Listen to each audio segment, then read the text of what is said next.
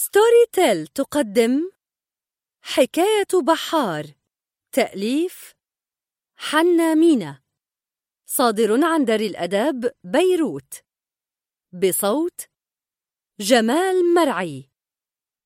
حكاية بحار لحنا مينا. كان سعيد حزوم يستلقي على الرمل الحار مستسلما بكل جوارحه إلى دفئه الذي ينعش قواه. كان يفتح عينيه ويغمضهما ويشد بجسمه على الرمل كما لو أنه يود أن يغوص فيه وقد قال في نفسه وداعا أيها البحر. قال أيضا علي أن أودعه كبحار لقد انتهى كل شيء الآن لم يعد الماء ملعبي ومملكتي. كابرت كثيرا ورفضت تقبل هذه الحقيقة وأصررت على أنني لن أهرم وسأظل ذلك البحار الذي كنته لكن الأعوام الأعوام طويلة أوهنت قواي. وصار علي منذ الآن أن أقف على الشاطئ وأخوض في الماء بمقدار. سأسبح كما يفعل الآخرون وقد أذهب في العمق قليلا لكنني لن أكون فارس البحر بعد اليوم. لقد ترجل الفارس وظلت الفرس شموسا ظلت أرنة فتية بطرة قادرة على أن تعدو مارقة في الفضاء خطفا. كأن قوائمها لا تلامس الأرض. لقد تعب البحار ولم يتعب البحر. وها هو كعهدي به يترقرق بموجه على الشاطئ وديعا رفيقا حييا مختزنا قواه لشتاء. إن العواصف ثورة مدمرة تكتسح الحواجز وتحطم المراكب وتهزأ بالبحارة وبانتظار ذلك يحيا البحر قانونة ويجدد شبابه. البحر يجدد شبابه والبحار يمضي إلى الشيخوخة. آه. لماذا البحر يجدد شبابه والبحار يمضي إلى الشيخوخة؟ انقلب سعيد على ظهره وحدق في السماء. عالية هي السماء. شمس ساطعة في فضاء لا متناه وزرقة موشحة بآثار بياض وابتسامة عريضة ماسية متوهجة تتسع للكون وتغمره بكل ما فيه. من الرمل إلى الجبل. الشمس تغمر كل شيء وتتلألأ على البحر مرايا والرمل أسمر. تلتمع حباته كنثار الزجاج وخيمات منصوبة في أقصى المكان من جهة المقهى ومظلات ملونة مغروزة الأوتاد في تنكات من الإسمنت. ورجال ونساء وأطفال على الشاطئ بثياب الاستحمام أو باللباس الكامل. وتشكيلة الألوان للمنظر كله تعطيه مشهد مهرجان أو عيد بكل ما في المهرجانات والأعياد من صخب وضجيج وألوان ذات مفارقات. الكل يلهو على الشاطئ. ثمة رجال يلعبون الكرة بأقدام حافية وشباب يسيرون على الرمل المبتل يعرضون جسومهم ويستعرضون أجسام المستحمات.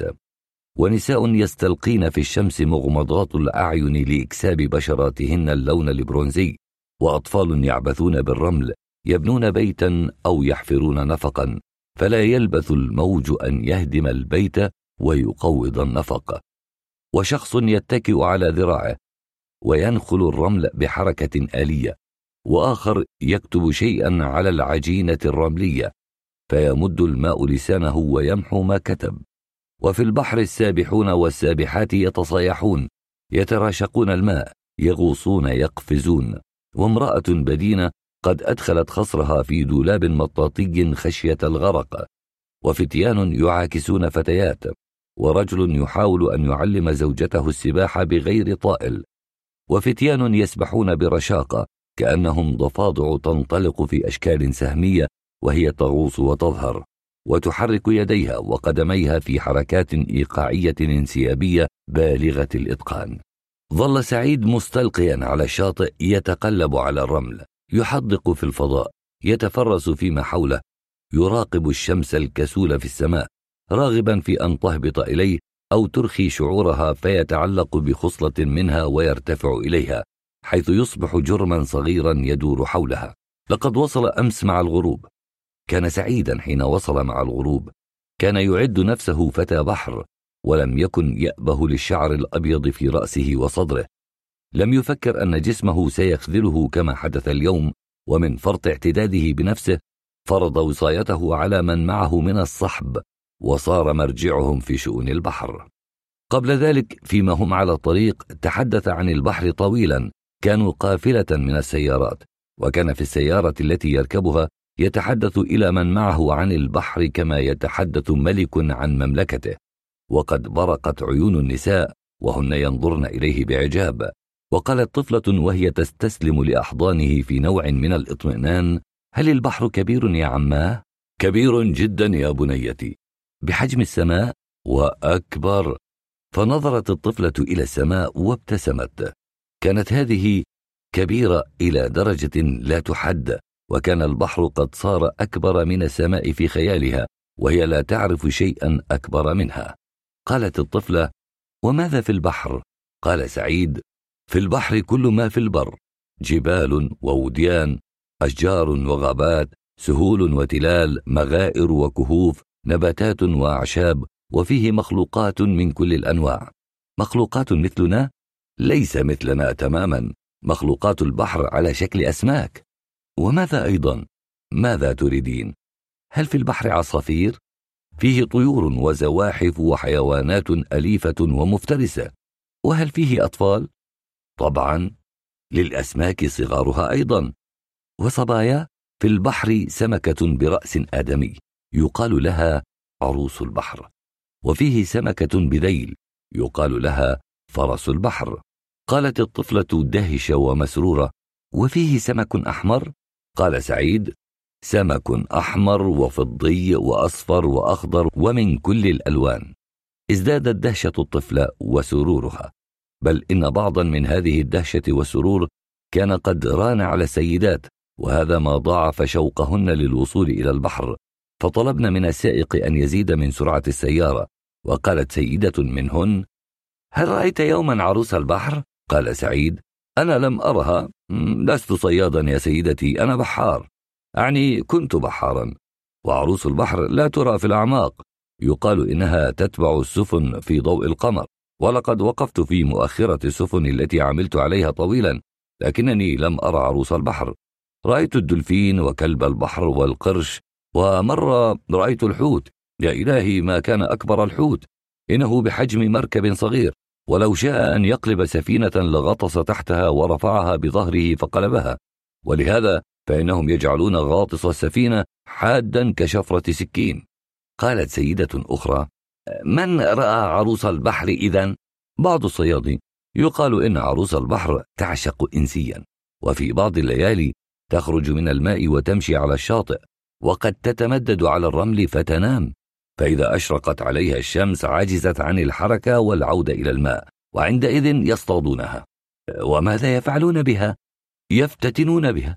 يحافظون عليها ويبذلون حياتهم إرضاء لها إذا طلبت منهم ذلك. ولماذا لا يتزوجونها؟ لا يستطيعون. شرطها للزواج أن يذهب معها الصياد إلى مملكة أبيها في أعماق البحر. فإذا رفض فارقته.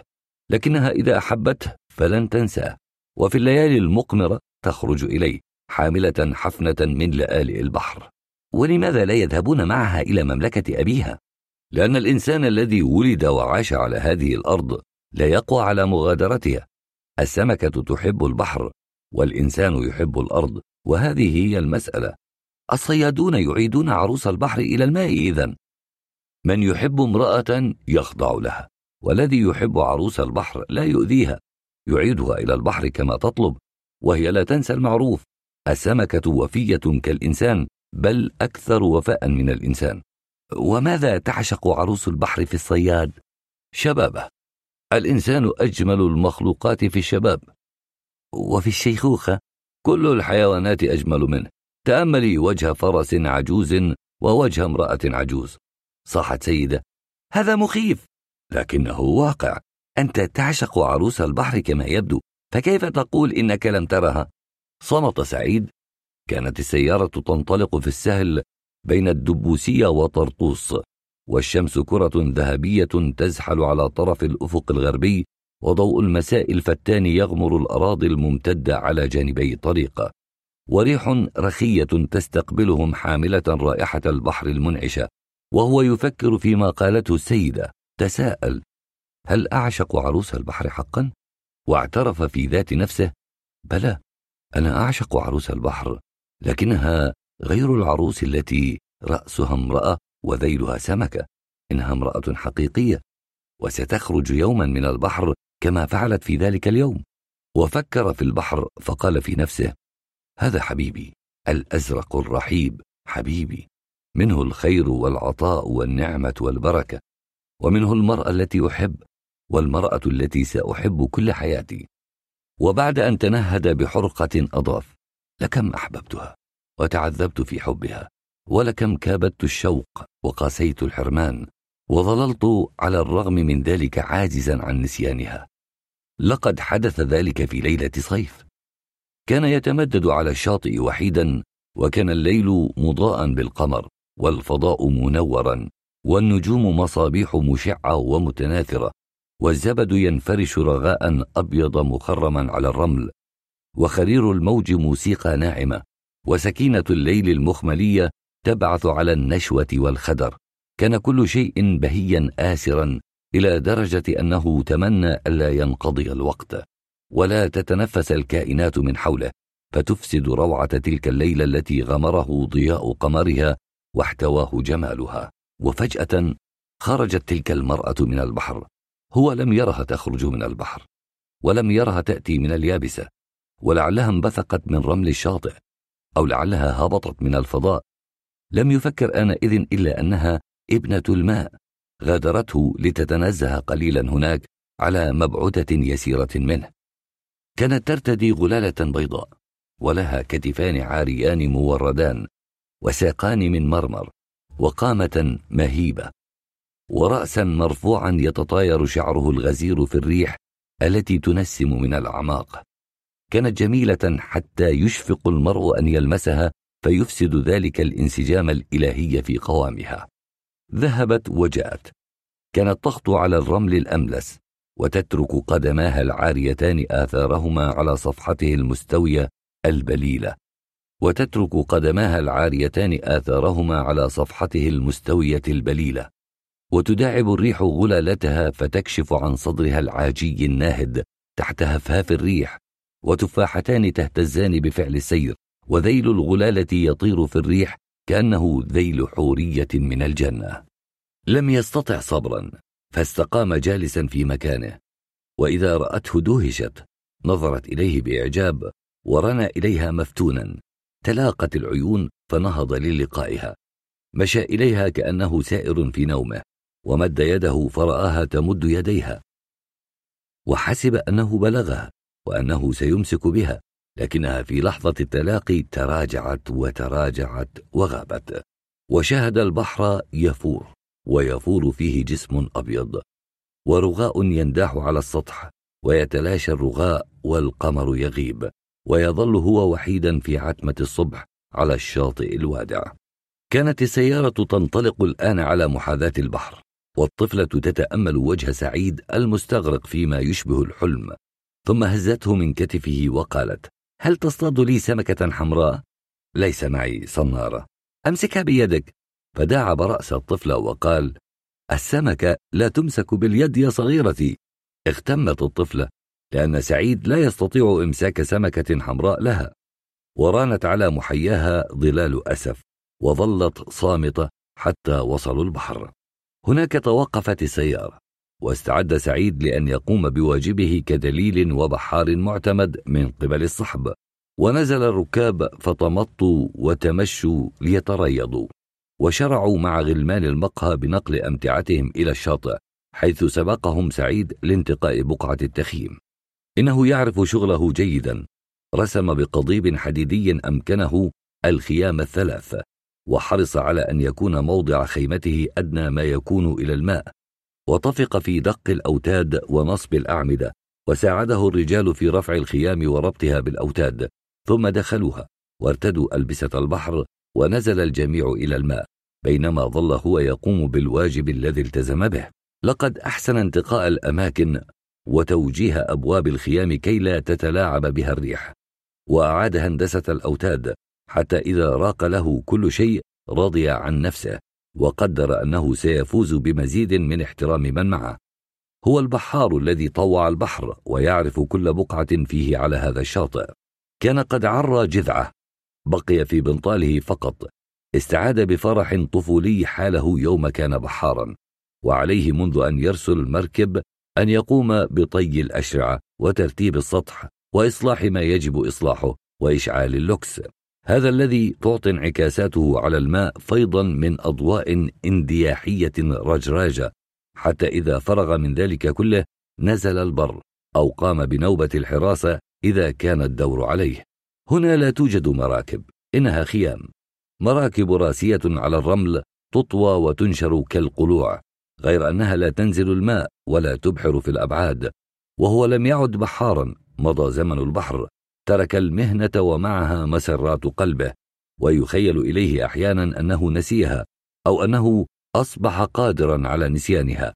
فإذا عاد إلى البحر عاوده عشقه له وتقمص من جديد صورة البحار الذي كان. نقل غلمان المقهى بعض الطاولات والكراسي فتناولها وصفها أمام الخيام وبسط على الطاولات بعض الأواني. رتب الحقائب في الداخل وأشعل اللوكسات الثلاثة لتكون جاهزة. وعلقها على الأوتاد الأمامية للخيام وأحضر زجاجات من البيرة المثلوجة كان قد حفظها في خيمته وخب في الرمل خفيفا مرحا وقدماه العاريتان تغوصان فيه ثم قرفص وأشعل سيجارة فيما الشمس تغرب.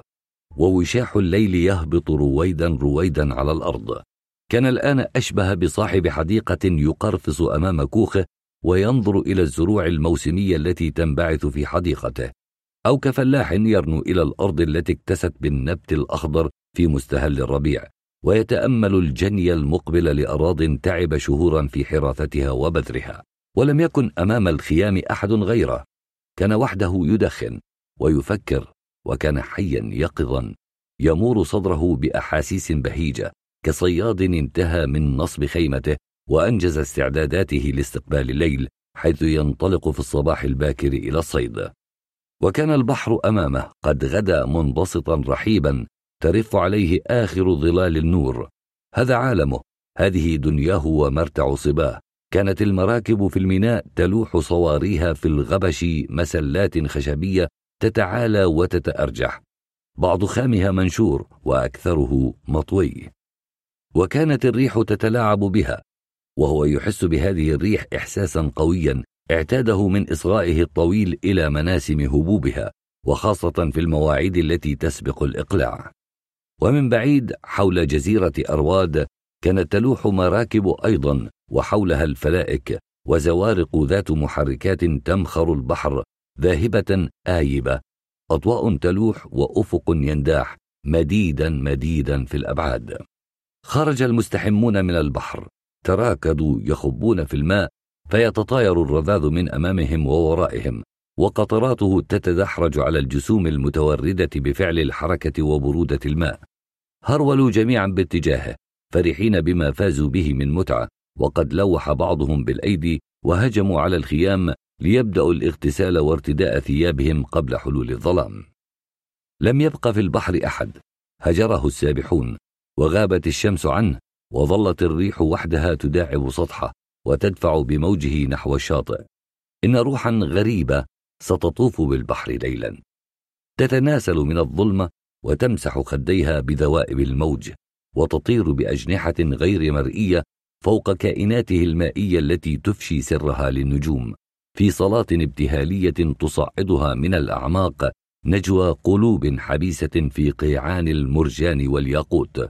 منغلقة على ذواتها انغلاق المحار على ذاته التي تصير مع تقادم الزمن لؤلؤا أبيض. هو سعيد حزوم يعرف هذه الروح. لم يلمسها ولم يعانها لكنه يعرفها يدركها بحواسه الخمس بمسامه التي تتنفسها كما تتنفس أعشاب البحر رائحة يودية خاصة في مثل هذه الأمسيات. بدأت المصابيح تشتعل على طول الشاطئ واشتد اللغط في الخيام. لقد عاد المستحمون من الحمامات وصار في وسعه أن يترك نوبة حراسته. سيلقي بنفسه في الماء الآن. ما أعذب اللحظات التي تسبق إلقاء الجسم في الماء. سيسبح بعيدا وحيدا ويقول في ذاته للبحر كعادته حبيبي يا حبيبي لقد عدت إليك. نهض وتريض طمر عقب سيجارته في الرمل بقدمه. لحق بسرطان صغير خرج من وكره وراح يدب على الرمل. السرطانات تخرج من أوكارها مع الغروب ولسوف تدب على الرمل المبلل أيضا وهو يحبها. حيوانات البحر الصغيرة هذه. ركض أخيرا باتجاه الماء ركض مندفعا كقذيفة. وكسهم انقذف في الماء وغاص في البحر الذي تلقاه بذراعين مفتوحتين وغمره كله. فتطاير الرذاذ وغاص الجسم إلى القاع وذهب كسمكة فيه. مستشعرا نداوة ونشيشا وحضنا دافئا يحتويه. صاحوا به من الشاطئ. سعيد! يا سعيد! ارجع يا سعيد! وسمع صيحاتهم مسرورا. كان يسره أن ينادوه وهو يبتعد. معنى هذا أنهم يخافون عليه. ولكن مما يخافون عليه؟ من البحر؟ كيف يقول لهم لا تخافوا البحر؟ عبثا. إذا شرح لهم ما يحسه ماتت الكلمات على شفتيه. أن تحب يعني ألا تتكلم. أحب بصمت بصمت بصمت. انظر في العينين. ماذا تقول العينان؟ ومن يترجم ما تقوله العينان؟ بئس الصوت. النظرة صوت. النظرة صوت. سعيد! يا سعيد! ارجع يا سعيد! ولم يرجع سعيد. كان يطيب له ألا يرجع. ليس فقط لأنه يحب البحر ويريد أن يذهب فيه بعيدا وعميقا بل لأنه يريد أن يستثيرهم ويخيفهم ويريهم الفرق بين أن يلهو المرء في البحر وأن يعشقه.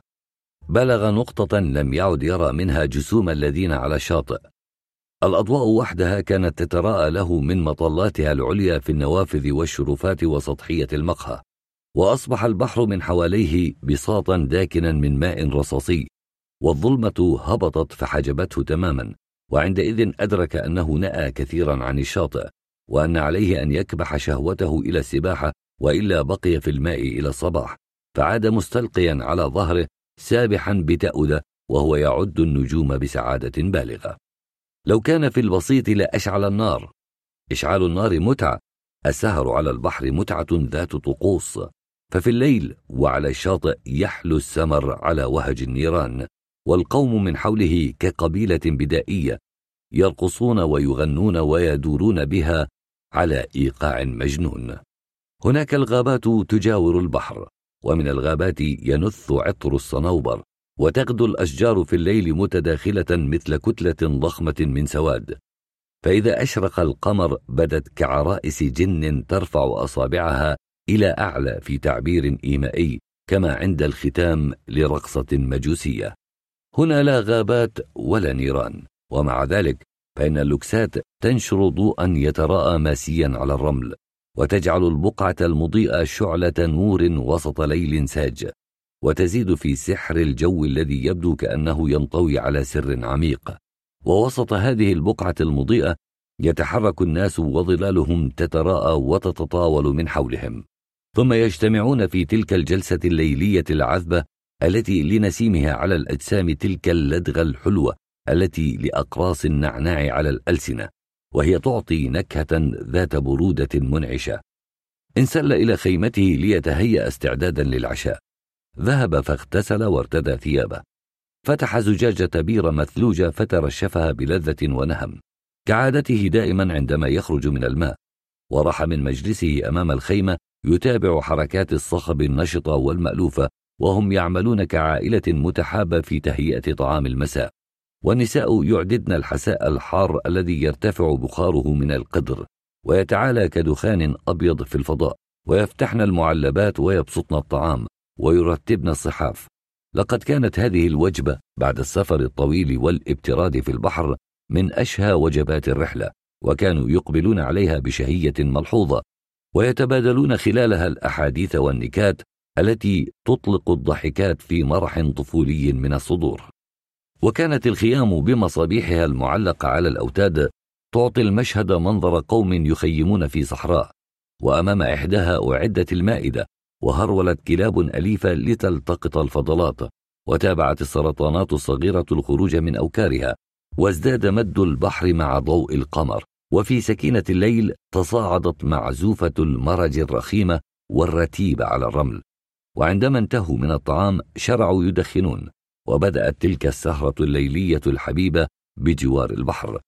وكان هو يحب السهر على البحر ويفتنه ضوء القمر ويعرف أن النوم في مثل هذه الليالي يجفوه ويحس بعد تفرق الصحب بحاجة إلى الصمت والتأمل ومداراة تلك الانفعالات الذاتية التي تنتابه. لقد كان مسرورا في سهرته مع أصحابه. كان يصغي إلى أقوالهم عن البحر بفرح طفولي كأنما يتحدثون عن شيء يخصه جدا ويحبه جدا. وقد روى لهم حكاية بحار شيخ كان في نوبة حراسة على رأس السارية فلما سمع صوتا جميلا من المركب تملكته نشوة عارمة. وعندما صاح المغني بمطلع بيت من الشعر ألقى البحار بنفسه في الماء تعبيرا عن الإعجاب. قالت سيدة بنبرة استغراب واستنكار في الماء فأكد سعيد نعم يا سيدتي في الماء. وقال رجل إنه مجنون. فنفى سعيد بل كان عاقلا جدا. وقالت سيدة أما خاف الغرق؟ قال سعيد وما أهمية ذلك؟ أقول لكم كان معجبا بالصوت. قالت السيدة ويموت من فرط إعجابه. سكت سعيد وقال في نفسه لم يفهموا علي.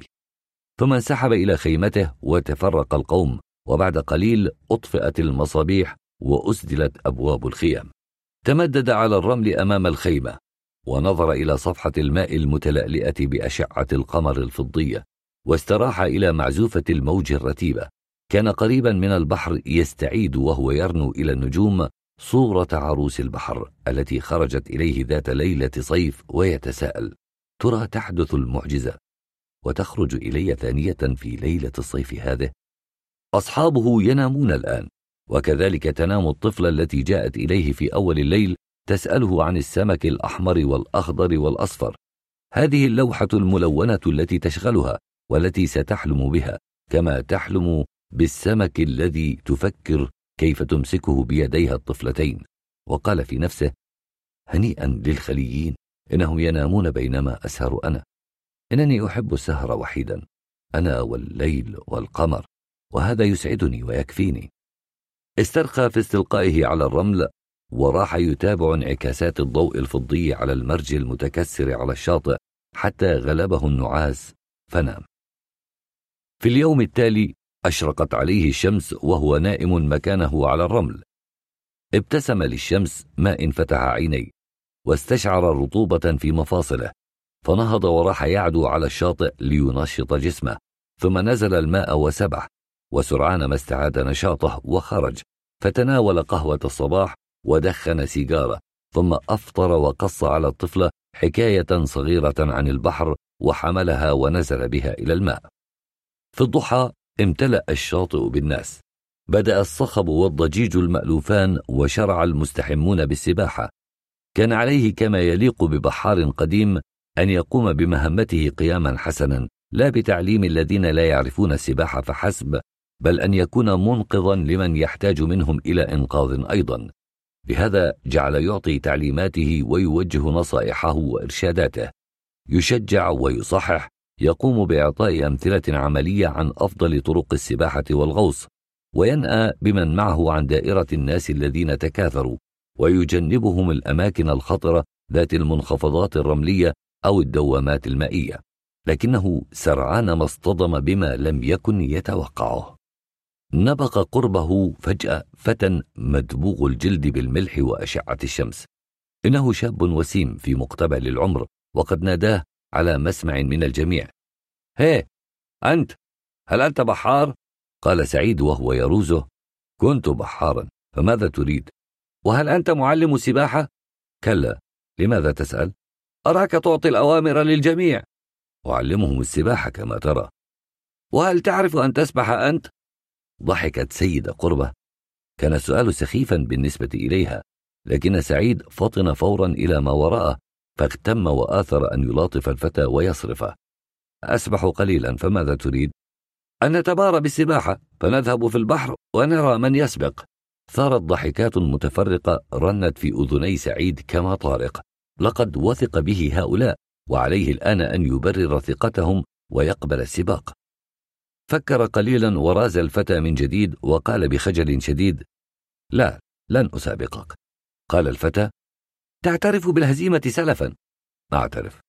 وتخرج من الماء. لماذا تريدني أن أخرج من الماء؟ لأنك ترفض السباق. أطرق سعيد وقد كسره هذا التحدي.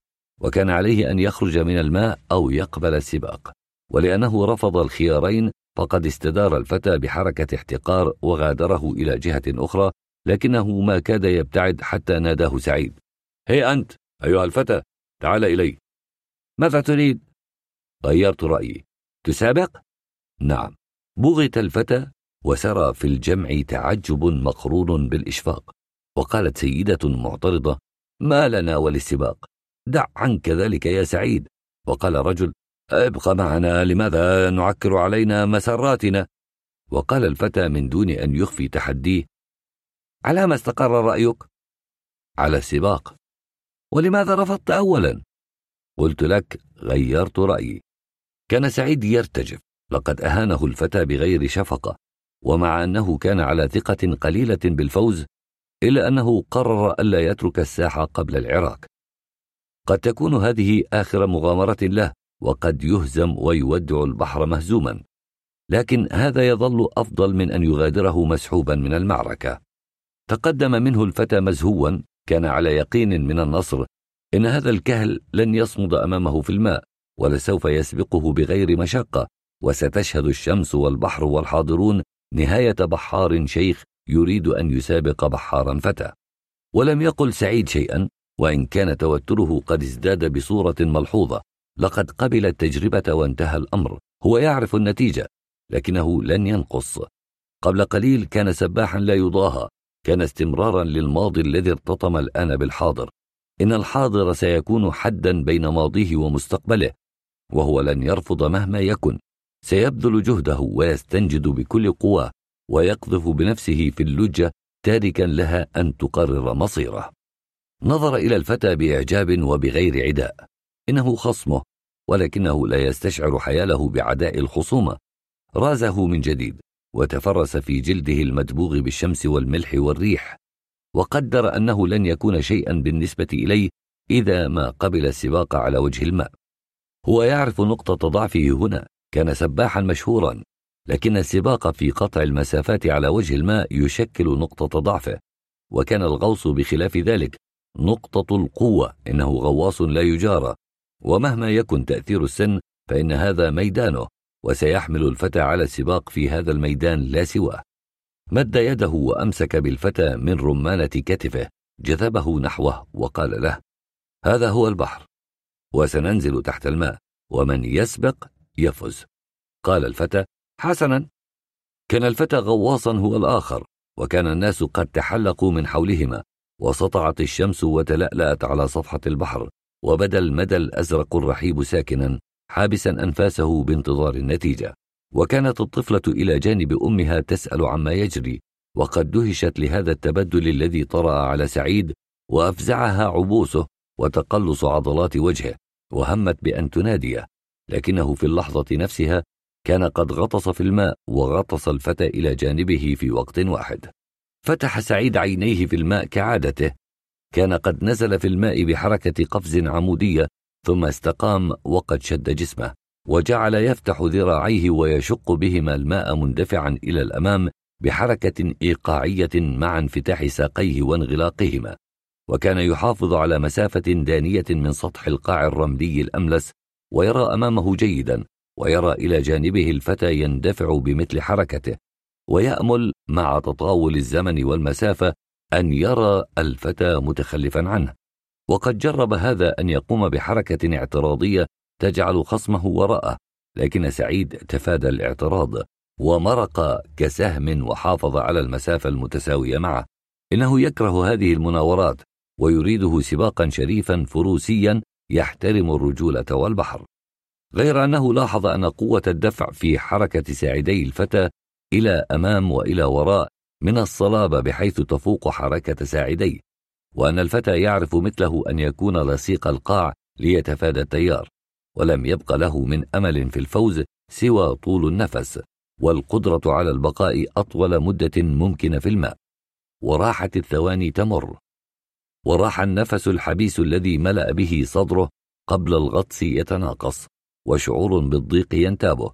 ثم تحول الضيق إلى ما يشبه الاختناق وأحس أن طبلتي أذنيه تكادان تتمزقان ومع ذلك أصر على البقاء في الماء وجاهد مستنفذا كل رصيده من القوة كي يمضي إلى أمام لائذا بكبريائه وخبرته ومستقتلا حتى الموت. وكان الفتى من جهته قد استشعر الضيق أيضا فهم لماذا أثر سعيد السباحة غطسا وقال في نفسه يا له من بحار. خطر له أن يمد يده ويمسكه أن يجعله يخرج إلى السطح معه في وقت واحد ليكون التعادل بينهما غير أن سعيد رفض هذه الحركة. وقام الفتى للمرة الثانية بمحاولة اعتراضية لم تخف على البحار القديم وإن كانت قد استثارته فمرق بانحراف جانبي وتملص من خصمه وسبقه. وعندئذ استبدت بالفتى روح الخصومة الطائشة ومال إلى العراك تحت الماء. فأرسل قبضته في خاصرة سعيد. كانت الضربة من السرعة واليأس بحيث طاشت عن هدفها واختل بفعلها توازنه الانسيابي الذي حافظ عليه حتى الآن واضطر إلى رفع ساعديه إلى أعلى بينما تصلبت ساقاه كرمحين باتجاه القاع واندفع إلى السطح بقوة. خرج سعيد في اللحظة نفسها أيضا. كان من الإعياء بحيث ترنح وكاد يغيب عن الوعي لكنه تماسك. وبجهد فتح عينيه اللتين حرقهما الملح ونظر إلى الشمس وعاد فأغمضهما. إن فوزه الذي هلل له الحاضرون لم يسعده. كان فوزا صعبا لا يليق به ولا يتكافأ مع ماضيه. إن البحر منذ اليوم لم يعد ملعبه ومملكته. ولئن غلب الفتى هذه المرة وبهذا الثمن الباهظ من الجهد فإنه يشك أن يغلبه في أيما مرة مقبلة. إنه يشيخ وتلك هي الحقيقة. شيء واحد رغبه في أعماقه أن يصفع الفتى ثم أن يقبله. لقد كان فتى قويا وبحارا له المستقبل. كانت تنقصه الدربة. هذه التي سيكتسبها يوما وإنما كان يلجأ في تعجله الفوز إلى حيل صغيرة لا تتلائم وشرف البحار. وكان سعيد يكره هذا ويحب أن يحافظ حتى الرمق على نقاء الأشياء. لكنه عذر الفتى صغير السن. وقال له الفتى ربحت. قال سعيد بصوت أبح لا لم أربح أنا لا أعد هذا ربحا. قال الفتى بكل طيبة أما أنا فقد خسرت. وقال سعيد في نفسه أنت لم تخسر البحر لك يا فتاي. ولكن لا تعد إلى لعبة الاعتراض هذه وأنت لست بحاجة إليها إنها أسوأ من الخسارة. لكنه لم يستطع أن يتلفظ بذلك بل نظر إلى الفتى بحنان وأحس أن الفتى فهم ما أراد ووعاه جيدا. ثم استدار نحو الشاطئ وأولى ظهره للبحر وداعا للبحر. كان يمشي ببطء ويحس أنه سيسقط لدى كل خطوة وقد تجنب أصحابه فلم يبادلهم كلمة واحدة. وآثر أن يخرج من الماء قبل أن يكتشفوا حالة الإعياء التي هو عليها. مضى يترنح وحيدا مجهدا إلى درجة التلاشي وكانت الشمس ساطعة وطيور النورس تحوم وتحط على ذرى الأمواج وفي الأبعاد مراكب صيد وعلى الشاطئ جمع غفير. وقد دهش أصحابه لانسحابه على هذا النحو المفاجئ. ولهذا الإربداد في سحنته هو الذي فاز ومن حقه أن يزهو ويهلل. أما هو فلم يكن يبالي بما يقولونه أو يفكرون به.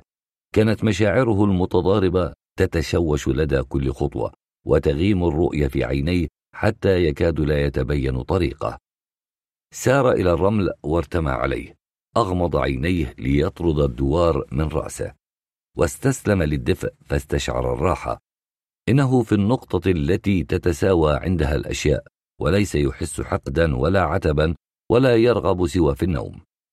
كان يضغط بجسمه على الرمل يضغطه بقوة كمن يود أن يغوص فيه وعندما رفع رأسه بعد قليل ونظر في البحر استطاع أن يميز الفتى بجهد.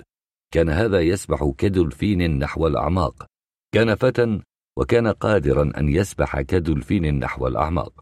وقال سعيد في نفسه اذهب بسلام أيها الفتى. وعاد فأغمض عينيه ومن جديد ألصق جسمه المكدود بالرمل وود لو يغوص عميقا في الرمل. لقد أدرك الآن لماذا لم تعد تظهر له عروس البحر. نام وفي الحلم رأى أطيافا من الماضي. أحبها إليه كان طيف أمه. آه يا بني قالت له. اليوم عدت من السفر. كنت بعيدة. وعدت من السفر. لكنني لم أجدك في المحطة. كان الناس ينتظرون الناس ولم يكن هناك من ينتظرني. وفي الزحمة ضاعت حقيبتي. عبثا بحثت عنها. بكيت. استشعرت الغربة والوحدة فبكيت. ثم وجدت نفسي في عرس. كنت أنت العريس وكنت ملهوفة إليك. حاولت التقدم فلم أستطع. ردني المحتفلون إلى وراء. صرخت أنا أم العريس. ناديتك يا سعيد يا بني. لكنك لم تلتفت إلي. كنت حزينا ولم تلتفت إلي. غبت عني من جديد. فلما خرجت رأيتك. لا أدري كيف سبقتني. كنت عند الباب في يدك باقة ورد. لكن ثيابك لم تكن جديدة وذقنك نابتة. قلت لي هيا بنا نمضي سريعا. والعروس؟ لا أريد العروس لست لائقا بها. ولكنك زينة الشباب. كنت كذلك يوما يا أماه الآن ضاع كل شيء أسرعي فالذين في الداخل يريدون القبض علي. أخذ سعيد وهو لا يزال مستلقيا تحت الشمس يمر بكفه على الرمل. بعض الأحلام تبدو حقيقية كأنها وقعت في اليقظة. لو أن الحلم يصدق في المنام ليالي كثير صادفنا الحباب. تأوه الآن في الحلم صادف الأحباب. لقد سمع هذا الموال من بحار عجوز لعله صادف هو أيضا أحبابه ثم أفاق فلم يقبض إلا على الوهم. الأحلام جميلة مؤسية وكلما تقدم في العمر رآها عذبة تستثير حنينا دفينا. أغمض عينيه واستسلم لرقدته المريحة. كانت بقايا الحلم عالقة في أجفانه. إنه يستعيدها مترفقا وخدر لذيذ يسري في أوصاله. الحلم ليس مخدرا هو يعرف طعم المخدرات يعرف كل شيء كل الموبقات. كان بحارا شرط البحار أن يعيش حياة غير عادية يجرب كثيرا. رهيبة حياة البحر. رهيبة وآسرة تعطي البحار مزاجا خاصا تجعله في الشجعان أو الأشقياء وتقوم لديه مقام المرأة. البحار يتزوج البحر يندمج فيه حتى يحس بالانفعال كما مع المرأة. إنه يفهم المرأة لأنه يفهم البحر. كلاهما متقلب المرأة والبحر. ومن أجل ذلك كان البحارة أحلى الرجال وأبغض الرجال على قلوب النساء. هو أيضا كان كذلك. الفتاة الصغيرة تلك شمت فيه رائحة البحر شمت طهرة. البحر طاهر ونجس. صاف كعين الديك وعكر كالسيل. حدثها عن السمك. قال لها في البحر أنواع من الأسماك. الألوان سحرتها. غدا عندما تكبر ستسحرها من البحر أشياء أخرى. ستعرف أن هذا المدى المترامي يختزن ذاته في ذاته يحفظ سره وسر الآخرين. يئن يخر يغني. وفي العاصفة يسأر. يتكلم في كل فصل على طريقته الخاصة والناس يمرون به ولا يفهمون عليه. لو فهموا لعشقوه. نداء جسد هو نداء ريح وملح وقاع عميق يزخر بالأعاجيب. الفتاة الصغيرة تحب البحر. من لا يحب البحر؟ لكن حبه هو يختلف. يستمد عنفه من عنف النوء ورقته من رقة الموجة المتكسرة على الشاطئ. إنها لغة أخرى والسعيد من حل لغزها. الخدر مستمر. لقد عرف كل أنواع المخدرات. تلك ضريبة المرافع. دفعها راضيا سعيدا. صارت شيئا في الدم. دخلت الجسم مع ملح البحر. مع خدره الخاص. الخدر الذي يستشعره الآن ويستسلم له بكل جوارحه. ظلت يده تعبث بالرمل. سبحة هو. الرمل كالنار كالكأس له حديثه. جاهل من لا يعرف حديث الرمل والنار والكأس. في الصمت الكبير العميق تتحدث الأشياء الخرساء. تتحدث المرأة أيضا. شعر المرأة سبحة أيضا. حين تداعب شعر المرأة وتتخلله أناملك المحمومة لذ بالصمت لا تقل شيئا. شعرها وأناملك. سيغتلم الشعر وتختلم الأنامل. تأتي اللذة الكبرى مترفقة كماء ساخن يسري في الصلب. تحس الشعر جسدا آخر. إحساس شيخ يمر براحته على الظهر الأملس لصبية مراهقة. إنه شلال ليل وأنت فيه كما في مطر من الريش وقد يكون ذهبيا. عندئذ تحس كأنك تداعب أشعة شمس في الأصيل. والمرأة نشوة تستكين وتصمت. تكتشف حبك من أناملك. أنامل الرجل مسارب لذة. منها تنقط. تلج الجسد من المسام. تنفتح المسام وتغدو فوهات حارة. حين تهتاج المرأة يغدو جسمها كله فوهة حارة. تكون الأنامل قد تكلمت. ويكون الصمت تاما. تقطعه تأوهات مدفوعة من الداخل. لا تدري أهي من لذة أم من ألم. أحس بالرمل كما يحس بجسد امرأة. إنه ناعم أملس حار. حرارته لذيذة يستمد منها دفئا لقلبه المثلوج. بينما جفناه المسبلان يتمسكان بمزق حلمية غاربة متناثرة. إنه يذوب في النداء الأول للمرأة الأولى التي احتضنته. يستعيد بكثير من الإصرار شتات الصورة. ويؤلف منها ملامح مسترجعة للأم التي منذ هنيهات قبل أن يستفيق كانت إلى جانبه تتحدث إليه مثلها أيام زمان. يوم كانت وكان ويوم وجهها أجمل اللوحات وصدرها أحب الوسادات. قال في نفسه يا لقلب الأم. حتى وهي تحت الثرى تستشعر حزن ابنها فتهرع إليه مؤاسية. جازعة كأنما وقر الثرى لا يبلغ أن يحجب عنها صوته الذي لم تند عنه شفتاه. وقال وهو يفتح عينيه ويحدق في السماء الواسعة الزرقاء من فوقه الآن لا أم. وانبعث في ذاته هذا التمني الأسيف. آه لو ترجع الأم لو يعود الماضي. ومرة أخرى كما في شريط ترجع الحياة وأيام الصبا والشباب. ظل مستلقيا على ظهره. غير قادر على التقلب أو تغيير وضعه. خاف إن فعل ذلك أن تفلت منه بقايا الأشياء. واصل استرخاءه مستسلما إلى راحة جسدية بعد تعب السباق. ومع أنه فتح عينيه فإن آثار الحلم بقيت على شفتيه. تهيأ له أن أمه إلى جانبه وأنه قادر أن يكلمها أن يلمسها وأن أية حركة ستجعلها تنفر عائدة إلى العدم الذي جاءت منه. وإضافة إلى أنه غير مستعجل فهو لا يريد شيئا ولا يرغب في شيء. لقد خاض تجربة قاسية هذا الصباح تجربة شاملة مع البحر والعمر والحياة. إن له بقية قوة حسنا عليه أن يفيد منها وأن ينازل كل أبناء العاهرات الذين يتحدونه. لقد طارد الحياة طويلا ولن يقبل أن تطارده فيما تبقى من العمر. ستصرعه يوما. هو يعرف هذه الحقيقة لكنها لن تجده هاربا سيواجهها. أيتها الحياة؟ يا صاحبتي العزيزة كلانا يختصر الوجود في ذاته. كلانا مسلح بإرادة البقاء والمقاومة. ولئن كان علي لكي تستمري أنت أن أفنى أنا فإن لذلك شرطا. أن تأتيني من أمام. أنا لا أحب الغدر. كنت بحارا ولم أكن غدارا.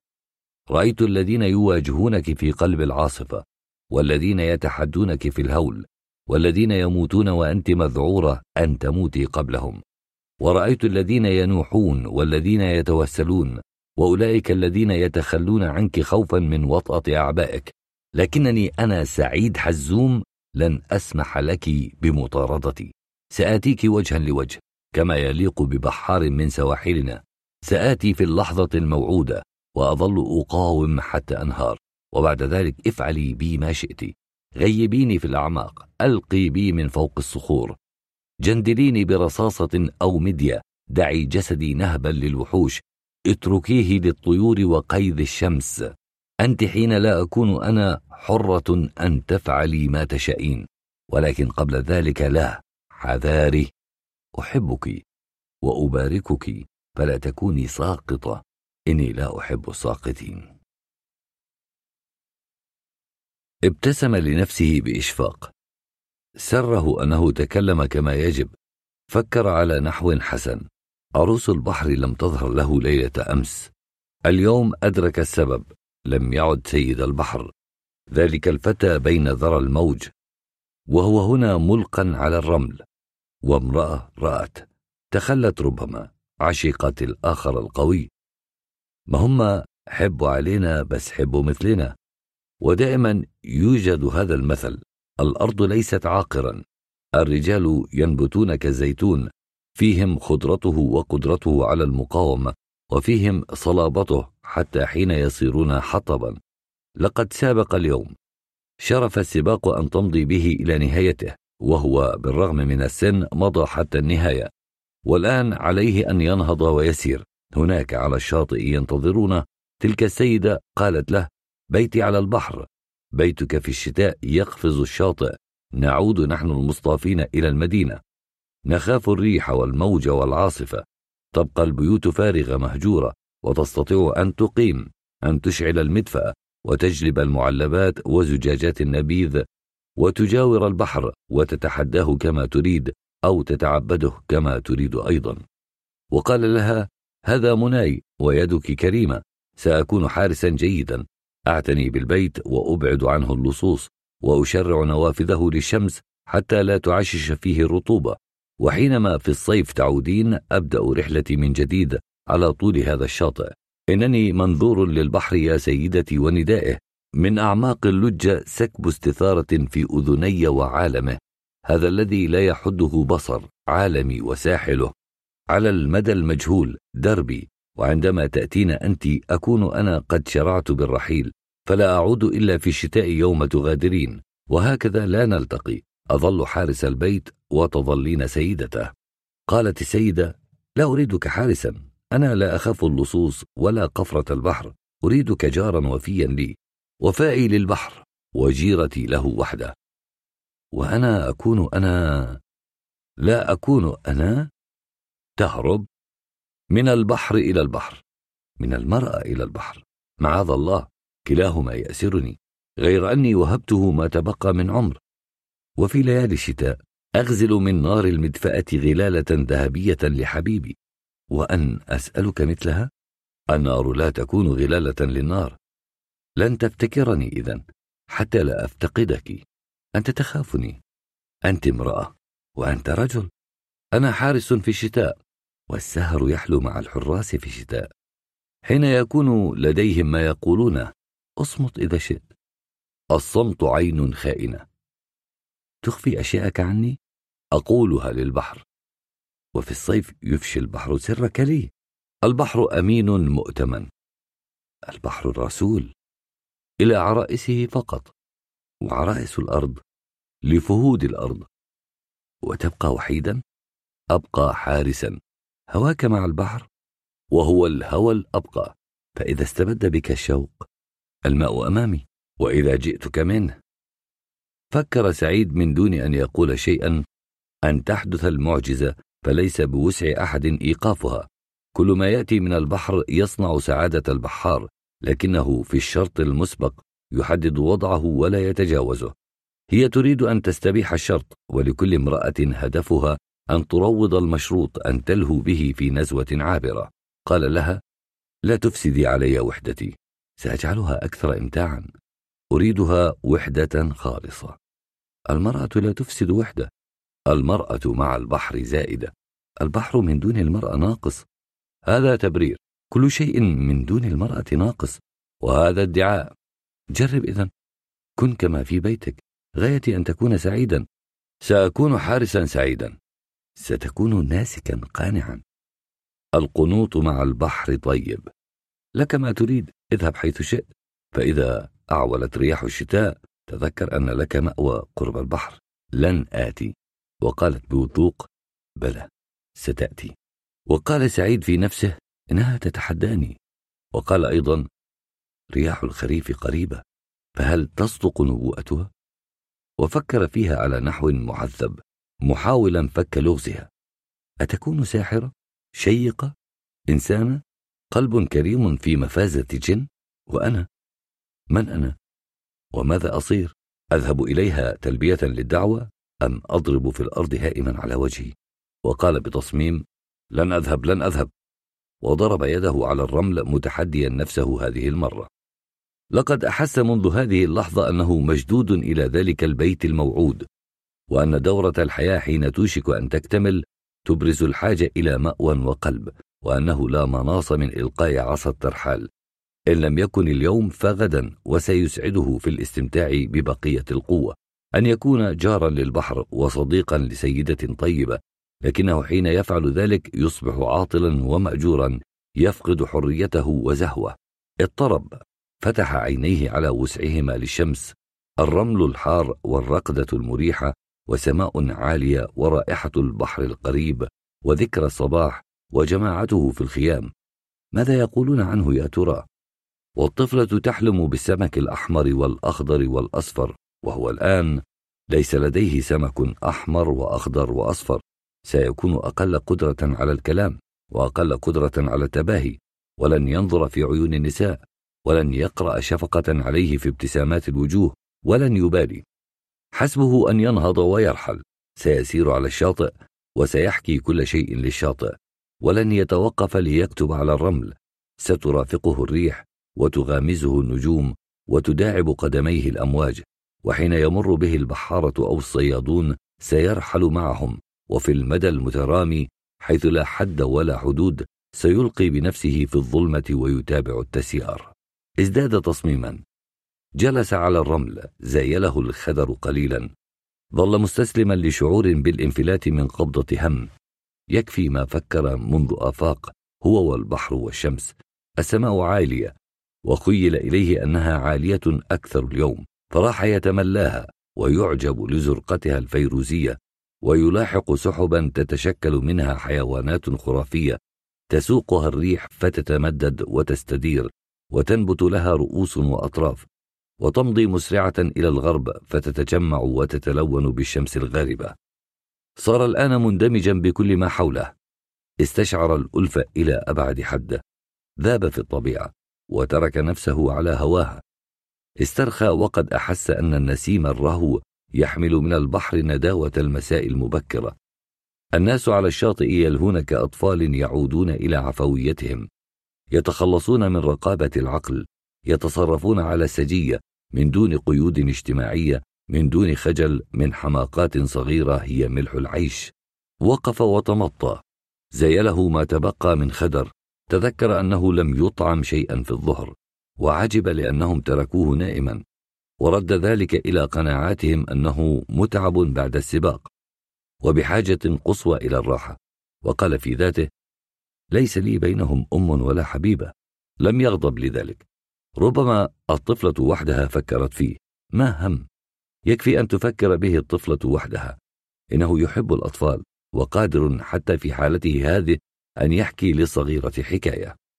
لم يفكر في العودة إلى السباحة. كان الآن حياديا تجاه البحر. انقلب الشوق إليه إلى نوع من حنين مقهور في ذاته تماما كما يحس الرجل إزاء امرأة فارقها عاجزا لا مرتويا. ولكي يطرد هذا الشعور توقف لحظة على الشاطئ ثم انقلب إلى خيمته مسرعا ومر بالناس من حوله من دون أن يلتفت إلى أحد ومن دون أن يأبه لأي من الأجسام المتمددة على الرمل من حواليه. كان به ظمأ إلى الشراب وعلى الرغم من حالته النفسية غير المتوازنة انتصرت فيه الرغبة إلى الخمارة. إنه بحار بعد كل شيء ليس له أن يخرج من جلده وهو لا يريد ذلك أصلا. فالحزن لا يمنعه من الشراب وكذلك العمر ومثله الإحساس الأسيف بأنه لم يعد سيد البحر. هذه كلها كانت تدفعه إلى السكر إلى الغيبوبة عن وعي يذكره بما جرى يشجعه على مواجهة الحقيقة بالتخفيف من وطأتها لكنه هو لن يسكر. سيشرب لأنه اعتاد أن يفعل ذلك لكنه لن يشرب ليسكر. وحين أراد تمثيل دور المنهزم انسجاما مع المشاعر التي خرج بها من السباق وجد رفضا من ذاته فجأة. وحين تحت وطأة الإبهاض نزعته نفسه إلى الهرب ممن جاء معهم تمرد داخله على هذا النزوع. كانت الرجولة في أعماقه تصارع ضد ما يهينها وعلى السطح الظاهري للوعي كانت صرخة الاستهانة بكل شيء وبكل ما جرى هي التي تطلب التعبير عن نفسها بابتسامة استهزاء وشتيمة مقضعة. شيء واحد عتب له أن امرأة واحدة بين هؤلاء النسوة لم تكن له أما ولا حبيبة ولم تتحد من معها وتأتي إليه وتسأله ما به وتلامس شعره لتزيل ما به ولم يكن يدري أكان ذلك جبنا أم استهتارا أم لا مبالاة. الجواد حين يكبو لا يطلق عليه فارسه. البحار حين تصرعه عاصفة لا يشمت به رئيسه والرجل حين يضعف لسبب ما لا تشمت به امرأة. قد يفعل ذلك الرجل لكن المرأة لا تفعله. كل ما تفقده هو إعجابها حبها لكن الشفقة تظل تملأ قلبها الحنون. وكان سعيد يرفض الشفقة لكنه لا يرفض الكلمة الطيبة في موقفه ذاك. مهما يكن فقد أعد نفسه وهو تحت وطأة المعاناة الرهيبة ينوء بشعور حزين مما جرى أن ينهض ويتابع طريقه إلى الشاطئ أن ييأس من شيء ما لبعض الوقت على الأقل. وكان يلاحظ في استلقائه على الرمل أن كل شيء معد لتكريس فجيعة داخلية غير أنه منذ استيقظ استرد عافية البحار وهو بدلا من الهروب يعود إلى المواجهة وعوضا عن متابعة الشاطئ يقصد الخمارة. كان استقبال جماعته له كريما ومغريا. الطفلة ركضت إليه وهي في ثياب البحر. كانت مشوقة ولا شك. كانت طفلة وتريد أن يحكي لها عن الأسماك الأحمر والأخضر والأصفر. ترغب في ذلك وتعمل شأن الأطفال جميعا على تحقيق ما ترغب فيه بغير مداورة وقد سره ذلك. احتضن الطفل وربت على كتفها داعب شعرها وخدها ووعدها بحكاية في المساء. وجدناك متعبا فلم نشأ أن نوقظك. قال أحد الرجال. حسنا فعلتم. كان البحر جميلا اليوم. بالنسبة إلي لم يكن كذلك. قال في نفسه. البحر جميل دائما. وكان السباق قصيرا ومثيرا. هذا ما يحدث دائما. فتيان الشاطئ يحبون السباق ويحبون العراك أكثر. وتكلمت سيدة كان يعلمها السباحة حين برز ذلك الفتى السباق أضاع علينا الفرصة. قال سعيد محاولا إقناعها لم يضع شيء. يمكنك بعد أن تعلمت العوم أن تتابعي لوحدك. ما يلزمك هو التمرين. حين تكون إلى جانبنا تحلو السباحة أكثر. هذه كلمة مجاملة تصلح لمداراة الموقف. السباحة حلوة في كل الأحوال. صحيح ولكن تابع التمرين هذا كل شيء. البحر يتكفل بالباقي. غدا تستأنف تدريبي وعدتني بذلك ألا تذكر؟ طبعا. وقال الرجل ستدربنا جميعا. لقد تعهدت بذلك. قال سعيد طبعا طبعا. وقالت السيدة محتجة انتظروا حتى يفرغ من تدريبي الرحلة طويلة لا تستعجلوا. أضافت في نبرة استئثار ستهتم بي وحدي أليس كذلك؟ قال سعيد نعم هذا واجبي. أقلقنا خروجك من البحر ونومك على الرمل. آسف لأنني تسببت في قلقكم. يبدو من تصرفاتك أنك ملول. هل مللت صحبتنا؟ صحبتكم لا تمل. هل تزعجك الصغيرة؟ أنا أحب الصغيرة وبودي لو أصطاد لها سمكا أحمر. قالها ودخل إلى خيمته فجاءه صوت من الخارج. لكنك لم تأكل بعد. أخرج رأسه وقال لا شهية لي. سأغتسل وأرتدي ثيابي قبل كل شيء. قالت إحدى السيدات سنعد لك طعاما على كل حال. سأذهب إلى المقهى لدي ما أفعله هناك. ولكننا ننتظرك يجب أن تأكل. لم يجبها بشيء لا يريد أن يأكل ولا أن يتحاور. كان مسرورا الآن. ها هي امرأة تهتم به على خلاف ما توقع. حادث الصباح لم يكن له كما حسب من تأثير مغاير ربما لم يفطن أحد لمعنى ذلك السباق ونتيجته. هو وحده يقدر دلالة الحدث وأثره بالنسبة إليه كبحار. وضع المنشف على كتفه حمل صابونته واتجه إلى الحمام القريب معطيا ظهره لشمس الأصيل المعلقة بشكل مائل على صفحة السماء. كان ظله طويلا. كان يتقدم أمامه على الرمل يرسم حركاته بحيدة تامة. حتى إذا دخل الحمام اختفى الظل في مكان ما. عندئذ تذكر الأغنية تعال بلا خيال وتساءل من يستطيع الهرب من خياله وابتسم لفكرة عارضة. لو يتكلم الخيال كم من فضائح كانت تحدث في هذا العالم. كان الحمام يعج بالمغتسلين كان دائريا في وسطه مصطبة إسمنتية مستديرة ينتصب فيها عمود تتفرع منه صنابير الماء. وعلى الجوانب من حول الباحة تقوم بشكل دائري غرف صغيرة ذات أبواب خشبية. لا يتسع كل منها لأكثر من شخصين وقوفا. خصصت لثياب المستحمين وأغراضهم. ثيابه هو كانت في الخيمة. لقد أفردوا له خيمة لم ينم داخلها. آثر الاستلقاء على الرمل في ضوء القمر. ورقاق الموج ذات الزبد الأبيض. على مبعودة ذراع منه.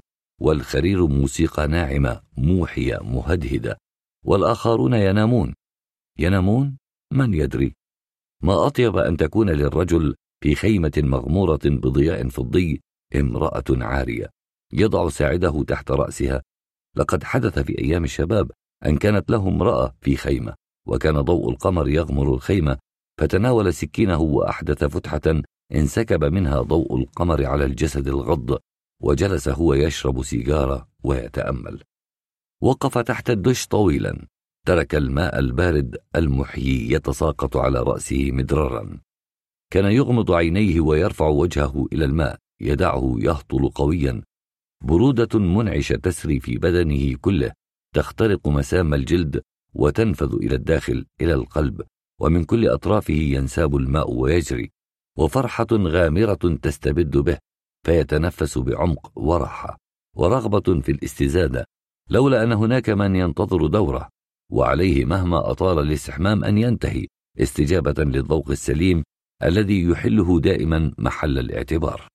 انتشى كان يعرف أن ينتشي كان يحب الحياة بعمق وبعمق يستمتع بكل أعطياتها. وعلى الرغم من الظمأ الذي يستبد به لا إلى الشراب وحده بل إلى التدخين أيضا فقد آثر ألا يتعجل تصرف بهدوء وثقة وإحساس من البهجة. إن شيئا في هذا الوجود لا يستطيع قهر من لا يريد أن يقهر وهو حتى من دون تصميم كان يرفض أن يقهر. المقاومة في أعصابه راسخة هي الأساس وما عداها طارئ.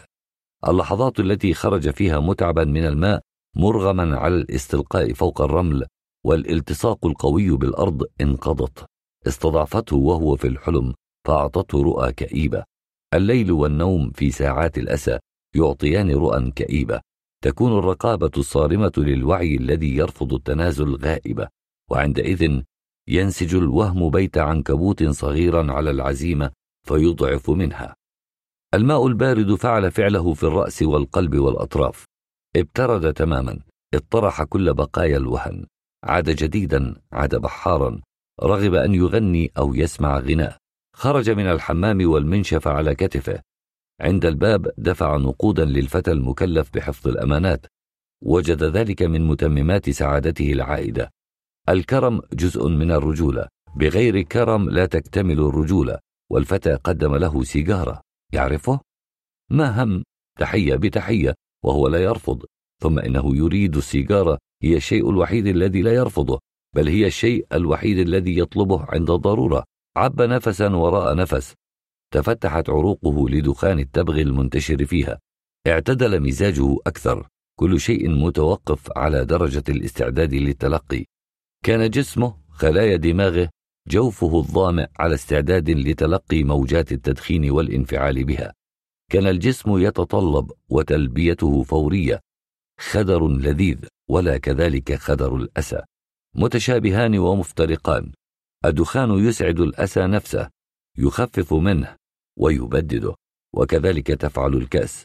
وقال في نفسه أي عيش يكون لولا السيجارة والكأس؟ ليس هما في ذاتهما هدفا وحيدا. يعيش المرء لهدف أكبر لقضية لهواية. ويأتي الدخان والكأس في نهاية الجهد مكافأة للجسد الذي تعب في مرام النفس. لقد صارع اليوم لم يخذله جسمه. عضلاته على الرغم من الخمسين قاومت. ذلك الفتى لم يسبقه. له المستقبل هذا لا خلاف عليه لكنه لم يسبقه. يستطيع إذا حتى لسنوات مقبلة أن يبقى بحارا. وتلك السيدة التي دعته إلى بيتها المهجور على الشاطئ كانت تعرف أن لديه بقية المرأة وحدها أكثر من رادار تكتشف في الرجل بقية رجولة وتحبها. تكون الأشياء في هذه الحال قد تعتقت. المرأة تحب ما تعتق في الرجل المراس والخبرة والقدرة على الاحترام. تنبذ الفتى وتعشق الرجل أحيانا تبقى مع هذا الأخير عمرا كاملا. بينما الفتى بدلاله وهشاشته يفسد الأشياء يجعلها مرفوضة من امرأة تريد شيما بمقدار ما تريد ولوجا بل إنها على المدى ترضيها الشيم أكثر. غادر الحمام نشيطا كان حافيا وجسمه الفارع المنحني قليلا إلى أمام ينتصب تلقائيا وكان الرمل حارا فاضطر إلى الوطء الخفيف المتعجل كانه يتوثب في مشيته.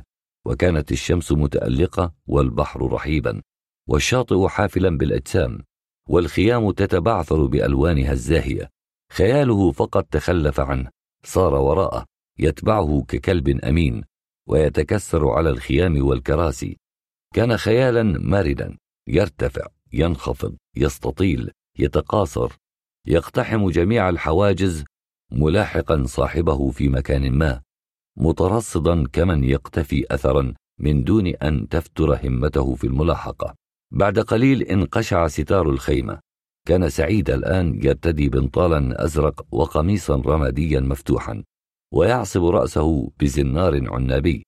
تاركا طرفه يتدلى على كتفه وفي قدميه حذاء معكوف مما يلبسه البحاره وعلى ذراعه اليمنى من الداخل رسم موشوم بالأزرق لامرأة نصفها سمكة. تبدى بكامل رجولته. وجه مستطيل معروق عريض في الوسط له أنف دقيق الرأس واسع الفتحتين وذقن عظيمه حليقة وشاربان صغيران فيهما شعرات بيض وكتفان عريضتان فوق لوح جذعي متين وساعدان قويان ينتهيان بأصابع طويلة وجسم طويل أخمص البطن وعيناه العسليتان تغوصان في محجرين على شكل لوزتين كبيرتين. وقف أمام الخيمة وألقى نظرة شاملة على البحر. شعر بامتنان مفاجئ. زيلته الحيدة الباردة إزاءه. في وسعه الآن أن يقول نعم لكل شيء.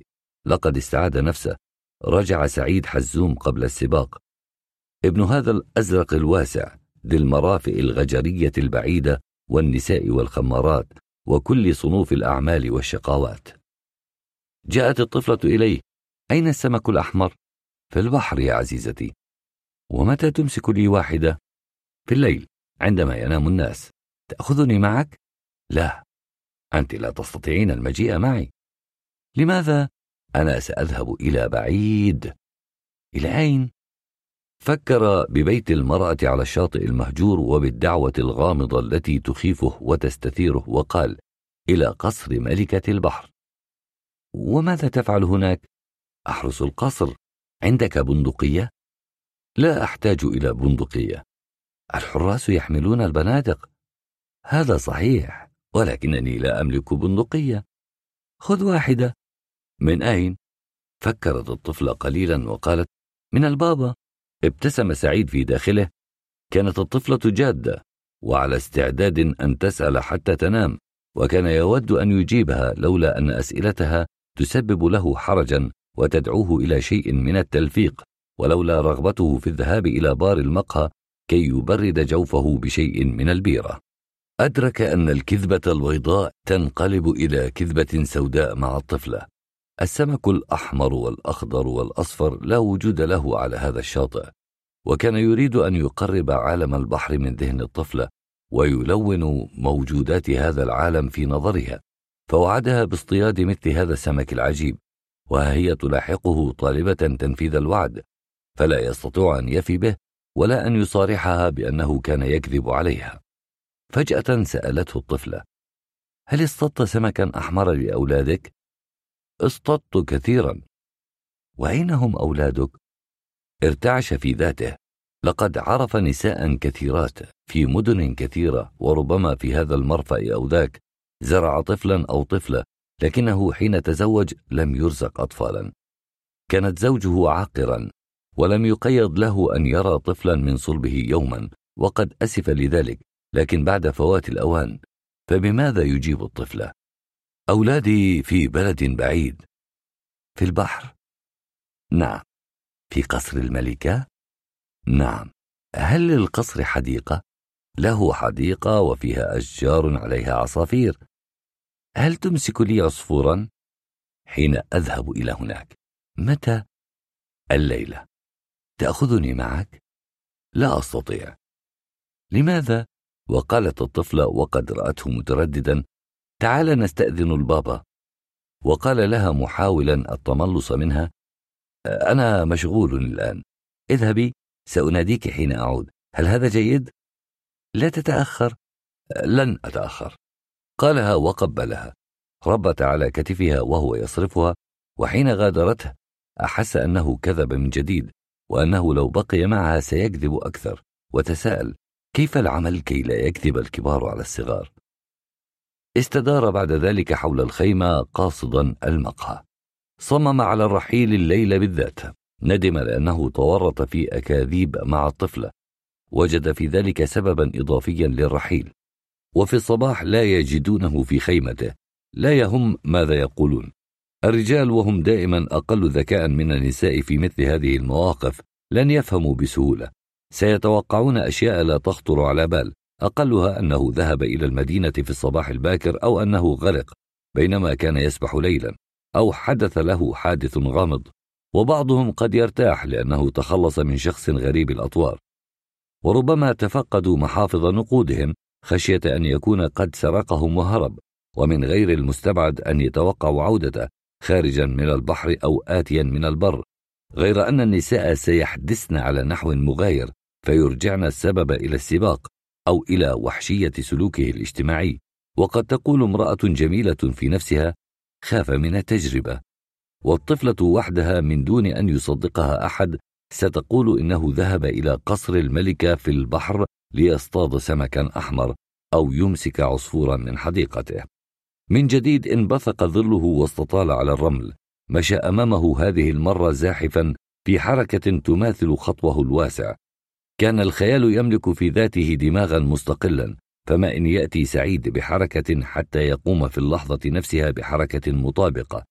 وكانت القدمان تحت ثقل الجسم الذي تحملان تغوصان في الرمل الأسمر. ويقذف النعلان المصطفقان على الكعبين بنثار يلمع كزجاج تحت وهج الشمس تاركين وراءهما خطا متعرجا للسير المتمهل متقاطعين مع آثار أقدام مضت قبلهما في اتجاهات شتى. بعد ذلك صعد الظل الدرجات القليلة لمصطبة المقهى الواسعة وامتد على البلاط مخترقا الزبائن الجالسين ثم غاب كما انبثق مترصدا في زاوية ما. ولم يأبه سعيد له. لم يكن يلحظه أصلا.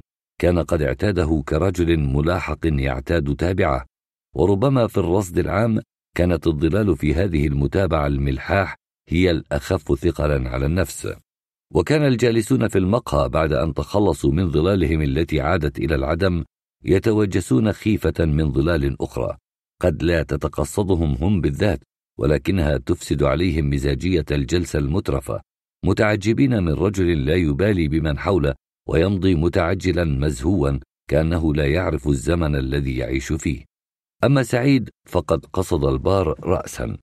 كان يفضل على كزن كهذا مقهى شعبيا إلا أن الأوادم الذين جاء معهم أمس فرضوا عليه أن ينزل في هذه البقعة من الشاطئ وأن يلتزم شيئا من السلوك المهذب فلا يأتي بالخمرة من الخارج بل يطلبها من بار الكازينو وبرغبة كاملة في أن يكون كيسا ولا تبدر منه حركة تسيء إلى نظامية الجو وروح الرصانة المطلوبة تقدم بين موائد الزبائن مدهوشا من الازدحام الشديد الذي اضطر الناس إلى التجمع ها هنا كأنه لم تعد ثمة على الشاطئ كله أماكن لاستيعابهم.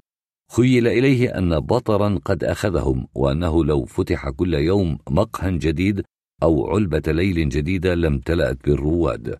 فالطبقة الغنية التي صارت حديثا غنية تعبر عن نفسها بهذا البطر الإنفاقي وأنها باتت لا تعرف ماذا تفعل بنقود لم تتعب في جمعها. بينما الآخرون الذين نهبت منهم كل هذه الأموال يواجهون شظف العيش ويجأرون بالشكوى. وحين بلغ البار كانت هذه الأفكار ما زالت تشغل ذهنه. صحيح أنه لم يعتد التفكير الدائم بقضية الغنى والفقر ولا اكترث بالسياسة اليومية ولا عرف التأملات الاجتماعية وأبعادها لكنه يعيش بين الناس ويسمع من الرجال عشرات القصص المؤلمة فيروح يتساءل لماذا؟ لماذا؟ وعلى الرغم من أنه يعمل في البحر ولا يقترب من المرفأ ويكاد عالمه الخاص المتوحش يبعده عن الاهتمام بما يدور في المدينة إلا أن البحار والصيادين وعمال المرفأ يروون قصصا لا تنتهي عن تحول المرافئ إلى حظائر لبعض أنواع اللصوصية وعن صناديق البضائع التي تكسر وتنهب وعن شاحنات تخرج من كل مرفأ حاملة المنهوبات من دون أن يستطيع خفير أو حارس أن يوقفها أو يصادرها. ولقد ازداد وهو على البار تفكيرا بكل هذا امتعض لذلك بغير تحفظ.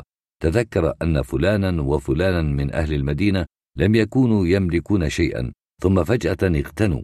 صارت لهم أراض وقصورا وسيارات.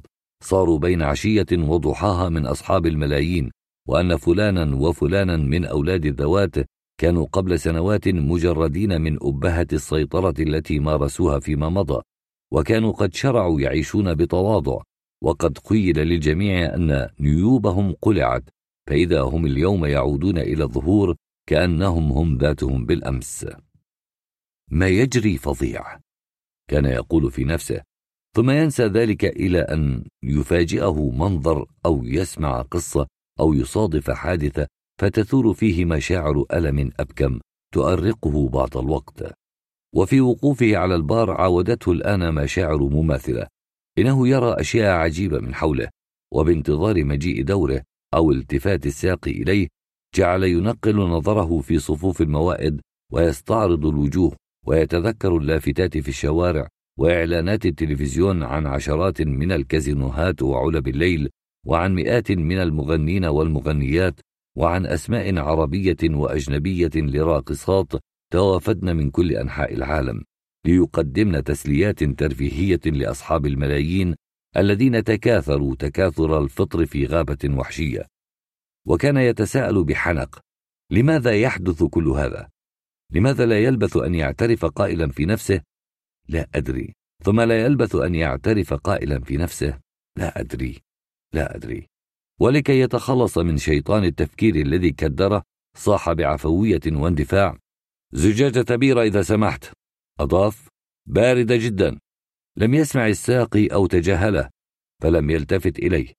كان مشغولا بالآخرين. فاتكأ سعيد على البار وراح يتأمل الزجاجات على الرفوف من دون أن تقع عيناه على زجاجة عرق واحدة أليس عندكم عرق؟ استدار شاب إليه وتفحصه مليا ثم قال هنا لا يبيعون العرق يا سيد لماذا؟ وقال آخر ضاحكا لأننا في زمن الويسكي وقال رجل يجلس على كرسي مجاور العرق صار موضة قديمة مهما يكن. قال سعيد العرق مشروب آبائنا وأجدادنا. فقال الرجل الرحمة عليهم أجمعين. كانوا يعتبرون العرق مشروبا وطنيا. أما الآن انظر كل هؤلاء يشربون الويسكي. وقال الشاب في كازينو محترم كهذا لا يشربون سوى الويسكي. أضاف تستطيع أن تجد العرق في المقاهي الشعبية. أعرف قال سعيد. أعرف ولكن ماذا جرى للدنيا؟ أجاب الشاب لا شيء ما زالت تدور. هكذا يعلمون تلاميذ في المدارس. كان فتى مليحا باد النعمة ثملا قليلا وقد رازه سعيد ثم تحول إلى الساقي وقال زجاجة بيرة من فضلك. لم يستجب الساقي للنداء وحين كرر سعيد الطلب أجابه بحدة ألا تراني مشغولا؟ انتظر. إلى متى؟ لا أدري قلت لك انتظر أو اذهب إلى طاولتك واطلب ذلك من النادل. لا أجلس إلى طاولة. كيف؟ أنزل في خيمة على الشاطئ. مهما يكن هنا كازينو اجلس إلى طاولة كالآخرين قالها وأدار ظهره يلبي طلب زبون يجلس على أحد مقاعد البار فأمسك به سعيد من كتفه وضغط وقال بلهجة قاسية زجاجة بيرة باردة فورا. كان العطش قد استبد به لم يعد يستطيع الانتظار وكان الساقي رخوا بليد الحركة ولأمر ما مال إلى المشاكسة فدفع يد سعيد عن كتفه بنزق وصاح ليس عندنا بيرة انصرف! فكر سعيد ها هو فتى آخر يتحداني إنك على البر الآن كان يجب أن يكون لطيفا أكثر. يبدو أن الفتيان هنا يحبون العراك وعلى المرء أن يسابق أو يعارك لا بأس. الحياة معركة كبيرة أو سباق كبير لا فرق. اسمع أريد بيرة باردة. قلت لك لا توجد البيرة انصرف. كان إلى جانب البار مدية. كانت مدية ذات رأس أشبه بخنجر. وضعت هناك خطأ أو نسيها أحدهم. وكان البار وراء قوس المشرب. عبارة عن واجهة خشبية مقطعة ذات كوى صغيرة صفت فيها زجاجات الكحول بشكل مثير ومغر وكانت الويسكي والكونياك والنبيذ الفرنسي في أبرز هذه الكوى وفوق الواجهة زجاجة خمر كبيرة كإعلان خطر لسعيد في جموح غضبه أن يتناول الزجاجات الفارقة عن البار ويقذف بها الواجهة الويسكية المتلألئة بصفرة أصيلية. كان قادرا ومقتنعا أيضا أن هذا ما يجب وأن معركة مع الساقي تساوي تعبها. تعبر عن نقمة الناس عن كل هذا الحمأ الذي تجمع في المدينة وانساح على الشاطئ. لكنه لاعتبارات خاصة ليس أقلها أنه يأتي البحر هذه المرة برفقة صحب كرام أعزاء عليه توقف عن تنفيذ ما خطر له وللتنفيس عن غيظه تناول المدية من جانب البار بخفة أدهشت الساق الذي اتفق يتابعه محدقا فيه بعينين مذعورتين. كان هادئا جدا وكان هدوءه مشوبا بتوتر داخلي وفي نظراته يلتمع وميض برقي. ووجهه ذو الأنف الواسع الفتحتين تختلج عضلاته وينبض الدم في شرايينه متسارعا. والشاربون على البار قد لفتهم تناوله للسكين فما يدرون من منهم سيطعن بها. بسط كفه اليسرى فوق خشبة البار وانهال بالسكين عليها في حركة سريعة. فجاءت الضربة محكمة كما أراد بين الوسطى والسبابة وقلب كفه وضرب من جديد. فجاءت الضربة محكمة أيضا بين الإصبعين المذكورين وهكذا بخفة عجيبة أتقنها لطول الميران. جعل يضرب بالسكين بيد ويقلب كف اليد الأخرى بطنا لظهر. ويأتي التسديد دقيقا فما يمس اللحم ولا يغرز في الكف كما توقع المشاهدون. لقد تعلم هذه اللعبة الخطرة في أحد المرافع. رأى بحارا بولونيا يقوم بها فتدرب عليها حتى أتقنها من دون أن يغامر. كذاك البحار بأن يضرب السكين في تتابع سريع بين الأصابع كلها. اكتفى بحركة واحدة. هي هذه التي أتاها الآن. فبدأ كساحر يقوم بلعبة غاية في التعقيد تدل على مهارة ورجولة معا. وحين استشعر الراحة من جراء الاسترخاء الذي امتص نقمته ألقى بالمدية في الهواء واستلقاها برشاقة من المقبض ثم وضعها في مكانها بهدوئه الظاهري من دون أن يصطنع هيئة من أتى أمرا غريبا كل ما فعله أنه سأل الساقي هل لديك بيرة باردة؟ وقال أحد الجالسين إلى البار بل ويسكي ندعوك إلى قدح من الويسكي بسط كفه اليمنى على صدره وقال شكرا أريد بيرة باردة. خرج الساقي من صدمة الذعر وأسرع بزجاجة بيرة وقدح وهو يقول معتذرا ما قصدت الإساءة كنت مشغولا فقط أنت ترى الناس من حولي. ولم يقل سعيد شيئا مد يده ونحى القدح فلما فتح الساقي الزجاجة قبض عليها بقوة ورفعها إلى أعلى. فإذا ما فيها من سائل يجري في شدقه المفتوح حتى أتى على الزجاجة كلها وبعد ذلك وضعها على خشبة البار بالهدوء السابق نفسه وقال بنبرة آمرة زجاجة أخرى.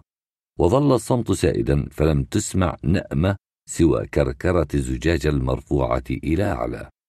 أطفئت الأنوار على الشاطئ. الخيام أسدلت الستائر على الأبواب ولم يبق ساهرا إلا القمر في السماء وسعيد حزوم. أما خيمته على الأرض أو هكذا خيل إليه حين لم يبق هناك مصباح واحد مضاء وحين سادت الظلمة الكزن وتوقف الغناء الذي كان ينبعث من آلة تسجيل مفتوحة على مدى الصوت كان قد عاد من البار بعد أن روى ظمأه. حمد لنفسه أنها انضبطت معه في الوقت المناسب. فهذا الساق المخلع لا يستحق أن يضرب. بعض الناس في رثاثة شكلهم وهشاشة بنيانهم لا يستحقون حتى أن يضربوا. يشعر الرجل حين يعارك نذلا صغيرا أنه اقترف إثما في حق رجولته وكان سعيد من هذا الرأي دائما وقد أنف على كثرة ما طوف في المرافق أن يعارك الذين لا يستحقون وكان يقول بينه وبين نفسه لا فائدة من العراك مع الذين يؤجرون أقفيتهم. لقد سره أن كل شيء انتهى بسلام.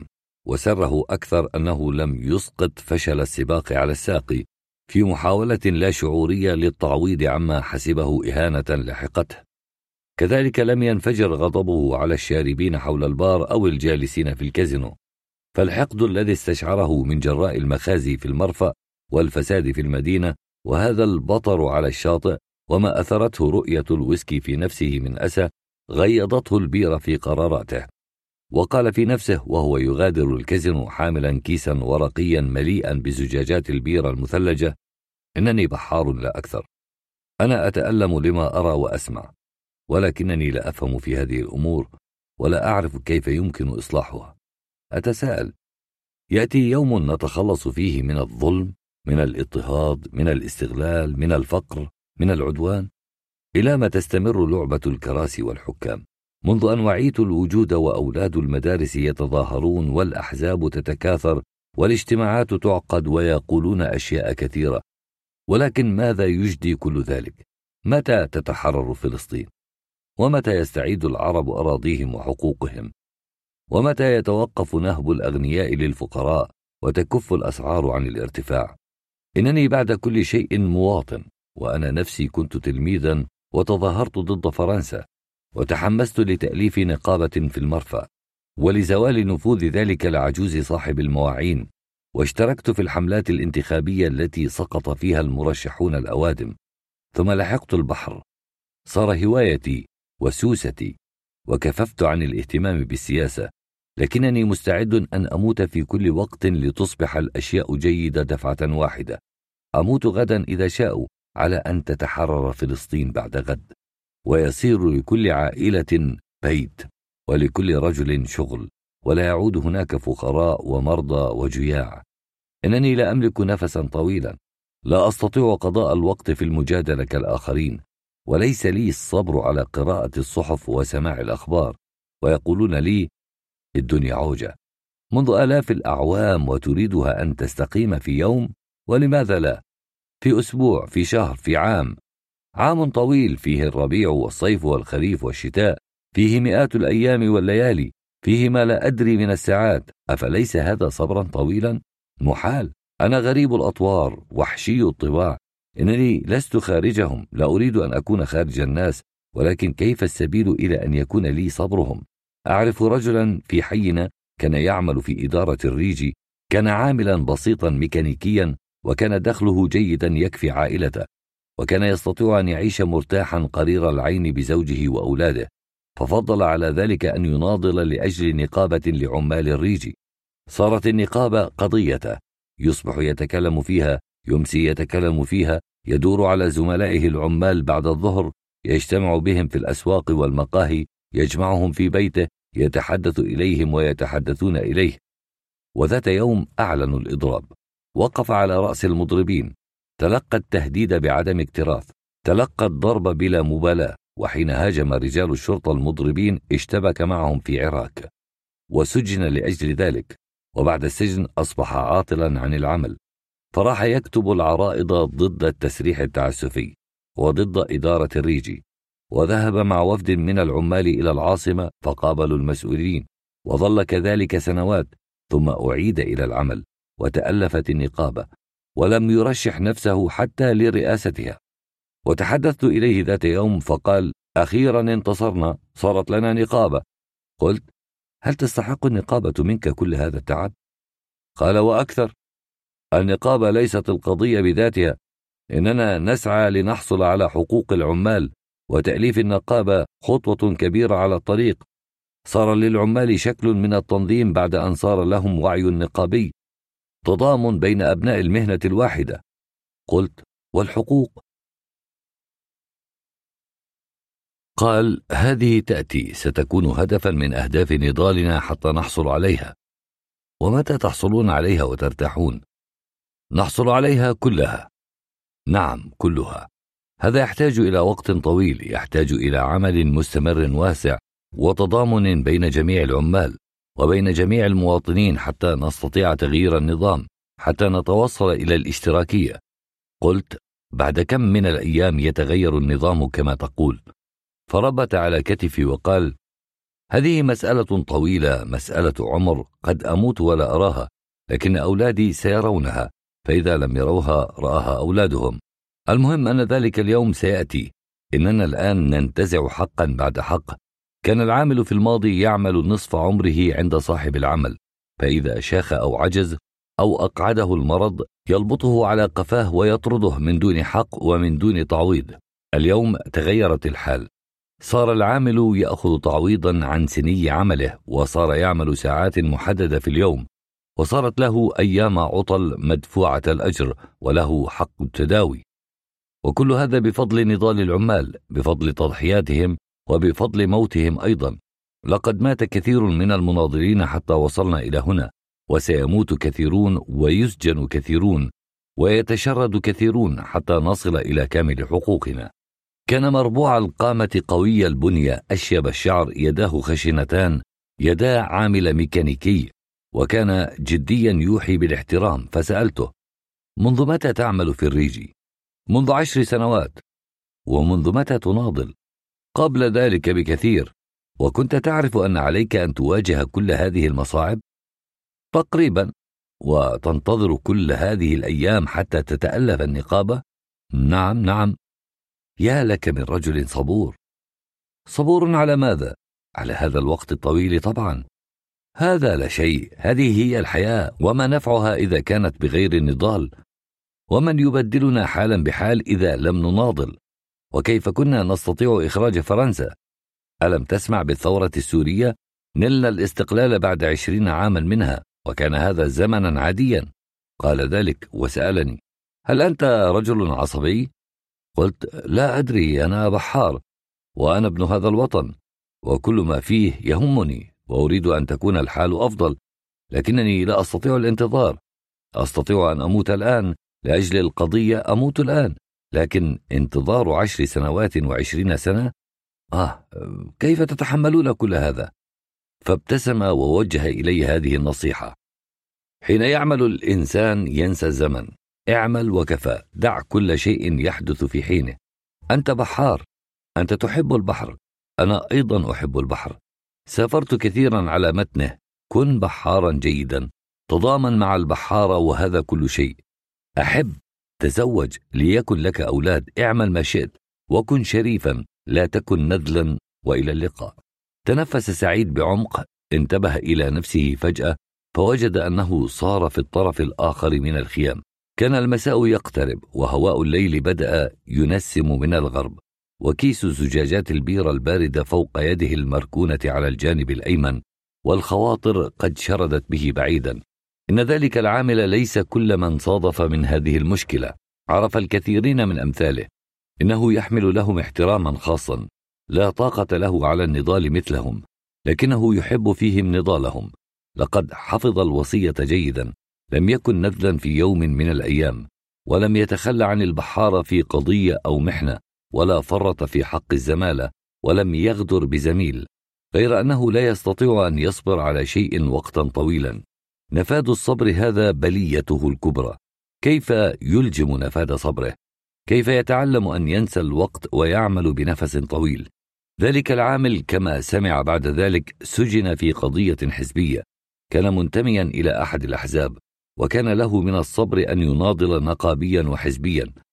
وسأل في ذلك أحد عمال المرفأ فقال له ما نفع أن يناضل العامل لأجل حقوقه في المعمل وينسى حقوقه في الوطن. لكنهم توصلوا إلى تأليف نقابة في الريج فماذا يريدون بعد ذلك؟ فكر العامل وقال لا أدري إذا لم يكن الوطن بخير فلن يكون الوضع في الريج بخير. الريج والمرفأ وسكة الحديد واحدة. العمال متضامنون في كل المصالح في كل المدن في كل أنحاء البلد.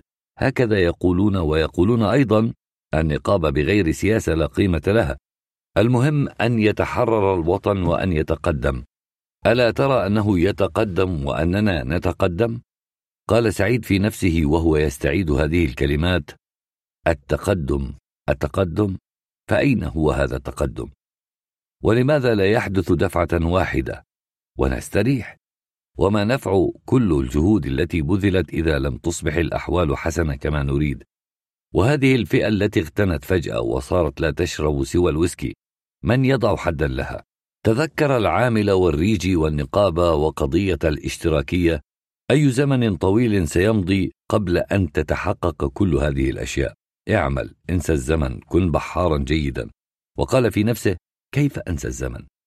اليوم امتحنت كبحار.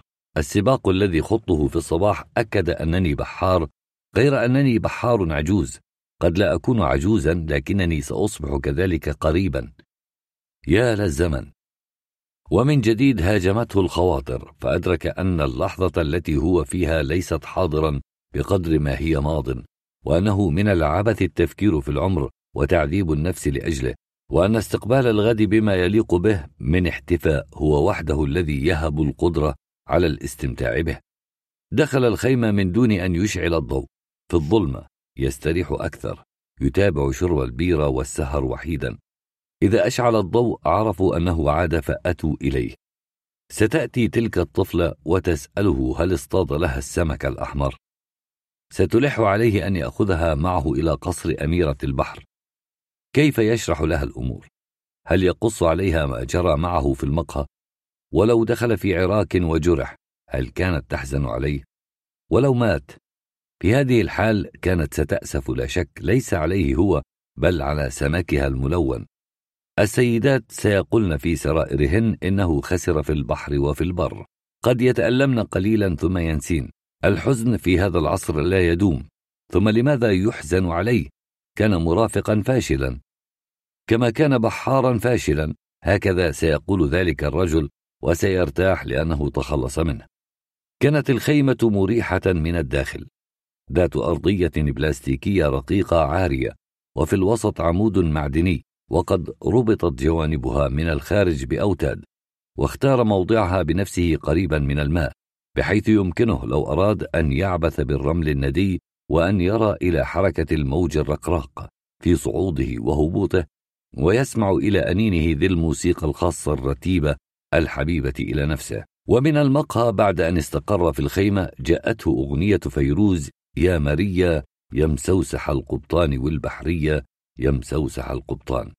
ومع أنه لم يكن قبطانا ولا قيد له أن يكون رئيسا على أيما مركب فإن الأغنية كانت تعبر حقا عن ذات البحار وذات البحر. شرط الجميلة كي تثبت أنها جميلة أن تسوسح القبطان. الريس في كل مكان وفي أي مجال تظل رياسته مدخولة إلا في البحر. هنا الرياسة صافية. هنا الرياسة جدارة تعني النبالة والوجاهة والشجاعة والكرم. الريس قبل أن يكون ريسا يمر بالعاصفة يعرف طعم الموت ويعانقه. يتقن التعامل مع الريح والموج يصبح خبيرا بقوانين البحر ومقاييسه يتعمد ويصبح ابنا حبيبا للجة.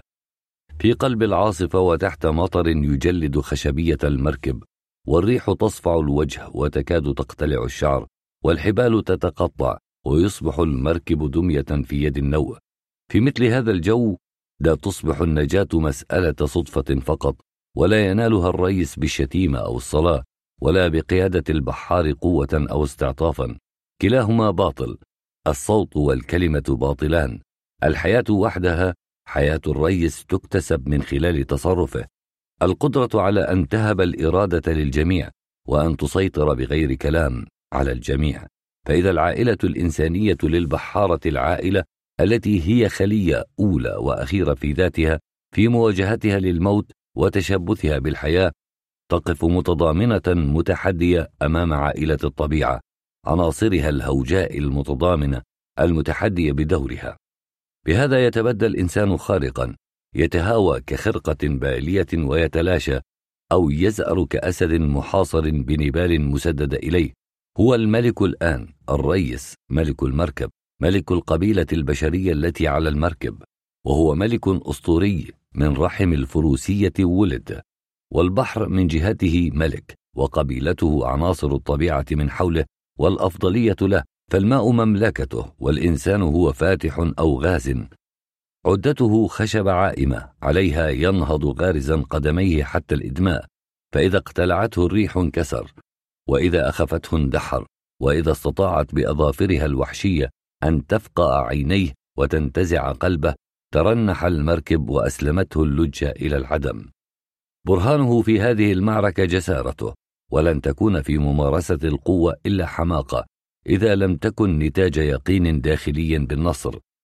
إن اليقين في العراق الدامي يصبح توأم الشجاعة ومحركها الداخلي ولأن الريس قبل أن يصبح ريسا يمر بكل هذا الهول فإن رياسته كالفولاذ تسقى بالتجربة النارية قبل أن تغمس في الماء وتنصهر بالمعاناة فتتكرس هيبة في الوجه.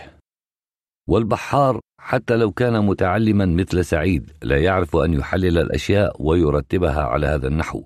يحسها إحساسا يعيشها قناعة ويثق ويحب ويتهيب. وحتى يبغض ويكره ريسه على أساس منها. إنه قادر أن يقتل هذا الريس لكنه غير قادر على الاستخفاف به.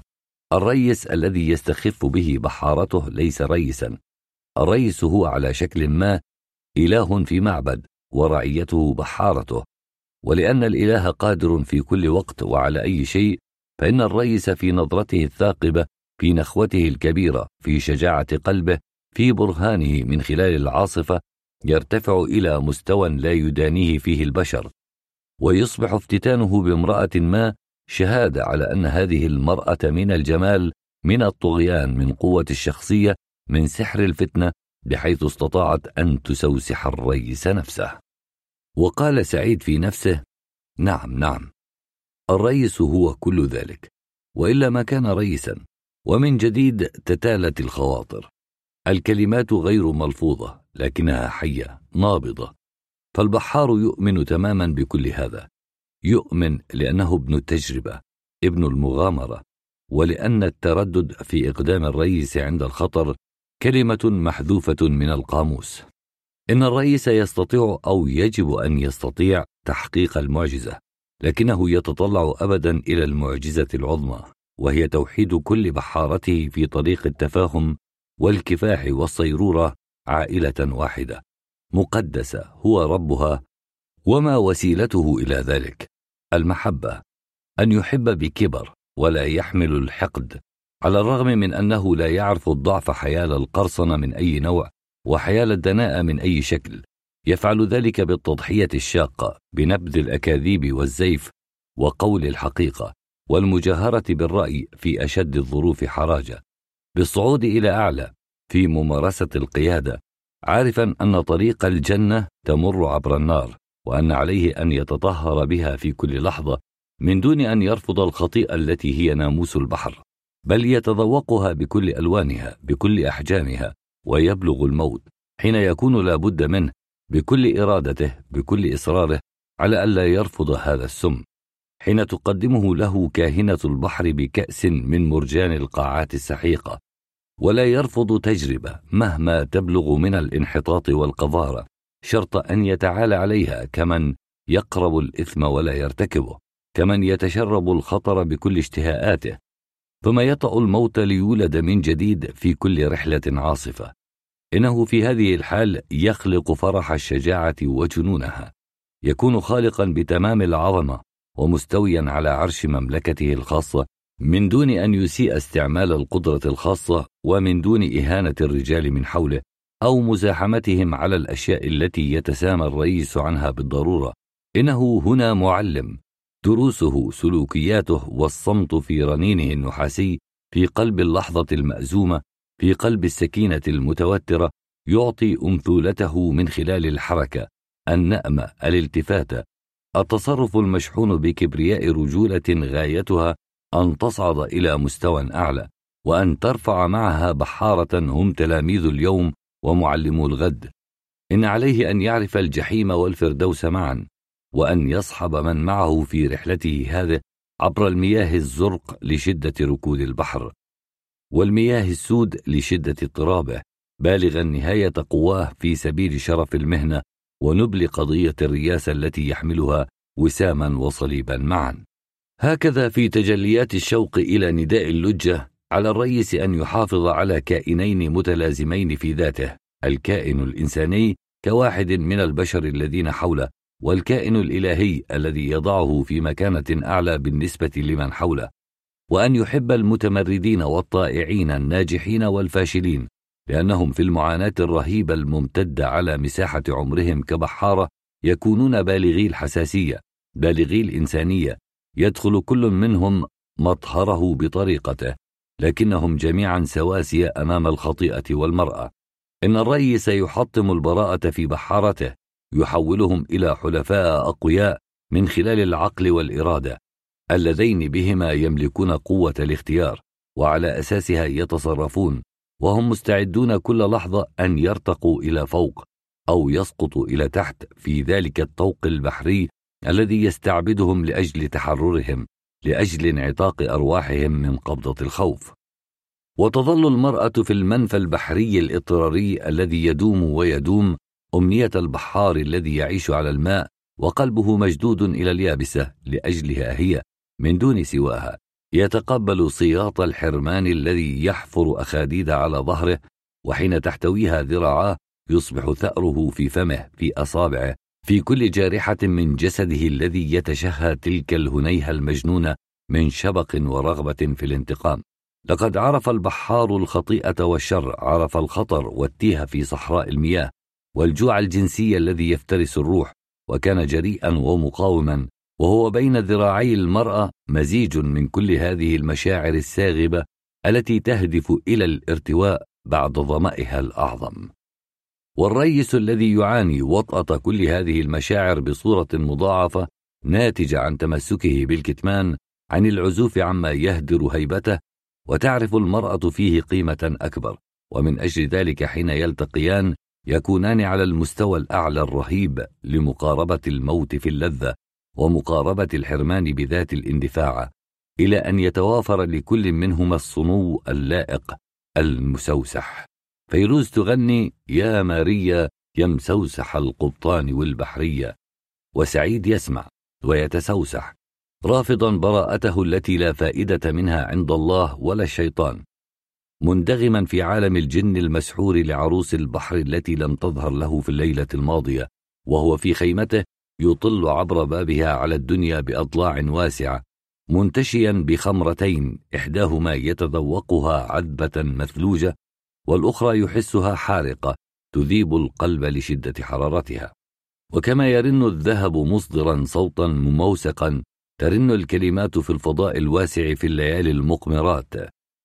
جرب في ضوء القمر أن تهمس فإذا أنت مسموع إلى أبعد مما قدرت.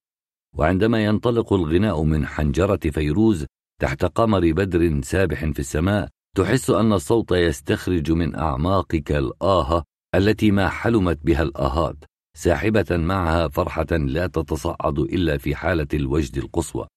وإذا كنت لا تشق قميصك من طرب أو لا تسجد من إكبار فلأنك تمتنع على عفوية عقلتها السلوكية الاجتماعية فترتد هذه النشوة إلى الداخل. وعندئذ تشعر أن ضلوعك تهتز وقلبك يرقص وأن غلالة من سعادة غامزة قد احتوتك كلك. سبح إذا بحمد ربك. قل شيئا ماجدا كالقمر ساحرا كالصوت أو تساءل من دون جدوى عن السر الذي لا يدرك الذي يحير الذي يذهل لكنه في كل حال عصي التناول بالفهم المجرد للمحسوسات. كان سعيد في الخيمة ليس فيها تماما على بابها والسماء مضاءة بنور كشاف برز من قرص مستدير بقوة ملايين الكيلووات والبحر الساجي يمتد إلى ما لا نهاية وتتلاعب على صفحته بشكل طولاني مخروطي أنوار الكازينو المنعكسة بأشعة متراقصة بفعل الموج.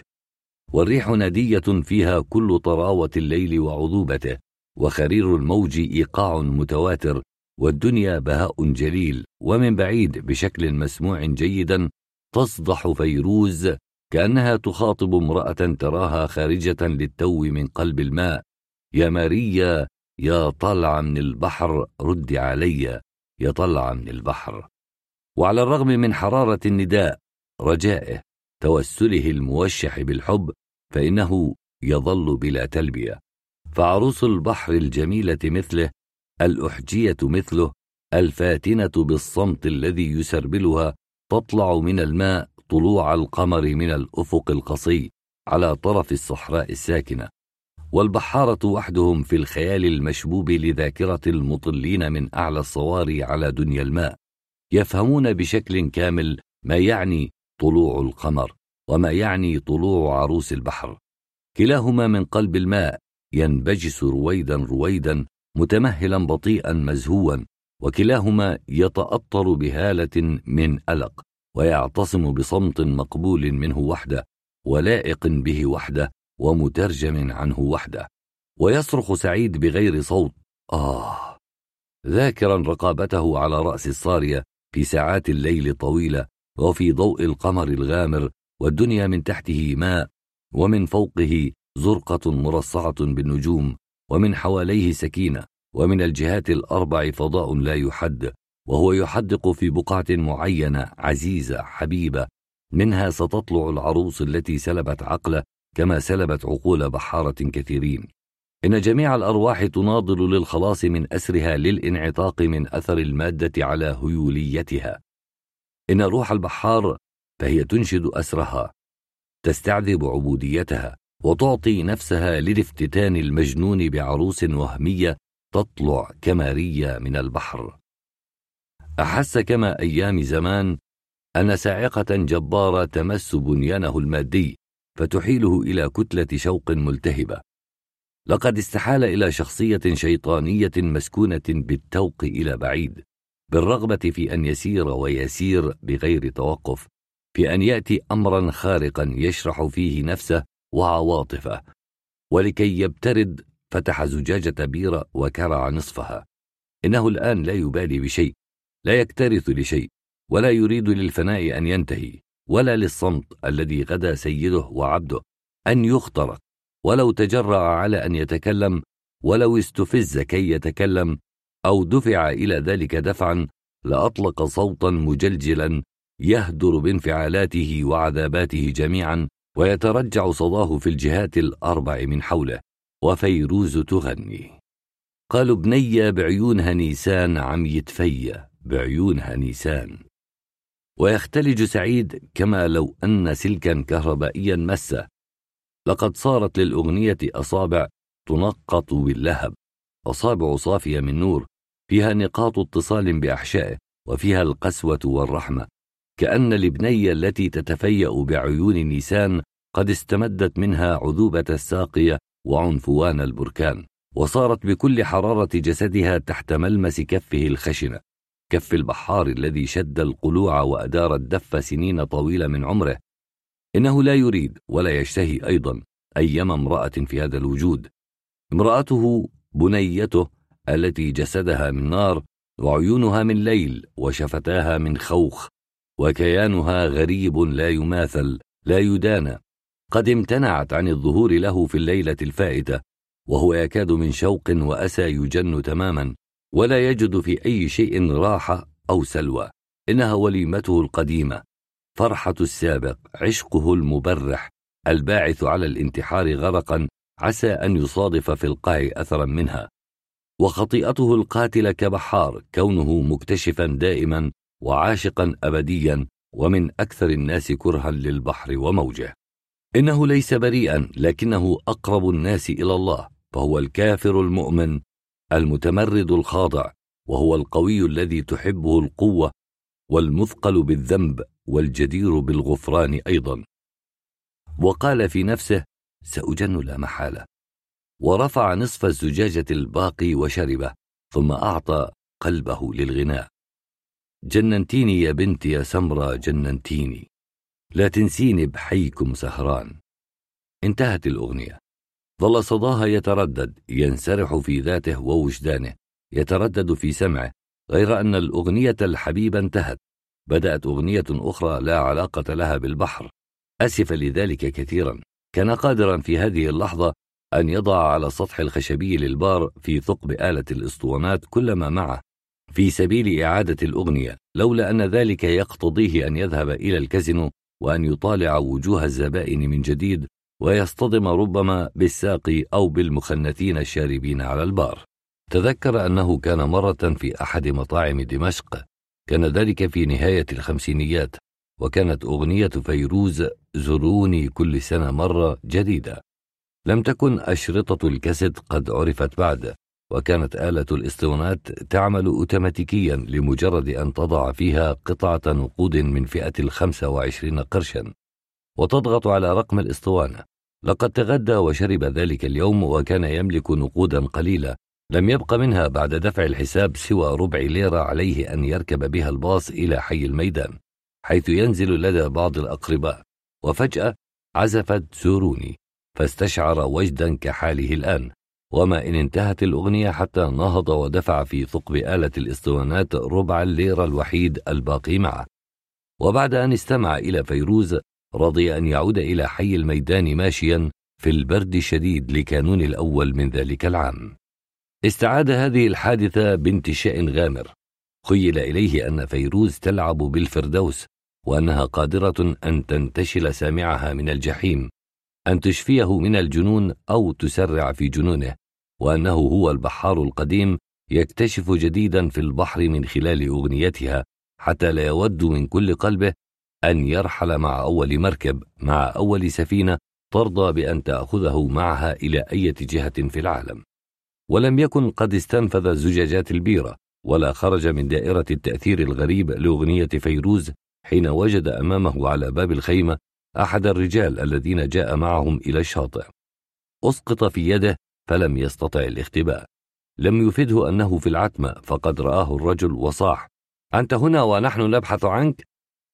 دخلت الخيمة منذ قليل. وأين كنت؟ في بار الكازينو. ولماذا تنفرد عنا وتتخفى؟ لو أخبرتنا لذهبنا معك. نحن أيضا نحب أن نبل فمنا بعد يوم كامل من السباحة. لا أحب الجلوس هناك. قالها وأشار إلى الكازينو. لو كنت برفقتنا لأحببت. السهرة في الكازينو ممتعة. أفضل عليها السهر على الشاطئ. ولماذا لم تأتي إلينا؟ لا أدري. لدي رغبة في المكوث وحيدا. هل هذا بسبب ذلك السباق اللعين؟ انزعج سعيد كان قد نجح في أن ينسى السباق فلماذا يذكره به؟ وهل تتحدث الجماعة به أيضا؟ لابد من أنه تصرف بشكل سيء لفت إليه الأنظار كان عليه ألا يفعل ذلك باغتته التجربة ولا شك خرج من الماء متلاشيا فلم يقوى على التمويه نام على الرمل كقتيل ورفض أن يأكل شيئا وأعطى الآخرين انطباعا مغايرا لما يريد. استأنف الرجل كلامه فقال أجهدت نفسك بغير مبرر ذلك الفتى جرك إلى السباق جرا كان يجب أن ترفض. قال سعيد بنبرة حسم لننسى هذا الأمر. هل يسوءك ذكره؟ قلت لننسى هذا الأمر. ولكنك بحار الروح الرياضية. قطعه سعيد بتوسل أرجوك دعني من هذا الموضوع أنا لست رياضيا. السباح رياضي بالضرورة. أنا سباح ولا أملك الروح الرياضية. لا أقصد هذا كل ما أريد قوله إنك حملت الموضوع أكثر مما يحتمل. أخطأت. اغفر لي دعني وشأني. سنتكلم في هذا غدا. أريد أن أقنعك قال سعيد برما تقنعني بماذا؟ وما دخلك أنت في الموضوع؟ كيف ألسنا شركاء في الرحلة؟ وهل بدر مني ما أساء إلى رحلتكم؟ لماذا تبتعد عنا؟ ها أنا ذا في الخيمة قريب منكم. نريدك بيننا هيا إنهم ينتظرونك. أفضل أن أنام. أنا تعب قليلا. حسنا سأقول لهم هذا. ارتاح سعيد عندما غادره الرجل. وجد أن من المستحيل الكلام معه على ما جرى في الصباح. ومن المستحيل أن يفهم لماذا هو في الخيمة ومقدار حاجته إلى الوحدة. إن رجلا مثله يعتبر البحر حوضا كبيرا للسباحة. لا يستطيع أن يفهم غير ذلك. ومن العبث أن تتحدث إليه من مشاعرك الخاصة مشاعر إنسان حيال البحر وفي ليلة مقمرة كهذه وفي هذا الجو الرائع الذي أفسده بأسئلته الغبية وإلحاحه الفظ. حسب أن له عليه حقا لمجرد الرفقة في هذه الرحلة وأن من المباح له التدخل في خصوصياته. وفرض نفسه عليه بشكل تعسفي يبعث على النفور.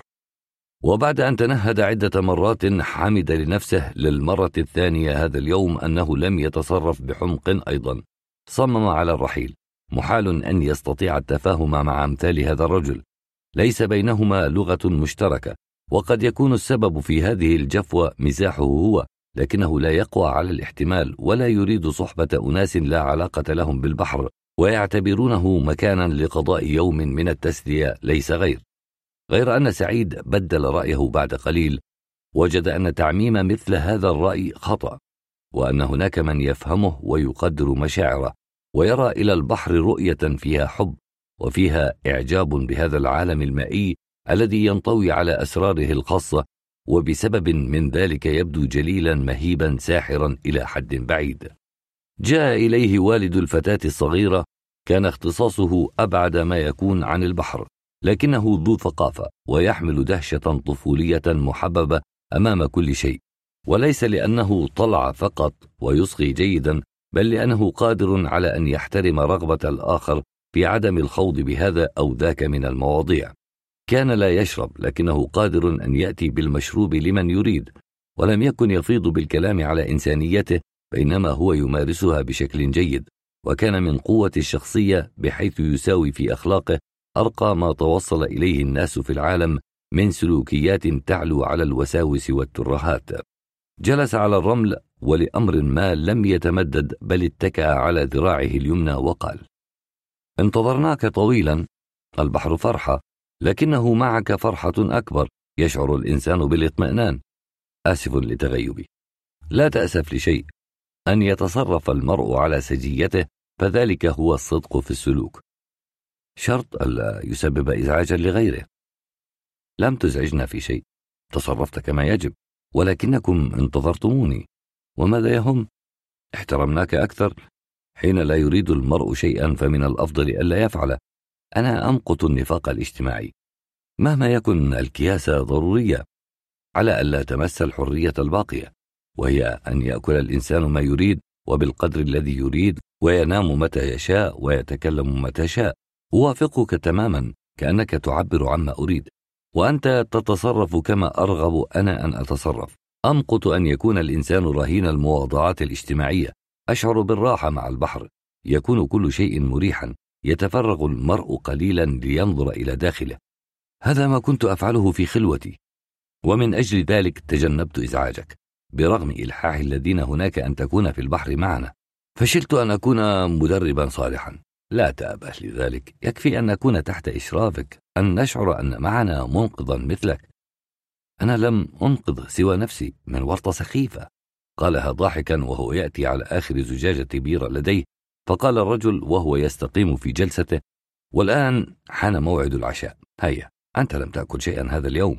إضافة إلى أننا نريد أن نسهر ومن الضروري أن تكون بيننا وفي وضع طبيعي جدا كما أنت الآن. أجاب سعيد غير قادر على رفض دعوة الرجل. هل من الضروري أن أكون معكم؟ أنا جائع بغير شك لكنني أستطيع تدبير نفسي ببعض السندويشات وغدا نلتقي من الصباح. غدا سنلتقي والليلة سنسهر. هيا بنا. إنهم ينتظروننا. كان هناك لوكس يشع فوق طاولة وكأن القوم متحلقين على الكراسي حوله في فسحة بين الخيام وقدر تغلي على النار حزر أن فيها حساء. ومعلبات كثيرة مفتوحة والنساء منهمكات في إعداد المائدة. الطفلة وحدها نائمة. أية أحلام ترى الآن؟ يا للقصر المسحور الذي يتراءى لها. لقد وعدها. أضفى على حكايته الملفقة كثيرا من الأخيلة والألوان وهي تحلم بكل ذلك وتنتظر الغد لكي ترى القصر والملكة والحديقة بأشجارها وعصافيرها والسمك الملون الذي سيصطاده لها. وكان سطوع اللوكس يضفي على الجو رونقا ليليا جميلا. أن تضيء شمعة أن تنير مصباحا أن تشعل النار في العراء وسط الليل الساجي فإنك تخلق من حولك دائرة بهاء خاص وتصبح أنت في قلب هذه الدائرة شبحا منظورا ومرصودا من عيون كثيرة لا ترى تحسها ولا تراها وتنبعث في ذاتك مشاعر مغايرة لما ينبعث في مثل هذا الموقف وأنت في نور النهار. إنها تعطي تضادا للوحة الليل يجعل الضوء أكثر تمايزا والظلام أحفل بالمبهم والفضاء أشد وقعا في نفسك ويتبدى القوم إذا كانوا كثرا قافل في متاهة أو ركبا توقف ليستريح أو جماعة وثنية تقيم أحد طقوسها حول النار. كانت زوجة الرجل الطيب المثقف تشرف على إعداد الحساء، جميلة، رصينة، ذات إطلالة توحي بالمهابة والاحترام، بخلاف السيدة التي كلمته في النهار، وبخلاف النسوة اللواتي يشتركن في الرحلة تعطي انطباعا مريحا، وتعمل بنشاط ورشاقة ظاهرين. لا تفارق الابتسامة ثغرها، من دون ممالأة لأحد، أو استعلاء على أحد، حتى إن سعيد قال في نفسه: هذا الرجل وزوجه هما الصديقان الوحيدان في هذه الرحلة، وقد أحسست بتلبية الدعوة إلى العشاء، ولسوف أكون عند حسن ظنهما تماما. واقترب الرجل من سعيد وهمس في أذنه: أتريد أن تشرب شيئا؟ تصرف بحرية. قال سعيد وهو مسرور بهذه الالتفاتة: لا أرغب في شيء، شربت في الكازينو، ثم في الخيمة، وأنا في مزاج طيب الآن. وقال في نفسه: يكفيني هذا الترحيب، تكفيني هذه اللفتة. كنت سأمتنع عن الشراب حتى لو لم أذقه اليوم مراعاة للجميع ومقابلة للشعور الطيب. إنه يفهمني كبحار. لا يريد فرض سلوكه على أحد وبشجاعة أجاز لي أن أشرب من دون أن يأبه بالآخرين. وهذا واحد من أدلة قوة الشخصية التي تروق لي. خيل إليه أنه لو وجدت نار وجماعة تقتعد الأرض وآخرون يسكرون لكانت لوحة من لوحات ترحل القبائل السيبيرية التي رآها في الأفلام يوما أو لكان المشهد أقرب إلى نزول دورية جند على شاطئ بحر. فهي تطهو عشاءها في المساء تاركة للبخار أن يتصاعد كمثله من القدر التي تقف أمامها السيدة الجميلة. وحين رفع رأسه ونظر في الفضاء من حوله رأى القمر يرصد المشهد بعين مفتوحة. لم يكن حياديا الآن انفعال ما أخذه. فهو يسبح في خط مستقيم بين غيوم رقاق بيض كالقطن المندوف ونوره الفضي يضيء القبة كلها يضيء السماء والأرض وينسج غلالة ليلية بيضاء ذات ذرات أثيرية سابحة في الخلاء باسمة كأسنان بيض في وجه زنجي غامق السواد.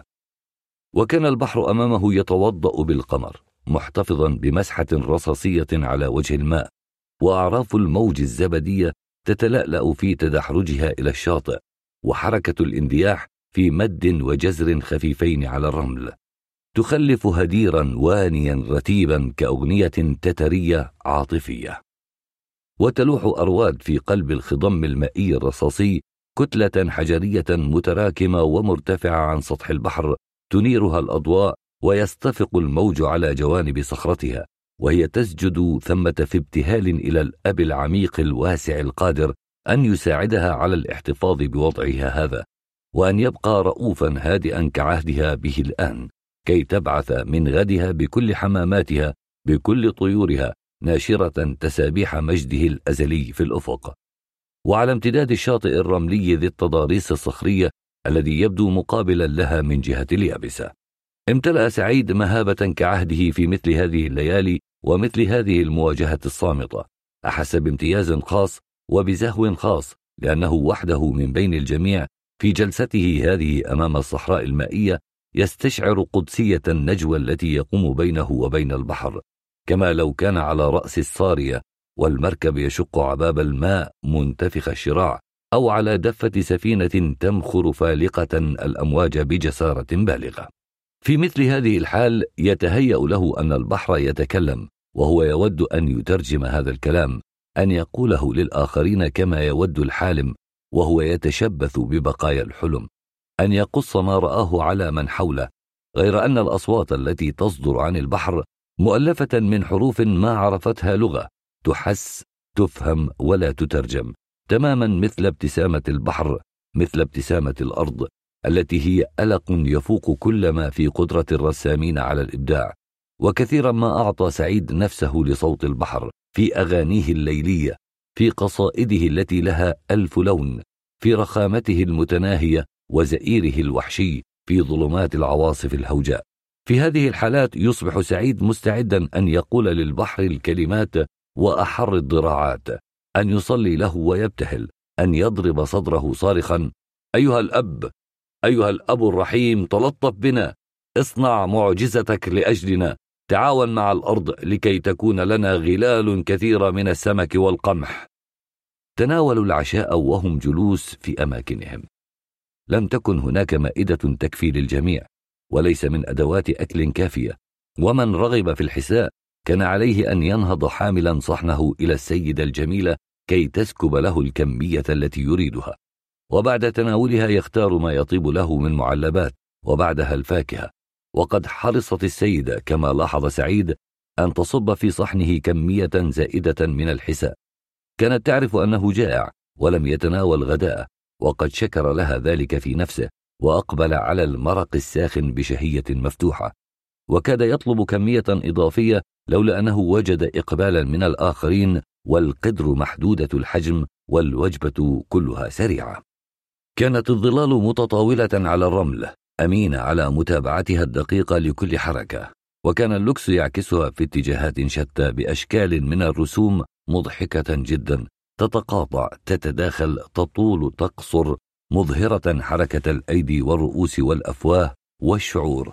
بينما تبدو الخيام في العتمة المنداحة وراء خط النور ككثبان صغيرة متناثرة من حولهم. وفي هدوء الليل كانت جلبة صغيرة تعلو. قرقعات الصحون والملاعق رشفات الشفاه الكلمات المتبادلة الضحكات المنطلقة بعض النكات التي تلقى تعليقا على حركة أو حديث.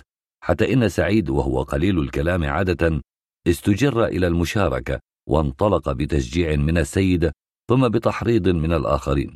يقول بعض الأشياء عن البحر مندفعا في كل لحظة إلى المزيد نتيجة ما تصادفه حكاياته من إثارة وإعجاب. كان في إصبع يده اليسرى خاتم من حجر اليشم أخضر يانع على تموجات سماوية وعليه نقوش أثرية ورأس حيوان خرافي وفيه زخارف على أديمه الفضي مما يلفت النظر ويجعله في الندرة بين الخواتم المعروفة. هذا الخاتم ذكرى حادثة غريبة. وقد رفض حتى في الأوقات التي كان فيها محتاجا لثمنه أن يبيعه وعلى كثرة ما عرضوا عليه شراءه وكثرة ما استهدوه إياه ظل ممتنعا على البيع والإهداء محتفظا به إلى يوم لا يدري متى يأتي حين يقدمه من دون طلب من دون تلميح إلى امرأة ما. إن لم تكن عروس البحر فهي ما زالت في رحم المجهول. وحين سئل عنه فكر قليلا. وقال كمن يكره تكرار روايته إن لهذا الخاتم قصة. وقعت معي حين كنت بحارا في إحدى رحلاتي البعيدة. وقد أثار هذا الكلام فضول النساء الموجودات فأصررن على سماع القصة واضطر إلى روايتها وهو يستعيد ذكرى حادثة عجيبة وقعت له ذات يوم. قال سعيد خلال عملي في البحر على إحدى سفن الشحن تعرفت إلى معظم مرافئ العالم. كانت السفينة من عابرات المحيطات تتسع لحمولة كبيرة جدا وتضطر إلى الرسو أسبوعا أو أسبوعين ريثما يتم التفريغ والتحميل. وكانت الأيام التي نقضيها على البر ممتعة فالبحار يمكث طويلا على ظهر السفينة المبحرة لا يرى غير السماء والماء ولا يفعل سوى العمل والأكل محروما من رؤية اليابسة محروما من المرأة والأولاد غير قادر على السير إلا مسافة قصيرة محددة. هي طول الباخرة وعرضها. يسهر الليالي والنهارات حول الدفة أو يعمل في تنظيف السطح وطلاء بعض الأماكن التي تآكلت بفعل الملح والرطوبة ويضطر إلى رؤية الوجوه نفسها وسماع الأحاديث نفسها وتكرار المشاهد والصور ومعاناة شدائد البحر في الأنواء والعواصف. البحار في هذه الحال يتشهى اليابسة تصير الأرض عشقة تصبح المرأة حلمة يتمنى أن يمشي في الأسواق ويمشي محملقا في كل شيء كأنه يراه للمرة الأولى مندهشا كأنما الأبنية والحوانيت والسيارات جديدة عليه وكأنه يكتشف الوجوه الإنسانية بنظرة جديدة. ويشاهد القطط والكلاب والحيوانات بعد دهر من غيبتها عنه. وحين تطول فرقة البحار لهذه الأشياء الأليفة يشعر كأنه فصل عن عالم الناس هجر من قبل الكائنات جميعا. نفي عن اليابسة إلى أعماق المحيطات فهو يقضي حكما بالسجن على ظهر سفينة من دون ذنب ارتكبه وتتفاعل في ذاته مشاعر الضيق والعذاب والتمرد ويتطلع من فوق حواجز الباخرة ونوافذ قمراتها إلى ما وراء المدى المائي بحنين لا يوصف وتتولاه نوبات من السوداوية لا يبددها أو لا ينساها إلا في شيئين القمار والخمرة. يصبح شرسا مشاكسا عنيدا مغامرا. ويزداد كل ذلك في حالة الخسارة في القمار أو حالة السكر فيعمد إلى العراك وإلى الكفر. وقذف أفظع الشتائم فيأمر القبطان عندئذ بسكب الماء عليه حتى يفيق ويجره عاريا ممزق الثياب على السطح أو بين العنابر. فإذا ألحق أذى بأحد البحارة حبس وإذا هدد أو توعد القبطان أمر بضربه. حتى تتلاشى قواه ويخضع فيهدأ أو يقاسي السجن فوق النفي فيعود إلى رشده وإلى عمله وإلى المقامرة والسكر. وكثيرا ما يقع البحار مريضا في هذه الحال يقبع في قمرته أو في مستوصف الباخرة ويكون عليه أن يلتزم بأوامر الطبيب وأن يخضع للمعالجة وحتى لحالات من الجراحة الأولية فإذا اشتد المرض عليه أنزل في أول مرفأ. وأرسل إلى أحد المشافي حتى يبرأ فيلتحق بالباخرة من جديد في أحد المرافئ التي بلغتها. وإذا مات على ظهر الباخرة بحادث ما أو موتا فجائيا أو من مرض أو وباء فتاك وضعت جثته في كيس مثقل بالحديد وسجي على لوح من خشب وصلى عليه كاهن الباخرة أو قبطانها قائلا من التراب خلقنا وإلى التراب نعود. وبعد ذلك يقوم البحارة بإلقائه في البحر حيث تنفتح هوة في الماء ويتطاير الرذاذ ويرغو الزبد. ثم يعود كل شيء إلى حاله ويهوي الجثمان إلى القاع ليكون فريسة للأسماك والوحوش البحرية. بينما تتابع الباخرة سيرها ويتفرق البحارة وقد ران عليهم حزن بالغ لمشهد الموت ولفراق زميل ولإلقائه في البحر على هذه الصورة البائسة كأنما هو حجر أو صندوق قمامة من دون مأتم من دون أجراس من دون دموع ومن دون وداع من حبيبة أو أهل. ثم لا يلبث البحارة أن ينسوا. حياتهم قاسية تضطرهم إلى النسيان وإلى التماس العزاء في السكر والمقامرة مستأنفين حياتهم العادية الرتيبة التي لا يلونها سوى العراك وسوى المخاطر والأحداث المفاجئة. من أجل هذا فإنهم يصابون بسعار حين تطول رحلتهم. يكثر السكارى بينهم ويكثر المقامرون وتزداد المشاجرات الدامية وينفد صبرهم حتى يصبحوا قبل الوصول إلى أحد المرافق بحالة توتر يبلغ درجة الهيجان. فيذهبوا إلى القبطان لأخذ ودائعهم لاستعادة ما خبأوه لديه لقبض كل ما تجمع لهم من أجر. ويكون النازلون إلى البر سعداء. يتسابقون إلى الخمارات والمباغي. فالخمرة والمرأة أشهى الأشياء لديهم وبعد أن يرتووا من كلتيهما ويسدوا جوع الجسد وترتخي أعصابهم المتوترة ينطلقون إلى الأسواق محاولين شراء بعض التذكارات إذا ما تبقت لديهم نقود. أو الفرجة على الأسواق والناس في فضول كفضول الأطفال. غير أن للمرافئ قوانينها وأعرافها. إن أحدا لا يستطيع أن يبدل ويغير في قوانين المرافع حتى ولا الحكام أنفسهم. هنا غابات بغير أشجار ووحوش تمشي على رجلين وقتل ومهربون وسفلة مجرمون عتاة عصابات رهيبة مواخير ملأى بالزهر والسفلس وكل أنواع الأمراض. تفوح منها روائح المحاليل والمطهرات والأدوية الغريبة.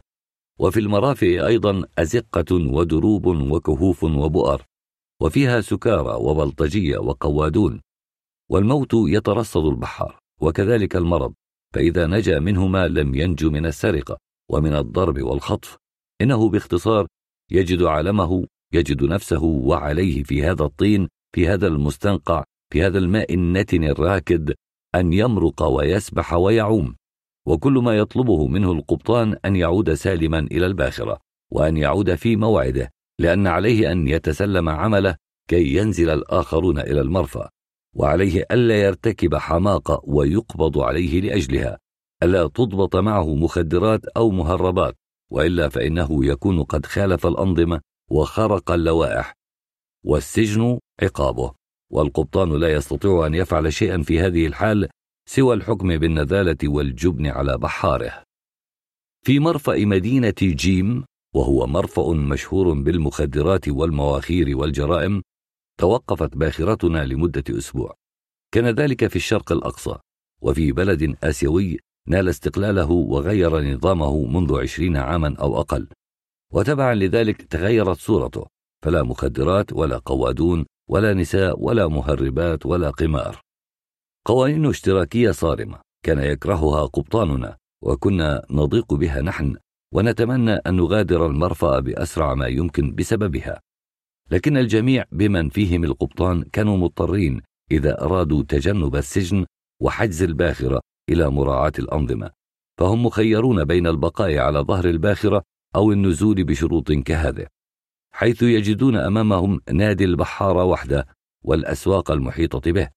من دون أن يتجاوزوها فهم يسكرون ويعربدون داخل النادي من غير أن يجدوا خمارة أو مقمرة أو مبغا ومن دون مجون أو رقص أو خلاعة وبغير أن تلامس أكفهم جسد امرأة من أي عمر أو تلاقي أشياءهم المهربة من يشتريها أو يقايض عليها ماذا يبقى للبحار إذن؟ إنه طبعا لا يذهب إلى الكنيسة حتى ولو وجدت ولا يسره أن يزور المعامل حتى لو سمح له بذلك ولا أن يتنزه على شاطئ البحر بعد أن اشتاق طويلا إلى اليابسة ودنياها التي تعوضه عن محدودية عالم الماء. هذا المرفأ لا مرفأ كنا نقول فيما بيننا إنه دير قلعة سجن آخر على البر ولا حاجة للبحار إلى كل هذه المرافق التي تبعث على الزهد. لذلك كان كثير من البحارة يفضلون البقاء في الباخرة أو ينزلون لفترات قصيرة أو يذهبون لشرب البيرة المثلجة في نادي البحارة والطواف قليلا في الأسواق المجاورة وهي ملأى بالأشياء الغريبة وكلها تذكارات نادرة من عالم الشرق الأقصى. ولأنني كنت مغرما بجمع الأصداف منذ صباي وباقتناء التذكارات التي نلتقطها من المرافق فقد نمت في نفسي هواية جمع التحف وكان مرفأ جيم في كل مرة نرسو فيه. المكان الأفضل للعثور على بعض من هذه الأشياء في الدكاكين المليئة بالخزف والخشب المحفور واللوحات الطويلة المتدلية على الجدران والتماثيل العاجية والخزفية والبرونزية وكلها عتيقة من مئات الأعوام. يبيعها شيوخ مسنون مبطنو العيون ذو لحى تصل إلى نصف متر قليلة الشعر بيضاء تهبط من عثانينهم إلى صدورهم وتنتهي بذيول رفيعة وهم لا يفتؤون يمسدونها بأكفهم ويسرحونها تسريحا بالأصابع ويدعونها متناثرة الشعور تستريح على أوساطهم أو فوق الطاولات التي يجلسون وراءها. لقد فتنتني هذه الدكاكين إن لها عمقا بعيدا يجتمع فيه هؤلاء الشيوخ فيقيمون تحفهم قبل عرضها ويلصقون على كل منها سعرها ويعرضونها عرضا مغريا أو يصلحونها في الداخل وقد يكسرون متعمدين طرفا منها أو يحدثون فيها خدوشا ويلقون عليها الغبار أو يعالجونها بما لا أدري حتى تبدو قديمة جدا. فتستهوي الشارين وتغري جامعي التحف. كنت أسرع ما أن تلقي الباخرة مرساتها في هذا المرفأ إلى النزول إذا لم تكن لدي نوبة حراسة أو عمل ما في الباخرة. وكانت الميناء تقع على مصب أحد الأنهر الكبيرة وبعض السفن الصغيرة تدخل هذه الدلتا وتقترب من الأرصفة. وهناك ترسو بين مئات المراكب والقوارب. فإذا سرت مع المصب خارج حرم المرفأ وجدت عددا كبيرا جدا من القوارب الصغيرة التي يتخذها السكان بيوتا لهم عائمة فوق الماء يقضون فيها الشتاء والصيف ويجمعون في قاع القوارب كلابهم وقططهم ودوابهم ويعيشون هم وأطفالهم بينها ويمارسون حرفهم اليدوية وأعراسهم ومآتمهم ويحيون حياة كاملة على هذا النحو العجيب. فإذا أراد أحدهم أن يزور الآخر فما عليه إلا أن يجذف أو يحرك دفة طولانية في ذيل القارب فيندفع به إلى حيث يريد وهكذا تتم الزيارات. ويتبادل سكان القوارب ما يحتاجون إليه ويشتري أو يبيع أحدهم الآخر ويؤدون فروضهم الدينية ويعشقون ولا يصعدون إلى البر إلا لعمل أو قضاء شأن من الشؤون الضرورية. لكم تمنيت النزول إلى أحد هذه القوارب. أزور عائلة من سكانها أو أتفرج على مصنوعاتهم الحرفية أو أراقبهم خلال العمل لكن ذلك كان ممنوعا. وكان الحذر من الأجنبي شديدا فهو مرفوض لا يخالطه أو يكلمه أحد. إذا لم يكن هناك سبب واضح يتعلق بشراء سلعة ما مثلا. وكانت تعليمات قبطان الباخرة صريحة ومشددة بهذا الخصوص. فالخطر كبير إذا ما تحرش الأجنبي بامرأة حتى لو في حالة سكر أو تشاجر مع مواطن أو أهانه بشكل ما. كانت السلطة في ذلك البلد تريد أن يستعيد مواطنوها كرامتهم التي هدرت أيام الاحتلال الأجنبي. وقد حدثت مغالاة في ذلك فاعتبر كل أجنبي عدوا وكل مساس منه بحرمة أو كرامة أحد المواطنين ولو بغير قصد جرما يعاقب عليه. وقد روى لنا قبطان الباخرة وكان سويديا أن أحد الدبلوماسيين السويديين في ذلك البلد تحرش بمواطنة تعمل في السفارة فحكم عليه بالسجن ثلاثة عشر عاما. من أجل ذلك كان البحارة الأجانب يخافون النزول إلى المرفأ فإذا نزلوا لم يتعدوا نادي البحارة ومن تجرأ منهم خرج قليلا إلى الأسواق المجاورة فطاف بها. ويتواصى البحارة بعدم السكر فإذا أكثر أحدهم من الخمرة نصحوه بالعودة إلى الباخرة وقد يرغمونه بالقوة أو يبقونه في النادي حتى يصحوا ويبلغون القبطان فلا يسمح له بالنزول مرة أخرى إلى هذا المرفأ. أنا كنت مغرما بالتحف كما قلت. كان الطواف على الدكاكين الأنتيكات يوميا شغل شاغل. وكي أتجنب أي سوء تفاهم أو إشكال وأتفادى التورط مع السكان كنت أمتنع عن الشرب قبل النزول من الباخرة ولا أدخل نادي البحارة إلا بعد العودة من الأسواق. وكان فرحي كبيرا كلما عثرت على تحفة فاشتريتها. وكنت أخفي تحفي في صندوق أغراضي في الباخرة فلا أطلع عليها أحد. خوف أن يسرقوها أو يعبثوا بها فيحطموها أو يقتفوا أثري في الأسواق فيفسدوا علي متعتي أو يضايقوني في دكاكين التحف فلا أستطيع تملي المعروضات بهدوء وانتقاء الأشياء الجميلة النادرة ذات الوزن الخفيف والسعر المناسب. وقد قص علينا قبطان الباخرة ليلة أن سفير السويدي في هذا البلد كان مغرما بشراء التحف أيضا كان خبيرا بها ويشترك في مجلات إنجليزية وإيطالية متخصصة تبحث في الأنتيكات ومجموعاتها وأسعارها. وتفرد بابا خاصا لتحف الشرق الأقصى وتنشر صورا عنها وتعطي تقديرات عن المتاحف الموجودة فيها وعن القطع الناقصة منها وخاصة التماثيل البوذية وزجاجات الصعوط والساعات القديمة والأحجار الكريمة وغير ذلك.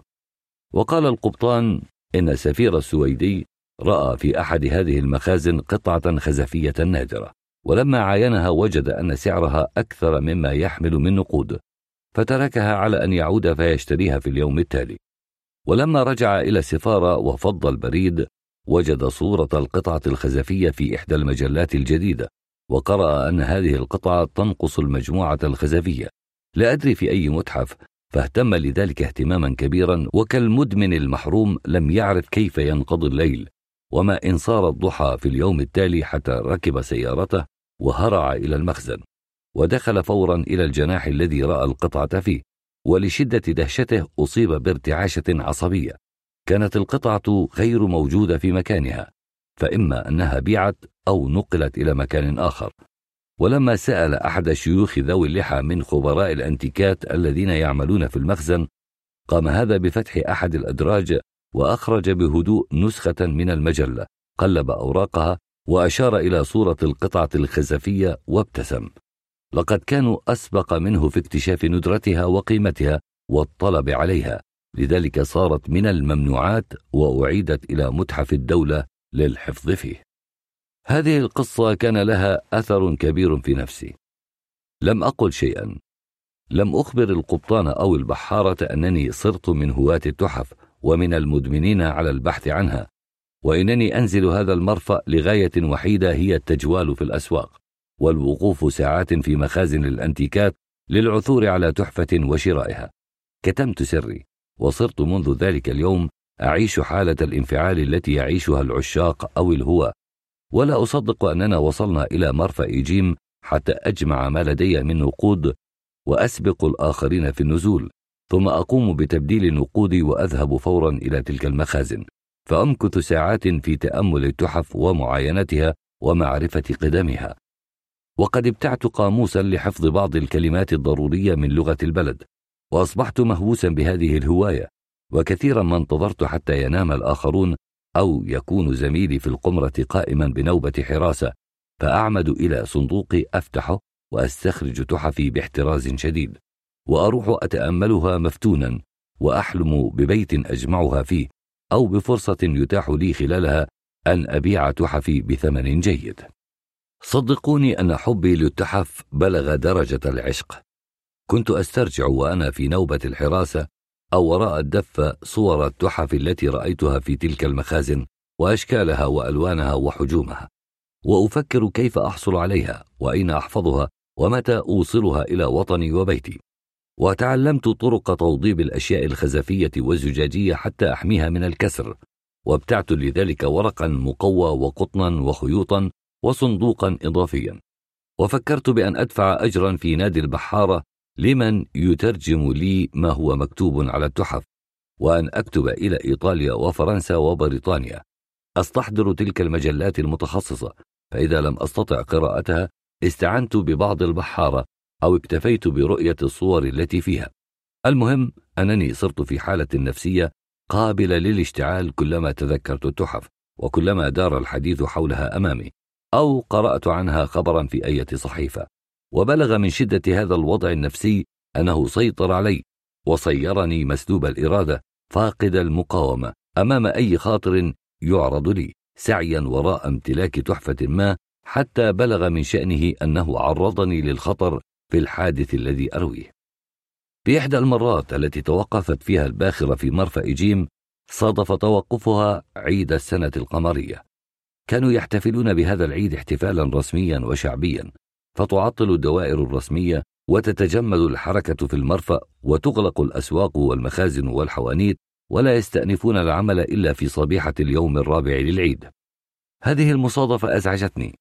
طال مكوث الباخرة في المرفأ من دون أن أستطيع خلال أيام ثلاثة أن أمارس هوايتي في زيارة مخازن التحف والبحث بينها عن تحفة أضمها إلى مجموعتي. لم أحتمل البقاء في الباخرة ولا قضاء الوقت في النادي وصرت قلقا متحفزا. عجزت الخمرة أن تعيدني إلى حالة الاسترخاء. وعجزت عن التلهي كزملائي. فكنت أطوف في الأسواق المغلقة وأعود إلى النادي لأستأنف الشرب. وأتفرج على المعروضات من الصناعات الحرفية الجديدة التي يشتريها البحارة كتذكارات فأجدها تافهة عديمة الأثر في نفسي. وأشفق على من يشتريها معتبرا إياه ساذجا. كنت أدع البحارة في النادي يتناولون البيرة المثلجة يلاقون بحارة البواخر الأخرى يصخبون على أنغام الموسيقى يشتم كل منهم بلغته وأنطلق أطوف متمهلا في الأسواق المغلقة. أستعرض الناس في العيد أقف متفرسا في تجمعاتهم أقترب من عربات تحمل بعض الأطعمة. أتابع الأطفال وهم يجرون أو يلعبون في الشارع. أراقب حركات المرة. أتلبث عند تقاطع الطرق. أشاهد المخازن والحوانيت وهي مغلقة أفعل أي شيء يقتل الوقت وأرجع إلى النادي فأشرب. فلا تلبث أن تنازعني نفسي إلى تحفي. فأهرع إلى الباخرة وأنكب على صندوقي نبشا فأخرجها وأتملاها وأعيد توضيبها وترتيبها. ثالث أيام العيد أفقت باكرا.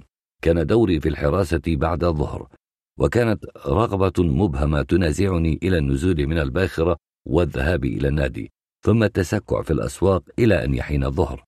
صعدت إلى ظهر الباخرة وسرني أن منظرا عريضا للبحر والمرفأ والأبنية وكل المنطقة المجاورة انفتح أمامي.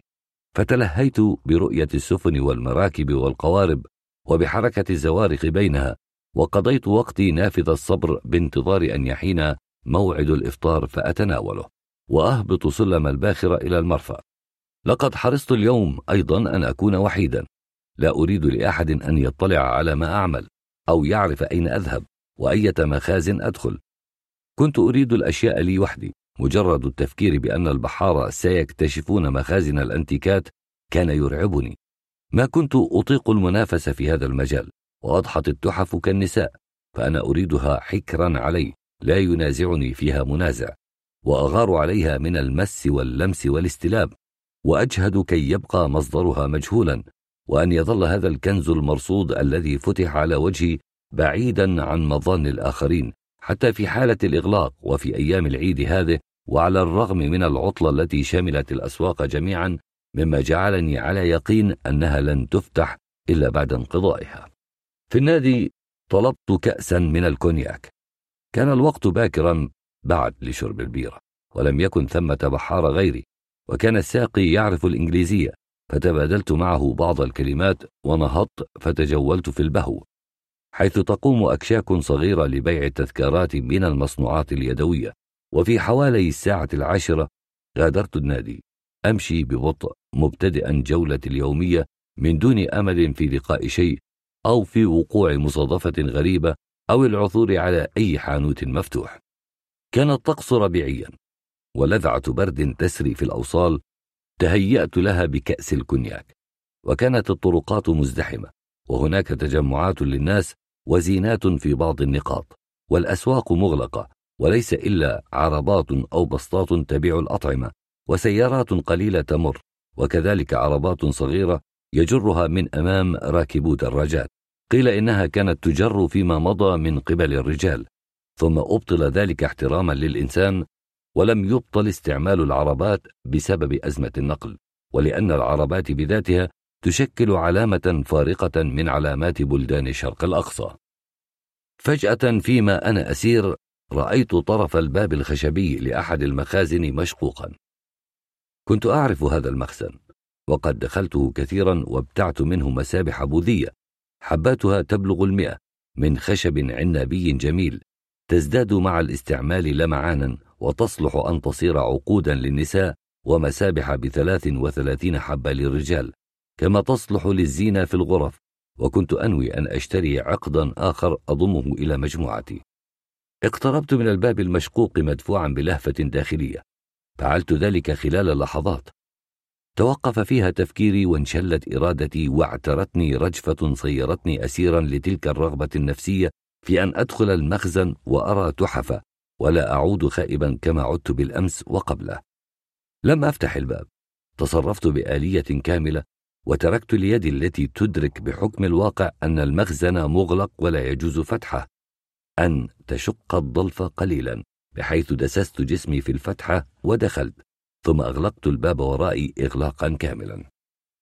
كانت الواجهة الخشبية للباب عريضة وإنما دخلت من ضلفة وسطى فيها. وكان المخزن عريضا واسعا عميقا جدا وعلى جوانبه رفوف حتى السقف ملأى بالتحف. وفي وسطه طاولات خشبية مزدحمة بالمعروضات أيضا. وعلى الأرض عند أقدام الجدران تحف كثيرة. وهناك حاجز من لفائف اللوحات يفصل الفسحة الأمامية للمخزن. وقد تركت مساحة صغيرة تؤدي إلى الداخل إلى أعماق المخزن المليء بالخزف. في أحجام وأنواع مختلفة وبالخشب المحفور القديم وبالتماثيل للبشر والحيوانات والبرفانات والفازات الكبيرة المزدانة بالرسوم والنقوش والقدور البرونزية التي كان يسخن فيها النبيذ وبأصناف من الأشياء العجيبة الغريبة التي لا يمل الإنسان من النظر إليها والتمعن في الأشكال الزخرفية التي تتخذها والحركات الفنية التي تمثلها. والأوضاع التي رسمت بها الشخوص والأساطير المنقوش عليها. لم أجد أحدا في المخزن. صرت في الداخل وقد أغلقت الباب تماما ورائي. ومن دون أن ألقى إنسانا حتى خيل إلي أنني ولجت كهفا مرصودا أو مغارة مسحورة وأنني في الحلم. وبين يدي وفي متناولهما أشياء كثيرة تكفي حمولة باخرة صغيرة. وليس علي إلا أن أجمع منها ما أريد فأفوز بغنيمة العمر. وقفت مشدوها. كانت المفاجأة التي صنعتها لنفسي أو صنعتها الأقدار لي. فوق قدرتي على الاستيعاب وكان المخزن ذو الأرضية الإسمنتية باردا من الداخل وقد استشعرت برودته مضاعفة بسبب من الخوف الذي اعتراني والوحدة والدهشة. وكل هذا الجو الغريب الذي لا أعرف كيف أتصرف فيه وماذا أعمل لأتحمل رهبته؟ وما هو السبيل الأفضل للخروج منه سالما بغير تحف وبغير شيء ناجيا بروحي من هذه الورطة الرهيبة. الخوف يفجر الهواجس. الوساوس تتضخم يتوالد بعضها من بعض. وفي تلك اللحظات الحرجة انفتحت شهية ذاكرتي. فاستعدت كل ما سمعته عن قوانين هذا البلد. ورنت كلمات القبطان في أذني. وأدركت أنني ارتكبت حماقة في الدخول إلى مخزن مغلق لا يحق لأبناء البلد أن يلجوه عنوة كما فعلت أنا. فكيف بأجنبي إذا ضبط اتهم بالسرقة أو بما هو أخطر وألقي به في سجون مرعبة بين أناس لا يعرف لغتهم وليس له بينهم شفيع. ماذا أفعل يا رب؟ تلفت حوالي مذعورا أحدق في التماثيل الضخمة المحيطة بي. فتهيأ لي أنها تكشر في وجهي وأنها موشك أن تطلق زئيرا أو صراخا يجمع علي المار في السوق وأن بعضها يضحك ساخرا وأن عيون التماثيل البوذية تدور بسرعة خاطفة وأيديها تتحرك للقبض علي وأن أجراسا سرية لن تلبث أن تقرع منبهة إلى وجود لص في المخزن. تراجعت إلى الوراء. استدرت للخروج. داهمني شعور بأن الناس ينتظرونني في الخارج فما إن أفتح الباب وأظهر فيه حتى يهجموا علي. ويمسك بي وسط ضجة من أصواتهم التي تخرج من الأنوف وسيجرونني في الشوارع وهم يقودونني إلى أقرب مخفر بلبلني الخوف. شل قدرتي على التفكير. تسمرت في مكاني. صرت غير قادر على الحركة. وفجأة طقطق خشب الباب. فظننت أنهم أتوا للقبض علي. وبغريزة المقاومة اندفعت إلى الأمام. محاولا الاختباء وراء التماثيل أو بلوغ ما وراء حاجز اللوحات باحثا عن عصا أو خشبة أو أيما شيء أدافع به عن نفسي. وحين صرت قرب الفراغ الموصل بين المكان الذي دخلته وما وراء الحاجز من المخزن في ذلك الامتداد المجهول العميق الشبيه بالقبو وسط ركام من الأنتيكات باغتني مشهد هزني هزة كانت ثمة طاولة وعلى الجدار مرآة أمامها امرأة تسرح شعرها. وقد فردته وأرخته طويلا على ظهرها فهو أشبه بستارة تخفي رأسها وكتفيها وجذعها حتى وسطها يتهدل ويتماوج ويستسلم مسترخيا تحت المشط كخيوط حريرية ناعمة سوداء.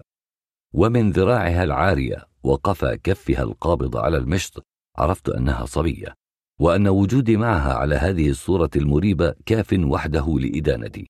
فإذا صرخت أو ندت عنها أية حركة استغاثة أو قاومت على أي نحو أطبق علي الفخ الذي وقعت فيه ولم يبق أمامي سوى الهرب أو العراك وربما كان قتلها هو الخيار الوحيد الباقي.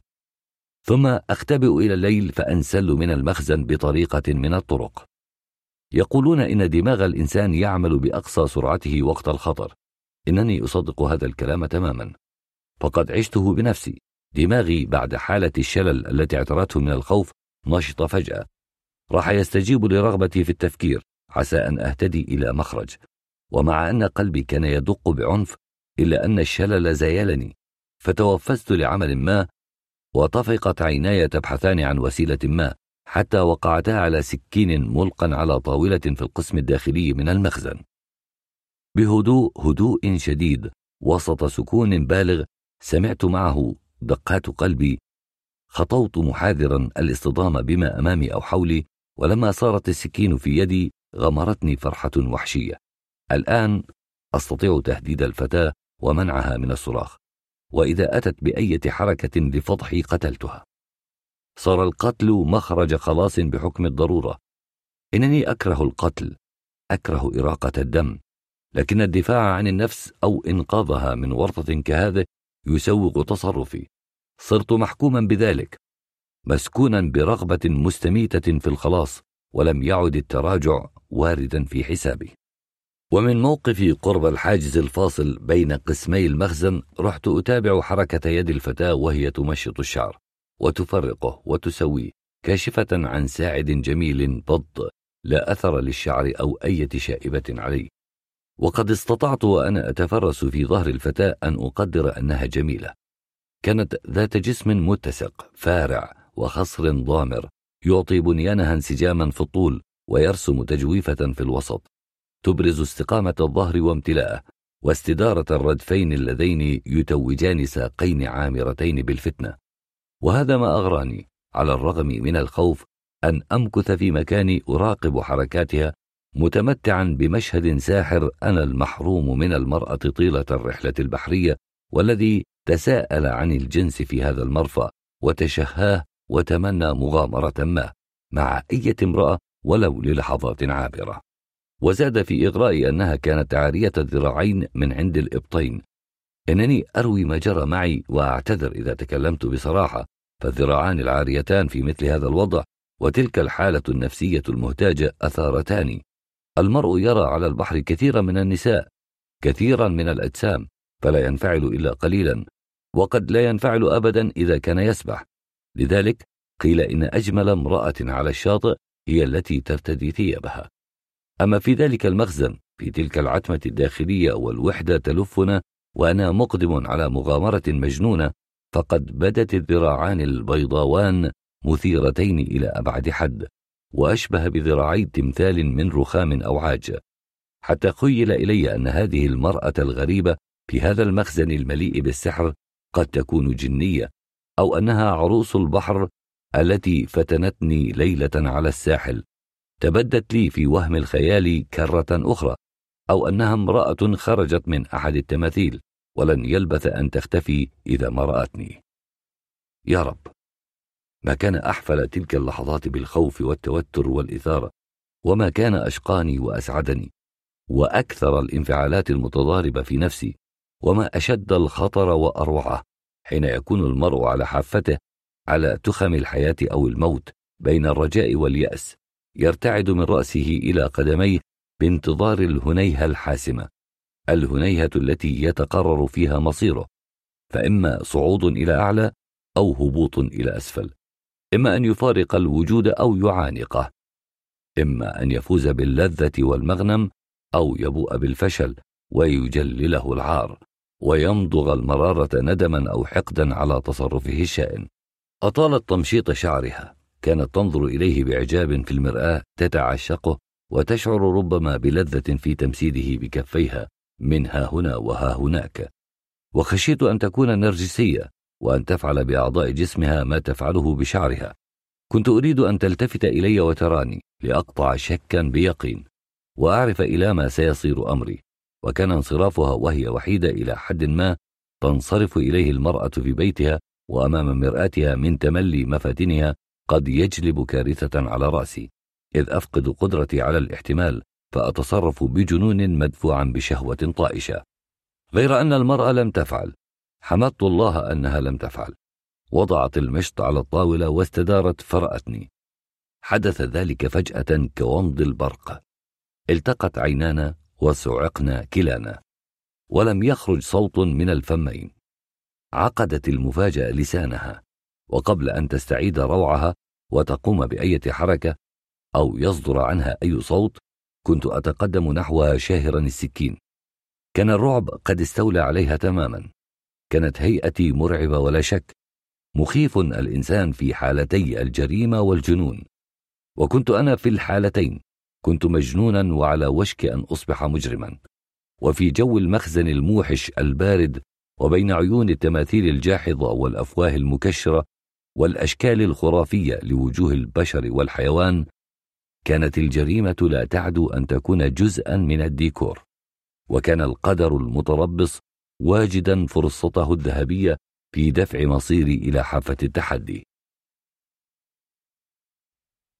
تحركت بغتة. أرادت الهرب حتما. انقضضت عليها وضعت يدي على فمها لأكتم صوتها واحتويتها بين ذراعي. قاومت. مقاومتها أثارتني. كانت جميلة شاحبة. ذات عينين سوداوين مشقوقتين إلى أعلى وقد اتسعتا واستطالتا بفعل الكحل والرعب. وبخلاف نساء ذلك البلد كان لها صدر صغير وعنق أبيض وأسنان كاللؤلؤ. منظومة داخل شفتيها السمراوين. وكانت حارة رقصة الملمس بين يدي ولم أعد في ذلك الوقت العاصف أفرق بين خلاصي ونزوتي ضعت تماما. صار الموت معها إلى جانبها فوق صدرها شهيا جدا بل إنني لم أعد أفكر بالموت ولا السجن ولا العار ولا تحذيرات القبطان. تملكتني حالة من فقدان الشعور بالزمان والمكان وعلى لساني تشهت رغبة قاتلة إلى الرضاب أو الدم. وسمعت وهي مضغوطة بين ذراعي تمتمة بحاء وأحسست بأنياب حادة في كتفي تغرز وتغرز إلى العظم رافقها ألم شديد موجع لا يطاق. فغضضت على شفتي كي لا أصرخ وضغطت على كتفيها بكل قوتي فإذا بها تنطوي نصفين وتركع وترتخي أنيابها عن كتفي وتكاد تهوي إلى الأرض ثم لا تلبث أن تفيق وتقاوم بشراسة بضراوة لبؤة. ومن جديد تتلاشى وتتمدد على الأرض وتروح في شهيق وأنين خافت. لا أدري كم مضى من الوقت. أحسب أنه كان وقتا قصيرا وأن المكان دار بنا ودار حولنا وأن التماثيل البوذية شهقت من استثارة ومقت وأن الموجودات والصور تحركت في أماكنها وذهبت الأشياء وعادت من أثر زلزال صغير وأننا تلاشينا معا وحين عدنا من تلك الغيبوبة الرائعة كنا أقرب إلى بعضنا وقد زال الحقد من العيون وتملصت مني وقفزت إلى الداخل ثم استدارت إلي متوفزة كنمر جريح وأنا راكع أمامها مطبق اليدين على عادة السكان في تلك البلاد أطلب صفحها ومغفرتها. كان بإمكانها أن تصرخ ولم تفعل وكانت السكين ملقاة على الأرض فلم تلتقطها اكتفت بأن دفعتها بقدمها إلى الداخل وأمام هذه البوادر عاودني الإطمئنان. استشعرت راحة بعد عذاب وشعت من عيني نظرات الضراعة ففهمت هي كامرأة أن كل شيء قد انتهى ولا فائدة من إحداث فضيحة فأشارت إلى الخارج وقالت كلمات لم أفهمها. نهضت عن الأرض نفضت ثيابي رأيتها تتناول سترة فتلبسها والتقت عيوننا في نظرة مصالحة ومرة أخرى وأنا واقف ضممت كفي أمام صدري علامة الشكر والسلام وأشرت إلى ما حولنا من تحف وأخرجت نقودا من جيبي. لا يوجد لا يوجد قالت بلغتها. يوجد يوجد قلت وأنا أشير إلى كل تلك التحف. لطمت على خديها بكفيها الحلوتين فأبصرت خاتم الزواج في يدها. كانت تريد أن تعبر عن خوفها لوجودي في المخزن وهو مغلق وتحذرني من مغبة البقاء. لكنني كنت أريد شراء بعض الأشياء لتكون شاهدا على أنني دخلت المخزن لأبتاعها. وكان وثوق قد تولاني أنها تحرص علي ولن تأتي بأي عمل يضرني وأنها خشبة إنقاذي من بحر الخطر الذي يموج من حولي. عدت أشير إلى التحف من حولي وأخرج النقود من جيبي فتهيأ لي أنها ابتسمت لغبائي أو جسارتي. قالت شيئا بلغتها لم أفهمه. أشرت بيدي حول عنقي ففهمت أنني أريد طوقا وفكرت قليلا ثم أومأت إلي أن أنتظر. التقطت السكين من الأرض وتناولت سلما من ورائها حملته وأسندته إلى جدار وصعدت بحركة رشيقة إلى آخر درجات السلم وشرعت تحز خشب الحائط بالسكين فيما يشبه المربع حتى بانت الطاقة ففتحتها واندست فيها ثم غابت عن ناظري وأنا أتابعها مدهوشا. ذهبت فتفقدت الباب وجدته مغلقا تماما. قلت في نفسي إن أحدا لن يشك في أنه غير مقفل إذا لم يجرب فتحه. مشطت شعري مسدته فركت وجهي تحريت ثيابي لأتأكد من أن كل شيء على ما يرام وأن هيئتي لا تبعث على الريبة. هدأت قليلا. نظرت في ساعتي فألفيتها الثانية عشرة. بعد ساعتين يحين موعد نوبتي على الباخرة. صرت على شيء من أمل في النجاة وفي العودة إلى الباخرة وقررت أن آتي كل يوم إلى هذا المخزن وأن أمكث فيه كل وقت الفراغ لأجل التحف ولأجل هذه المرأة التي لا أعرف اسمها بعد. ومع كل هذه الثقة المستعادة كان شيء ما في داخلي يؤرقني. لم أفكر بما حدث. تركت كل ذلك إلى الباخرة.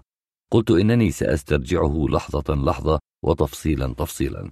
حين أكون وراء الدفة أو مستلقيا على فراشي المعلق في القمرة وسيكون ذلك ممتعا لأن الخطر الذي يتهددني قد انتفى وأنني إذا ما نجوت أكون قد فزت بامرأة وتحف. أكون قد فزت بما لا يحلم أن يفوز به أحد من زملاء البحارة. إنني على يقين تام أن أحدا منهم لم يستطع أن يعثر على خمارة خارج النادي ولا على امرأة في هذا المرفأ إلا في الخيال. وسيكون موضع دهشتهم أن أروي لهم كل ما جرى معي اليوم غير أنني لن أفعل. سأكتم السر. عندي الآن سببان لكتم السر التحف والمرأة. كنت أحاذر إثارة أية نأمة ولأن وقع الخطى قد يسمع من الخارج فقد تجمدت في مكاني وعيناي معلقتان بالكوة المغلقة التي انسلت منها المرأة إلى الداخل. كان السلم على الجدار ما يزال وخطر لي أن أتسلقه وألقي نظرة إلى الداخل حيث غابت المرأة وتركتني. لابد أن تكون هناك غرفة وفي هذه الغرفة أشياء مخبأة بدليل أن الجدار مدهون بالكلس ولا تستطيع النظرة مهما دققت أن تكتشف معالم الكوة قبل تحزيز الجدار. كما فعلت المرأة. لكن علام وجود غرفة سرية وراء هذا الجدار الخشبي. ولماذا يخبئون الأشياء هناك ما دام المحل هو ملك الدولة ككل المحلات في هذا البلد؟ وهل يؤدي هذا المدخل السري إلى الخارج؟ وهل ذهبت المرأة عبر الكوة إلى بناية أخرى أو إلى مخزن آخر؟ أتكون غادرة؟ هل ذهبت لتتصل بأحد؟ لو أرادت ذلك لاتصلت من هنا بواسطة الهاتف أم قدرت أنني سأمنعها أو فكرت أنني قطعت سلك الهاتف عند الدخول انهمرت علي الأسئلة كالمطر وكلما طال انتظاري تكاثرت الأسئلة وتنوعت كنت لا أفهم لماذا هذا المخبأ السري ولماذا هناك بضاعة مخبوءة أتعود لصاحب المخزن؟ ولكن من هو صاحب المخزن؟ وكيف يستطيع الوصول إلى كنزه هذا إذا لم يكن يعمل هنا؟ ومن هي هذه المرأة؟ زوجته؟ شقيقته؟ ابنته؟ المخازن مؤممة في هذا البلد هذا ما عرفته في زياراتي وما أكده القبطان وكل الذين يعملون في المخازن هم موظفون فهل الموظف هنا هو الصاحب السابق للمخزن؟ وجدت الفكرة معقولة. كان يملك هذا المخزن للأنتيكات قبل التأمين وقد استطاع قبل الوصول إليه أن يقيم غرفة سرية وراء الجدار ويخفي فيها كنوزه على أمل أن يأتي يوم ويسقط النظام القائم وتعود الملكية الشخصية وعندئذ يعود صباحا للمخزن ويخرج كنوزه من مخابئها. تساءلت عشرون عاما وهو يحتفظ بهذا السر؟ يبدو أنه خاف أن يموت وتضيع الثروة. فأطلع زوجته أو ابنته على سره. يا للنفس الطويل يا للأمل الذي لا ينقطع. إنهم يحلمون بالعودة إلى الماضي. ترى كيف يخططون للعودة؟ بأية وسائل؟ وهل وحده فعل هذا أم هناك أمثاله كثيرون؟ لابد من أن يكون هناك ملاكون كثيرون غيروا جلودهم ولم يغيروا قلوبهم. إنني أكتشف سرا خطيرا إذا. فما علي أن أفعل؟ قلت في نفسي لن أفعل شيئا. صممت على ألا أفعل شيئا. ماذا يهمني من هذا كله؟ إنني لست معنيا بأمر هذه السلطة ولا بأمر هؤلاء الملاكين. ما أريده هو النجاة. ما إن تعود المرأة حتى أبتاع منها بعض الأشياء ثم أتدبر طريقة للخروج من المخزن بمساعدتها. أنا واثق الآن أنها لن تشي بي.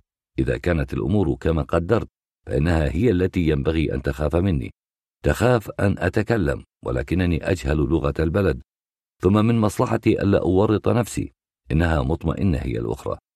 تستطيع عند بوح السر أن تقول إنني اقتحمت المخزن وهددتها بالسكين وضاجعتها بالقوة. إن حكما بالإعدام ينتظرني في هذه الحال فإذا كان السفير السويدي سجن ثلاثة عشر عاما لأنه تحرش بامرأة فكيف أنا وقد فعلت كل هذا؟ رباه! لتعد فقط ولا أريد شيئا لا أريد تحفا ولا كنوزا. الكنز الأعظم هو سلامتي. خلاصي من هذه الورطة انتهاء هذا الانتظار المعذب الذي طال وطال على غير ما كنت أرجوه. أخيرا سمعت حركة في المخزن. كانت الحركة صادرة من الأعماق. فيما يلي المكان الذي رأيت فيه المرأة تمشط شعرها. ارتعدت للوهلة الأولى. خفت أن يكون هناك إنسان ما وتمالكت جأشي. فزعمت لنفسي أنها قطة أو جرذ يمر بين الأخشاب والخزفيات والأواني المركونة. غدا قلقي متورما الآن طفح الكيل ولم أعد أصر على عودة المرأة. فكرت أن أجازف بفتح الباب والهرب لكنني استنبت أملا جديدا في عودتها قريبا. لقد انتظرت كل هذا الوقت ومن المحال أن تدعني هكذا فإما أن تعود أو يكون المخزن محاصرا إذا وشت بي. وفي الحالين أحسن صنعا إذا أنا انتظرت قليلا أيضا. قليلا جدا بحيث أتخذ قراري بعد خمس دقائق.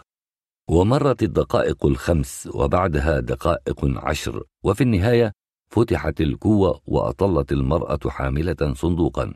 ومن داخل المخزن جاء رجل عجوز بلحية طويلة وشعر أبيض يرمش بعينيه ويحدق في كأنه قصير النظر أدركت الآن أن العجوز هو مصدر الحركة. لقد كان هناك من غير شك لكنني لم أستطع الجزم بوقت تواجده في المخزن.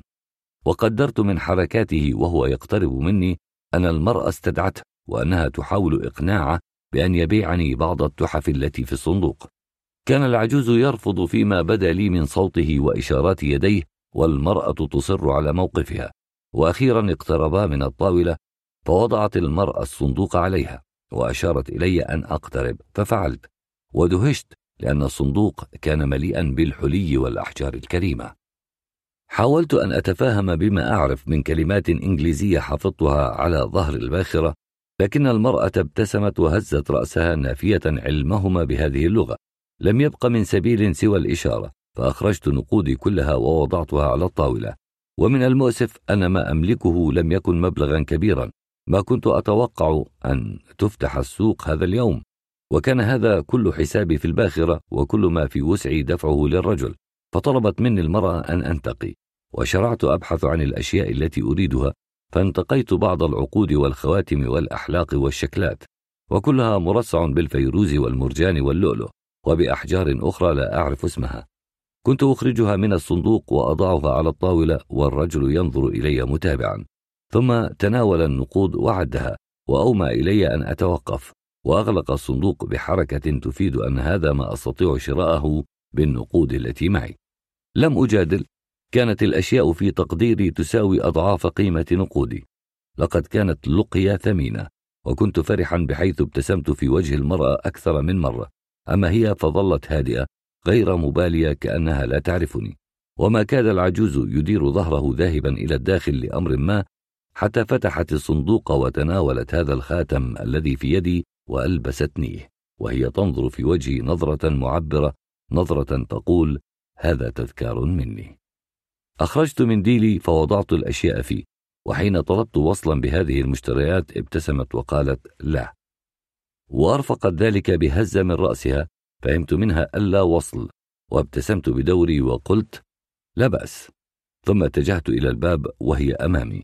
وبعد أن شقت الباب وتأكدت أن ليس ثمة من يراقب المخزن أومأت بيدها فخرجت. كان المنديل في جيبي وكانت يداي فارغتين وقد سرت ببطء سيرا عاديا حتى انعطفت في الشارع المؤدي إلى النادي البحري وعندئذ أسرعت. لا أصدق أنني نجوت وأن تلك المرأة الفاتنة كانت لي وأن منديلا فيه هذا الكنز الصغير في جيبي. والأهم أنني تجنبت القتل الذي أرفضه بكل قوتي دخلت النادي باحتراز. شربت زجاجة بيرة وتبادلت الحديث مع بعض البحارة وانصرفت مسرعا إلى المرفأ من دون أن ألتفت مرة واحدة إلى الوراء. كانت الساعة توشك أن تدق الثانية وقد حان موعد نوبتي على الباخرة. فصعدت السلم قفزا وانحدرت إلى قمرة التي كانت فارغة من الزملاء مما أتاح لي أن أضع المنديل في صندوقي وأسرع لاستلام النوبة. كانت السعادة التي غمرتني وأنا على الباخرة غير عادية. أحسست أنني ولدت من جديد وأن عمرا إضافيا قد كتب لي وأن الدنيا جميلة رائعة من حولي والبحر في المدى البعيد خارج المرفأ يبتسم لي وأن حظا طيبا قد واتاني هذا اليوم. كنت قادرا وأنا أقوم بالحراسة أن أغمض جفني وأسترجع في ومضات خاطفة كالبرق بعض الرؤى. بعض التفاصيل بعض قسمات المرأة وشعرت بامتنان عميق للبحر وللوجود وللمرفأ الذي هيأ لي هذه المغامرة الرائعة. حين انتهت نوبتي ذهبت إلى بار الباخرة. كنت جائعا وبي ظمأ شديد إلى الشرب. أحببت أن أسكر أن أفعل شيئا خارقا يعبر عن فرحتي. لكن المنديل الذي كان في الصندوق استأثر باهتمامي. فكرعت زجاجة البيرة وقضمت سندويشة كيفما اتفق وذهبت من فوري إلى قمرتي. وهناك فتحت الصندوق وأخرجت المنديل باحتفال خاص وشرعت أتفحص كل ما فيه على مهل بإعجاب بلذة بسعادة غامرة غامرة غامرة. في اليوم التالي استدنت بعض المال من زملائي ومن الصباح انطلقت إلى النادي ومنه إلى السوق ومن بعيد رأيت أبواب المخزن مفتوحة. خفق قلبي بقوة قلت في نفسي إنني سأكون حرا في دخول المخزن وفي البقاء فيه ما طاب لي وسيكون لدي وقت طويل لأتملى وجه المرأة في ضوء النهار الكامل وسأحاول أن أتفاهم معها وأن أعبر لها بأي شكل عن حبي وربما في الزيارات المقبلة استطعت أن أقيم علاقة معها علاقة حميمية صادقة لا أتوانى معها عن تهريبها إذا رغبت وعن الزواج بها إذا وافقت. لقد فتنتني تلك المرأة. وكان الخاتم في يدي شاهدا على فتنتي فأنا أنظر فيه وأعيد النظر وبأصابعي أتلمسه لأتأكد أنني أعيش حقيقة وليس حلما. دخلت المخزن بصورة طبيعية كان هناك بعض الأجانب من السياح تظاهرت بأنني أتفرج على التحف. تقدمت رويدا رويدا إلى الأمام وحين صرت أمام باب الفاصل نظرت إلى الداخل إلى المكان الذي كانت فيه الطاولة والمرأة والمرآة. فلم أجد شيئا. تغير ترتيب الأغراض. لم أجد العجوز الذي رأيته أمس. رفعت رأسي إلى الجدار فلم أقع على علائم الكوة فيه. لقد عاد الجدار الخشبي كما كان. بدا مطليا بالكلس بصورة لا تدع شكا بأن فيه ثغرة. تولتني حيرة شديدة. أصبت بخيبة أمل شديدة. ولولا الخاتم في يدي لظننت أن كل ما وقع لي كان خيالا. مكثت طويلا في المخزن على أمل أن تظهر المرأة أن أرى العجوز غير أن انتظاري ظل سدى أدركت عندئذ أن المعجزة لن تتكرر وكانت التحف قد فقدت قيمتها وبريقها في عيني فلم أشتري شيئا وغادرت المخزن حزينا خائبا. وهذه هي قصة الخاتم. كان القمر يتوسط السماء الآن والبحر يواصل تدحرجه على الرمل وهديره الحلو يعطي إيقاعا مغريا بالسهر والدنيا صيف والسماء صافية مضاءة بألق فضي أليف.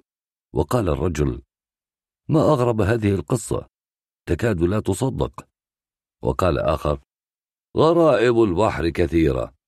ولاحظ سعيد أن بعض السيدات انسحبن واستمعنا إلى بقية القصة من داخل خيمة قريبة فندم لأنه أفاض في تفصيل معركته مع المرأة وقال أعذروني فقد أسأت الأدب بصراحة الكاملة. وقال الرجل الجلف الذي جاء في أول الليل إلى خيمته كان عليك أن تنتبه لوجودي. ولم يكمل الجملة. وقال الرجل الآخر المثقف والد الصغيرة لا يهم في الكتب تروى الأشياء بتفصيل أكبر وكلنا نقرأها. وساد الصمت فلم يقطعه إلا سعيد وهو ينهض قائلا تصبحون على خير. فقال رجل موجها الكلام إليه في أي ساعة ننطلق غدا إلى أرواد؟ في الساعة التي تشاءون. تناسبك الساعة العاشرة؟ الرأي رأيكم أنا معكم منذ الصباح. قالها ومضى. وما كاد يدخل خيمته حتى لحق به الرجل المثقف. زوجتي تسألك هل تبيع الخاتم؟ فكر سعيد كان الرجل عزيزا عليه وكان الخاتم عزيزا عليه وكان منظورا لعروس البحر. ومن المحال أن يبيعه لذلك تبدى الحرج في وجهه وقال على استحياء لتعذرني سيدة لا أستطيع التفريط بهذا التذكار. وقال الرجل مفهوم شكرا. وعاد كما أتى. استلقى سعيد على أرض الخيمة كان منفعلا بذكريات قصته وينتظر أن ينام الجميع ليبدأ رحلته. لقد قرر أن يهجر هذا المكان الذي شهد سباقه اليوم وحين يطلع الصبح يكون قد قطع مسافة كبيرة. بعد قليل أسدلت الستائر على أبواب الخيام وأطفئت أنوار الكازينو وسادت الظلمة وعم السكون ولم يبق إلا البحر منشدا على هواء. وعندئذ غادر سعيد خيمته غادرها متجها إلى الشمال على طول الشاطئ الذي كان مخفرا في ذلك الوقت. كان والده بحارا أيضا. لم يكن ريسا لكنه كريس. كان محترما ومحبوبا. حين تقول صالح حزوم فكأنك تقول عريس البحر الشجاع إنه تتوج بزهور القاع البيضاء واستوى على متن الموج كملك عن جدارة. وخلال حياته البحرية الطويلة تحلى بصفات جعلت صوته الجميل مفردا. وقام بأعمال ليست غريبة بالنسبة لبحار لكنها بالنسبة إليه كانت شيئا خاصا متميزا. وصفها بعضهم بالتهور وبعضهم بالطيش لكن بحارا عجوزا قال هذه هي الجسارة التي تليق ببحار ودونها يصبح عاديا كسائق عربة أو عامل في مرفأ. صالح حزوم وحده لم يصنف أعماله ما اهتم بذلك ولا اكترث اعتبرها شيئا عاديا كالتنفس والسباحة وشرب فنجانا من القهوة كان يقول لمن حوله أنا ابن البحر بين أحضانه أحس كأني بين أحضان أبي. أعرف أنه يحبني وأعرف أنه يريدني وأعرف أيضا أنه يلاعبني كما فعل الزير سالم مع الجرو ابن أخيه كليب. فحين اشتد الخصوم من عشيرة جساس على الزير ونازلهم بمفرده حتى يئسوا من أخذه حربا أو غدرا. أرسلوا إليه الجرو زاعمين له أن الزير قاتل أبيه كليب. عندئذ عمد الزير إلى امتحان الجرو. أرسل إليه أخته اليمامة ملثمة. فضربته بتفاحة تلقاها بسيفه فشطرها. عرفت أنه أخوها وكشفت له السر كذلك البحر. يمتحنني ليكشف لي سره. يخلع قلبي ليرى من خشب أم من دم هو. قلبي مثل قلوبكم. أنا ابن هذه الحارة ابن هذا الشاطئ ابن هذا البحر. فكيف ترون قلوبنا؟ وينتشر دبيب الرجولة في من حوله فتتألق العيون وتومض شرارات خاطفة وهم يجيبون من حديد يا صالح من حديد يا أبا سعيد. يجيب صالح أعرف أعرف. لا يكون من هذا الشعب من هذه الميناء من كان قلبه أرنبا. اسمعوا كلمة حديد لا تعني شيئا. الحديد بارد أخرس وقلب الإنسان حار خافق. الشجاعة ليست وحشية الوحش ليس شجاعا إنه حيوان مفترس. الإنسان شيء آخر يرق أمام شروق الشمس. ويتصلب أمام العاصفة. البحار صورة عن البحر. هل كل أيام البحر نوء؟ لا أحيانا يبدو وديعا كخروف. ولكن الخراف لا تعيش في المرفأ. الذئاب وحدها تصلح له. الإنسان ليس ذئبا وليس خروفا. صحيح ولكن البحر له قانونه الخاص. وللذئب قانونه الخاص أيضا. الذئب لا يليق بالبحر لا يملك قلبا له. حين تفور اللجة ترتعش جميع الحيوانات في أقفاصها. كنا نحمل شحنة من وحوش في أقفاص. فلما اربد الجو وحومت الشياطين السود والتمع البرق وثار الموج رأيت وحوش البر تنكمش مذعورة كأن قلوبها قد خلعت. نحن لا نتكلم عنك أنت عدم المؤاخذة. وحش بحر أنت لا تخاف يا أبا سعيد. لا أحد لا يخاف. الشجاع نفسه يخاف. لكنه يقاوم. هذا هو الفرق. قاوموا أينما كنتم. هذا ما علمتني إياه الحياة. يقول ذلك أو ما شابهه ويصمت. يبدو مأخوذا مع تيار شعوري خاص كأنه يسترجع في مثل هذه الأوقات ومضات من عالم آخر. ينحل الضوء ذرات في مئة وينفتح قاعه عن خضرة عجيبة سندسية تتفرق في أرجائها كائنات وتقوم تضاريس. وتتقاطع خطوط صخرية ذات كوى ومغائر وتنبت حشائش وتتشقق أكمام ورد أبيض ويجلس هو في الوسط ملكا متوجا من حوله عرائس الماء يغنين بأصوات رخيمة. تتوضأ قدودهن وتتخايل عبر الشفوف المائية أجسامهن الممشوقة الجميلة كأجسام الآلهة ويميل النهدان في كل صدر بشكل منفرج. والحلمات من توثب خناجر عنبية مزروعة وسط حقوق مكورة من باللور. ومع أنه لم يكن يفصح عن مشاعر من هذا النوع ولا يتباهى بما آتيه البحرية إلا أن رومانتيكية شباب غارب ما تزال تسم تصرفاته. كان في القرارة من نفسه يمارس أمنيات نابعة مما يسمع من حكايات البحر يتخيل نفسه عريس بحر أسطوري. ينزل إلى الأعماق في موكب كالذي للأمراء وهناك في الحدائق الشبيهة بحدائق قصور السلاطين يتجول يجلس يعشق ويغني بصوت هادر يهيج القاعات وفي الليل والقمر بدر يخرج مع عروس البحر إلى السطح يتنزه على الشاطئ يجوس خلل الرمال يطوف بين الصخور يختلس القبلات من حبيبته. يوزع على الصيادين هدايا الأعماق من لؤلؤ ومرجان ويسهر مع البحارة في الحي حيث الليالي بعد تعب النهار كلها مسرات وحيث تشهد حبيبته عادات وأفراح قبيلته من بحارة اليابسة.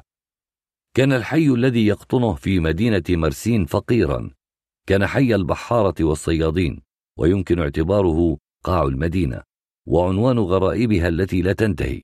إنه لا يستقيم على أي نحو مع أبسط تنظيمات الحياة ولا يعرف البنيان فيه أية هندسة وتتجمع بيوته وتتفرق على مزاج الذين بنوها وهم غالبا بناؤون من الحي نفسه أو من أحياء أخرى فقيرة مماثلة تعلموا المهنة بالتجريب فلم يبرعوا فيها قط أو لم يستجب أحد لبراعتهم. فالمهم في نظر الناس بناء أكواخ طينية أو خشبية متقاربة تفصل بينها أزقة ضيقة متعرجة وتتكوم على بعضها. متساندة متعاونة متحابة متباغضة. تقاوم الغرباء بشراسة وبشراسة تتقاتل فيما بينها.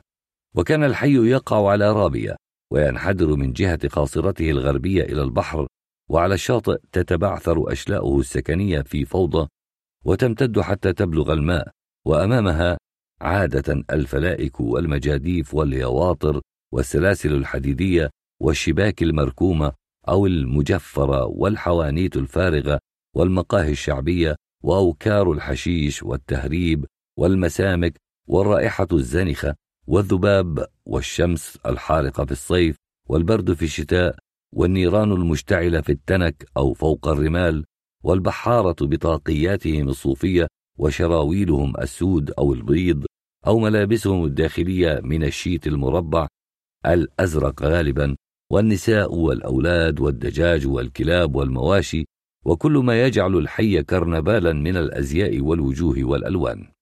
في هذه البقعة المبرقشة ذات الفوضى البالغة في هذا الحي البحري الفقير البارزة أضلاعه كهندي مدقع الزاخر برجال ينتزعون لقمتهم من أجداق الموج ولد سعيد حزوم. كان الأكبر بين إخوته وكان والده صالح حزوم قد هاجر من اللاذقية إلى مرسين واستقر فيها إثر رحلة بحرية. لقد وجد في الحي أشباها له من كل البلاد الساحلية. مغامرين متبطلين متسكعين بحارة صيادين عمالا في مختلف المهن. وكلهم جاء إلى هذا الوسط المتنافر المتضارب المشارب والآراء واللهجات يلتمس أن يجد مأوى أو يعثر لنفسه على مكان على الشاطئ أو يبني كوخا من أخشاب مسروقة من المرفأ أو مجموعة من أطراف المدينة بوسائل شيء ليس بينها وسيلة شرعية على كل حال. وكان في بر الأناضول نهر يصب في البحر شمال المدينة. كان النهر غزيرا عميقا واسعا يصلح للملاحة النهرية، وكانت فيه مراكب ومواعين تقوم بنقل البضائع والحبوب من بر الأناضول إلى المرفأ، ومنه إلى البحر ثانية. وفي هذا النهر كان يعمل قسم من البحارة الذين يقطنون حي الأكواخ هذا وكان النهر يمتد في أرض زراعية شاسعة ويتعرج منحدرا بين الجبال التي اخترقها عبر واد كبير ثم يترامى في السهول الواسعة إلى مصبه في سفح جبال أخرى وعلى طول مسافاته هذه تقوم المدن والبلدان والقرى وفيها مرافئ صغيرة للتحميل والتفريغ وفيها يتجمع القرويون الذين يركبون وسائط النقل النهرية في سفرهم بين الداخل والشاطئ. كان هذا الشريان المائي يبعث الحياة خصبة موارة في السهول والجبال من حواليه. كانت الأرض سوداء التربة صالحة جدا لزراعة الأقطان والحبوب. وكانت خضرتها في الربيع أبسطة يانعة لا حد لها والجبال ذات الغابات تطل عليها من الأبعاد فتؤلف معها ارتفاعات خضراء شامخة يتملاها بحارة النهر في شيء من خشوع وانبهار ويقطعونها فرحين كأنهم يجتازون حدائق الجنة نفسها. على مركب صغير في هذا النهر الواسع عمل صالح حزوم كان الجو يفتنه. وطوال فصلي الربيع والصيف كانت الأمداء ملعبا لبصره وخياله وكانت الزهور البرية النرجس شقائق النعمان المضاعف تدخل بهجة خاصة إلى قلبه. وعندما يمر المركب في الوادي عبر الجبال كانت أشجار الصنوبر والسنديان والبقس والزعرور المتشابكة على الجانبين تشكل مظلة من خضرة وتلقي في الماء الصفي المنساب باتجاه السهل ظلالها المتراقصة. فتبدو التهاويل كأنها لوحات طبيعية فائقة الروعة. وكانت حوافي الجبال في مقاطع الصخور وتدرجاتها تخلب لبة فهو ابن ساحل والجبال جديدة غريبة عليه وهي في استطالاتها وألوان تربتها وصخورها وفي الغابات التي تكسوها تبهره حتى لا يود أن يغادر المركب ويتسلق خواصرها ويضيع بين أشجارها. وكانت الشمس والقمر في طلوعهما من وراء الجبل في الأصباح والعشيات يؤلفان منظرا لا حد لبهائه وتبدأ أشعتهما الماسية والفضية تترامى على السهل الأخضر الفسيح فيبدو منبسطا من رصاص أو بحرا من زروع متموجة مع الريح وطيور الجوارح تتقاطع في سمائه في تشكيلات بديعة وصوت حنون يعلو في طرف السهل أو على رابية قريبة ومساقط المياه المنحدرة من بين الصخور في خرير موسيقي يضاعف من فرح الإنسان بالطبيعة من توحده معها واندماجه فيها مسربلا بجلال الكون العظيم. هذه الأوقات كانت تضاعف همة البحارة تبعث في نفوسهم نشوة خاصة وتؤرث نارا داخلية تنضح معها الجسوم عرقا في قلب شتاء فيقبلون على العمل وعلى الحديث والشرب والغناء وتتسعر أشواقهم إلى المرأة والعراك والانفلات وتتنزى من أحداقهم شهوة حارقة كأنهم جياع مسعورون مرضى لا يشفيهم سوى تحقيق الذات عن طريق العنف أو المغامرة أو الاختلاج الشهواني الذي يبرد لظا داخليا يفور كمرجل بخاري بقوة مئة حصان. وكان صالح حزوم الذي يلوذ بالصمت غالبا رجل المواقف الصعبة على الدوام خاصة خلال العواصف في الشتاء حين يرتفع منسوب النهر ويندفع تياره الجامح بسرعة رهيبة ويصبح المركب قطعة خشب تتلاعب بها المياه الهائجة وتهدد كل لحظة بقذفها على إحدى الضفتين. لتتحطم على الصخور أو تجنح بين الأدغال في رجة داوية يتقوض المركب فيها وتتخلع أضلاعه. وكان مقام صالح حزوم بين البحارة مقاما خاصا متميزا خبرته شجاعته قدرته على احتواء الموقف. صبره وعناده في التغلب على المشكلات الطارئة تعطيه هذا التمييز. وكانت قوته الجبارة في العمل حين يستنفر أعصابه ويمسك بكيس القمح زنة مئة كيلو فيرفعه بين يديه ويضعه فوق صفوف الأكياس في عنبر المركب أو على رصيف المرفأ مضربا للمثل. ومع أن هذا العمل ليس عمله فهو يقدم عليه حين تستدعي السرعة أو النوء أو زحمة الشغل ذلك. أما في المعارك التي تنشب بين البحارة على المركب أو في الميناء أو بين البحارة وعمال المرافق فإنه يثبت جسارة وسطوة معروفتين ومشهورتين وحين يصيح بالمتعاركين كفى معنى ذلك أن يكف الجميع أن يتوقفوا أن يحتكموا إليه وإلا تدخل في العراك وأدب الذين يركبون رؤوسهم. ولقد تمرد عليه بحار ذات رحلة كان بحارا شرسا سكيرا زانيا ولم يكن صالح يحاسب أيما بحار على الشرب أو الحب ذلك من حق البحار في رأيه. وكان هو في مقدمة الجميع من المتمتعين بهذا الحق لكنه كان يفعل ذلك باعتدال يشرب من دون أن يسكر ليس لأن جسمه الهرقلي قادر على امتصاص كمية أكبر من الكحول ولا لأنه يشرب متأنيا في البدء وفق طقوس يحترمها جدا ويطالب جلاسه باحترامها أيضا بل لأن في جسمه طاقة عجيبة على تحويل الكحول إلى ماء. وقدرة على ضبط النفس والامتناع عن الشراب إذا ما أحس أن دبيب الخمر سيفقده توازنه ويخرجه عن طوره الرصين المعتاد ويسبب له أيما حرج أو فقدان كرامة. ولم يكن متهالكا على النساء كان قناصا بالأحرى. إن نساء الخمارات أو عاهرات الموانئ لا يلفتنه إلا قليلا. المصادفات تضعهن في طريقه تنشب المعارك فجأة ويكون عليه أن يتدخل أن يسوي الموقف ويعيد الهدوء ويحمي الضعيف فارضا هيبته على الجميع وهكذا يغدو سلطانا. لا تلبث سلطانة النساء أن تنقاد إليه. وكان يكسب جيدا لكنه لم يكن غنيا غير أن أريحيته كانت أريحية كرماء. فعند اللزوم ينفق كل ما معه من غير تردد ويرفض بإصرار شديد أن يستثمر نفوذه الشخصي في أي مغنم فهو يدفع من جيبه لقاء أي خدمة تقدم إليه ولا يحمل منة ريس المركب نفسه. وفي إحدى الموانئ كانت امرأة تدير مطعما صغيرا لم تكن جميلة بل شبقة كانت مثيرة تلعب بالبحارة من دون أن تعطي نفسها إلا لمن تريد. كانت لها نزوة جنسية لا يشبعها عشرة رجال وكان البحارة يقولون فوزية وحدها تفتح ماخورا وتكفي زبائنه. وهي تسمع ذلك تعرفه ولا تبالي. وإذا تجرأ رجل عليها دافعت عن نفسها بشراسة وشهرت عصا أو سكينا أو أي شيء تقع يدها عليه من دون خوف أو حساب للعاقبة مع سلاطة في اللسان وحدة في الطبع يتقيها الناس ورجال الشرطة وكل عمال الميناء. وكان البحار شبع ممن أغرموا بها.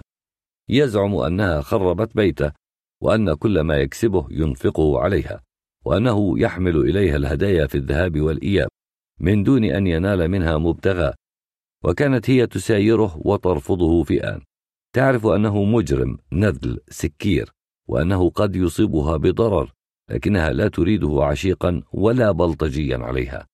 وتحاول أن تصده بالحسنى فإذا تنمرد دخلت معه في عراك. ويبقى الحاضرون عندئذ جانبا يخشون التدخل خوفا من إجرام شبع وسلاطة فوزية. ولم يكن صالح حزوم معنيا بما بينهما من مشاكل إنه كالبحارة الآخرين يأكل في المطعم ويدفع حسابه ولم يكن عشيقا لفوزية بأية حال. كانت بينهما مودة فإذا دخل المطعم استقبلته بترحاب خصته بالكرسي الأجود والصحن الأنظف والطعام الخاص وجلست إلى مائدته تشاركه الشراب إذا رضي ساعية إلى أن تكون هي نفسها في خدمته من دون العاملين لديها وهذا ما كان يثير حسد شبع ويغر صدره ضد صالح. وفي ذلك اليوم عصرا كان صالح في المطعم. وصل المركب بعد الظهر بقليل وشرع العمال بتحميل أكياس الحنطة ولم يجد البحارة وقتا للنزول إلى الميناء إلا في الأصيل. وكانوا جياعا وكان صالح يريد أن يأكل بسرعة ويعود إلى الشغل. لكن فوزية كعادتها طلبت له شرابا وجلست إلى طاولته. هذا ما أثار شبعه ودفعه إلى افتعال معركة في المطعم. وقال صالح في نفسه لن أتدخل. ابن الزانية هذا أصبح في حالة سكر ومن الأفضل إعادته إلى المركب. ظل جالسا يراقب ما يجري بصمت ولم تأبه فوزية لصراخ شبعه تركته وشأنه. ولم تكترث لما حطمه من صحون وأقداح لكن شبع جاء إليها إلى طاولة صالح وحاول جرها إلى طاولته بالقوة. يا عاهرة تأخذين مالي وتذهبين إلى غيري؟ أنا لا أخذ مالك أنت لا تملك مالا أصلا كل ما تكسبه تنفقه على السكر. أنفقه عليك فشرت قحبة. وصفعها بوحشية. صرخت فوزية من الألم كانت عزلاء. ولم يستطع الخدم إنقاذها من يديه. عندئذ تدخل صالح. تجاوز أن شبع اعتدى على جليسته وأنه انتزعها من طاولته وضربها. هي المرأة بهذه الشراسة. كان ذلك قمينا في مكان آخر وجو آخر بدفعه إلى قتل المعتدي. لكنه تجنبا لضرب زميل له وكي لا يفرض نفسه حاميا لها عمد إلى تهدئة شبع وتخليص فوزية من يديه. اهدأ يا شبع! صاح محتدا. دعها ولا تتدخل يا صالح. ولكنها امرأة ألا تخجل؟ أنا أخجل. أما أنت؟ أنا لا أريد العراك معك ولكنها امرأة. مثلك. لن أضربك يا شبع إهدأ. دعها لي إذا دعني أقتلها. وإذا لم أفعل تكن قوادها. أنا قواد؟ أنت قواد وأكثر. وأنت؟ قالها وهو يلكمه في وجهه فأفلت فوزية وترنح من قوة الضربة. أنت بندوق أضاف صالح. أنت سافل ابن سافل. وانتزع كرسيا وهوى به على رأسه. سأربيك يا شبع وأرجعك إلى أمك. وراحت فوزية وقد تحررت تطلق سيلا من الشتائم المقذعة فيما كان صالح وقد تناول شبع خشبة غليظة يتقي ضربة انحط بها عليه بكل عنفه الإجرامي.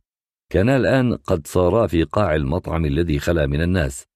التجمهر كان على الباب وفي الشارع وكان ثمة خوف على صالح لمعرفة كل من في الميناء. أن شبع قاتل لا يتورع عن استخدام أية أداة يطالها للبطش بخصمه.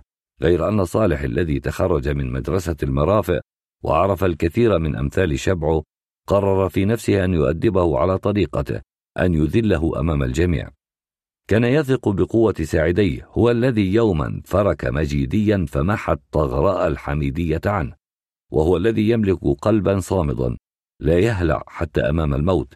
كان يرفع كرسيا إلى الأعلى بأسنانه فكيف إذا رفعه بيده؟ والكراسي موفورة منتثرة في كل أركان المطعم. ومن بعيد أمام الخشب المصوب إليه كان يهوي بالكرسي تلو الآخر فلا يتيح لشبعه أن يرفع رأسه إلى أعلى. كان همه أن يقترب منه. ألن يمسك به بيديه الحديديتين؟ فلما توصل إلى ذلك انتزع الخشبة منه وضربه بالجدار وبجماع يده المنضمة عجله على رأسه. فتهاوى شبعه في الزاوية مفسحا لقدمي صالح أن تعملا به ركلا وتحطيما حتى إذا تمدد على طوله أمسك به من ياقة سترته وجره خارج المطعم وهناك ألقاه شلوا في الشارع ونفض يديه من دون أن يتكلم. كل ما فعله أنه طلب من الناس التفرق وقال بعد أن استرد هدوءه موجها الكلام إلى فوزية عودي إلى عملك. ثم اتجه بطيئا هادئا إلى المركب الراسي على مقربة في النهر ولم ينجح عمال الميناء في حجز شبع الذي نهض شاتما معربدا ولحق به إلى المركب. تناول هذه المرة قضيبا حديديا من الميناء وشب من بين المحيطين به صارخا دعوني سأقتله. تدافع الناس من جديد ركضوا باتجاه المركب وعلى حافته في أعلى السلم وقف الريس حائلا بين شبع وصالح لكنه لم يفلح في محاولته. وتمكن شبع من تسديد ضربة إلى كتف صالح. وقبل أن يهوي بالقضيب ثانية كان صالح قد التحم به. وبدأت معركة عنيفة على المركب وتدحرج الاثنان وتخبطا ثم اعتلى صالح صدر خصمه وأمسك برأسه وراح يضربه بالأرضية الخشبية والريس يصيح خلاص يا صالح لا تقتله لا توسخ يديك به هذا القذر وفي اللحظة نفسها فغرت الأفواه دهشة كان صالح يرفع شبعه إلى أعلى إلى فوق رأسه وخيل إلى الجميع أنه سيضرب به حافة المركب وأنه سيقتله لا محالة. لكن صالح اتجه إلى النهر وقذف به إلى الماء كخرقة لحمية وقذف بالقضيب الحديدي وراءه ومن جديد نفض يديه وجلس على كيس ملقى على السطح وشرع يلف سيجارة وهو ينتفض غضبا. هكذا حين يريد كان يقنص النساء.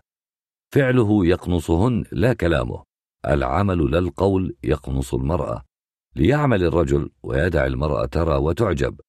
جمال العمل لا جمال الوجه بالنسبة إليها هو الحقيقة وهو الرصيد والقيمة التي تتفوق. في النهاية على كل قيمة أخرى. وعندما يفعل الرجل ويعف عن استغلال فعله تصبح أريحيته شيمته إيماءته المعطرة نداء آسرا وجاذبا لا يقاوم. ولقد دلل فعل صالح عن رجولته. ما أتاه كان نخوة. تحية للحق تحية للعدل تحية للنهر وتحية للمرأة. ثم لا شيء أدار ظهره ومضى. أصر في كل وجبة تناولها بعد ذلك على دفع حسابه كاملا. قبل عناية فوزية به إيثاره لها واحترامها الشديد من دون أن يمن بكلمة بنظرة بحركة جارحة رفض نداء الرغبة الذي تسعر في دمها. رفضه بلطف لكن بإصرار. كان هواه في مكان آخر في ميناء من هذه الموانئ في بيته في حضن زوجته. إنه لا يتكلم عن هذه الأشياء لكنه يتصرف كمن به شبع من الجنس ويعيش مزاجه الخاص راضيا بما يستشعره من ود وما يلقى من اعتبار. كان يلبس شروالا أسود ويتزنر فوقه بزنار معرق على قميص من دون ياقة وسترة مشقوقة عند الظهر. وينتعل حذاء معكوفا شأن البحارة وعلى رأسه طربوش خمري يلبسه فقط في المناسبات. مأثرته الكبيرة لم تكن في المعارك الكثيرة على ظهر المراكب أو في المرافق هذه أشياء مألوفة يأتي بمثلها البحارة دائما وهو فوق أنه لا يستطيبها ولا يذكرها كان يأنف منها. إذا كان قد أدب شبعه فهناك العشرات أمثاله. بر الأناضول مليء بالأشقياء بالمجرمين باللصوص والعصابات في المرافئ ذات سطوة. إنه يعرف كل هذا ويقدر الظروف ولا يتدخل في صغائر كهذه قانعا بأن أحدا لا يتعرض له وأن أحدا لا يدوس على رجله كما يقول. وما تبقى لا يعنيه وإذا كان شعبيا بطبعه ومناصرا للضعيف وكارها للظلم فإنه كان يفعل كل ذلك بالفطرة الإنسانية. بالحس السليم من دون وعي ومن دون فهم لمصادر الشرور في هذا العالم. وكان يأسف ويذكر هذا كثيرا أنه لا يقرأ ولا يكتب. كان أميا تلون دنياه رؤوس الحكايات وتقربه من الفهم الصائب تجارب وخبرات. وكان يكره الأغوات يكرههم منذ يفاعته وبما عرف عنهم في بلده الأول اللاذقية. ويستشعر ضرورة كبيرة في التضامن مع زملائه أينما عمل ويعتبر الحي بيته. إن الحي كله أسرته وهو مستعد للموت دفاعا عنه ضد غارات الأحياء الأخرى ضد تجاوزات الزعران من الأحياء الأخرى. لذلك كان مقدرا في حيه وممن يحسب حسابهم رجال أحياء المدينة. لقد ختم حياته في الملاحة النهرية ختاما مجيدا خارقا متهورا. كأنما أراد أن يربح معركة ويقول للنهر وداعا. فوزية بعده صارت راوية. كانت تروي القصة ولا تمل. في ختامها ترسل هذه الأمنية. آه لو يعود. وفي المرافق ظلوا يذكرونه. يقولون النساء لا تلد مثل صالح. يضخمون الحكاية على هذا النحو حتى يرضوا أنفسهم والسامعين. وهكذا انقلبت الحكاية إلى أسطورة. وزاد في تأثيرها أن صاحبها غاب عن عالم النهر فهو بعيد والجمال أبدا في البعيد البعيد جدا. ويضحك صالح إذ يسمع كل ذلك يقول الناس يحبون الحكايات يتزودون فيها ويطيلون قامة البطل لأنهم بحاجة إلى حكايات وأبطال. يتصورون أنفسهم في الحكاية تصير مع الأيام حكايتهم ولأنها كذلك تصبح قابلة لكل أنواع المبالغات. القضية يا أولاد بسيطة. ليس هناك سحر ولا تميمة. وليس من إنسان لا يخاف لا يقهر ولا يموت. الشجاعة عدوة الحذر عدوة التردد عدوة الحسابات الكثيرة. لو حسبت يومها حساب الموت ما أقدمت. ولو فكرت أن العملية خارقة ربما تراجعت. المسألة وما فيها أن الأشياء طبيعية. وحين نأخذها كذلك نقوم بأي عمل بشكل طبيعي من دون خوف ومن دون تفكير بالعاقبة ثم ما العمر؟ ولماذا؟ ألم يقولوا إن الرجال تهد الجبال وأن النساء تهد الرجال؟ أنا لم أهد جبلا ولا هدتني امرأة عملت بحارا وسلكت سلوك البحار وهذا كل شيء نعم هذا كل شيء كان ذلك في يوم عاصف. هذه الكلمة لا تكفي ولكني لا أعرف كيف أخترع الكلمات العواصف أنواع وفي حياتي البحرية شهدت أنواعا منها.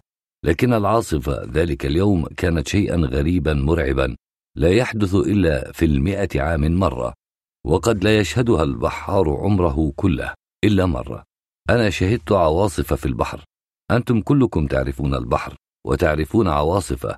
حتى أشدها سرعة وهيجانا لكن تلك العاصفة تختلف وهي في النهر تختلف عنها في البحر ففي النهر تيار إذا ساطته العاصفة ودفعته سرعة الريح انحدر خاطفا كالبرق جائحا كالساعقة صاخبا كوحش قاطعا كحد السكين إنه مرعب يخلع قلب البحار ويدمر أي مركب ويخرب الضفتين ويحمل معه في اندفاع المياه الحجارة والصخور والأشجار.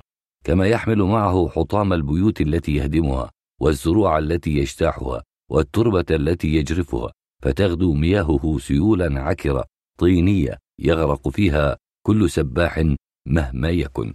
في البحر تختلف الأشياء. هذه البركة المائية الزرقاء الواسعة تضطرب في العواصف وتصخب أمواجها وتندفع محمحمة إلى الشاطئ وترتطم بالصخور فتتحطم وتتناثر وتغدو زبدا بخارا أبيض وترتد إلى الماء ثانية في زئير وحشي مخيف. لكن البحر عريض فسيح لا يجري بين ضفتين ولا يملك تيارا وتستطيع فيه المناورة والحركة وتفادي التيارات الجوفية بأن تبتعد إلى الأعماق. وبقدر ما استطعت إلى الأعماق. أما النهر فأنت مكبل فيه محصور في واديه الضيق وبين ضفتيه المتوازيتين. مخطوف مع تياره إلى حيث يندفع هذا التيار فكأن يد الله القوية قوة فائقة هي التي في سرعة الريح المجنونة المولولة تدفعك إلى قلب الجحيم. هكذا يا أولاد تتبدل الأشياء ما بين بحر ونهر وكنت أنا البحار أبا عن جد. أعرف البحر جيدا وحسبت نفسي أعرف النهر حتى وقع ذلك الحدث واكتشفت أن النهر كالبحر تماما يخبئ سره في ذاته في مائه وأنه كغضب الله المنتقم ينزل بالناس فيقوضهم ويبددهم ويخرب ما بنوه على ضفتيه. وما أقاموا في مرافئه وما ساقوه على متنه من وسائل الشحن أو السفر. ويجرفها في طريقه كعيدان كقطع خشب صغيرة كأشجار انتزعها وجرفها في اندفاعه وهديره المسعور.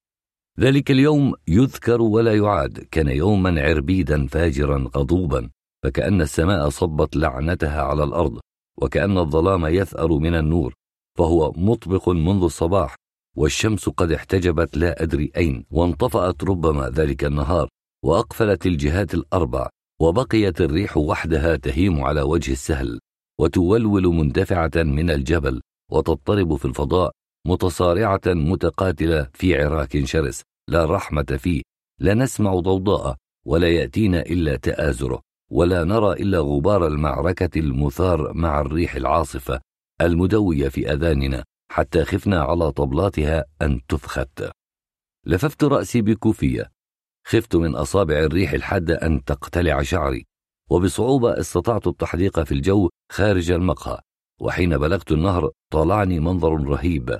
السيول تنحط مندفعة مع المجرى آتية من بعيد منخطفة إلى بعيد هادرة بقوة آلاف الأحصنة والمراكب والفلائك والمواعين وكل وسائل الملاحة النهرية الموجودة في مرفأ قرة شهر تتخبط في وسط التيار وتندفع معه باتجاه الغرب وتشد بالحبال حتى تكاد تقطعها وليس من قوة بقادرة على تخليصها من كف المياه التي تلطمها وتعصف بها. وتهدد بأن تجرفها وتحملها من منحدر الجبال إلى البحر.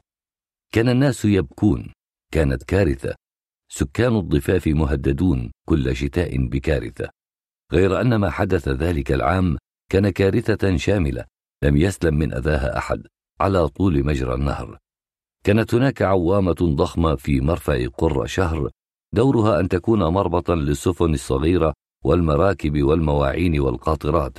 وكانت هذه العوامة ونحن نسميها الغيز مثبتة في النهر بشكل لا يمكن اقتلاعه وقد قاومت كل العواصف وصمدت لكل الأعاصير وأعطت برهانها خلال أعوام طويلة وصارت موضع ثقة البحارة الذين يلجؤون إلى هذا المركب.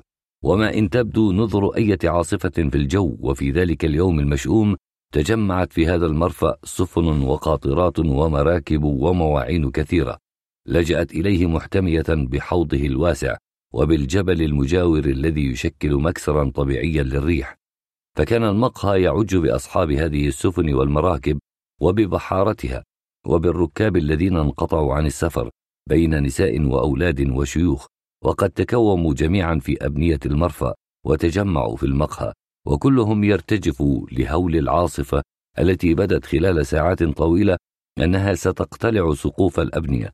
وتحمل المقهى وتلقي به في النهر وتخطف الناس إذا هم خرجوا من مكامنهم أو اقتربوا من ضفة النهر أو تجرأوا فحاولوا الصعود إلى ظهر أي مركب يتأرجح في مهب التيار ويترنح يمينا ويسارا وحباله تغوص في الماء وتظهر على السطح في توتر بالغ يوشك أن يتقصف.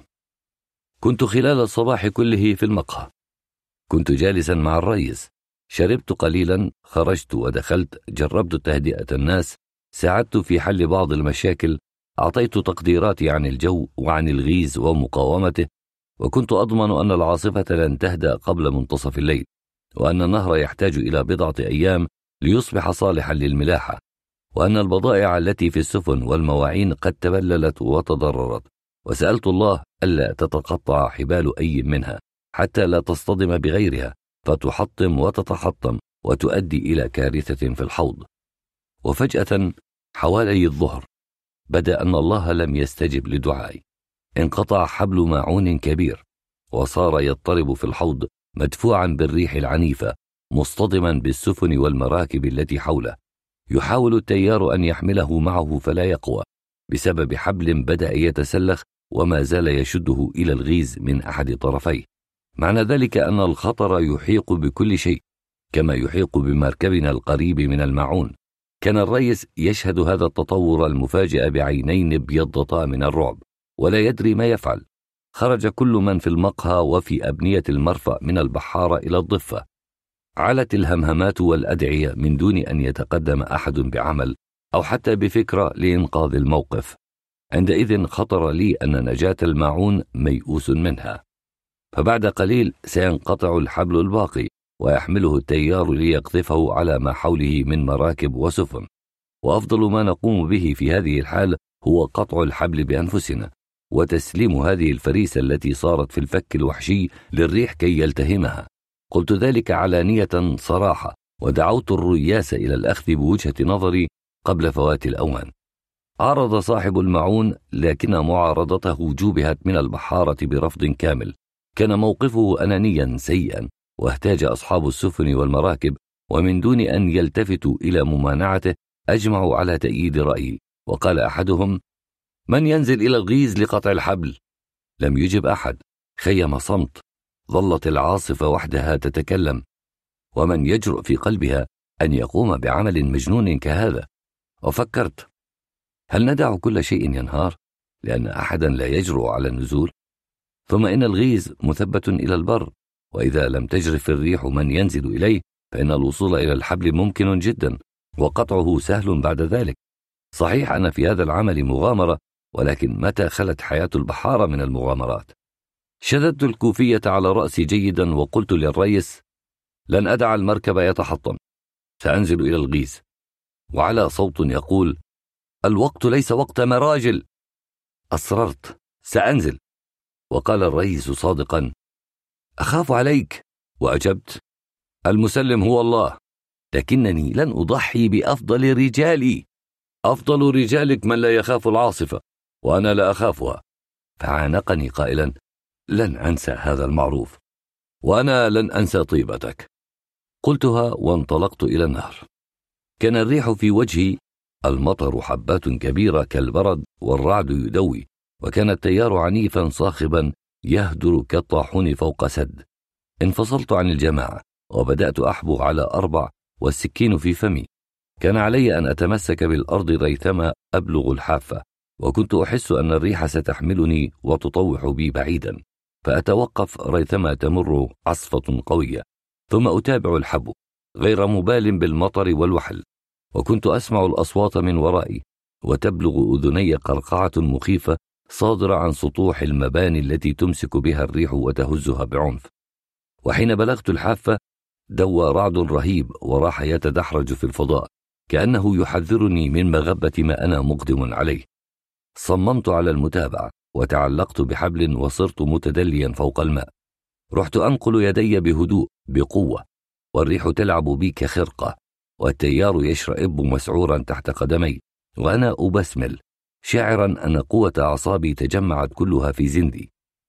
لن أكذب فأقول إنني لم أخف لقد خفت وقاومت الخوف. الإنسان حين يصير في قلب الخطر يسيطر على الخوف. يكون قد خبره وأخذ يعايشه ويبقى الفضل للقلب. إذا ثبت القلب ثبت الإنسان. وقد ثبت قلبي والحمد لله وبلغت الغيز من دون أن أسقط في الماء. كانت الصعوبة هنا أن ظهر الغيز مسطح ولا حوافي له ليس ثمة سوى الأوتاد التي تشد الحبال. وكانت هذه الخشبة الضخمة العائمة تتأرجح تحتي تهوي من أمام وتهوي من وراء. وتصر الحبال والأسلاك الحديدية على الأوتاد بأصوات صماء حادة. وتنقذف الأمواج التي تصطدم بجسم الغيز وتقفز إلى السطح. ثم تعود في خرير مريع إلى النهر. وأنا أتمسك بالحبال والأوتاد وعيوني دامعة. تعميها الريح والمطر والرؤية غائمة صعبة لا أستطيع معها تمييز ما حولي إلا بصعوبة بالغة. تبللت ثيابي كلها التصق الشروال والقميص على جسمي وصارت الجاكيت حابكة على جذعي تقيد حركتي. والسكين في فمي أضغط عليها بقوة لأن فقدانها معناه فشل كل شيء. ضياع المغامرة والتضحية من دون فائدة. كان البرد شديدا ومع ذلك أحسست أنني أكاد أختنق. تمنيت لو كنت عاريا إلا من الثياب الداخلية لعل هذا الاختناق الذي أستشعره يخف قليلا. أصبحت لا أحس بالريح والمطر والتيار الخاطف كأشياء خارجة عني. كنت خلال الصراع ملتحما بها وصارت بالنسبة إلي كائنات محسوسة أواجهها أمسكها أضغط عليها أقاومها. وكما تغرس أظافرها في جسمي وروحي أغرس أظافري في جسمها وروحها. لم أفقد عقلي. لكنني لم أكن أتصرف بهدي العقل. كانت غريزة البقاء التمسك بالحياة الدفاع عن الوجود هي التي تملي علي تصرفاتي. وخيل إلي لوهلة أنني أقف على ظهر فرس شاموس تسير خببا تحتي وأنه إذا لم أغرز قدمي في ظهر الفرس فإن وثباتها المجنونة ستقتلني وتلقي بي أرضا. أخيرا بلغت الحبل الذي يربط الماعون بالغيز. قدرت أن قطع الحبل سيحدث رجة عنيفة وأن الغيز سينتفض وينفضني عنه مهما سمرت رجلي بالسطح وأن من الأفضل أن أجلس حول الوتد وأشبك ساقي من حوله وزيادة في الاحتياط أمسكت به باليد اليسرى وتناولت السكين من فمي باليمنى ورحت أقطع الحبل وفي أذني تنصب الأصوات الآتية من البر الصادرة عن الجموع التي تزاحمت وهي تتابع حركاتي. تشهق من خوف مرة وتهلل من حماسة أخرى. وترقب باهتمام بالغ هذا الصراع الوحشي بين الإنسان والطبيعة. كانت السكين حادة. كانت من نوع الكباس وهي سلاحي ورفيقي دائما. وكنت أثق بها وأعرف أنها لا يمكن أن تخونني في وقت عصيب كهذا. لكن الحبل كان ثخينا أيضا وكان مبللا وكنت أحاول قطعه بيد واحدة غير مستقرة غير مستحكمة. وهي تتأرجح تبعا لتأرجح الجسم مع الغيز ولا بد من تركيز قوتي وقطع الحبل نشرا وبصبر وإصرار وفي موضع واحد وهذا ما أدى إلى تطاول الوقت وإلى نفاد صبر الذين على البر وإلى لهفة عبروا عنها بهتافات مدوية حين انقطع الحبل وشال الغيز إلى فوق وانحط بكل ثقله في الماء بينما طار الماعون كسهم. مدفوعا بالتيار الجامح وراح يضطرب وهو يمضي مسرعا مولولا مخطوفا حتى لا تدركه العين. أما أنا فقد رجت الصدمة كل كياني. دخل بعضي ببعضي. جسمي تقوس تضعضع وأمعائي اضطربت وأصبت بدوار حال بيني وبين النهوض فورا. تلبثت في مكاني وأطبقت عيني لأستعيد وعيي وأستجمع قواي وأحدد أين أنا وماذا حدث. لم أكن في تلك اللحظات أقدر الخطر المحيق بي.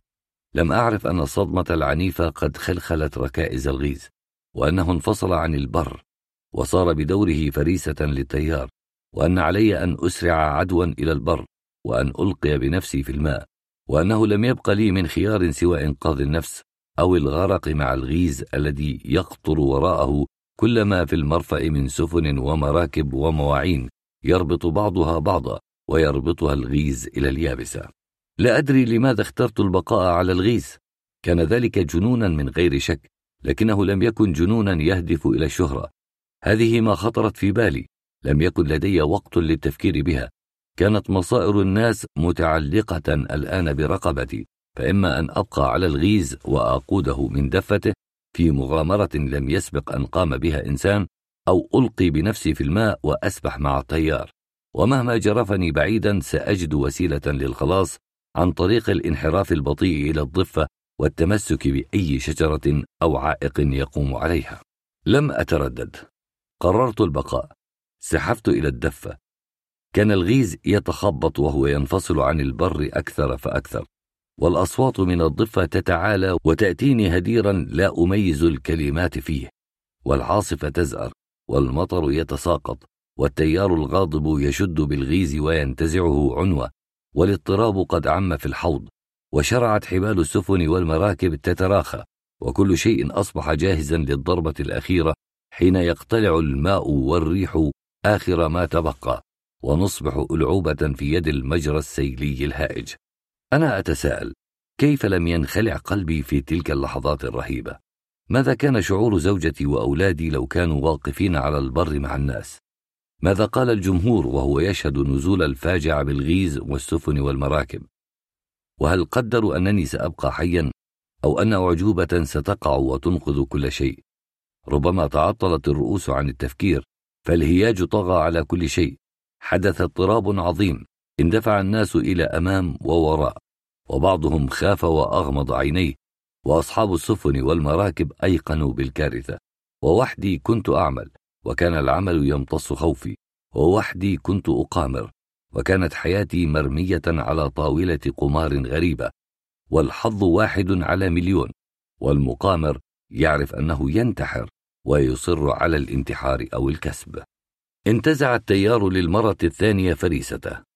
كنت ممسكا بالدفة ولم يهادن المطر ولا هادنت الريح عيوني. حدث كل ذلك بسرعة خاطفة كومضة البرق. اندفع الغيز إلى أمام وأنا على متنه ودفعه التيار بأقصى عنفه. وتهيأ لي أنني أطير وأنني أقف على مقدمة قطار يجري على الماء ساحبا وراءه مقطورات لا عد لها. وكان القطار يتخبط والمقطورات تتخبط والانخطاف المجنون في أقصاه. وأنا أطير أطير مبتعدا عن المرفأ مقذوفا إلى أمام على طول مجرى النهر. ولم يجري وداع في هذه الرحلة الغريبة. لا أنا رفعت يدي ملوحا ولا هم لوحوا بأيديهم من البر. كانت الدهشة القاتلة هي المسيطرة. كنت مسافرا مخطوفا على متن بساط الريح. كنت كفتاة قوقازية خطفها حبيبها وانطلق بها يسابق الريح. كنت أنا الريح وكانت الريح أنا وكان التيار الذي وحدنا يمضي بنا بعيدا والذين تراكضوا على طول الضفة ما لبثوا أن توقفوا. كانوا عاجزين عن السباق وعاجزين عن اللحاق وعاجزين عن فعل أي شيء وكانوا تحت المطر والبرد وفي قلب العاصفة المدومة وكانت ثيابهم مبللة وشعورهم مبللة وعيونهم مغشاة بالماء. وقد حاولوا بجهد كبير أن يفتحوها وأن ينظروا إلي لكنني كنت قد مضيت وكان التيار الخاطف الهادر يحملني بنزق جامح ليقذف بي على الضفة أو يرمي بي في مصطخب الأمواج إلى البحر. قالوا لي بعد ذلك إنهم رجعوا إلى المقهى خائبين. أكبر رجولتي أكرم فعلتي مجدوا شجاعتي وتكلموا في ذلك اليوم كثيرا عني لكنهم كانوا يائسين. كان القنوط من الرحمة قد بلغ بهم حد الكفر لقد ضاع تعب أعمارهم في لحظات. السفن والمراكب والمواعين والبضائع كلها أصبحت فريسة للنهر الجامح. صارت جزءا من الكارثة العامة التي شملت الزروع والبيوت والقرى والسدود وكل ما على مجرى النهر من النبع إلى المصب. لقد دمرت العاصفة كل شيء وأغرقت كثيرا من الناس ومن كان على نخوة تأسف عليه وقال في شيء من حزن صادق ضاع صالح. أنا نفسي قلت ذلك أيضا. في الوهلة الأولى كنت مصعوقا كنت مشتتا. كانت الضفتان ترتدان إلى خلف بينما أمضي أنا إلى أمام. وكان زئير النهر قد أصم أذني. وكانت الدنيا غائمة مضبة والرؤيا متعذرة. وكان المطر متواصلا تصوته الريح بقسوة. وكنت مندفعا محمولا مسيرا مع التيار. وشيئا فشيئا ارتد الوعي إلي. تذكرت ما حدث. أدركت أن النهر سيقذف بي إلى البحر وأن الارتطام الشديد بين التيار والموج سيردمني ويطويني وأن النجاة صعبة بل مستحيلة. وفكرت على نحو خاطف بعائلتي فاستيقظت حلاوة الروح في بدني. صارت الحياة بكل معزتها أمنية غالية ورحت أبحث عن سبيل للخلاص. واكتشفت كمن يفيق بعد صدمة أن الدفة بين يدي وأن بوسعي على الرغم من الاندفاع أن أعارض التيار وأخادعه. تساعدني في ذلك رحابة النهر والثقل الذي يشد الغيز من وراء. كانت محاولة وكانت المحاولة الوحيدة الممكنة. وكنت كالغريق الذي لا يخشى البلل. وكان الكي آخر الدواء في هذه المعالجة. وما كنت معرضا للخسارة. لم يبق لدي ما أخسره. صارت مصاحبة سبلة الماء والانحراف جانبيا إلى الأماكن الأقل احتياجا في النهر. وتخفيف الاندفاع تدريجيا هي الخطة التي تفتق عنها ذهني المكدود والقشة التي تعلقت بها أنا الغريقة وواتاني الحظ يا أولاد. الحظ يؤاتي من دون موعد. في قلب المحنة يشرق أمل الخلاص. في الظلمة ينقضح ضوء. ووسط العاصفة تبدو بادرة الفرج. ولقد أحسست أنا البحار أن الجو بدأ يتغير. وأن الله لم يتخلى عني كليا. تغيرت الريح ومالت تدريجيا إلى الهدوء. شعرت بذلك في وجهي في صدري في شفتي وعيني. وكذلك شعرت به من اندفاع الغيز الذي تحتي وزاد الأمل في نفسي. تعمقت ثقتي بالنجاه وحاولت بكل حدة بصري أن أميز ما على الضفتين من حولي. عسى أن أعرف أين صرت والمسافة التي تفصلني عن المصب. كان الوقت الآن يعمل لصالحي. كلما تأخرت في الارتطام بالمصب الثائر كان ذلك لخيري وكنت قادرا الآن على تخفيف سرعة الاندفاع.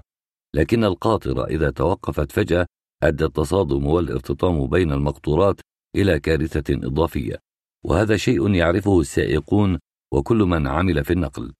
ثم إن الريح إذا تغيرت فالاندفاع السيلي مستمر ولن يخف إلا بعد وقت.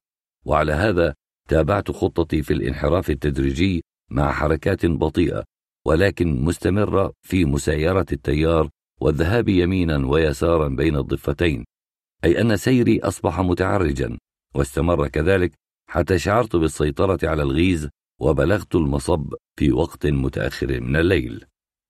هنا كان النهر عريضا كان يسمح بالمناورة وكانت حدة التيار قد انكسرت وكذلك انكسر عنفوان الموج. وبذلك تفاديت التصادم عند لقاء النهر بالبحر. وجاءت الرجة التي شعرت بها قوية لكنها سمحت ببقاء الغيز عائما واستطاع أن يسحب مقطوراته وراءه إلى البحر بسلام. كانت الخسارة بسيطة وبقيت حيث أنا فوق الخشب العائم إلى الصباح. وكانت العاصفة قد سكنت وانتشر الخبر في الميناء ومنه إلى المرافئ النهرية ووصل أصحاب السفن والمراكب ونزلت الزوارق إلى البحر وانتهت مهمتي. تركت العمل في النهر عدت إلى البحر. تترك النهر بعد هذه المعركة وبعد هذا الانتصار؟ كان لابد من ترك النهر في يوم من الأيام. أنا بحار. السفرة في البحر لها طعم آخر. النزول إلى البحر له حلاوته. أنتم لا تقدرون الفرق مثلي. كيف أشرحه لكم؟ لابد من أنك خفت النهر. جائز. الأصح قرفته. أنا لا أتمنى الموت في المياه العكرة الطينية. هواي هنا في المياه الزرق. ثم ما هو النهر مقابل البحر؟ مجرى من الماء ضيق قذر غدار. إنه ثعلب لا أكثر. أنا لا أحب الثعالب أما البحر فهو شيء آخر واسع صاف كبير. ويمتد النظر فيه ويمتد من دون أن يصطدم بجدران. تعطيه نفسك وتقول خذني إلى البعيد.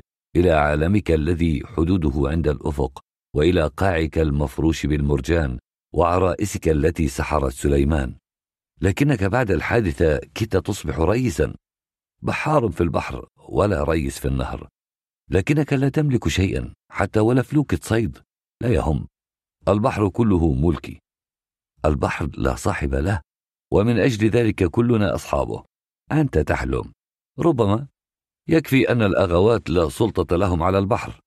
الأغوات متسلطون على البر ولهذا أكرههم. وماذا يهمهم من كرهك؟ لا شيء أعرف هذا لكنني أكرههم. أكرههم كأنني أجير في أراضيهم. وهل يكرههم أجراؤهم مثلك؟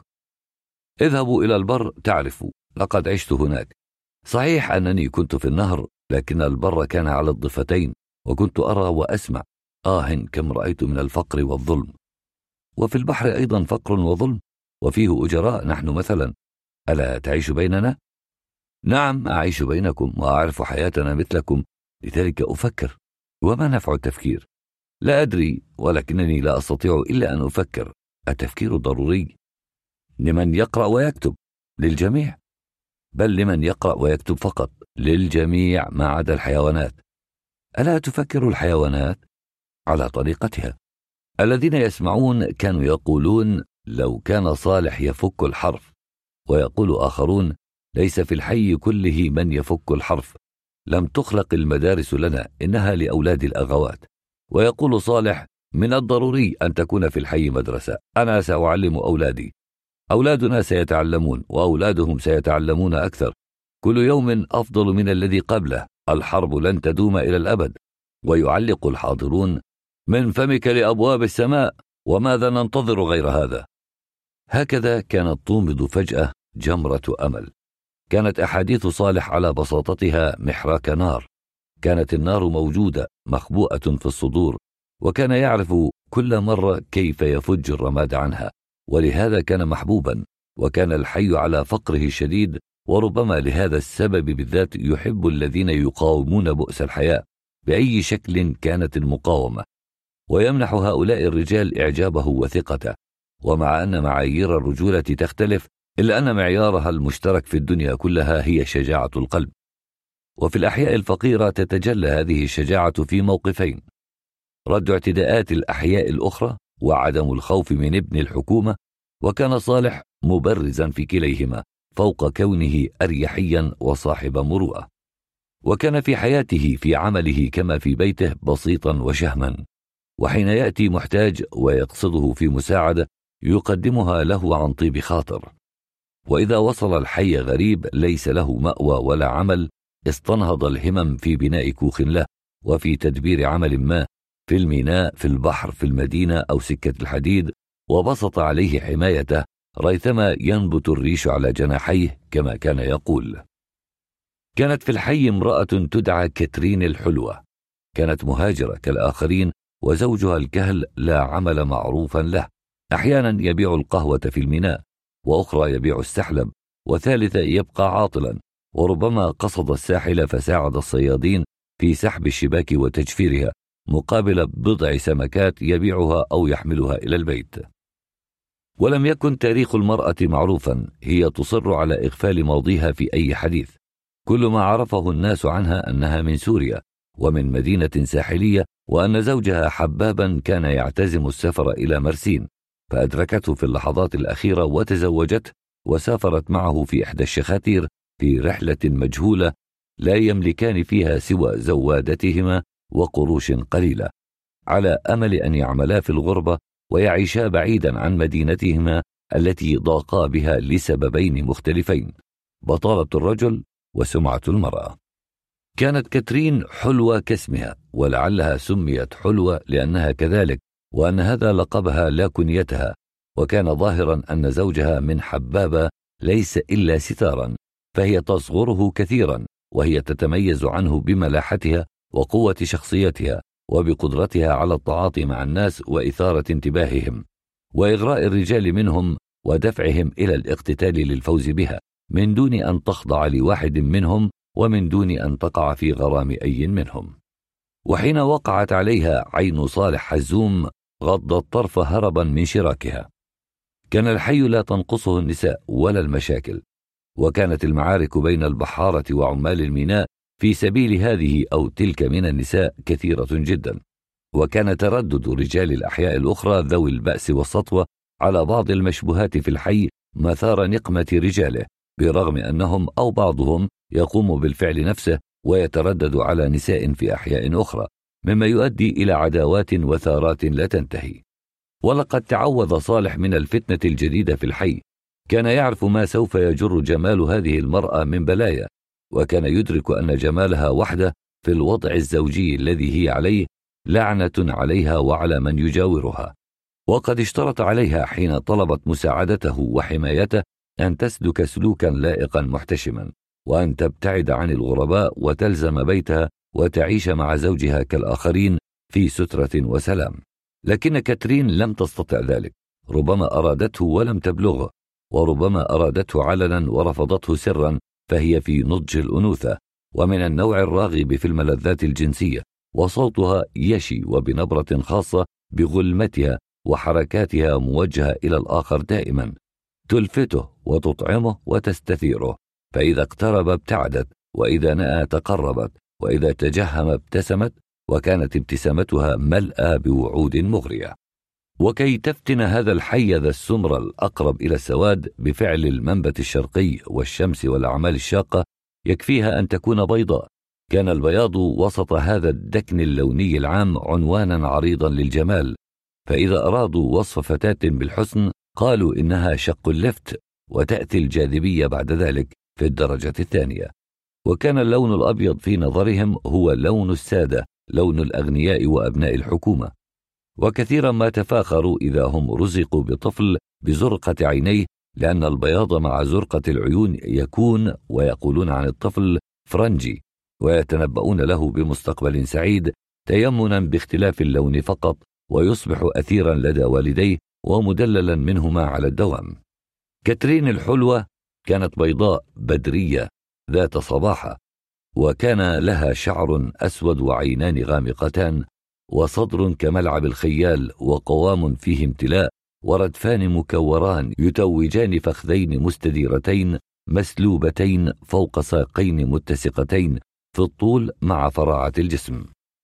وكانت على بشاشة ولباقة وزلاقة لسان وقد صار زوجها حبابا موضع حسد الرجال.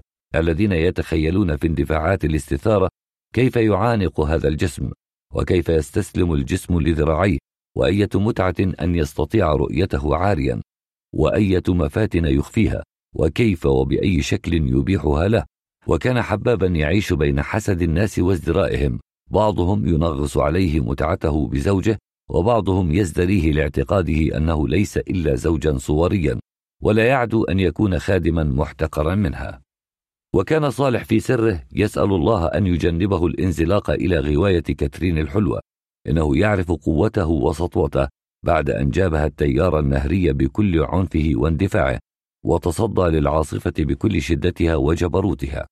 وكان في كل ذلك واثقا لا مباليا يمتلئ اعتدادا وزهوا لكنه أمام تيار الإغراء المنبعث من جسم كاترين الحلوة وعينيها وشفتيها وصوتها كان يستشعر رهبة ناشئة عن الخوف من الضعف وكان هذا الخوف يهدم المناعة الذاتية في نفسه فيقترب.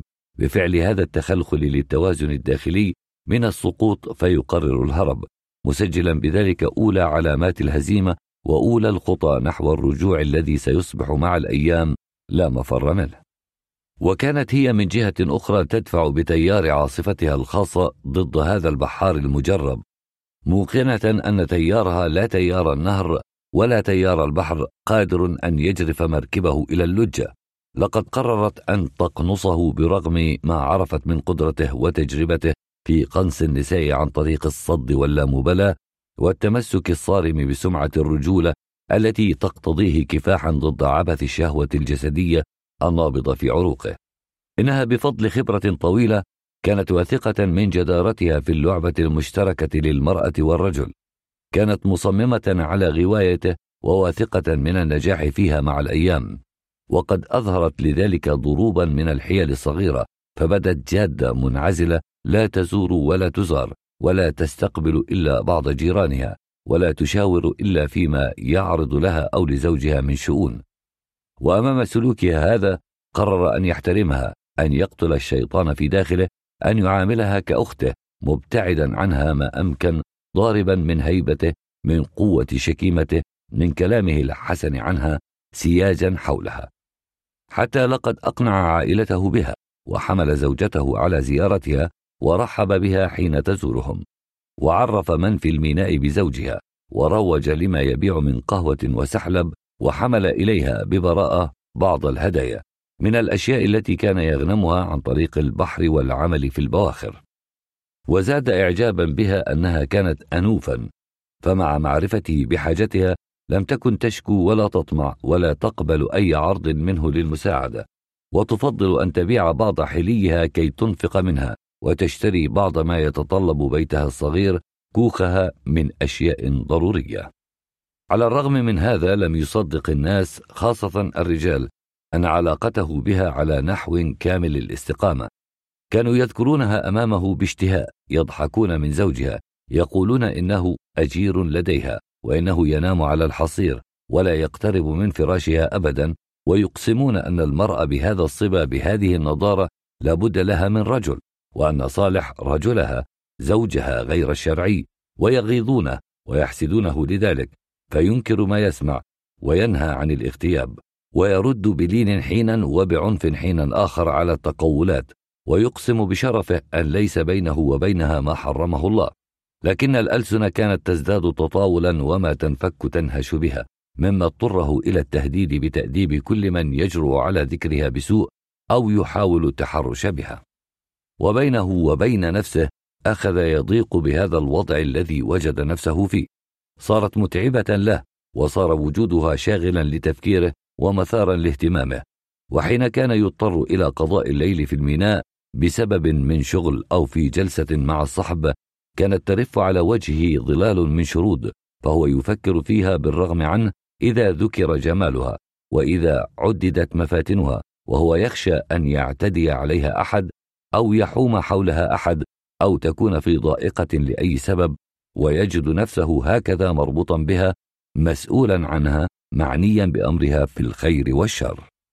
جاءها يوما متجهما كان قادرا أن ينأى عنها أن يدعها وشأنها أن يرفع حمايته لها أن يقطع ما بينه وبينها من صلات معنوية بحكم وجودهما في حي واحد وأن يدير ظهره مرة إلى الأبد.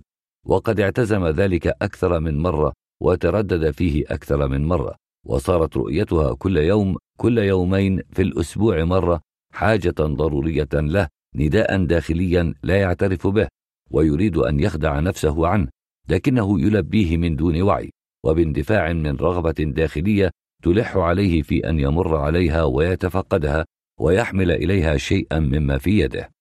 وخلال ذلك تابعت هي نسج الشرنقة التي ستحتويهما معا.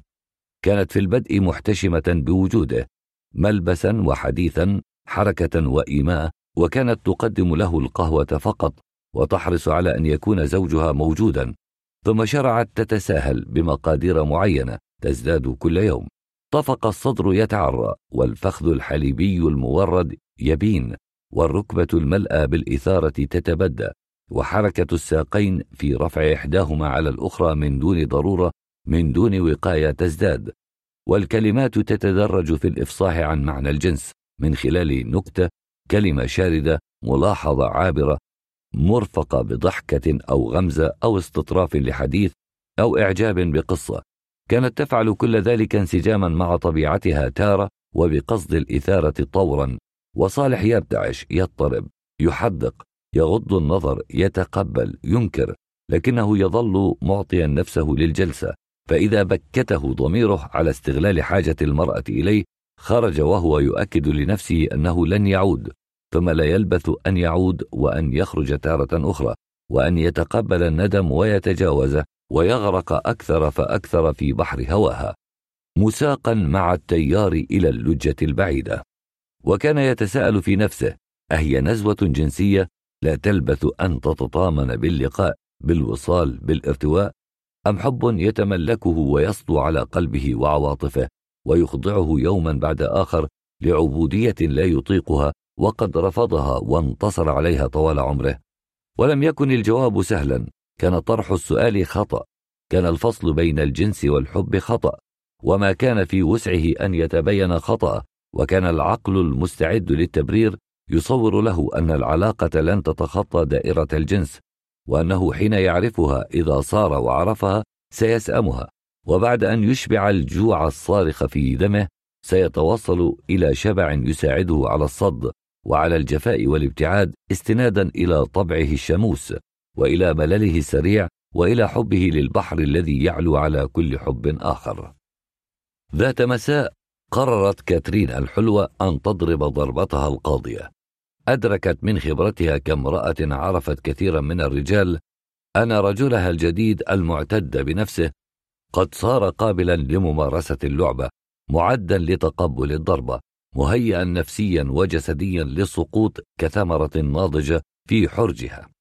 ففتحته على سعته وانتظرت تحت شجرة الخير والشر سقوط التفاحة المحرمة بعد أن فحت كأفعى في أذنيه بكل الكلمات المنغومة المهموسة المثيرة للأعصاب حتى إنها اشترطت بينها وبين نفسها أن تبتعد عنه إذا خابت فراستها في أنه أصبح كتلة عجينية مطاوعة في يدها.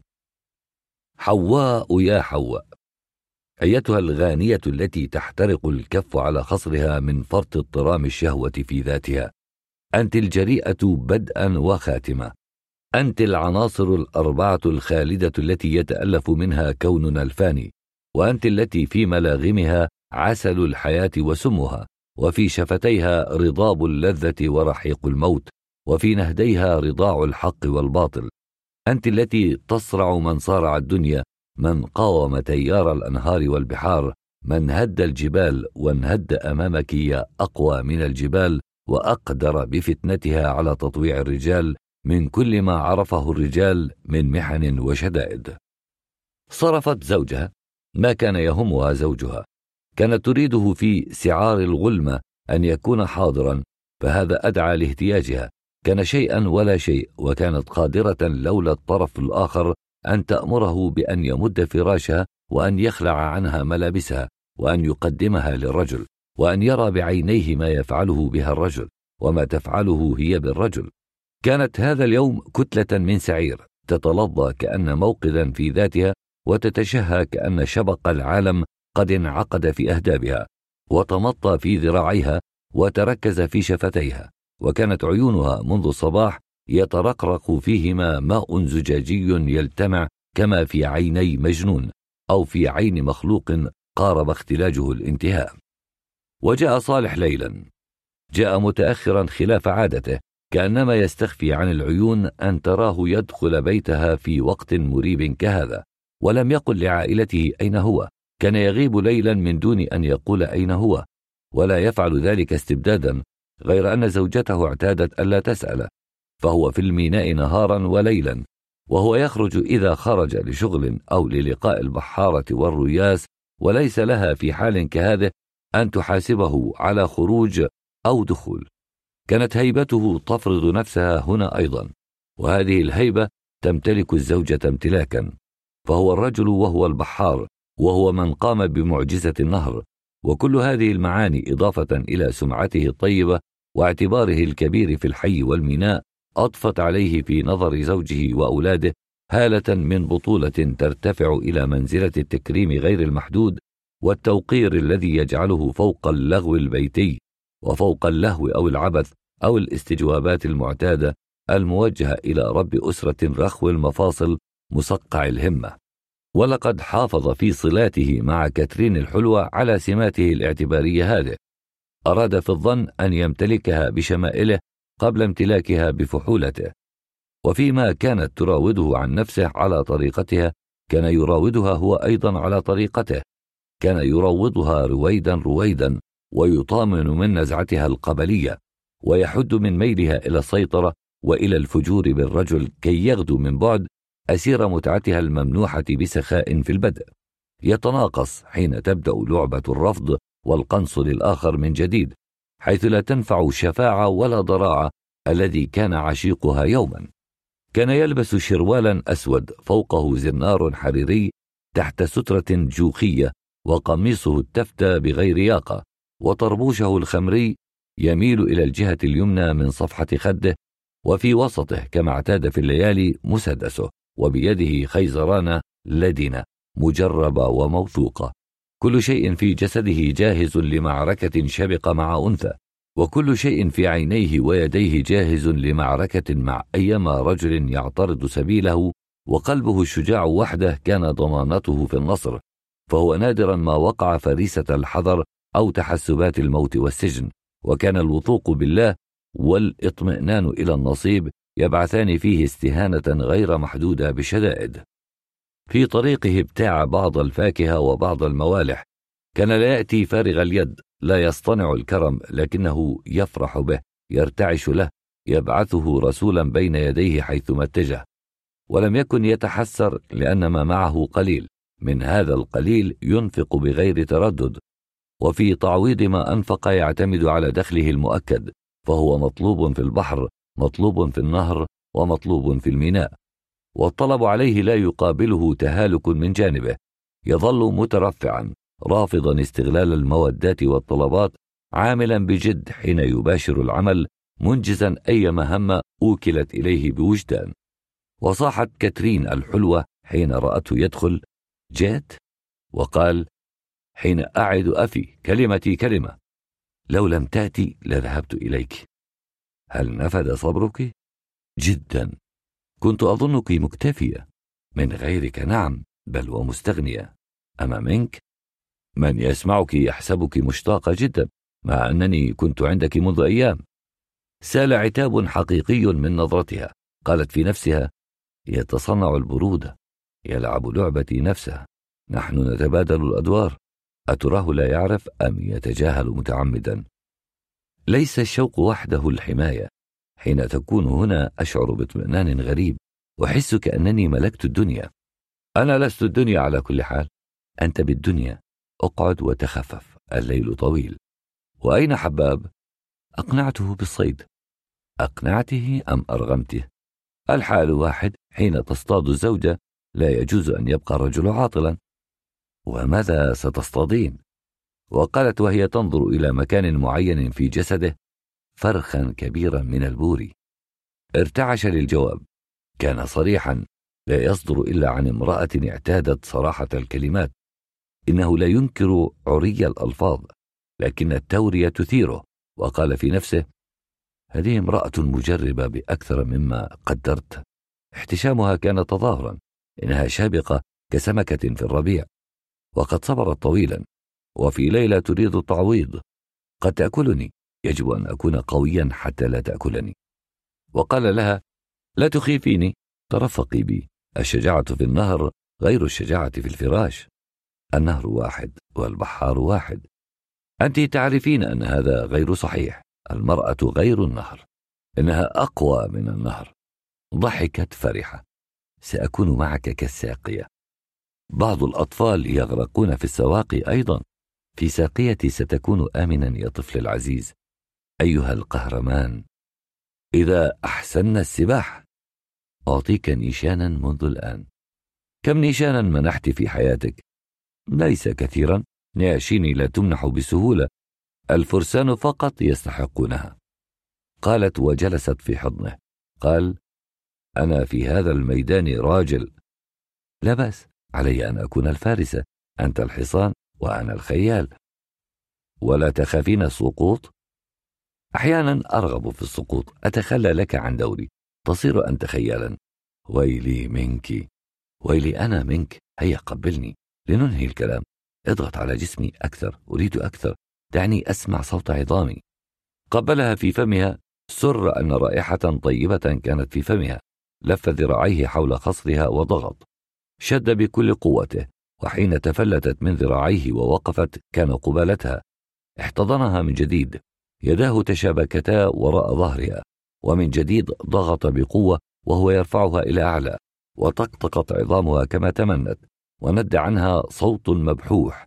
آه والتمعت عيناها فتراخت على صدره وأطبقت شفتيها على شفتيه في قبلة نهمه متوحشة طويلة طويلة. شربا بعد ذلك. كان قادرا على الشرب وكانت مثله. غير أنها لسبب فسيولوجي كانت تحتاج ماء تشرب.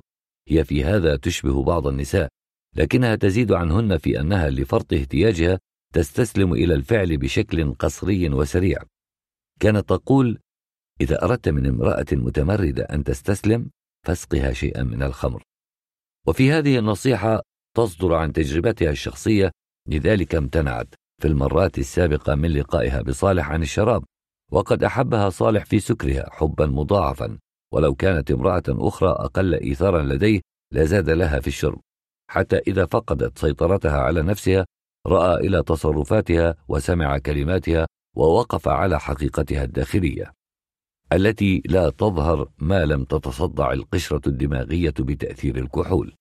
لقد صيرتها الخمرة عجينة مطوعة بين يديه جعلت تتصرف على رسلها القيد العقلي لانضباط الفعل فك عن حركاتها. انطلقت تضحك تتكلم تغني ترقص وهو من مجلسه يتأملها يسمعها يتقبل عطاياها الجنسية مسرورا. لكنها الآن صارت أعنف. برقت عينها وأحمر خداها. وتهدل شعرها الأسود على كتفيها الأبيضين العاجيين وانطلق لسانها بكل ما تعرفه من كلمات داعرة مثيرة. وحين اقتربت منه في قميصها الداخلي وسروالها فقط أمسك بالقميص من ياقته عند النحر ومزقه حتى نهايته السفلى. كانت الخمرة قد أخرجته عن طوره هو الآخر وكانت حركاتها وكلماتها في بحة النداء الجنسي في الهمهمة قبل الاستسلام في النار التي تنفذها مسامها قد هيجته إلى درجة الاغتلام ومن بين قطعتي القميص الممزق نفر نهداها وتربربا باهتزازات خفيفة وانفرجا أحدهما عن الآخر وتبدت الحلمتان دائرتين ورديتين وسط كل منهما كرزه صغيره لحمية فتذكر عندئذ أغنية قديمة يا عمي خدني معك عالشام لتفرج وانزل لسوق الحرير واشتري واتدرج كشفت على صدرها وقالت تعال اتفرج. دكان تاجر فتح وبضاعة فرنجية. وقال في نفسه يا للبضاعة الفرنجية. ونهض وتلقاهما بيدين يختلج جلدهما انفعالا. احتواهما في راحتيه برفق. داعبهما قبلهما قبل الحلمتين والدائرتين والجذرين النابقين في صدر أبيض ممتلئ. وقبل المجرى الحليبي بين النهدين وأراد أن يعض. فتح فمه كي يعض. لكنه لم يفعل. مست أسنانه لحم النهدين ولم يفعل. بذل جهدا إراديا كي لا يضغط على النهدين فيفقشهما. وبذل جهدا إراديا كي لا يفتح فاه ويأكلهما. لشعوره تلك اللحظات أنه انقلب إلى وحش وأن لحم المرأة كلحم السمك يمكن أن يؤكل نيئا. وسقط بصره إلى أدنى. أحس أنه جن حين سقط بصره إلى أدنى. كان البطن الذي لم تحمل صاحبته ولم تلد يحافظ على صلابته على استدارته مع تجويفتين بيكاريتين عند الخصرين. وطعجة صغيرة في موضع السرة وانتفاخا لحميا قليلا عند اتصاله بالحوض. وكان ناضرا شهيا فركع واحتضن وقبل السرة ودفن رأسه تحتها عند تاجي الفخذين. فيما هي تضحك وتلعب بشعره وتدلله بكلمات امرأة ناضجة. تعرف أن تجعل من الرجل شريكا كاملا في متعتها الكاملة. وعندما انحدرت كفاه عن الحقوين أحس بهما ترتفعان تتسلقان رابيتين مكينتين من لحم وتحومان حول كرتين حارتين مربربتين. واستشعر أنه يمتلك كنزا ثمينا وصاح وهو يرفع عينيه إليها آه لا تقتليني. وقالت متشهية لابد من القتل. إنه القتل الحلال. واحتضنته وسرت به إلى الفراش. وقال في نفسه من الخير أننا لسنا على سرير. ذلك أنها كانت باطرة. ولوهلة رغبت في دور الرجل وانطرح هو أرضا محدقا في عينيها المخيفتين اللتين انحولتا. وفي فمها المفتوح الموشك على النهش. وبعد أن أولجت الرجل فيها شرعت تخب في حركات متسقة بين ارتفاع وانخفاض وهي تصعد آهات متتابعة وهو يواكبها تاركا القياد لها مستشعرا نشوة غريبة لا من ذاته فقط بل من إحساسه أنه يرضيها. وأن هذه المرأة المسعورة التي تسحق من يضاجعها ستنسحق وتستسلم مهما كانت عصية. وحين ارتمت على صدره صائحة خذني. انسحب من تحتها وقلبها بعنف اغتصابي وولجها بقوة وغابا عندئذ في بحران من الانفعال الذي تواتر وتصاعد وتصاعد وبلغ الذروة وانطفأ. رويدا رويدا رويدا. منذ إذن صار لصالح في الدفاع عن الحي سببان حمايته من هجمات الأعداء والاحتفاظ بكثرين الحلوة عشيقة غير علنية حبيبة جنسية بحتة. امرأة تفيض غوايتها عن الدائرة التي ظن للوهلة الأولى أنها ستبقى ضمنها وكان يتساءل في نفسه هل أحبها؟ ويرفض أن يعترف. يقول إنه تجاوز بحكم السن مرحلة الحب. يذكر ما يسمع عن جهلة الأربعين ويؤكد في نوع من وفاء لرجولته أنه لن يقع في هذا الجهل. يكبر ذلك عليه يعتبره عيبا ويصر على أنه يشتهيها. وأن من حقه أن يشتهي وأن يشبع شهوته ما دام قادرا في فحولته العارمة. أن يفي بواجباته الزوجية ويزيد وفي خداع مع النفس في وهم الشهوة العابرة للحب المقيم. كان يستسلم للإثارة المنبعثة من كل كيان المرأة اللعوب التي وحدها كانت تعرف أن صالح صار لها. وأنه حبيبها لا عشيقها وتعرف أن العشق أكبر من الحب أنه مغامرة الجسد والروح في الاندفاع الذي لا يعرف الارتداد قبل أن يمل أحدهما الآخر. لقد قطع عهدا على نفسه أن يبقى لزوجته. كان يحسب في زهو الإرادة أنه قادر على الاحتفاظ بالمعزة الزوجية والعشق الطارئ وأن الحد الفاصل بينهما لن يسمح بتجاوزه أبدا. ولعله في طفرة وجدانية للاقتناع الذاتي بصحة ما قرر أفاض على زوجه وأولاده حبا وبرا. كان ينشد بذلك راحة الضمير وحين خيل إليه أنه بلغها تخفف عن التأنيب الداخلي وانصرف إلى ترتيب حياة ذات وجهين علني معروف محتوم وسري داعر ملتهب ينسى فيه ولأجله كل اعتبار للعمر ويقدم كأي بحار مع أية امرأة على ممارسة لذة محرمة شبقة تستنزف بعض دخله وبعض قواه. شيء واحد وفاه حقه رجولته. كانت الكلمة من دون لفظتها دويا كبيرا في أذنيه وحواسه. إن تقاليد الحياة تقاليد الحي تقاليد البحر كلها ذات احترام بالغ وعميق في ذاته. ويتمثل ذلك أكثر من أي شيء آخر باعتداد الرجولة التي يحب في اعتباراتها لديه أن يدع كاترين الحلوة وهي تحت فخذه ويعطي نفسه للموت في أي لحظة دفاعا عن العرض عن البحر عن الحي الذي هو عرضة لاعتداءات متواصلة مصدرها جهالة أناس من الطبقة نفسها من الوضع الاجتماعي البائس نفسه من المشارب والأهواء نفسها والخلاف الوحيد بينهما الذي يؤججه الأغوات وجماعة الحكومة. أن هذا حي الغرباء وأن تلك أحياء المقيمين أهل البلد الذين لا يريدون نورا في طرف مدينتهم ولا في مينائهم. كان حيهم يسمى حي الشرادق وما كانت كلمة غجر معروفة أو متداولة. هذه الكلمة الرومانتيكية ذات الرنين كانت أبعد من تصوراتهم. هم في نظر المدينة نور والكلمة في ذاتها سبة متعارف عليها من الطرفين. وفي ضغينة غير مبررة من الذين يطلقون هذه الصفة ومن الذين يرفضونها كان العداء مستحكما وكان الحق دائما إلى جانب أبناء حي الشرادق فهم غرباء وهم فقراء ومعتدى عليهم. لكن سكان المدينة يقولون إن الحق معهم فعلى هؤلاء الغرباء الذين جاءوا للمنافسة في العمل في الرزق والذين يمتهنون جميع المهن وبينهم اللصوص والقتل والقوادون أن يتركوا المدينة ويعودوا من حيث جاءوا. هكذا وجد أبناء حي الشرادق أنفسهم في وضع الدفاع عن النفس عن الوجود عن العمل وعن الشرف وكان سبب آخر يزكي حماستهم للتكتل للاتحاد للاستماتة في المعارك هو أنهم عرب من أبناء الأناضول ومن أبناء إسكندرونة واللاذقية والسويدية وبعض المدن السورية. وكان الآخرون المعتدون غالبا من الأتراك. وكان الأغوات من الأتراك وكانوا يقولون عن الرجل من حي الشرادك عرب أوغلي ابن عرب وهذا بذاته سبة بينما الانتساب إلى العروبة في نظر الغرباء اعتزازا. كانوا يقولون نحن معروفون أصلنا وفصلنا ووطننا وتاريخنا معروف. كذلك ديننا ولغتنا إننا أكثر مدنية منهم ونحن من مدن أرقى.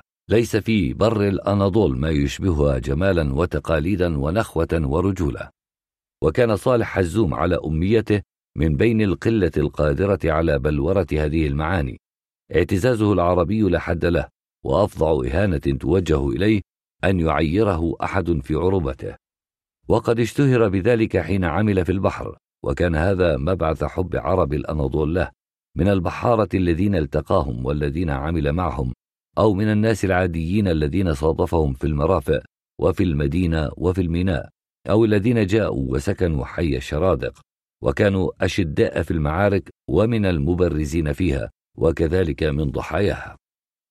ومع أن الأسباب الظاهرة لهذه المعارك تعود إلى العمل والسكن أو النساء إلا أن ثمة ما هو أعمق. كانت معارك قومية تحررية طبقية بمعنى ما. لكن الذين يخوضونها لا يعرفون معانيها لا يترجمونها لا يفلسفونها يحسونها إحساسا.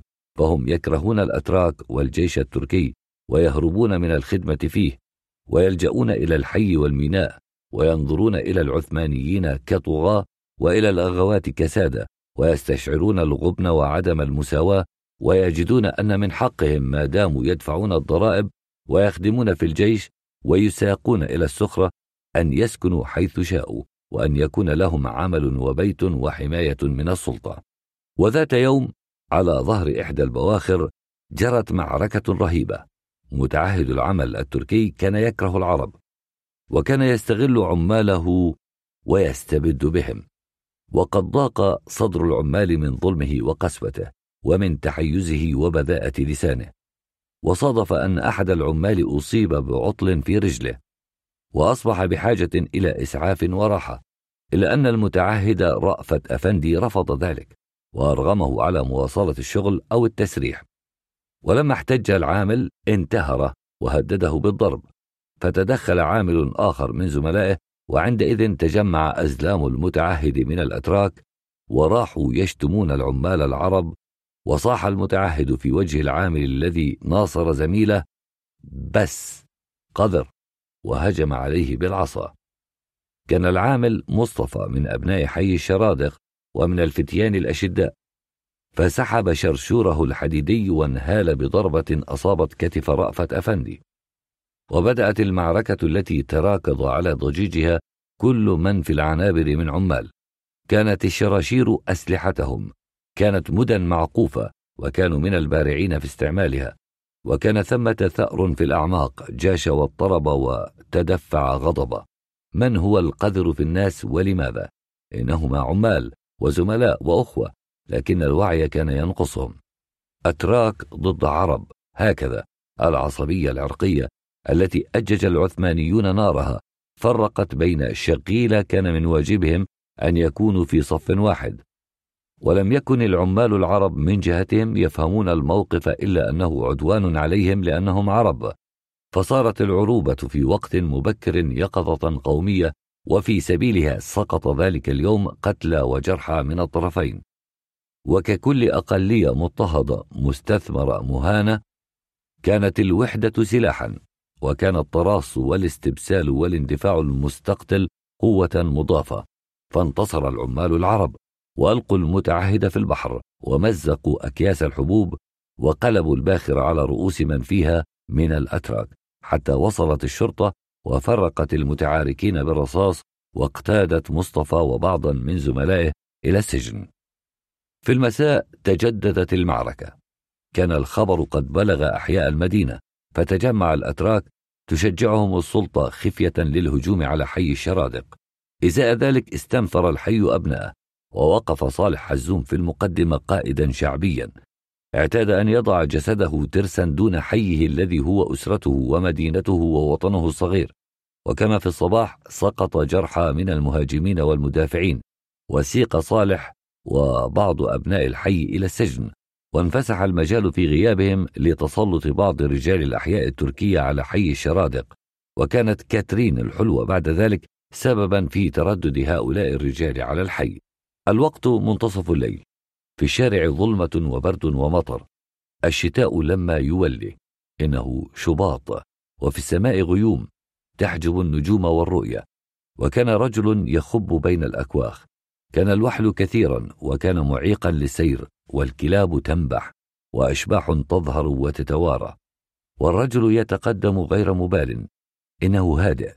تهتز إلية شرواله وراءه. وتنسحب خيزرانته على الوحل أو تقوم مقام العصا عند الحفر وأمكنة تجميع المياه. إنه صالح حزوم لقد خرج اليوم من السجن. قضى عاما لغير ما سبب. كان في وضع الدفاع عن النفس. كان الحي يدافع عن نفسه ضد معتدين هاجموه بكل ما يملكون من الأسلحة وبالعصي والسكاكين وأشعلوا النار في الأكواخ واعتدوا على السكان لكنهم كانوا أتراكا. وكان المعتدى عليهم من العرب وهكذا صدرت الأحكام وكان نصيب صالح عاما منها. في السجن بلغه كل شيء لم تكن كاترين الحلوة وفية ربما كانت مضطرة لكنها لم تكن وفية. كان في دمها ذعر عنيف وكان في وجهها نداء إلى الذعر وفي ضحكتها إغراء به فشجعت الغرباء على التردد على الحي وكان جزاؤها في حال كهذه الموت. غير أن صالح قال في نفسه لن ألوث يدي بدم قذر. إنه يحبها ويشتهيها لكنه يحب رجولته حية أكثر. وفي الاختيار يعرف كيف يحزم أمره ويختار. ولم يكن هذا القرار ابن يومه كان ابن شهور. لقد فكر فيها وهو وراء القضبان وحين جاءت لزيارته رفض مقابلتها ثم نهاها عن الحضور وعن ذكر اسمه. وأبلغها ذلك مع أحد رجال الحي وشدد في ردعه حتى إن الرجل الذي أبلغها هددها إذا هي عصت. كانت قسوة الحياة تنبت قسوة في المشاعر. البحر هنا يخيم بعاداته. إن فيها صفاء وفيها أوشابا وهو في تموجه الأبدي يعرف كيف يلفظ الأوشاب ويتطهر. وقال صالح في نبرة حسم من دون صوت لن أخون نفسي نحن هنا غرباء. اليوم في هذا المكان وغدا نرحل إلى غيره أو نعود إلى الوطن. إنها الحياة. وفي مواجهة مصاعبها علينا أن نضع حدا بين العاطفة والعقل بين الحب والواجب. كاترين الحلوة امرأة وهي امرأة مثيرة وأنا أحبها. لقد نمت معها كثيرا وأحبها. لكنني في هذه الظروف لا أستطيع الاستمرار ولا يجوز ذلك. يجب أن تموت كاترين الحلوة أو ترحل ولا حل ثالثا فيما أرى. طرق الباب كما اعتاد أن يفعل كرره بقوة أشد. كانت كاترين الحلوة نائمة فأيقظها وجف قلبها للمفاجأة. رغبت عن الرد طمرت رأسها باللحاف وتجاهلت ما تسمع. تظاهرت أنها غير موجودة كي تصرف الطارق لم ينفعها ذلك. كان صالح يعرف أنها موجودة ويريدها. هذه الليلة يجب أن يحسم الموقف. على كاترين أن تفتح أو يخلع الباب. الحي لا يحتمل وجودها لو أحبت رجلا منه لو عاشرت رجلا من أبنائه لو أباحت نفسها لكثيرين منهم كان ذلك مفهوما من صالح إنه سيتألم بغير شك سيندم لأنه أقام علاقة معها وربما تساءل ألم أكن كافيا لها؟ ألم أرضها؟ ألم أدافع عنها؟ وقد يفكر بدمها العكر امرأة لا تعرف الشبع لا تستطيع أن تقتصر على رجل واحد لا تقوى على انتظار رجل غائب أو سجين. كان يخترع لها أكثر من عذر ويدعها وشأنها فهي بعد ليست أخته ولا زوجة ولا يميل إلى فرض نفسه على أي امرأة بالقوة. إذا لم تحب المرأة ولم تشأ ولم تعظ نفسها برضاها وتهب هذه النفس للمحبوب تصبح كل علاقة مفروضة وهو يأنف أن يفرض نفسه في مثل هذه الحال. غير أن كاترين تجاوزت الحدود المقبولة. أعطت نفسها للغرباء للأعداء ولم تراعي حرمة الحي ولا كرامة أبنائه ولا مشاعر السجناء منهم. عملها في منتهى الدناءة ومن النوع الذي لا يغفر. ومهما تذرعت بالخوف فإن ذنبها لا يغفر. ثم ماذا تخشى؟ الموت؟ لقد مات غيرها وبفعلته هذه دنست ذكراهم. ظلمة وريح ومطر. إنه لا يحتمي بالظلمة عادة ليس لصا ولا مجرما. ما يفعله لأجل الحي في سبيل حمايته وسلامته ودفع أذى الأتراك عنه هو ليس متعصبا. يحب العمال كل العمال يحب كل الناس ويريد العيش مع الجميع لكن الآخرين متعصبون. الأتراك متعصبون ويريدون تهجيرهم وهم لن يهاجروا. هذا وطنهم أيضا. إنهم من رعايا السلطان. وما داموا كذلك فلهم الحق في البقاء وفي العمل وهذا العدوان مرفوض وسيقاومه بالقوة. كاترين في الداخل ترتجف. من الطارق ليس بينها وبين أي رجل موعد ما. ولم تعتد أن تستقبل أحدا في منتصف الليل. والمصباح مطفأ وظلمة في الداخل. وفي الخارج ريح ومطر وعويل يقشعر له بدنها. وفي جفنيها آثار النوم وفي نفسها بقايا حلم مخيف وقالت في ذاتها لن أرد ولن أفتح. نفسي تحدثني بشر. هذا الطرق العنيف وراءه مصيبة وليس حولي من يحميني. أيقظت زوجها كان ينام على طرحة فوق حصير بجوارها فتح عينيه مذهولا ماذا جرى؟ وقالت له اسمع. وتعالى الطرق من جديد وجاءها صوت من الخارج. افتحي أنا صالح. ودهشت. صالح. فركت عينيها جيدا حسبته كابوسا نهضت وقد أخذ قلبها يضرب بشدة. صالح في السجن وهي لا تعلم أنه خرج. فهل ثمة من يحتال عليها؟ مضت إلى الباب وسألت. من؟ أنا صالح افتحي. واحتارت ما تفعل. تفرح تحزن تطمئن تخاف. الصوت واضح لديها. لكن ما الذي جاء به في هذا الوقت؟ شوقه؟ أهو مشتاق وغير قادر على الانتظار؟ أهو غاضب ويريد الانتقام؟ لقد أذنبت. هي تعرف أنها أذنبت. كان يجب أن تحسب حسابا ليوم كهذا. لماذا لم تحسب حسابا ليوم كهذا؟ رسمت ابتسامة على وجهها وفتحت. أخرجت الأنثى من جسدها ووضعتها حدا بينها وبينه. رجل يخرج من السجن لابد من أن يكون محروما. ولا بد من أن يكون محتاجا وهي قادرة حتى في حالة الغضب أن تستنفر مشاعرها الجنسية لإطفاء احتياجه. ستجعل زوجها في الخارج ليقف قليلا في الخارج زوجته لديها شغل وحين تكون كذلك عودته أن يقف في الخارج. حباب ليس زوجا ابديا. إنه يشعر بقهر يحس بإهانة لكنه يداري القهر ويبلع الإهانة. لقد أصبح قوادا. روضته على أن يصبح قوادا. علمته أن يسمع من وراء الباب وأن يستمتع. كان يحتاج يرى ما يجري في الداخل بأذنيه وحواسه تتشرب الكلمات المثيرة والمعذبة في آن. وشيئا فشيئا تخلى عن ذكورته ثم تخلى عن رفضه. دخل اللعبة. جوعته يوما وطردته يوما وضربته يوما. وفي اليوم الرابع والخامس والسادس تفننت في تعذيبه. وفي السابع هدل أذنيه أرخى شواربه إلى تحت وصار قوادا. وقال في نفسه الكهولة والزمن صيراني قوادا واستسلم لقدره. كاترين من الداخل وصالح من الخارج.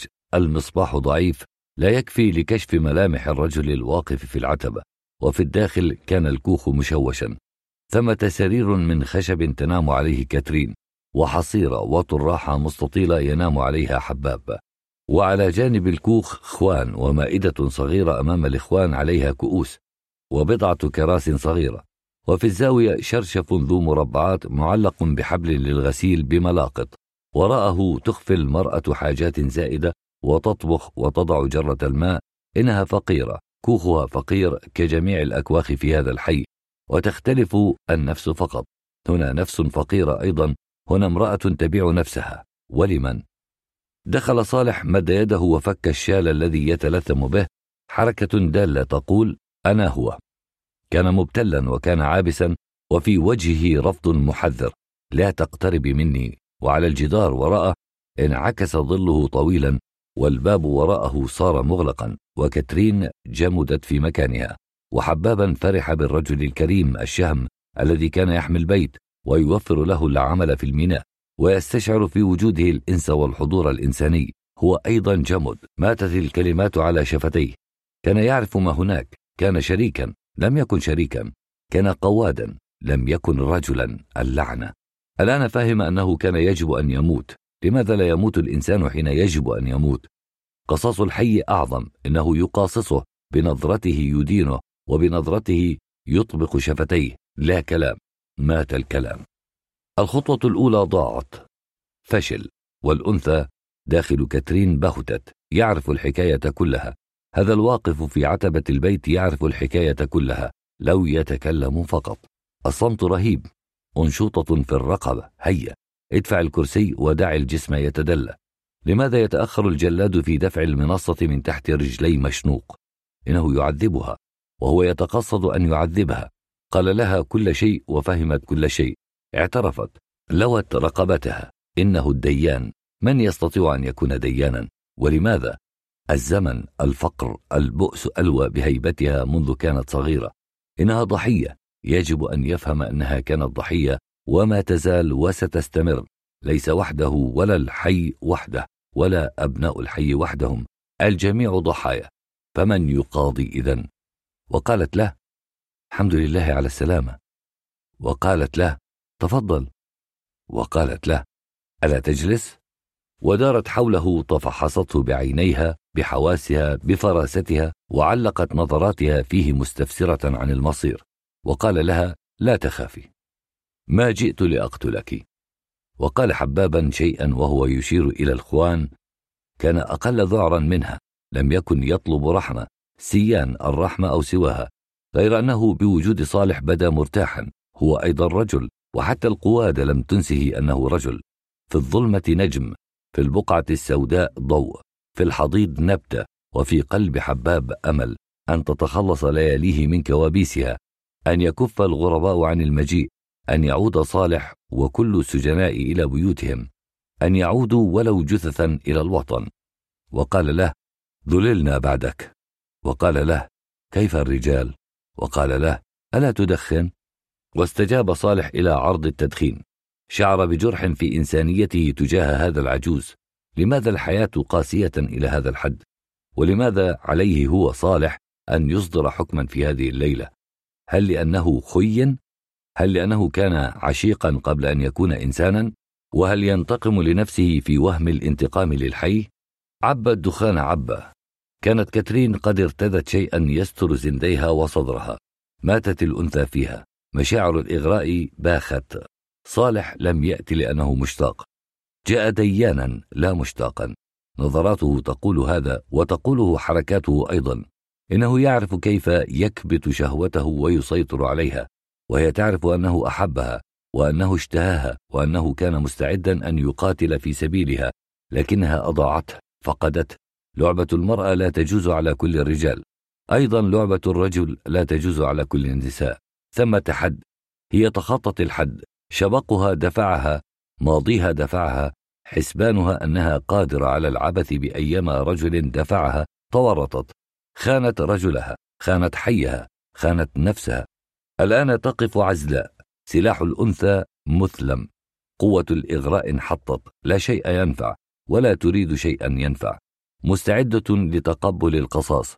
المهم أن يلفظه أن يقول لماذا جاء في هذا الوقت من الليل وهي مهيئة للقبول للتنفيذ لدفع الثمن المطلوب منها.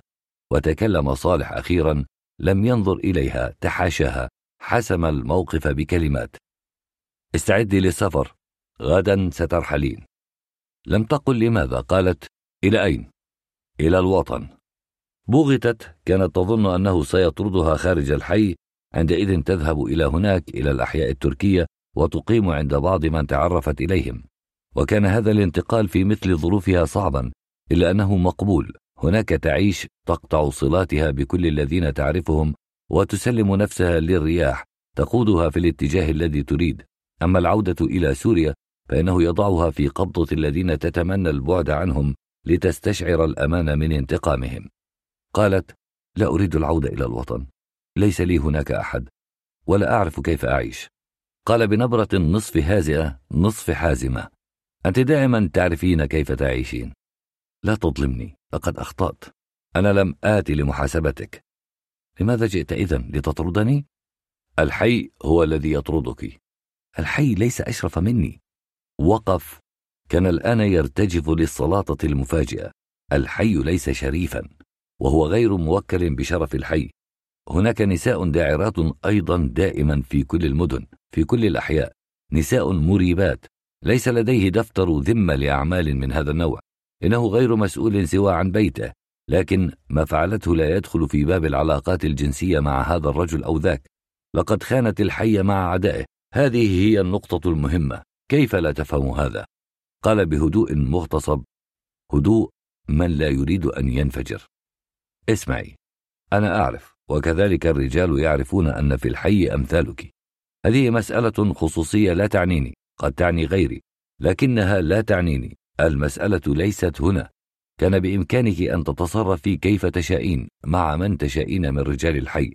أما فعلتك مع الأتراك في هذا الحي العربي والرجال في السجن فإنها خيانة لقومك. ومن يخون قومه جزاؤه معروف. لا تحسبي أنك قادرة على الخلاص إذا حصيت قراري. الأتراك لن يحموك أبدا. ذهابك إليهم ليس في صالحك. افهمي ما أقوله جيدا. يكفي أن ترحلي غدا أو بعده مع أول شختورة ترحل وينتهي الأمر. أعدك بأن ينتهي الأمر.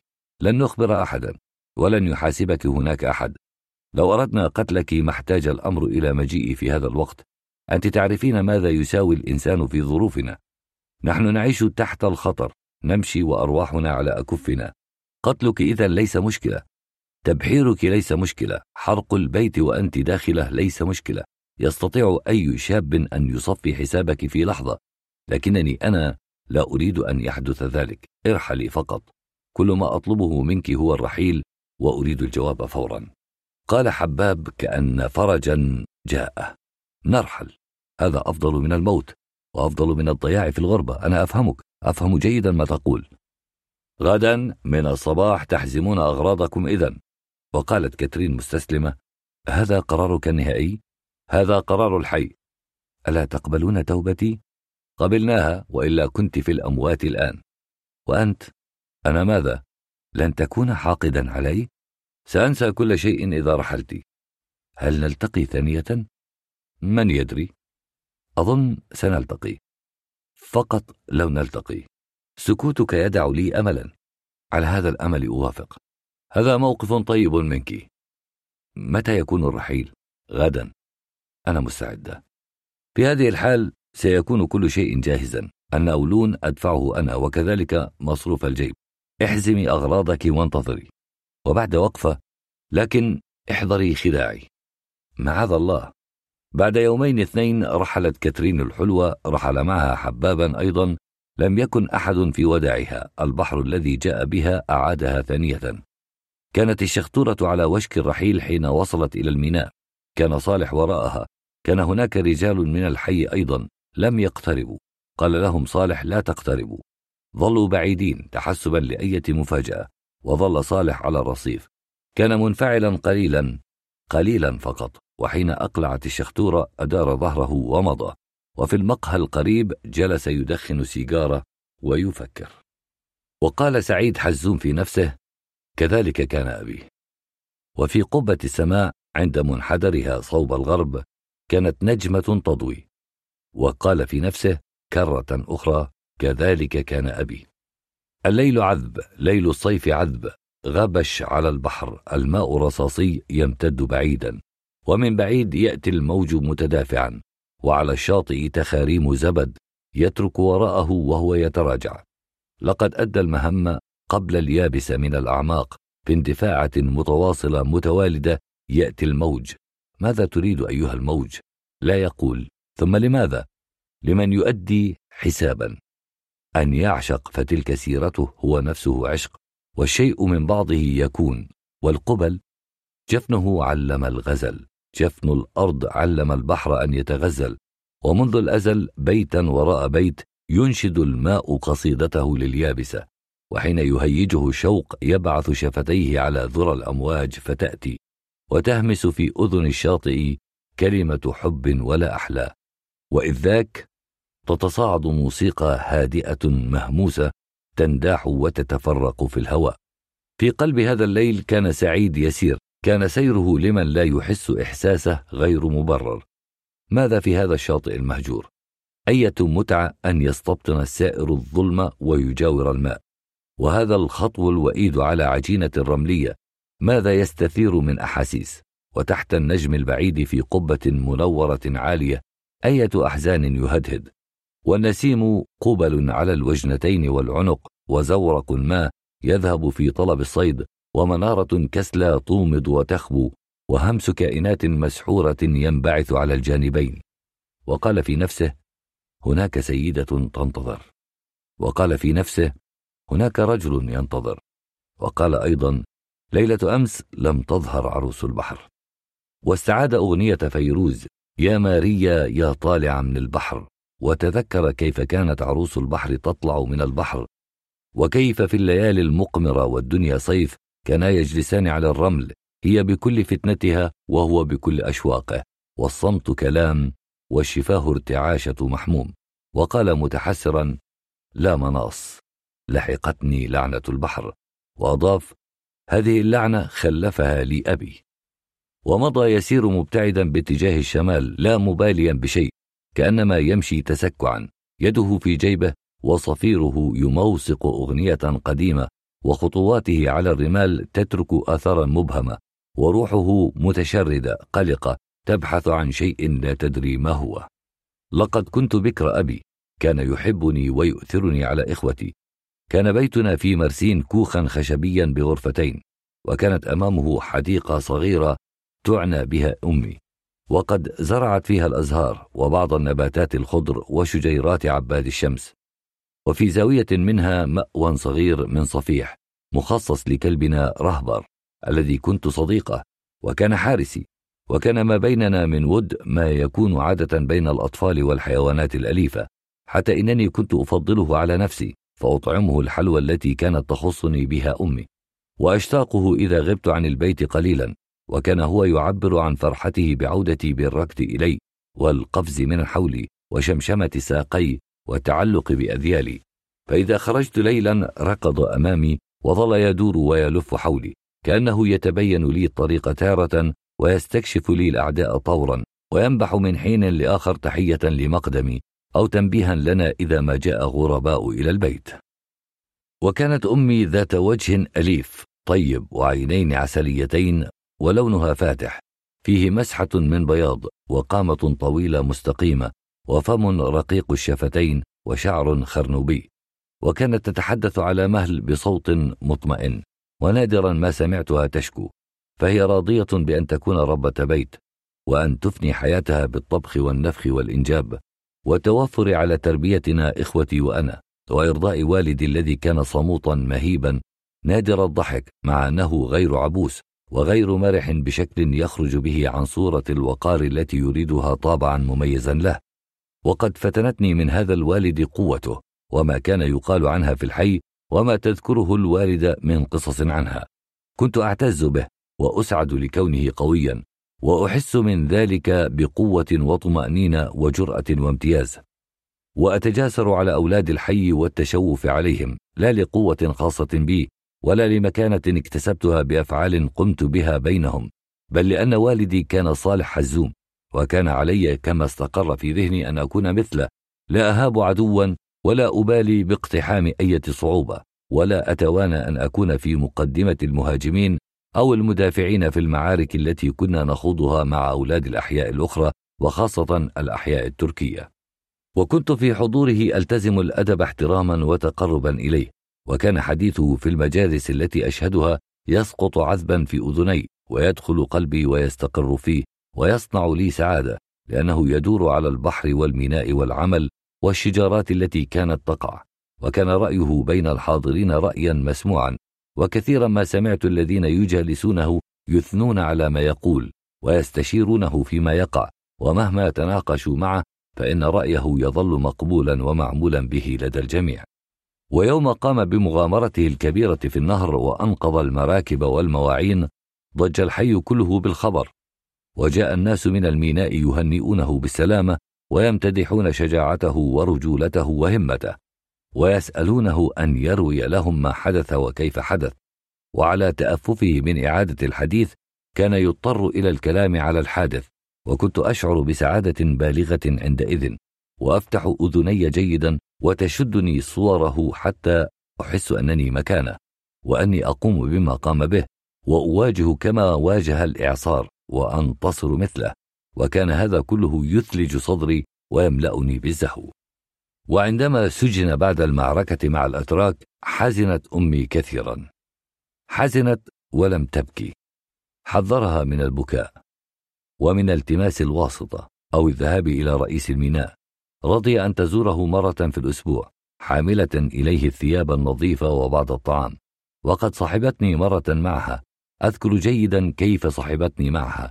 كان ذلك بعد السجن بشهور وبعد إلحاح من طرفي ورفض من طرفها.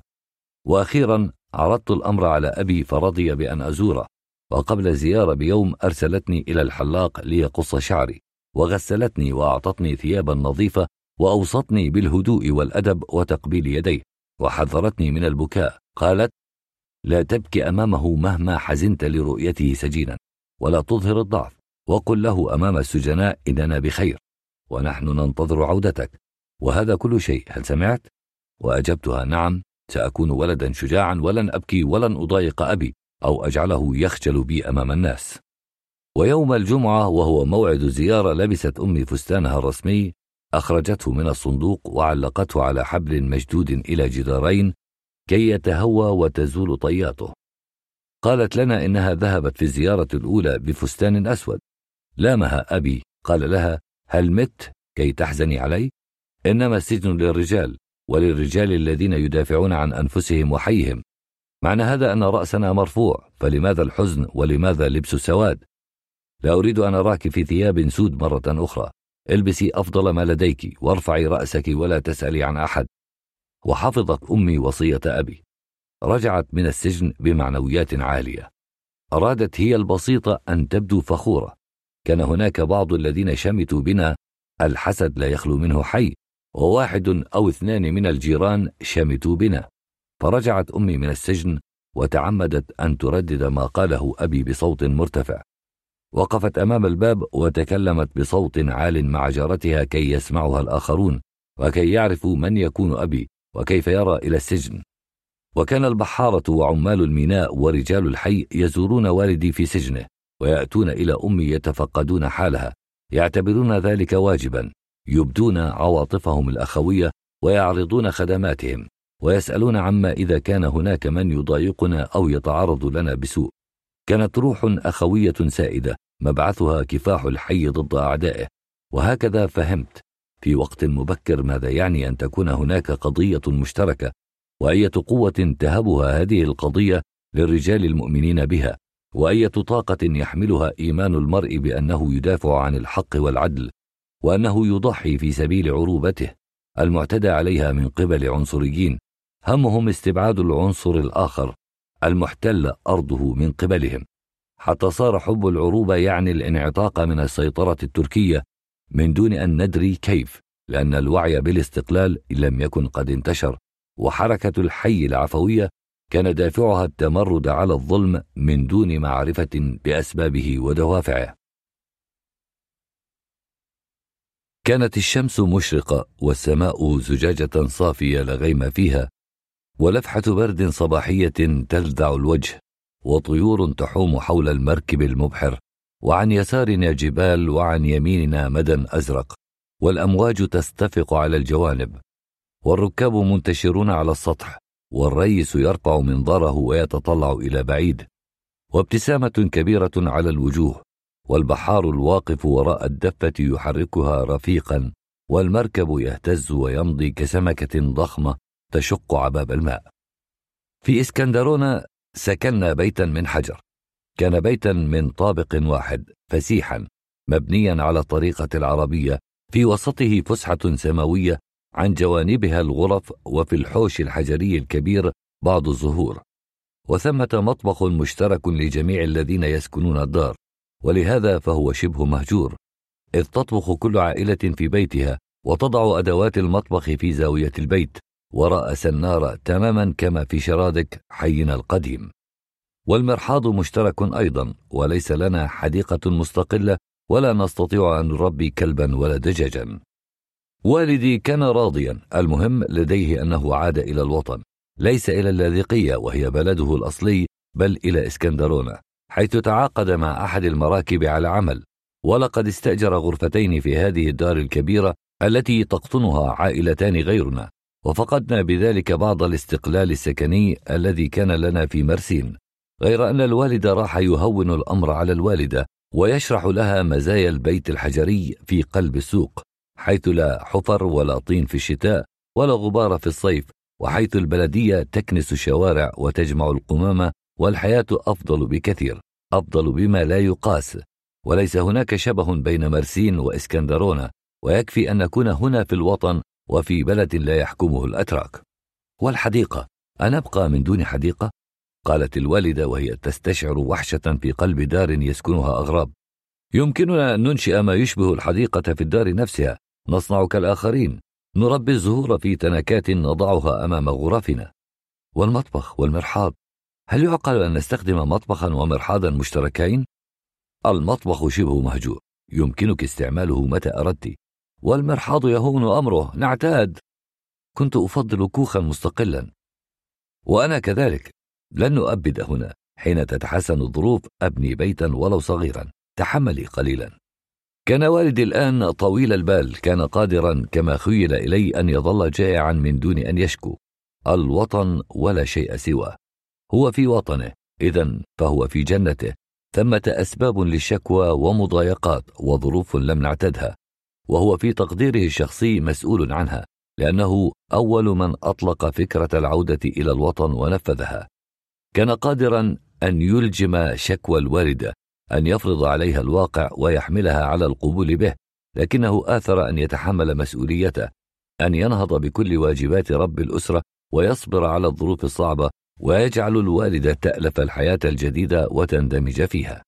كان يقول عند الانتقال من بيت إلى بيت ولو في المدينة الواحدة يستوحش المرء. إنه يحن إلى القديم. أفهم هذا أفهمه. أنا لا أعترض على الانتقال هذا وطني أيضا. ولكن لو سافرنا إلى اللاذقية بدل إسكندرونة. هذا هو الأساس في شكواك. كنت تفضلين اللاذقية. هناك أهلنا وهنا رزقنا. لا تنسي هذا. ثم اللاذقية غير بعيدة. نحن في وطن واحد والسفر سهل علينا انتظري قليلا. إذا كان هذا يرضيك فهو يرضيني سأنتظر. ولم يطل انتظارها. ألفت البيت والمدينة. خفت شكواها تحولت في موقفها تماما عندما دخلت المدرسة. شعرت أن العودة إلى الوطن كانت ضرورية جدا. ولولاها ما ذهب أولادها إلى المدرسة وما سنحت لهم الفرصة لتعلم العربية. لغة آبائهم وأجدادهم. أما الوالد فكان مسرورا جدا. كان سعيدا أنني دخلت المدرسة وأن مستقبلي صار مضمونا. فقد رفض في مرسين أن يرسلني إلى كتاب يعلم اللغة التركية ووجد عارا أن أتعلم لغة قوم هم أعداؤه. كانت المدرسة قرب البحر. هل مصادفة كانت المدرسة قرب البحر؟ لقد كانت الحروف التي تعلمتها مبتلة بالماء. فنحن لا نفارق الشاطئ ولا يكاد جرس الظهر يقرع حتى نهرع إليه ولا ننصرف مساء إلا ونمر به. وفي الأصباح حين نأتي المدرسة نمشي على الساحل كأنما نملأ من مرآه رئاتنا بعزم يعيننا على الدراسة والحفظ. وهكذا تقدمت في صفوفي وعمري وحبي للبحر كبرت وكبر معي. وحين أخذت الشهادة الابتدائية كان كل شيء معدا لأن أعمل في الميناء لأن أصبح مستخدما في أحد المخازن البحرية. أو أصبح بحارا كوالدي وأسافر مثله على متن أحد المراكب. في البدء عملت كاتبا في مخزن بحري. كتب علي أن أعيش في الميناء وأنغمس في شؤونها وأنصهر في نار مستعرة لحياة شديدة الطرافة. كثيرة التنوع قاسية وحشية لذيذة. كان علي أن أسهر على مصالح صاحب المخزن الذي يعمل في التصدير والاستيراد. أن أكون مرقما عند الوزن في القبان. مدققا عند تسليم البضاعة للسيكورتا مشرفا عند تحميل الأكياس والصناديق والبالات في المواعين مراقبا عند شحنها في البواخر. وأن أدخل في عراك مستمر طوال فترات هذه العملية التي تتكرر يوميا أو في الأسبوع مرة على الأقل. وكان علي في النار التي ألقيت فيها أن أنصهر جيدا أن أغدو قطعة فولاذ وبذلك أتكرس ابنا حقيقيا للميناء أو تلفظني خارجها إنسانا خائبا ليس له في عالم البحر موطئ قدم. ليس له في عالم البحر موطئ قدم. قال لي والدي ذات مساء وقد عدت من عملي شاكيا بسبب ما لاقيت من مشاكسات العاملين في الميناء والاصطدام بموظفي الجمارك وضياع صندوق من البضاعة. ألقي عمدا من علو على الرصيف فتحطم وتبعثرت محتوياته وسرقت. اسمع يا سعيد كان في وسعي أن آخذك معي إلى البحر رأسا. كنت ستتعلم خلال سنوات كل ما يجب أن يتعلمه بحار وتتعرف إلى موانئ العالم وإلى رجال هذه الموانئ وفتيانها. كنت ستغدو بحارا يعرف متى تؤاتي الريح ومتى تعاكس ويعرف كيف يفرح بمؤاتاة الريح وكيف يصبر على معاكستها. ويكتسب القدرة على الصبر وحده بل على رباطة الجأش عند الخطر أيضا. يهب نفسه لهذا العالم العجيب ثم لا يبالي بما فيه من وحوش وتماسيح وبما يصادفه من مآزق وأهوال وبما يفتح الله عليه من رزق وبما يقبض منه بحيث يعرف الجوع الحقيقي. إنك في البحر لا تواجه عواصف النوع وحدها. هذه خطيرة فعلا لكنها نادرة ومحتملة وتشعر في صراعها بلذة. لكن عواصف المتاعب والنذالات والتحديات عواصف الفجور والدسائس والوشايات هذه هي المتعبة والمقرفة. لكنك بشجاعتك بميراثك باستعدادك لاقتحام الصعاب ومنازلة الخصوم ستعتاد على مواجهة كل أنواع العواصف والتغلب عليها. السيادة في البحر للشجاعة أولا وللمهارة ثانيا. كن شجاعا وماهرا. أثبت كفاءة في العمل وفي القتال. تجد الطاعة والمحبة والانقياد من أكثر الذين كانوا سيتآمرون عليك ويغدرون بك ويخربون عملك. لو لم تكن شجاعا وماهرا احتفظ بزهوك باعتدادك بثقتك بنفسك من دون غرور من دون تبجح من دون مهاترة من دون ثرثرة ومن دون فضول. وأقدم حين يتراجع الآخرون. وضع نصب عينيك الحكمة التي وضعتها نصب عيني دائما. الموت كأس على كل الناس. وكلنا سنموت ولا تسأل بعد ذلك متى. قد تنجو من أعظم خطر من أشرس عاصفة من أقذر معركة ثم تموت بحادث بسيط. الموت حق لكنه عظيم في وقته. دعه يأتي حين يريد أن يأتي لا تتهور ولكن لا تتردد. حين يلوح الخطر لا تكن في المؤخرة. ضع نفسك في الصف الأمامي عانق البحر في ساعة الشدة والبحر يعرف رجاله الشجعان ويحميهم. كن شهما كريما مستقيما وعامل الأخيار بما يستحقون والأنذال بما يستحقون أيضا. لا أوصيك بأخلاق الملائكة ولا بأخلاق الشياطين أوصيك بأخلاق البحارة الحقيقيين الذين يأخذون مهنة البحر بجد باحترام بفروسية ولا يسمحون لعار اللجة أو الميناء أن يلحق بهم. وبعد أن أشعل سيجارة أضاف ما لا يعرف بلده لا يستطيع أن يعرف بلدان العالم ومن لا يكتشف بحره لا يقوى على اكتشاف بحار العالم. وكذلك من يجهل ميناءه فلن يكون خبيرا بموانئ الدنيا. من أجل ذلك أردتك بحارا يبدأ من الصفر من الخطوة الأولى من الساحل من التقاء الماء باليابسة من بيئة البحار الحقيقية وهي الميناء. هذه هي المدرسة البحرية الأولى. فيها تعلمت أنا وفيها ينبغي أن تتعلم أنت.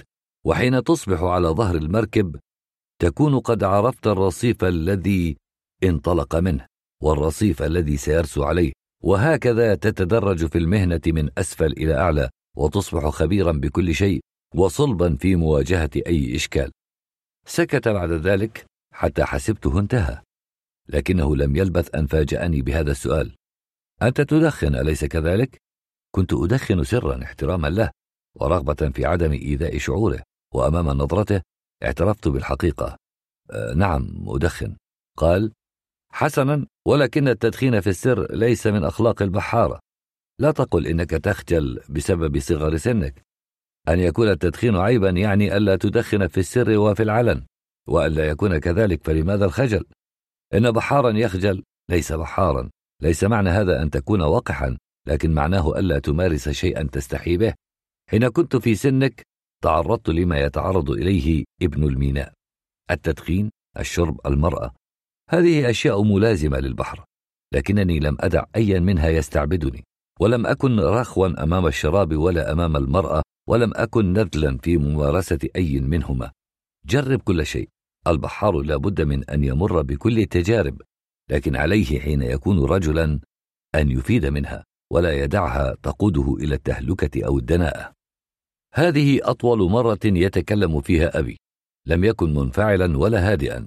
كان يتكلم بجد بالغ على قضية يراها ضرورية إلى درجة يتخلى فيها عن حديثه القصير المعتاد. إنه يلخص تجربته على طريقته يصوغها في قالب نصيحة موجهة لي. وأنا صامت. لا تند عني نائمة مأخوذ بواقعية الحديث وما فيه من تجارب مكثفة تتشرب روح الكلمات التي ضن بها والدي علي طويلا. ثم ها هو يفيض بها كأنما كان يحتبسها في صدره المثقل بأعوام العمر. غير أنني سأذكر هذه الكلمات بعد سنوات من ذلك بكثير من الحسرة. سأستعيدها على النحو الذي نقشت به في ذاكرتي وأكاد أشرق بالدمع. لقد كان والدي يتلو علي موعظة في حياة البحر. كان يودعني وصيته البحرية من دون أن أدري وكان يرجو في نفسه أن أحفظ هذه الوصية ولم أخيب رجاءه فأنا بحار تجاوز مرحلة الشباب ومر بالمراهقة والصبا والرجولة من دون أن تغيب عنه المعاني التي تجلت له حقائق في المواقف الصعبة من حياته البحرية. أسفي أن والدي لم يعاود الكرة. لم يجد ضرورة للعودة إلى استعراض تجاربه أمامي. فقد كان كثير الأسفار كثير المشاغل وكان تدبير أمور العائلة التي غدت كبيرة مع الأيام يأخذ من وقته القسم الأكبر. ولم يكن شأن العائلة وحده الذي يعنيه.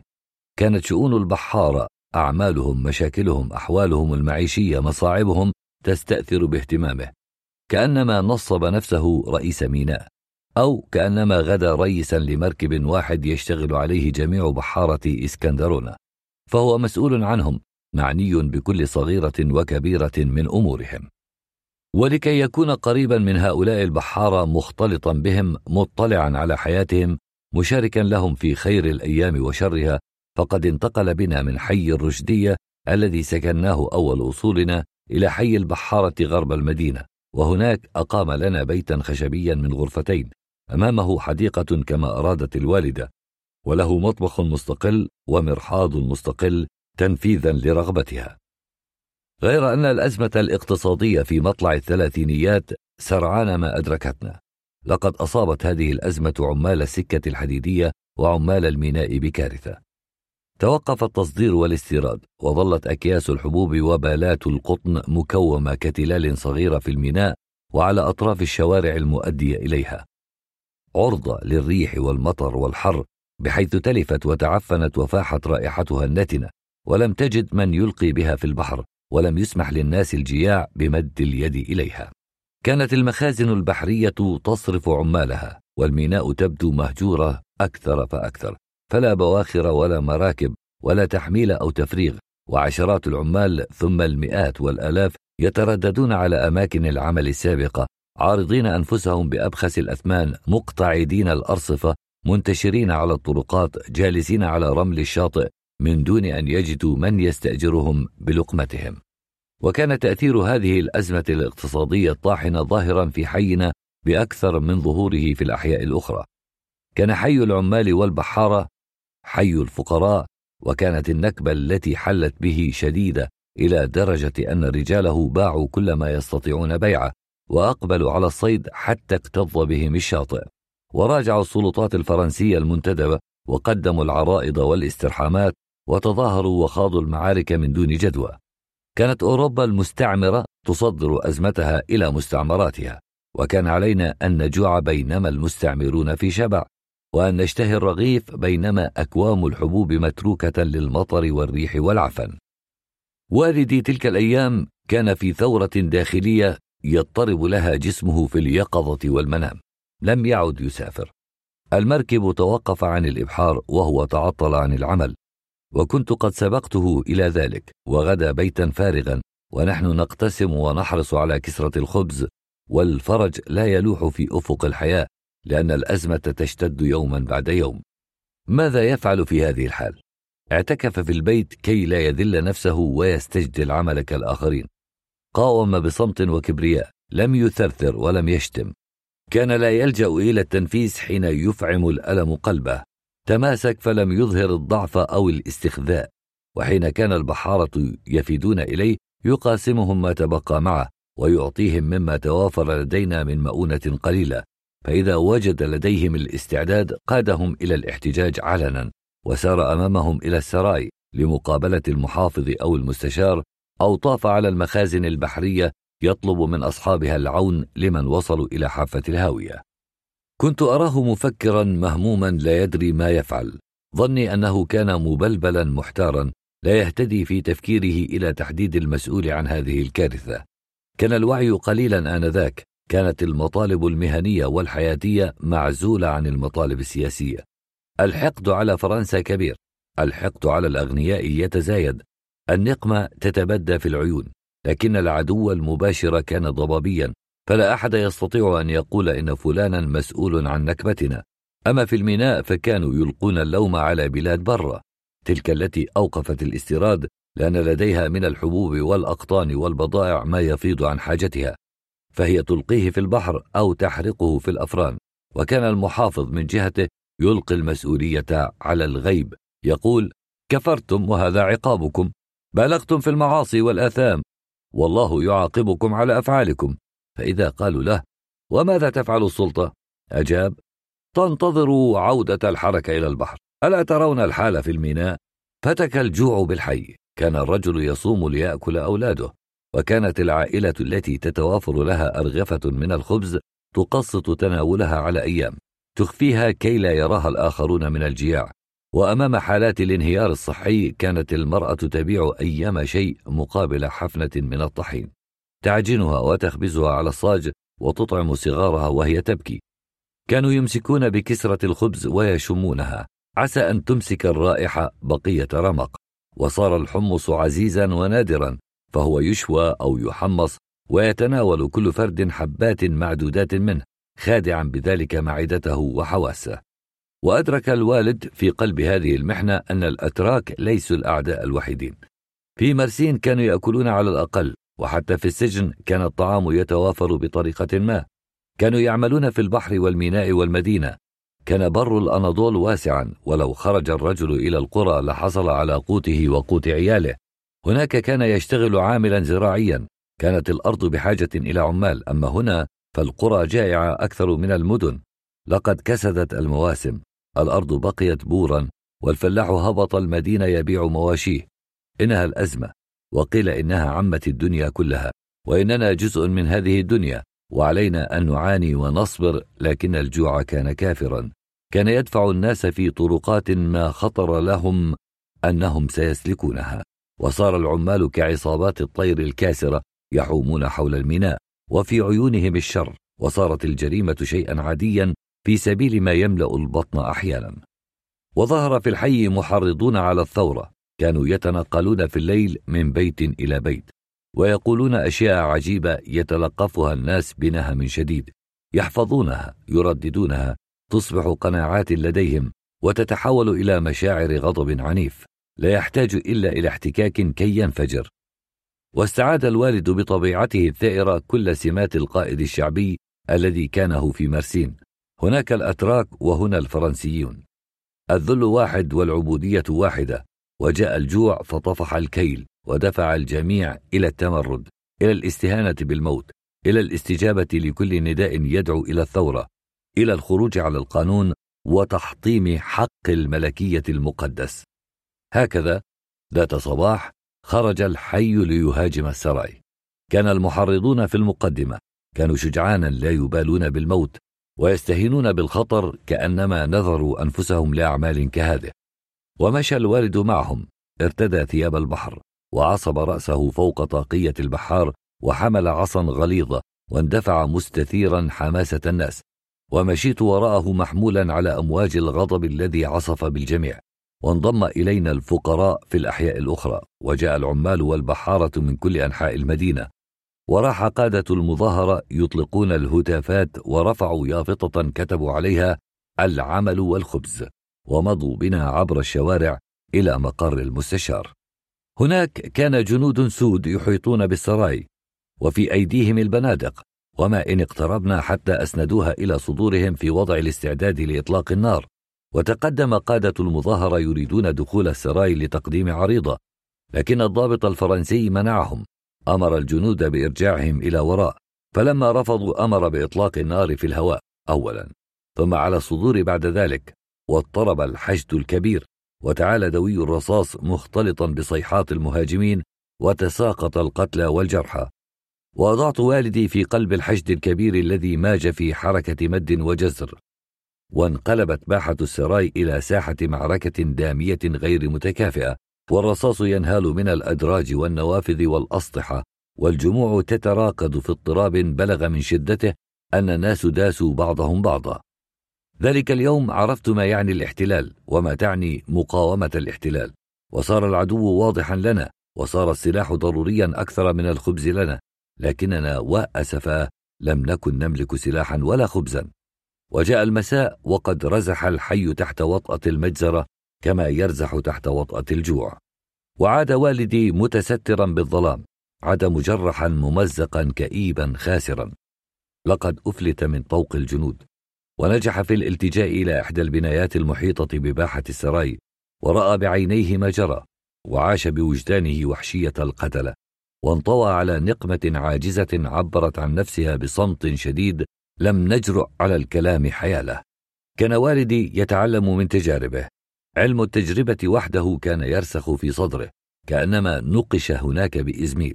وقد رأيت في عينيه ما تعلمه من تجربة اليوم. الوطن ما زال محتلا. دم الساحة صرخ بذلك. راح الأتراك وجاء الفرنسيون لم يتغير شيء. دم الساحة كان يطل من عينيه. ليس خيبة ما فيهما بل عزم. النسر الجريح يحط على صخرة في الجبل. سيعاود تحليقه حين يشفى. حين يغادره الذهول حين يستوعب ما جرى. أما الآن فإنه يداري مشاعره الراعفة في الصدر. في مرسين قاوم الأتراك بالمدية والعصا. كان سلاح المعركة متكافئا. هنا الجسوم مقابل الرصاص. الرجال مقابل الجنود. حي البحارة مقابل السراي. وسمعت صريف أسنانه. فرنسا يا فرنسا. أشفقت عليه. وددت لو تكلم. لو قال شيئا تراه خجل مني؟ خشي أن أقرأ فجيعته في عيني؟ أن أكون شاهدا على ألمه الشخصي؟ قال لنا ناموا. هو لم ينم. أطفأ الضوء ولم ينم. ظل ساهرا تركناه وشأنه. احترمنا جراحه. وفي اليوم التالي خرج من دون أن يتبلغ شيئا. وفر ما عندنا من خبز لنا. تحامل على نفسه وخرج في موكب التشييع. كان لابد من تشييع القتلى إنه يعرف واجبه. سار بخطى ثابتة. حمل النعوش نخ الناس للمؤاجرة وفي المقبرة استند إلى شجرة واستمع إلى خطاب تأبيني. سره أن ثمة من ظل قادرا على الكلام. ظن أن قادة المظاهرة قتلوا أو اعتقلوا. هذا واحد منهم. إنه غريب عن الحي. لم ير له وجها قبل الآن لكنه يتكلم مثل الآخرين. لا يهاب فرنسا. على الضريح هتف بسقوطها. حي الشهداء قال إن المعركة طويلة لكن النصر للمناضلين. قال إن فرنسا سترحل كما جاءت ثم نزل عن الضريح واختفى بين المشيعين وعاد والدي إلى البيت. عاد الآخرون. كان أفضل حالا من أمس. أكل كسرى ونام. ظل نائما إلى المساء. شفيت جروحه بعد أيام. استعاد طبيعته وصار يخرج ليلا. لم يقل إلى أين يذهب. أمي لم تسأله وكذلك نحن. ما عودنا التدخل في شؤونه. نثق أنه لا يذهب للهو مضى زمن له ولا يذهب إلى التسلية. فالهموم من القتامة بحيث يربد الوجه والنساء على وفرتهن فليس إلا النذل من يفكر باستغلال حاجة امرأة إلى رغيف. إنه زمن الجماعة زمن الوحدة زمن التكاتف ضد جائحة شيطانية تنهش القلوب. ودم المجزرة ما زال نديا. يصرخ على بلاط الشوارع وفي السجون معتقلون وفي المدينة ظلام وجوع وقهر. كان يعود مع الفجر يخلع ثيابه ويندس في الفراش. أمي قالت هذا. خشيت أن يكون في خطر من جراء الحرص الذي يظهره وهو يتبطن الظلام في انطلاقه من البيت. سألت ربها أن يدفع المصيبة عنا. تهيأ لها أنه ينوي شرا بأحد من الناس. كانت تعرفه. هذا الكهل الذي ما نام على ضيم. تعرف أن له ثأرا. إنه يطلب ثأره ولو دفع رأسه ثمنا. لقد قتل الذين في السراي أناسا من حينا. قتلوا جيرانا من العمال والبحارة. صالح حزوم قتل أيضا. إنه يستشعر عذاب الآخرين. دموعهم آلامهم ودماءهم. أوصتني أن أخرج وراءه. أن أرصد حركاته وأحميه عند الخطر. لكن الوالد اليقظ كهدهد أمام الدبيب اكتشفني وأعادني إلى البيت أمرني بالعودة إلى البيت. كان قادرا أن يقتلني لو عصيت. أرجع! صاحبي. لا تتدخل فيما أقوم به أنا. كان صارما. هذا البحار العتيق ذئب الميناء قائد المعارك الشعبية كان يقود الآن عصابة. رأيت الرجال يخرجون إليه من مخابئ على الطريق. ينضمون إليه ويمضون معه. كان يتقدمهم باسلا شامخا لا يلتفت ولا يتراجع. كان خفيفا كالريح ضامرا كالحورة متوثبا كنمر. تغزل عيناه نارا تومض كشرارات في الظلام. وقلت في نفسي ضاع والدي. أكبرته وخفت عليه. تصورته قتيلا في الصباح. تصورته سجينا كما في مرسين. وازدادت أوهامي فتخيلت المصير الرهيب الذي سينتهي إليه إذا لم يكف. كان منظر أحد المشنوقين وهو يتدلى من أنشوطة الحبل ما يزال حيا في مخيلتي. وخيل إلي أن مصيره حتى لو نجا من الموت سيكون الإعدام بالمشنقة. ولأول مرة أحببته بجنون بعشق وتمنيت أن أقبله أن أقول له خذني معك أنا ابنك أنا سندك أنا فداك. لكن والدي كان قد أصدر أمره برجوعي إلى البيت. وكان أمره نافذا كرصاصة. عدت إلى البيت مثقلا بهمومي. لم أقل شيئا لوالدتي. زعمت لها أنني فقدت أثره في الليل. طمأنتها حتى نامت. وبقيت ساهرا إلى الفجر إلى حين عودته كشبح انسرب إلى الداخل من دون أن يشعل الضوء. تظاهرت بالنوم وعلى ضوء عود من الثقاب أشعله ليرى طريقه لمحت في يده مسدسا. أخباه في الحديقة أغلب الظن. لأنني رأيته يخرج ويتجه إليها. كنت أقدر أن والدي لا يخرج بغير سلاح في مثل هذه الليالي. ظننت أنه لا يملك سوى الخنجر الذي أعرف أنه يضعه في مطاوي الزنار وسمعته بعد المجزرة يتحدث عن السلاح. كان يتمنى الحصول على سلاح. إنه عملي من هذه النواحي.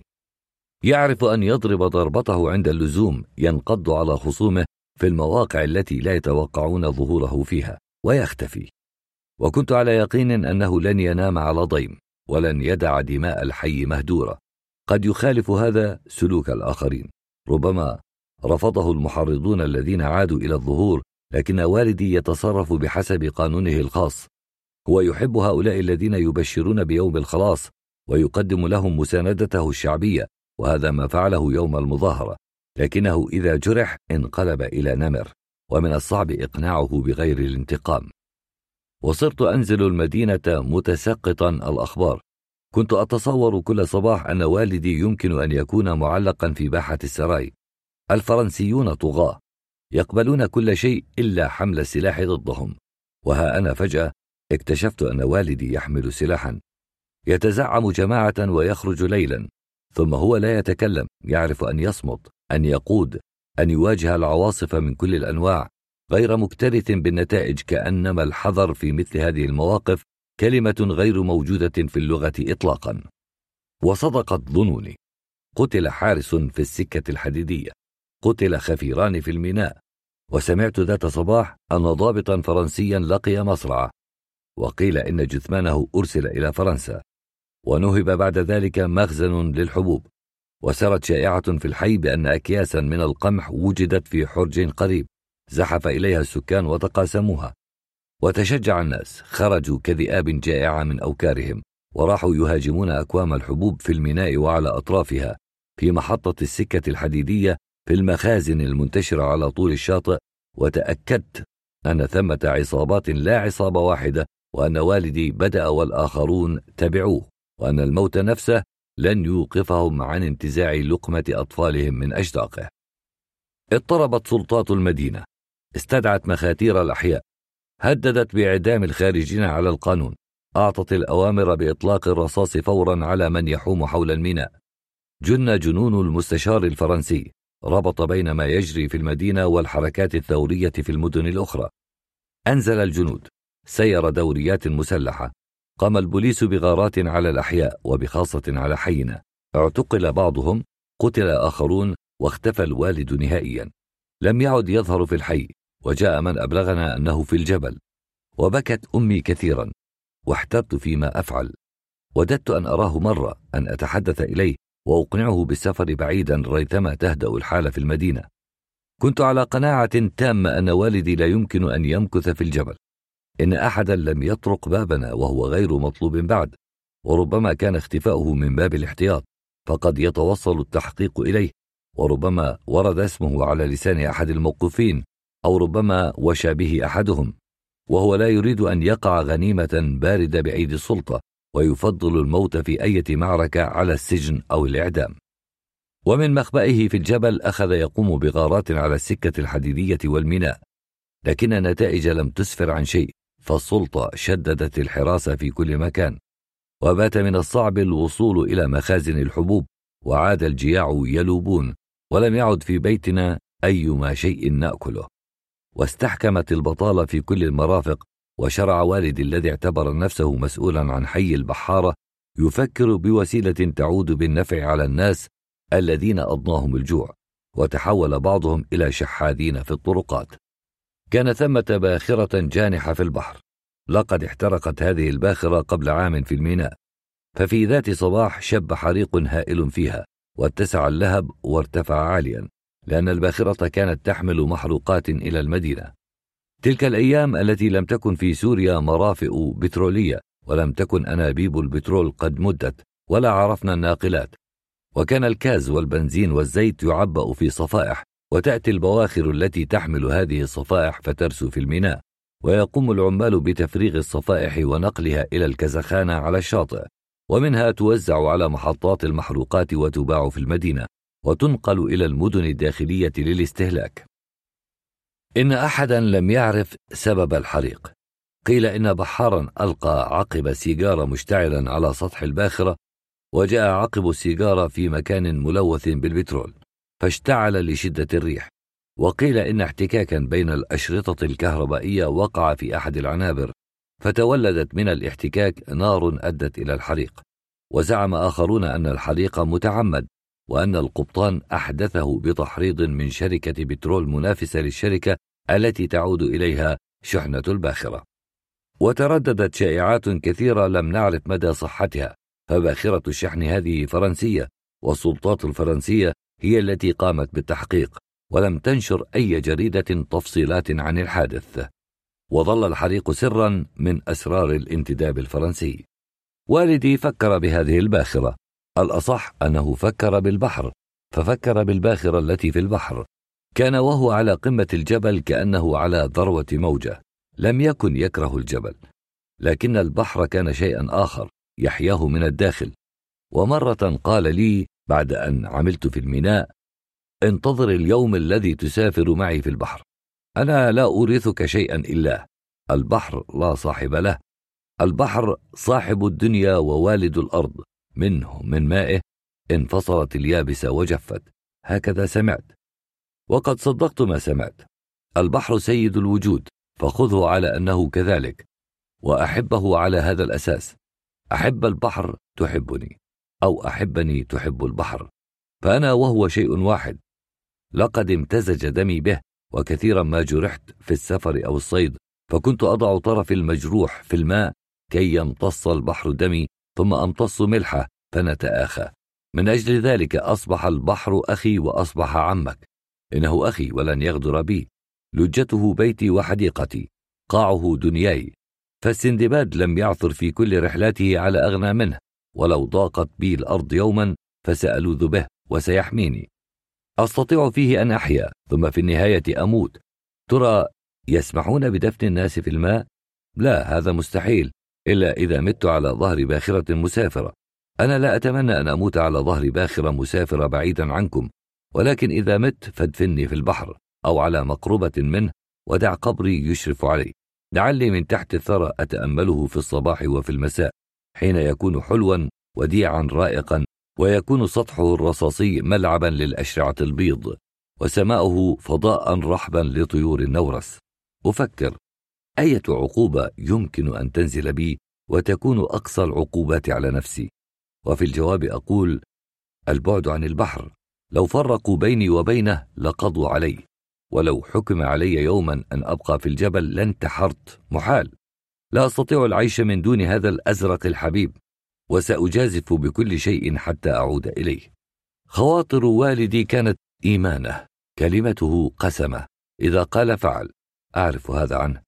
ومن أجل ذلك أدركت يوم بلغنا أنه في الجبل أن حياته هناك لن تطول وأنه سيأتي البحر ولو كان موته على شاطئه. سيأتيه عاشقا كما يأتي امرأة معشوقة وسيجد ألف عذر لذلك. وتمنيت أن يوفق حين يأتي البحر إلى مركب مسافر يبحر معه فهناك في الغربة يكون سالما. سيتعذب لأنه غريب وسنشعر نحن بالغربة ونتعذب لكن العذاب يهون ما دام سالما من الأذى. ولقد صممت إذا جاء أحد من عنده من هناك أن أذهب إليه محاولا إقناعه بالعودة إلى مرسين بالسفر إلى مصر بالعمل على أية سفينة وأن أقوم مقامه برعاية البيت وإعالة الأسرة. سأقول له أشياء كثيرة عاطفية وأصر عليه وأقبل يديه وقدميه ولن أدعه قبل أن يستجيب لطلبي. إن قلقي لن يهدأ قبل سفره والبيت لن يعرف طعم الراحة قبل أن يتحقق ذلك. وعلى الذين معه أن يقنعوه بدورهم أن يشعروه بالخطر وبالضرورة القصوى للرحيل. فبحار مثله معتد بنفسه مفاد بحياته لا يقوى على البقاء بعيدا عن البحر ولا يقوى على القعود عن العمل ولن يحتمل حياة التشرد والبطالة طويلا. ولم يكن حولي من أفضي إليه بهواجسي. أنا لا أستطيع أن أقول هذا الكلام لوالدتي. إنها لا تعرف مكانه ويجب أن تبقى جاهلة ولا تدرك مدى الخطر المحيق به. ومن الأفضل لها أن تبقى كذلك. ثم إنني أخاف أن أبوح بهمومي للآخرين للجيران أو البحارة. السر إذا تجاوز الاثنين شاع. لقد ائتمنني والدي على سره. بعث يخبرني أنه في الجبل وعلي أن أكتم السر وأصمت. يجب أن أطبق شفتي وأتظاهر بالهدوء في البيت وخارجه. ونقل إلي أحدهم ذات يوم أن بحارة الحي اهتدوا إلى كنز. أدهشني الخبر. ظننت أنهم اكتشفوا مستودع حبوب بغير حراسة أو أنهم استولوا على أموال للدولة أو اقتحموا أحد بيوت الأثرياء. وقال ناقل الخبر لا لم يحصل شيء من هذا. الكنز في البحر ولا صاحب له. ألا ترى صفائح الكاز التي ملأت الحي والمدينة؟ راقبت ذلك في الأيام التالية فوجدت الخبر صحيحا. كان البحارة يقومون ليلا بنقل صفائح الكاز وبيعها سرا. يتعاقدون مع أصحاب محطات المحروقات مع أصحاب الدكاكين في النهار ويقبضون جزءا من ثمن البضاعة التي تأتيهم ليلا. وهكذا يشترون مقابل المال الذي يتحصل لديهم بعض الحبوب والخبز. ويقدمون مساعدات لعائلات العمال وتأتينا حصتنا التي تسلم إلى الوالد سرا. كان الموضوع في ذاته طريفا ومفرحا. البحارة لا يهاجمون الكازخانة بل يستخرجون الكاز من البحر. معنى هذا أن الحكومة لا شأن لها بهم وإذا كان لها شأن فإن ذلك سيكون اعتداء. سيكون تحرشا بالبحارة لمنعهم من عمل يدر عليهم ما يسد الرمق. لكنني تساءلت هل طلع للبحارة بئر كاز في البحر؟ وإذا كانت مثل هذه البئر قد وجدت فجأة فمن أين الصفائح ومن يملأها؟ ولماذا تتم العملية في الليل وسرا؟ وهل بلغ ذلك الحكومة وأغضت عنه كي يجد الجياع ما يأكلون أم أن الذين تتم العملية بينهم يكتمون السر؟ وعرفت بعد أسبوع أن صفائح الكاز تستخرج ليلا من الباخرة الجانحة التي احترقت في الميناء وسحبت إلى الجهة الجنوبية الغربية من البحر مقابل حينا تماما. وكانت الباخرة تبين لنا في النهار على مقربة من الشاطئ مغمورة كلها بالمياه لا يظهر منها سوى أطراف صواريها.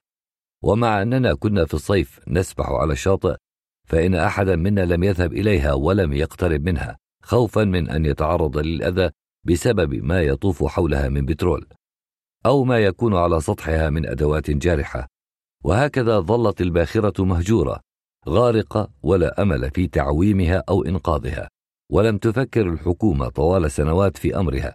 ويبدو أن الشركة التي تملكها يئست منها ولم تجد فائدة في العمل لاستخراج محتوياتها لأن ذلك يكلفها أضعاف ثمن البضائع التي فيها إذا ما جربت أن تأتي بالغطاسين ووسائل التعويم.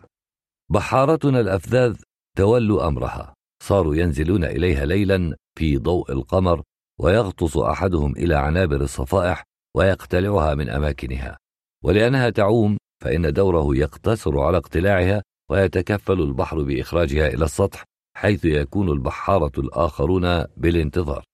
فيدفعونها أمامهم إلى الشاطئ ومن هناك يحملها آخرون إلى الأسواق والأحياء ومحطات المحروقات فيبيعونها. كانت العملية كلها مغامرة مثيرة. ليس للبحارة سوى البحر هذا ما كانوا يقولونه في الحي. البحر الكريم أعطى لقد عرف أننا جياع. ولكن البحر لكي يعطي يحتاج إلى رجله لا إلى تعويذة. فمن ذا الذي فكر بأمر هذه الباخرة المحترقة الغارقة؟ أية فكرة شيطانية نبتت في دماغه فنفذها بجسارة كهذه؟ لابد من أن يكون بحارا شجاعا مجربا. يمتلك طاقة كبيرة لا على السباحة وحدها بل على الغوص أيضا. على نفس مديد يساعده في النزول إلى عنبر الباخرة واقتلاع صفائح الكاز منه.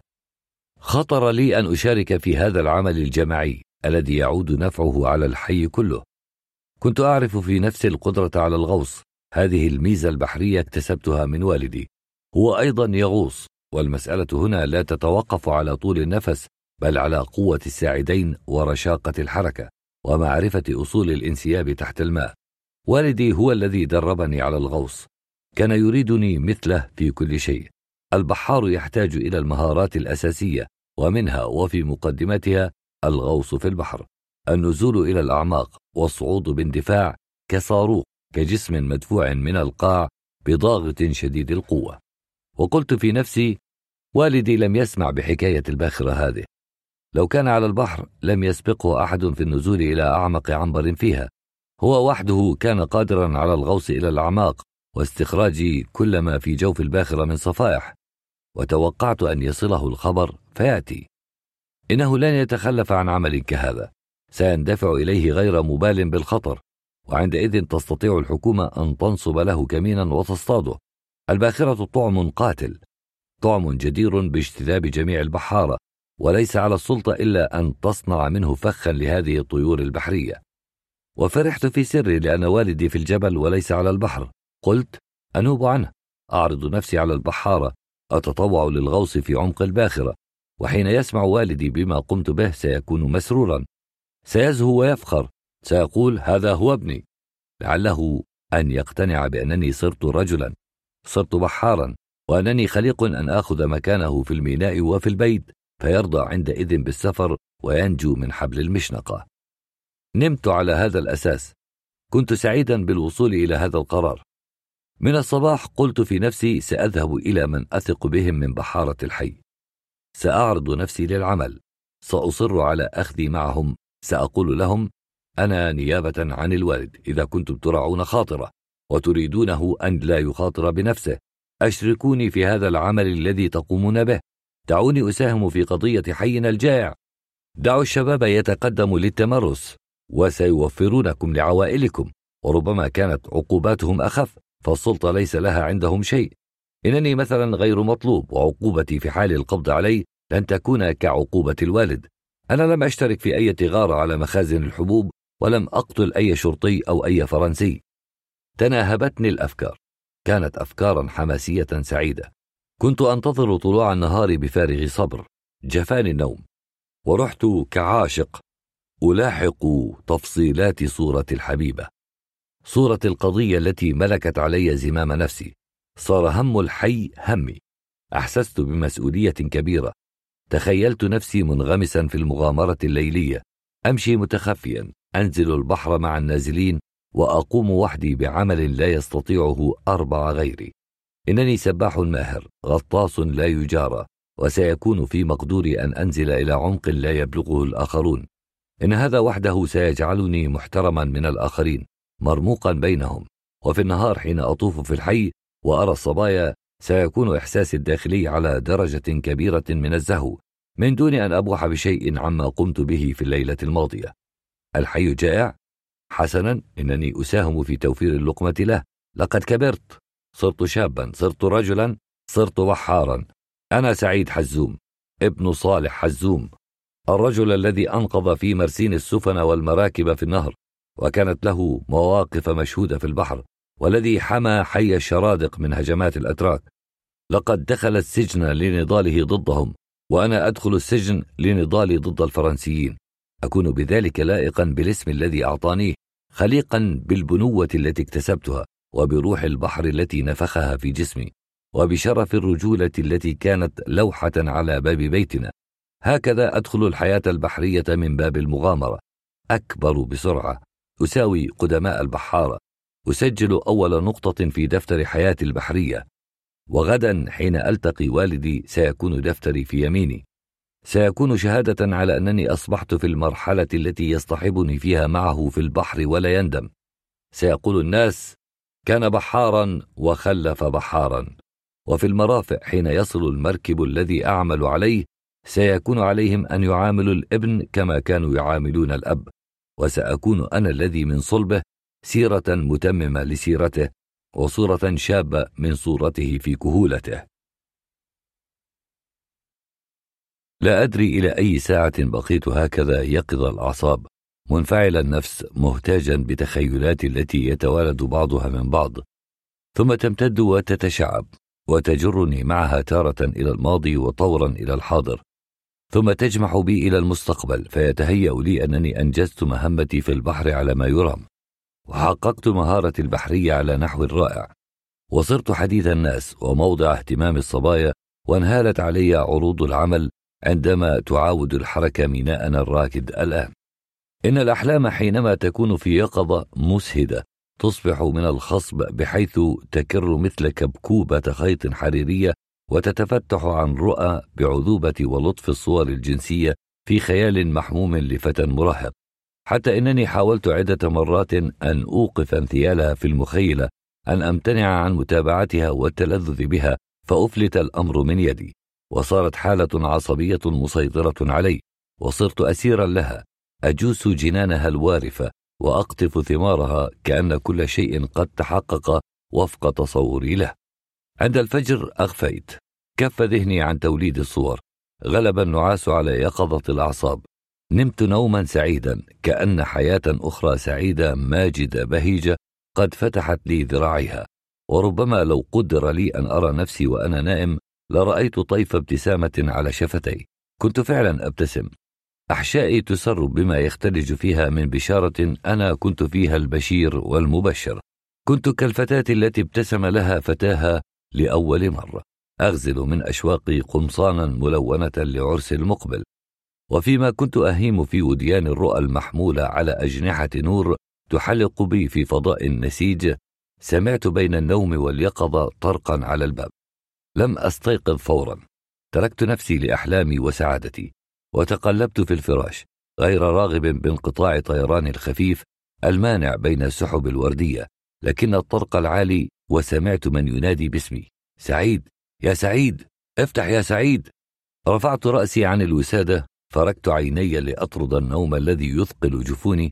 أصغيت في نوع من شك ودهشة إلى الطرق وإلى اسم الذي ينادي به أحدهم من الخارج. وحين تأكدت أن الصوت حقيقة وأن هناك من يطرق الباب نهضت من دون أن أشعل الضوء وصحت من وراء الباب المقفل من هناك؟ من ينادي؟ وجاءني صوت بحار أعرفه أنا بدر افتح أريدك في مسألة مستعجلة أفاقت والدتي وصاحت من هناك؟ من يطرق الباب؟ وماذا يريدون؟ تنبهت فورا إلى دوري كرجل بيت عمدت إلى تهدئتها وإبقائها بالفراش كي لا تنهض وتلحق بي إلى الخارج. قلت لا شيء هذا بدر يريدني في مسألة. نامي أنت. لكنها كانت قد صارت ورائي وهي تقول ماذا يريد بدر؟ أية مسألة دعته إلى إيقاظك؟ لا أدري انتظري قليلا. سأخرج معك. قلبي يحدثني بشر. هل حدث سوء لوالدك؟ وقلت بنبرة الزجر محاولا تقليد والدي لا تخرجي. هذا ليس شغلك. والدي بعيد ولا خطر عليه. ما هذه الأفكار؟ دسست قدمي في حذائي وأنا أتلمسه في العتمة فتحت الباب وخرجت. كان بدر يقف بعيدا ناداني إليه وطلب مني أن أرافقه من دون أن يفصح عن المسألة التي جاء يوقظني لأجلها. وخرجت والدتي حافية في أثري ملحة في سؤالها عما هناك مصرة على اتباعي إلى حيث أذهب.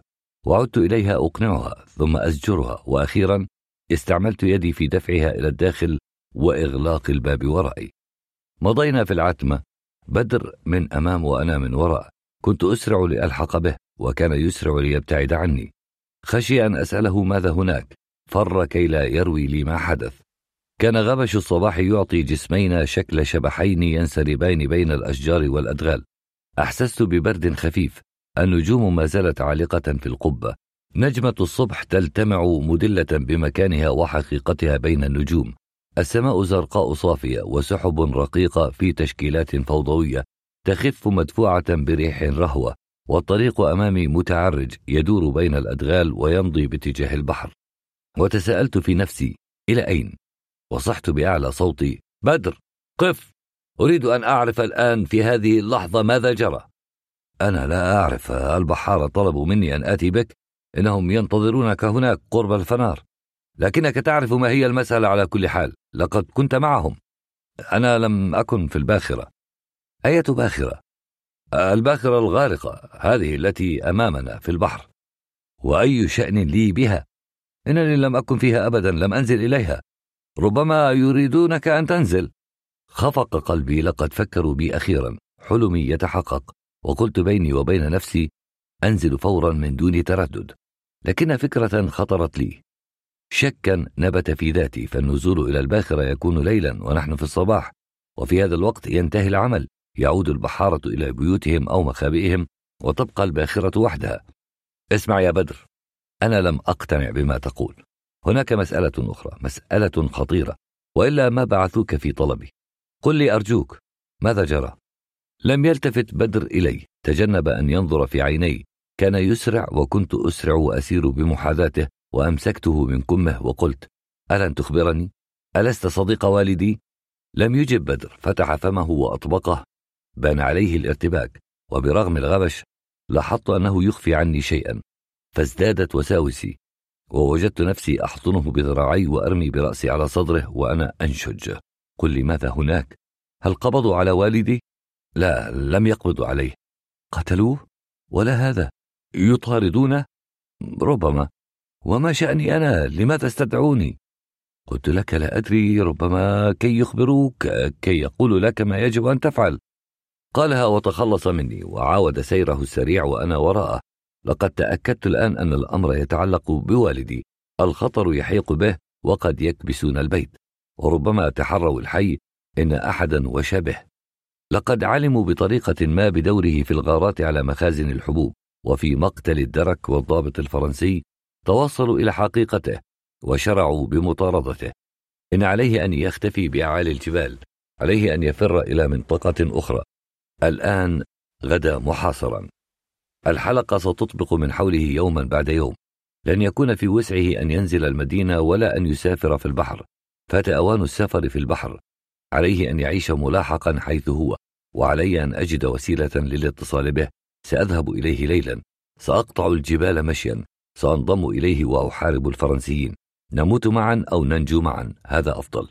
إنني أفتديه بروحي وسأقول هذا للبحارة وأطلب مساعدتهم. قرب الفنار عند شجرة دلب كان يقرفص أربعة أو خمسة من البحارة.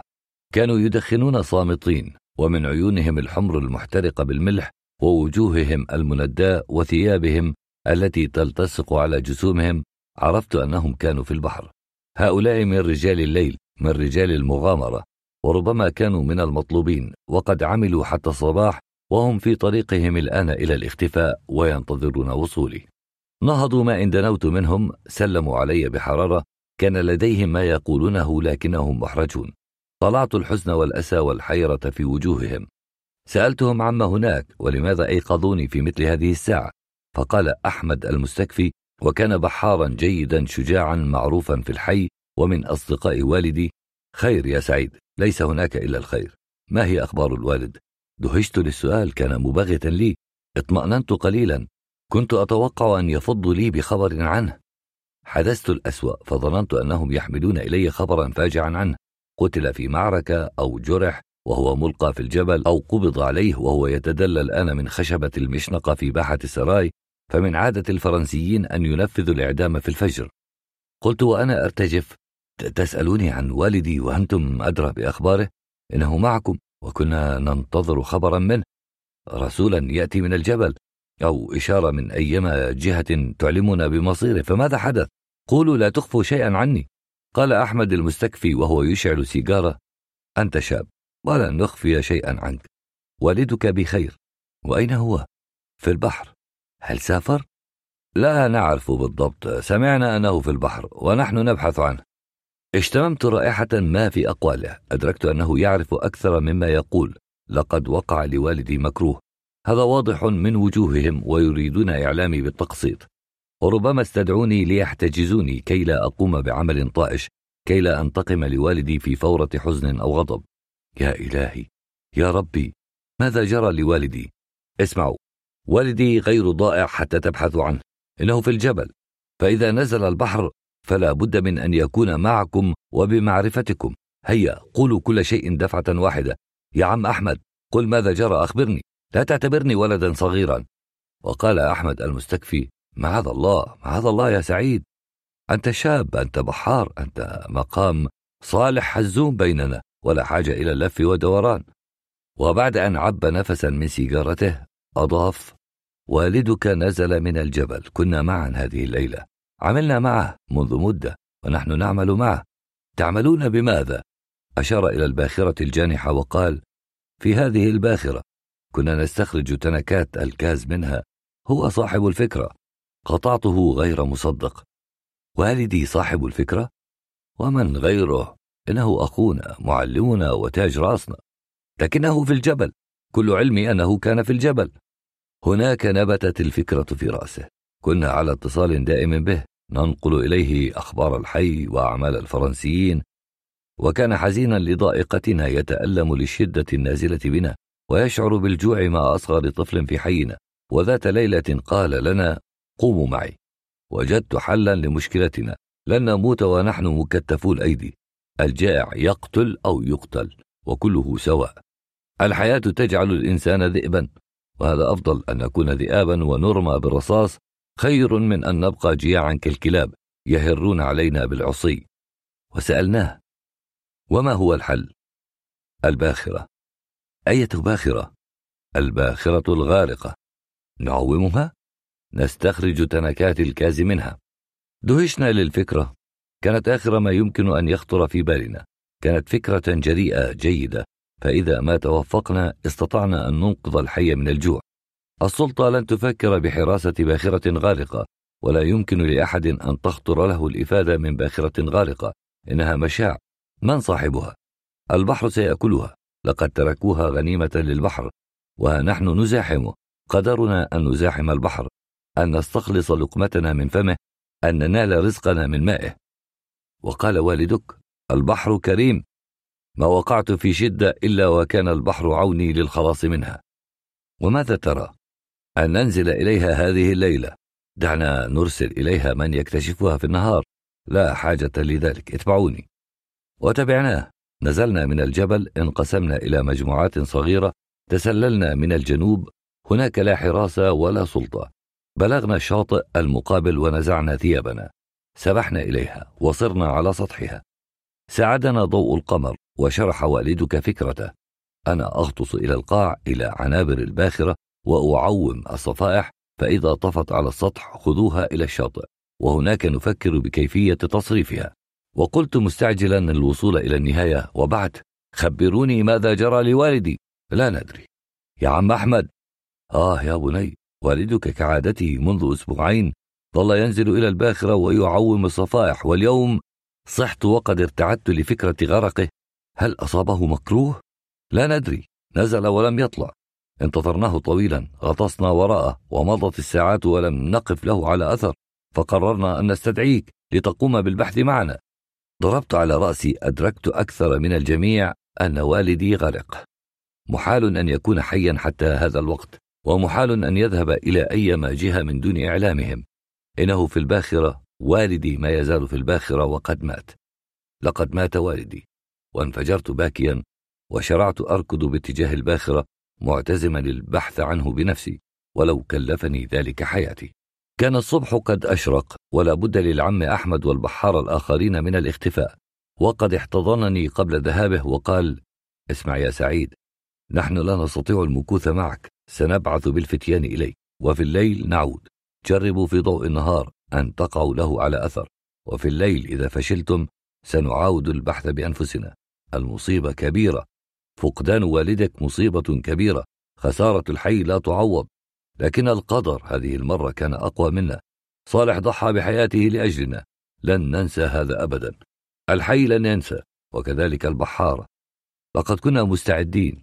كل بحار كان مستعدا أن يفتديه بروحه. لكنه هو الكبير فينا. افتدانا بروحه. ذهب شهيدا يا بني. وإذا كان قد مات فروحه الآن في عليين. الكارثة رهيبة وعلينا أن نتحملها بصبر وشجاعة وأملنا فيك وكذلك ثقتنا فتصرف بحكمة بعقل ولا تجازف حتى لا نقع في كارثة أخرى لا سمح الله. والآن بخاطرك كن رجلا كن بحارا مثل والدك. بعد ذلك قبلني. ابتل وجهي وهو يقبلني.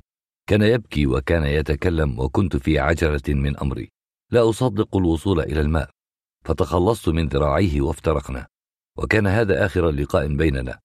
فبعد أسبوع سيقتل هذا البحار العزيز وسيعدم اثنان من البحارة الذين كانوا معه وسيهبط ليل من الحزن على الحي وينطوي الناس على جراحات حفرت عميقا في الصدور. أيها البحر يا بحرنا يا صديقنا لماذا غدرت هكذا بنا؟ ألم يكن صالح حزوم أخاك؟ وهل يقتل الأخ أخاه؟ وكيف بعد هذه العشرة الطويلة نكثت بالعهد؟ أمهلته حتى عاد إلى الوطن؟ أردته أن يكحل عينيه بمرأى الوطن؟ ضقت ذرعا بتحدياته؟ كرهت شجاعته فقتلته لأجلها؟ تريد أن تبقى وحدك شجاع؟ وحدك الملك؟ والدي لم يخطر له أن ينازعك الملك. كان واحدا من رعاياك واحدا من جندك واحدا من بحارتك. فهل يقتل الملك رعاياه وجنوده وبحارته؟ كرما لمن فعلت ذلك وعلى اسم من كانت الضحية. مبارك أنت على كل حال. مبارك ماؤك وسمكك ومرجانك. مبارك في رضاك وغضبك. مبارك في عطاك وفي أخذك. ولتتكرم يا بحرنا أن تعيده إلينا. أعده ولو جثة ويسر لي أن أعثر عليها. هل فهم البحر شيئا مما دار في خاطري؟ كنت أتكلم بغير صوت. كان الموج يتكسر على الشاطئ لا مباليا وكان الزبد يترك تخاريمه المنمنمه على الرمل. وكان الخرير موسيقى هادئة والهدير رتيبا يكرر قافيته في إيقاع ينداح دوائر في الريح الصباحية الخفيفة.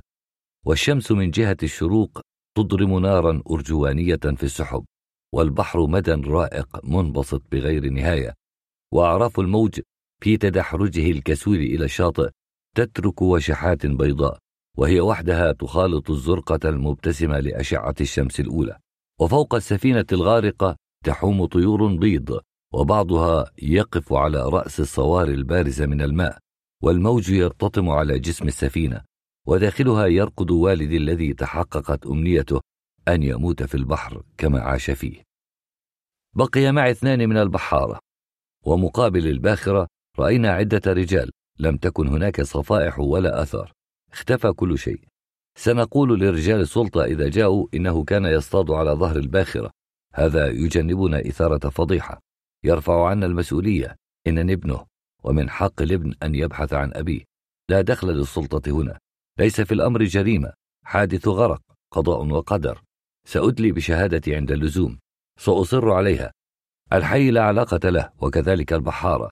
ولن أطلب مساعدة. وحدي سأبحث. أنا واثق من قدرتي على البحث. والدي دربني على الغوص. هل كان يحزر أن ذلك سيكون ضروريا لي؟ وهل كان يقدر أنني سأبحث عنه؟ وهل من الأفضل أن أبقيه حيث هو راقدا في أحضان البحر أم أخرجه لأدفنه كما يليق في تراب الوطن؟ نزعت ثيابي إلا من السروال الداخلي. وقال أحد البحارة انزع السروال الداخلي أيضا. لماذا؟ لأنه يعيق في الغطس داخل الباخرة. كيف؟ قد يعلق بمسمار ما وأنت نازل أو طالع. وقلت بيني وبين نفسي هذا حق إنها فكرة جيدة. ربما نسيها والدي. الباخرة ملأى بالأوتاد والمسامير ملأى بالنتوءات التي تعلق بها الثياب. وربما كان سروال والدي الداخلي هو السبب. لقد نسي أن ينزعه لم يلفته إليه أحد فكان السبب في غرقه. لكنني ترددت في نزعه أمام الناس عورتي لم تنكشف لإنسان بعد فكيف أكشفها الآن؟ وكيف أعود إلى الشاطئ إذا ما تجمع عليه أهل الحي بعد قليل؟ والبحر أنزله هكذا عاريا كما أيام الطفولة؟ كان علي أن أفكر أن أتدبر الأمر غير أن البحار عاد إلى تنبيهه اخلع سروالك يا سعيد لا تكن خجولا الرجل لا يخجل من رجل مثله وقررت سأخلعه على ظهر الباخرة. هناك أفعل ذلك. لدينا متسع من الوقت. لن أكرر خطيئة والدي. ما أظن والدك قد أخطأ. هو المتمرس بالبحر. لا يقع بخطيئة قاتلة كهذه. وقلت في نفسي من يدري إنه قد يرفض التعري أمام الآخرين؟ أنا أعرفه. كان شديد العفة كثير الحياء ويحافظ في كل الظروف على مظهره الخارجي. وأجبت. سنرى. أرجو أن يكون قد انتبه. وأن لا يكون هذا الشيء التافه سببا في غرق بحار مثله. نزلت الماء ومعي بحاران طلبت من الآخرين أن ينتظروا على الشاطئ. قلت لهم إنني سأغطس وحدي. لن أسمح لأحد بأن يفعل ما أفعل. أنا الفدية إذا كان لابد من فداء. لن أعرض غيري للخطر وإذا عجزت عن العثور على أبي فلن يعثر عليه غيري ولم يعترضوا على كلامي. راعوا شعوري. تركوني أتصرف كما أريد. أوصوني فقط ألا أغامر كثيرا. وقال واحد منهم انتبه يا سعيد إذا كان قد لحق مكروه بوالدك فلا ضرورة أن يلحق بك مكروه أنت أيضا. لا تجعل الفجيعة فجيعتين ارحم شبابك وأمك لا تعاند البحر. البحر لا يعاند. إذا كان قد عض على فريسته فلا تنتزعها من أنيابه. فكر بأن للنفس مدى وللغطس حدود. احسب وأنت تنزل حساب الطلوع. دع معك من الوقت ما يكفي. هذه باخرة وليست قاع بحر. في قاع البحر لا توجد حجرات ولا ممرات ولا توجد دهاليز ومنعطفات. الخطر هنا كبير وأنت غير متمرس بعد. هل كنت يوما في باخرة؟ وقلت معتدا بنفسي ناسيا حزني للحظة كنت في بواخر كثيرة. أنا أيضا ابن ميناء والبحر ليس غريبا علي كنت في باخرة غارقة؟ لا إذا فاحذر. لا تقترب من قمرة القبطان ولا غرفة الآلات. انزل إلى العنبر مباشرة. المرء يضيع في باخرة سليمة في باخرة ترسو على الشاطئ. فكيف به وهو في باخرة محترقة وغارقة؟ كيف به وهو تحت الماء من دون جهاز غطس ومن دون مصباح مائي؟ اللعن على الفرنسيين. لماذا سحبوا هذه الباخرة إلى هنا؟ وقلت لا تخاف ادعوا لي بالسلامة فقط. اندفعت إلى البحر وألقيت نفسي فيه كان الماء باردا كان منعشا وباردا. والباخرة أمامي على خط مستقيم تلوح صاريتها كعمود مائل ثبت في البحر. والسباحة إليها تعيد النشاط إلى جسم الفاتر من السهر والحزن. وتجعل لياقتي للغطس تستعيد القدرة والجرأة. وتتيح لعيني أن تألفا النظر تحت الماء بعد الاكتواء بالماء المالح. وكان البحاران إلى جانبي يملكان مثلي رشاقة السباحة السطحية ويرسلان زنديهما في حركة دفاع انسيابية. ونحن نتقدم في صف واحد أجسامنا في الماء ورؤوسنا فوقه كسرب من الدلافين من دون أن نتكلم من دون أن نتبادل النظر وكل منا يفكر بالمهمة الصعبة ويبقى هادئا كحاله الآن إلى أن نعثر على الجثة التي أكد البحارة أنها في عنابر الباخرة. وفي أمل كذوب يداعب النفس الملهوفة رحت أتخيل والدي سليما في القاع وقد تمكن بطريقة ما أن يدخل حجرة في الباخرة ويحتمي بها. ورجوت من دون أي سند من قناعة أن تكون لوالدي قدرة على التنفس وهو تحت الماء وأن تقع معجزة كهذه بشفاعة جميع الأولياء. فأعود إلى البر غانما شاعرا بهذا المعروف الذي لن أنساه للبحر ما حييت كانت عيون النوارس فوق الصارية العائمة تتجه إلينا. لعلها تريد من باب الفضول أن تعرف من نحن وماذا نفعل. لم تكن ثمة طيور غيرها. لقد راقبت السماء جيدا راصدا ظهور الشوحات فيها كدلالة على وجود جثة طافية في الماء. فكرت أن البحر بعد أن تعوم الجثة في الماء قد يلفظها خارج الباخرة وبعدئذ يقذفها الموج إلى الشاطئ. ولهذا علينا قبل البحث في العنابر أن نرسل النظر في الجهات الأربع ونراقب ظهور الطيور السوداء على امتداد الساحل. فنعرف من حركة تجمعها وطيرانها أن هناك جسما غريبا في النقطة التي تحوم فيها. أتينا الباخرة من جانبها المائل المغمور عميقا في الماء كانت ترتكز على حدها الأيسر بعد أن غاب غاطسها في الرمل لشدة ثقلها. ولهذا بدا سطحها جرفا خشبيا. تصطفق عليه الأمواج ويحتاج المرء كي يقف عليه أن يكون على وضع مماثل للوضع الذي يتخذه وهو يصعد جبلا شديد الانحدار.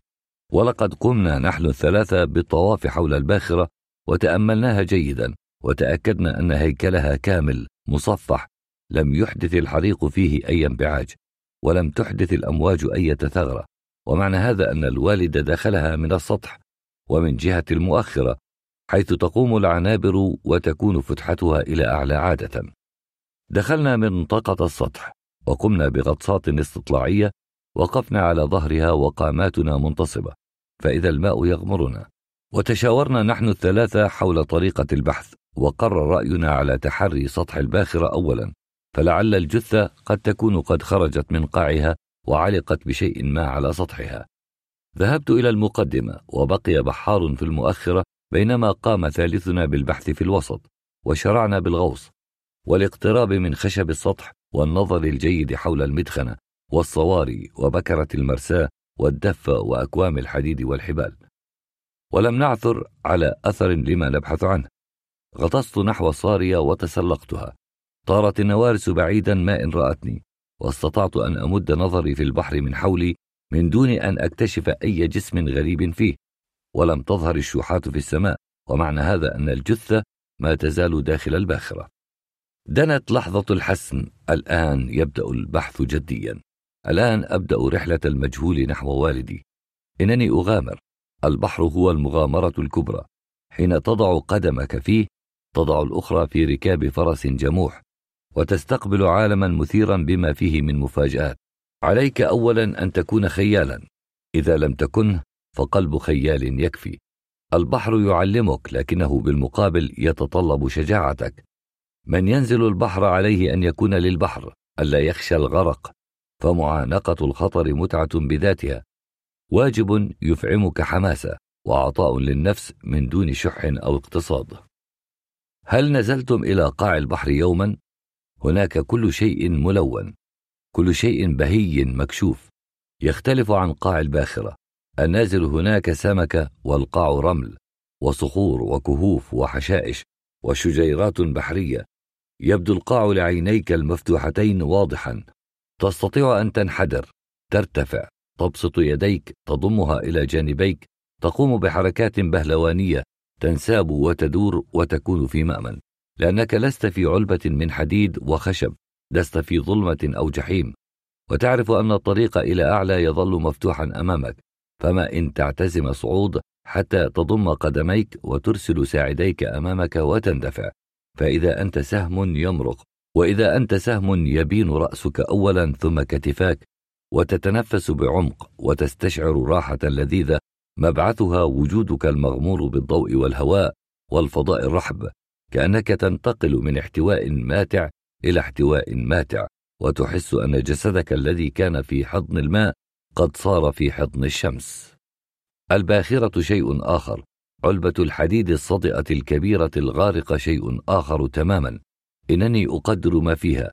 أرتعش من تهيب وأنا أتصور فتحة العنبر التي سأنزل منها إلى الداخل وسط ماء راكد بارد مظلم علي أن أعتاد الرؤية فيه. الباخرة شيء آخر. علبة الحديد الصدئة الكبيرة الغارقة شيء آخر تماما. إنني أقدر ما فيها. أرتعش من تهيب وأنا أتصور فتحة العنبر التي سأنزلق منها إلى الداخل وسط ماء راكد بارد مظلم. علي أن أعتاد الرؤية فيه وأن أتحمل ما فيه من تلوث ورائحة عفنة وأن أمرق منه إلى غيره مكتشفا طريقي بصعوبة دائرا حول المواقع مرتفعا عن الحواجز حافظا خط رجعة. حاسبا مقدار ما أنفقت من نفس في النزول ومقدار ما علي أن أنفق في الطلوع معرضا أبدا إلى اصطدام بهذا الجدار بتلك العقبة قادرا على الانزلاق والالتفاف إلى أن أعثر على فوهة الخروج فأندفع منها. فكرت بوالدي أي قلب كان له؟ أية جسارة فائقة؟ كيف اهتدى إلى هذا المنجم الكازي؟ وكيف تجرأ هو وحده أن يقتحم ولو في التصور خطرا كهذا؟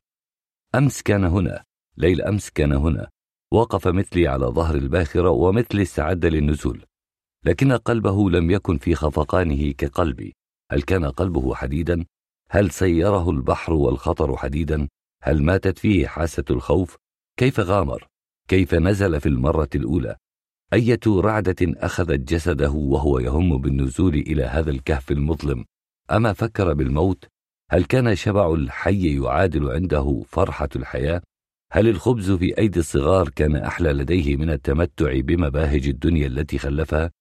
إنني لا أفهم والدي لم أفهمه أبدا لم أقدر أنه يملك تصميما كهذا وعزما كهذا ورغبة في التضحية تبلغ حد الاستخفاف بالخطر على هذه الصورة المرعبة لقد أنقذ المراكب والسفن في ذلك النهر أقدم على فعلة يندر أن يقدم عليها بحار لكن كل شيء هناك تم في الضوء فوق الماء.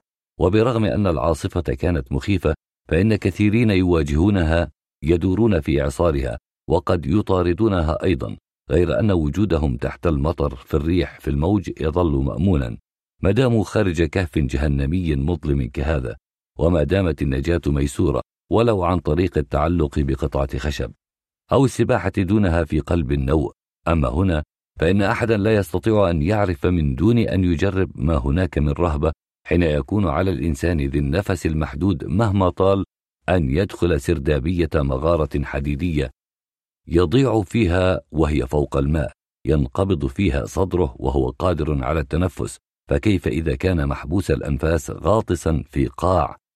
الله وحده يهدي إلى مداخله أو مخارجه المظلمة. أتساءل وكم مضت أعوام كثيرة على ذلك الحادث. هل حقا أنا الذي أقدمت على البحث عن جثة والدي في باخرة الشحن الغارقة تلك؟ وكيف ألقيت نفسي إلى التهلكة؟ مدفوعا بعاطفة كبيرة نصفها ناشئ عن شعور البنوة ونصفها الآخر ناجم عن الإعجاب بذلك البحار الذي كان.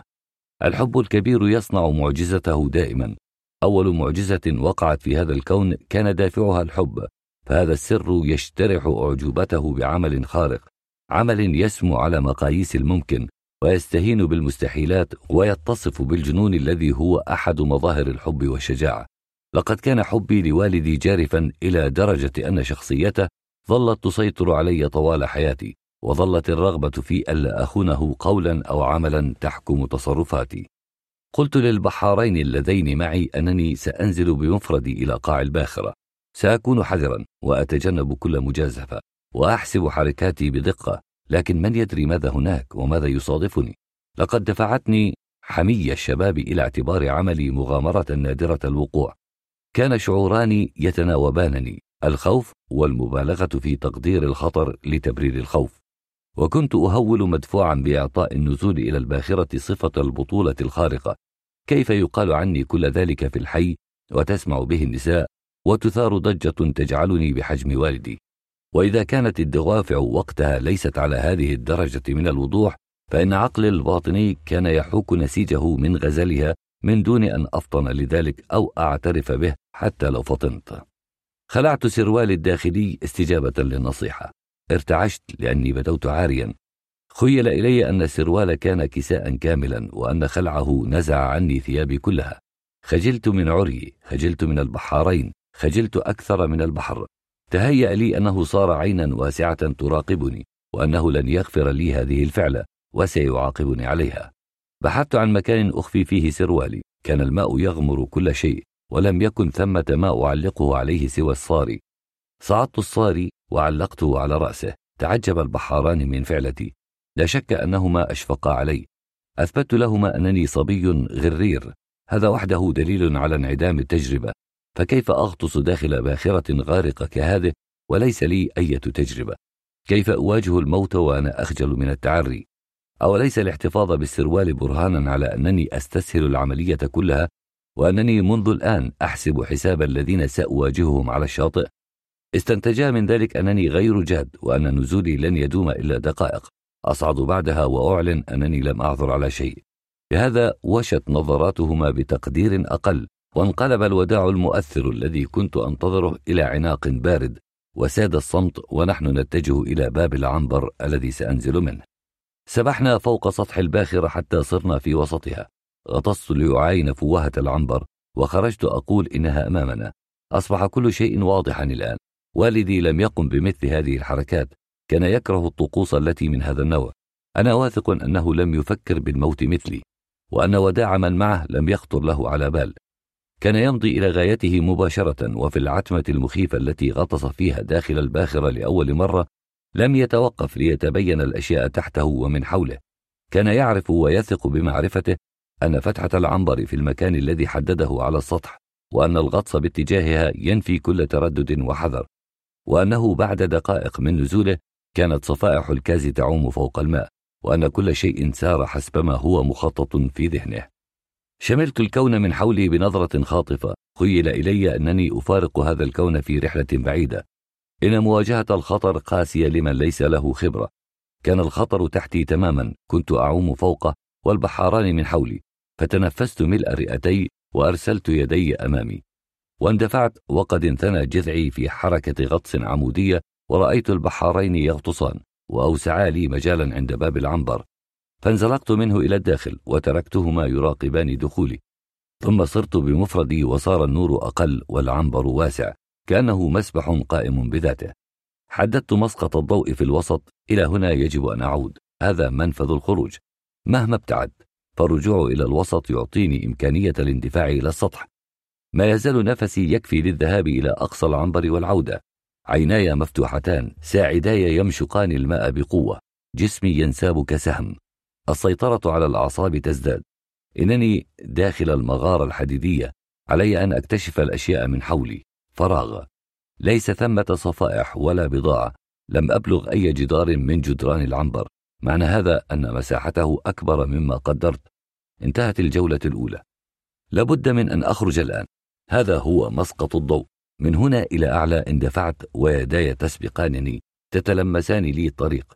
انفتح النور صرت خارج الباخرة. رأسي فوق الماء. تنفست بعمق بعمق. وجاء البحاران لمساعدتي. طلبا مني أن أستند بمرفقي إلى كتفيهما وأستريح. أشارت إلي ألا أتكلم. أطبقت فمي. شعرت أنني ولدت من جديد وأغمضت عيني لحظة حالما بالأرض.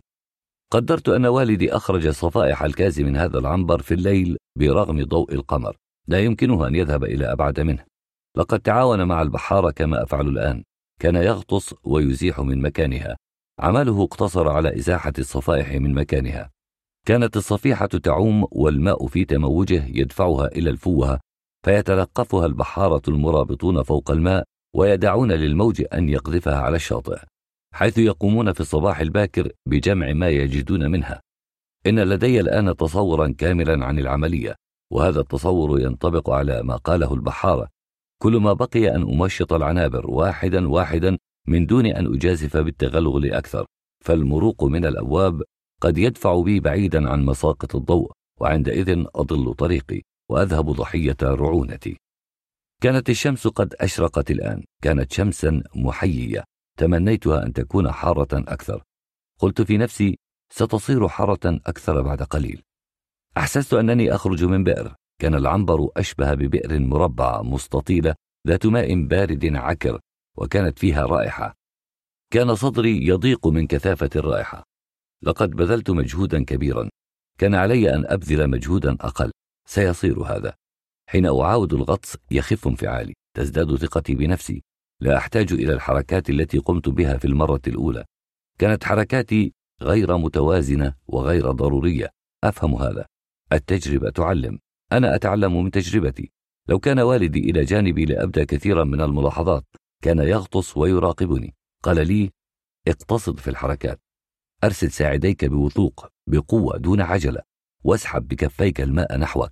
يندفع جسمك كقذيفة إلى أمام. كثرة الحركات تتعب الذي يسبح. المبتدئ بالسباحة يكثر من الحركات لذلك يتعب. في النهر يضربون وجه الماء بأقدامهم. سباحة النهر مضحكة. لماذا الضرب بالقدمين؟ مسخرة. على الإنسان ألا يرفس. البغل وحده خلق لهذا. الرفس يؤدي إلى تشنج عضلات الساق. تجنب أن ترفع قدميك فوق الماء. دعهما وراءك. حركهما كمقص وهذا يكفي. حركة المقص مع الدفع إلى الأمام تعطي الجسم قوة ورشاقة. راقب الضفدع وهو يسبح. هل رأيت ضفدعا يخرج قدميه من الماء ويقبض بهما وراءه؟ يحركهما بتناسق. يثنيهما من الخارج حتى تغدو حركة المقص دائرية وبذلك يحصل الانسجام بين اليدين والرجلين. احفظ ما أقوله لك خاصة في حالة الغطس. حفظت ما قاله والدي طول النفس هبة في عائلتنا. أنا مثل والدي طويل النفس. أستطيع النزول والبحث في العنبر كما فعلت الآن. الشمس المشرقة تساعدني تنير لي ظلمة العنبر تجعل الرؤية ممكنة تحت الماء. الزوايا هي المشكلة. كيف أبحث في الزوايا؟ قد أحتاج إلى مصباح كهربائي. السلطة لا تقدم مثل هذا المصباح لا تقدم أي مساعدة. ماذا يعنيها من بحار غليق ليغرق جميع البحارة تتخلص منهم عندئذ إنهم مشاغبون في نظرها. لا تهمها حقوق المواطنة. المواطن لا حق له في بلد محتل ويباح دمه إذا هو تمرد. دم والدي كان مباحا. أنا من يطالب به لو قتل على يد السلطة. غير أنه مات في البحر. فهل أطالب البحر بدمه؟ بعض الأسئلة يبقى من دون جواب يكون الجواب أكبر وأخطر من السؤال. البحر لا يطالب بدية لا يطالب بدم يعطي ويأخذ كيف يشاء له كلمته الخاصة له سره الذي لا يدرك. أمام عظمته يصبح التطاول تجديفا. لو سمعني والدي أجدف على البحر لعاقبني. لو مت فيه لما ثأر لي. مجنون من يثأر من البحر ووالدي لم يكن مجنونا. ماذا؟ هل أشك في هذه الحقيقة؟ هل كان مجنونا بشكل من الأشكال؟ وماذا أسمي حادثة النهر إذا؟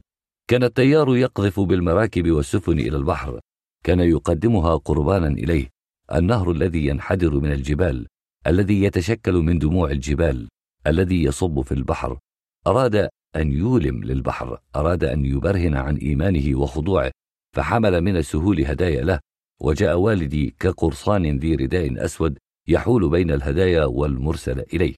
نزل النهر في أعنف ثورة قام بها على اليابسة تصدى له وهو في شبقه المسعور إلى التواصل مع البحر.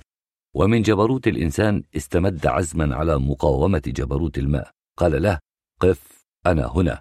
وقال النهر دعني أنا رسول الجبال إلى البحار. أحمل هدايا القمة إلى اللجة.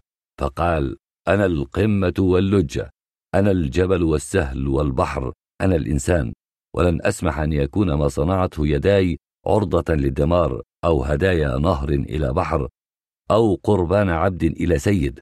قال النهر سيغضب منك إله العاصفة ولن يغفر لك أبدا. فأجابه أنا أعرف العاصفة ولا أهابها وأعرف البحر ولا أخشى صولته وهذه المراكب والسفن تحت حمايتي ومن كان في حماية الإنسان لا تجرؤ على اقتناصه الطبيعة. وكذلك استل من حلق البحر فريسة وصلت إلى حلق البحر فكانت عداوة بينهما وكان ثأر ثم احترقت سفينة الشحن وغرقت في البحر وتخلى عنها أصحابها عجزا أو يأسا. تركوها فريسة لمن اصطادها وقدموها هدية من النار إلى الماء غير أن والدي جاء البحر قرصانا مرة أخرى وقال له قف أنا هنا. وفتح البحر عينه الواسعة وراز هذا الوافد المتجاسر وقال دع ما للبحر للبحر واحتفظ بما للبر للبر إنني صديقك. وأجابه من يعتدي يصبح عدوا وليس مع العدو سلام. وهكذا كانت المعركة بينهما وكان أن ثأر البحر لنفسه فقتل والدي. وجاء الآن دوري للثأر من الثأر. جاء دوري كي أحافظ على ما كانه والدي ولن أعق أبوته أبدا. التفت إلى البحارين من حولي. خيل إلي أنني غفوت. لقد رأيت والدي وكلمته. سألته النصح فقال أنت تعرفه. إن تكن من صلبي فانتقم لي. انتزع جثتي من أجداق الماء ووارها الثرى كما يليق بالابن أن يفعل بجثمان أبيه. لا تقل البحر مخيف. الإنسان مخيف أكثر. ولا تقل البحر جبار. الإنسان جبار أكثر. ولا تنتقص من احترامك للبحر. لكن لا تنتقص من احترامك لنفسك. صارع. هذا هو قانون الحياة. الصراع قانون الحياة وهو يبدأ بالصغيرة وينتهي بالكبيرة. إذا كنت بحارا قدم برهانك. وإذا كنت شجاعا قدم برهانك. وإذا لم تكن كذلك فلست ابني. الأبناء يخونون الآباء حين يتنكرون لرسالاتهم والتنكر يبدأ بالخوف وينتهي بالخيانة. صحت بصوت عال. أنا لن أخون والدي.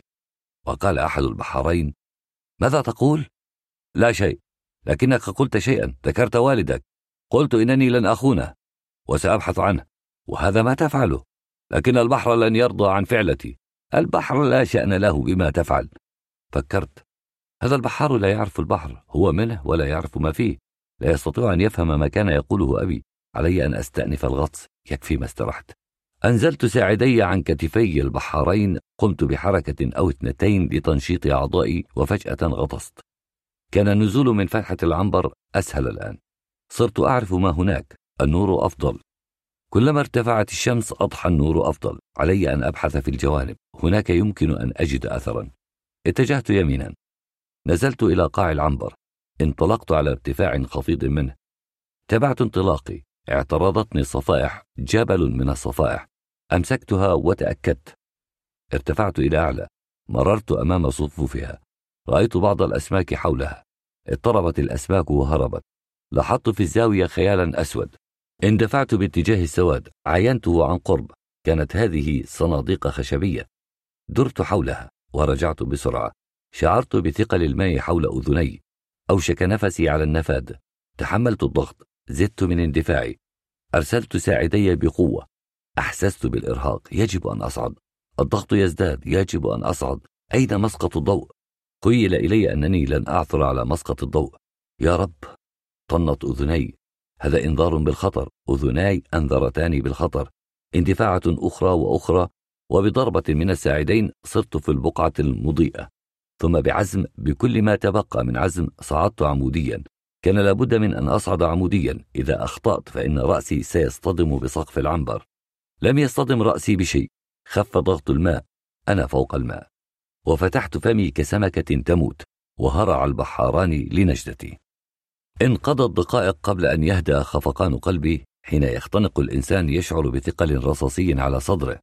أنا شعرت بثقل رصاصي على صدري. رئتاي اتسعتا اتسعتا. لم يعد مجال للتماسك. لابد من أن أتنفس. آه ما أعظم أن نتنفس. أن نشهق ونزفر بحرية ونعب من الهواء قدر ما نريد. فتحت عيني على مهل ببطء شديد كانت الشمس مشرقة. كرة أخرى أرى الشمس مشرقة. لم تكن حارة كما أريد. لماذا لم تكن الشمس حارة كما أريد؟ الرمل على الشاطئ. ما أجمل الرمل على الشاطئ وأنت فوقه. تستلقي تنام تتقلب. تشعر أنك على الأرض على صدر هذه الحبيبة على صدر هذه الأم. ثم تغمض عينيك وترى من خلال أجفانك المطبقة كرة حمراء في السماء نارا متوهجة دافئة وتحس بالراحة وبالحاجة إلى النوم وتستسلم إلى خدر لذيذ لذيذ لذيذ. لم أتكلم برغم أنني استرحت. أدركت الآن لماذا لا يتكلم الغطاسون عقب صعودهم من الماء. الراحة والكلام لا يتفقان. الغطاس يتعلم الصمت يحبه يجد فيه راحة. لقد احترم والدي الغطاس طوال حياته. كان يكره حبه اللؤلؤ. يرى عليها آثار دم. اللؤلؤة موشحة بالدم. يقول غالية هي بحجم الجهد الذي بذل فيها. شباب الغطاس يفنى لأجلها ويظل عنق زوجته خاليا منها. اللؤلؤ ليس للغطاسين ولا للبحارة. على عنق عجوز ثرية قلادة من لؤلؤ وعلى رمل القاع بقعة من دم. البحر يبادل ويضحك ما أعظم تضحية الذي يقايض بدمه وما أفظع شره الذي يستغل هذه التضحية. أيها الغطاسون يا جميع الغطاسين إنني مثلكم الآن. أنتم تغطسون على اللؤلؤ الطبيعي وأنا أغطس على اللؤلؤ البشري. والدي كان لؤلؤة وضاعت خبأها البحر في صدفته الكبيرة. أنا أبحث عن هذه الصدفة الكبيرة وحين أجدها سأنتزعها عنوة. لن يكون البحر راضيا أفهم هذا. لكن البحر اعتدى هذه المرة ومن الصعب إرضاء المعتدي. سأغضبه. غضبه أسهل. ليكن بيننا ثأر. سأثأر وليكن ما يكون. والدي في شجاعته ليس أكثر جنونا مني. لن أدع المعتدي يهنأ بعدوانه. أقسم على ذلك. نصحني البحاران بالراحة أكثر. إذا تعب الغطاس قلت الفائدة من غطسه. كذلك قال أحدهما وقال الآخر أنت تغامر كثيرا انتبه لا تقامر على حياتك. لم أجب بشيء لا نجاح من دون مغامرة. الحذر في بعض المواقف جبن. لو كان والدي حذرا ما واجه العاصفة على النهر. كان اختبأ كالآخرين في مقهى الميناء. حين يلوح الخطر ينتفي الحذر. هكذا تعامل مع الحياة. كان سيدها لا عبدها. هو أورثني سيادته. إنها أمانة في عنقي. كل ما صنعه الأب أمانة في عنق الابن. تجرأ على البحر حتى اغتاله البحر. لا بأس هذا أفضل من الاستكانة. لو استكان لعاش حياة دليلة أي عار كان سيخلفه لي؟ وأنا أي عار أخلف لأولادي إذا استكنت؟ سيسمعون بحكاية جدهم. سيقول الناس غارق ولم يجد من يبحث عن جثته. أبوكم جبن فلم يعثر عليها. أي درس أقدمه لهم عندئذ؟ أية تربية أكون مثلها لديهم؟ ما هي القدوة التي أدعوهم إلى الاقتداء بها؟ عندما يتعب الجسد ينشط الذهن جسدي في حالة إرهاق وذهني في ذروة النشاط. التفكير يفرض نفسه علي.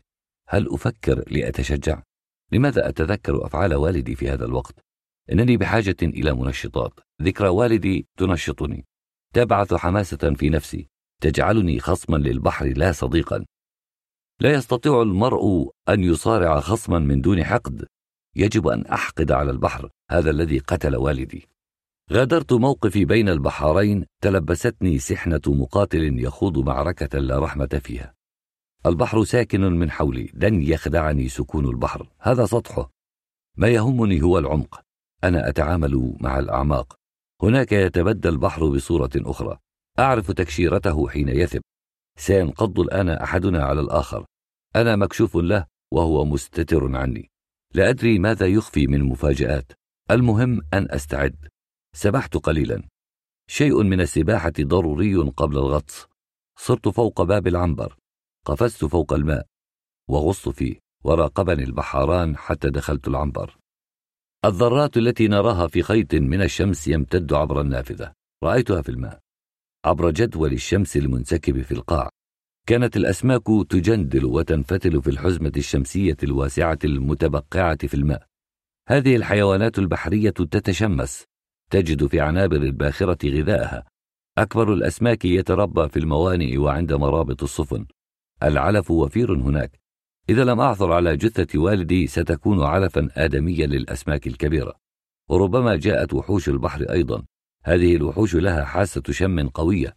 ستأتي من مسافات بعيدة تكون جائعة في مطلع الصيف.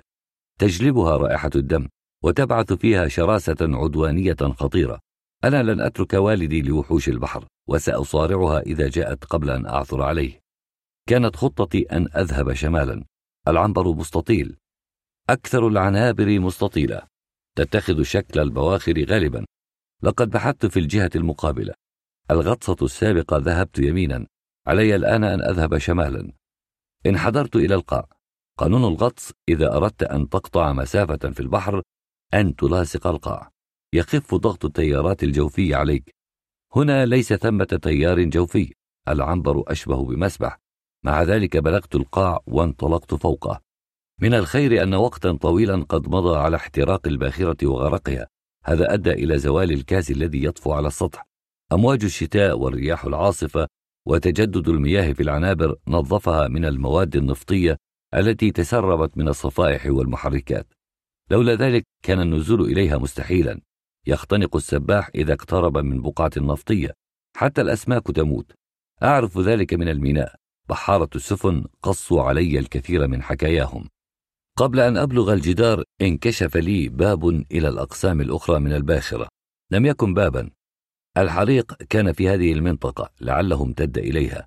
النار أتت على الجدار الخشبي. هذه آثار الحريق ثغرة كبيرة في الجدار.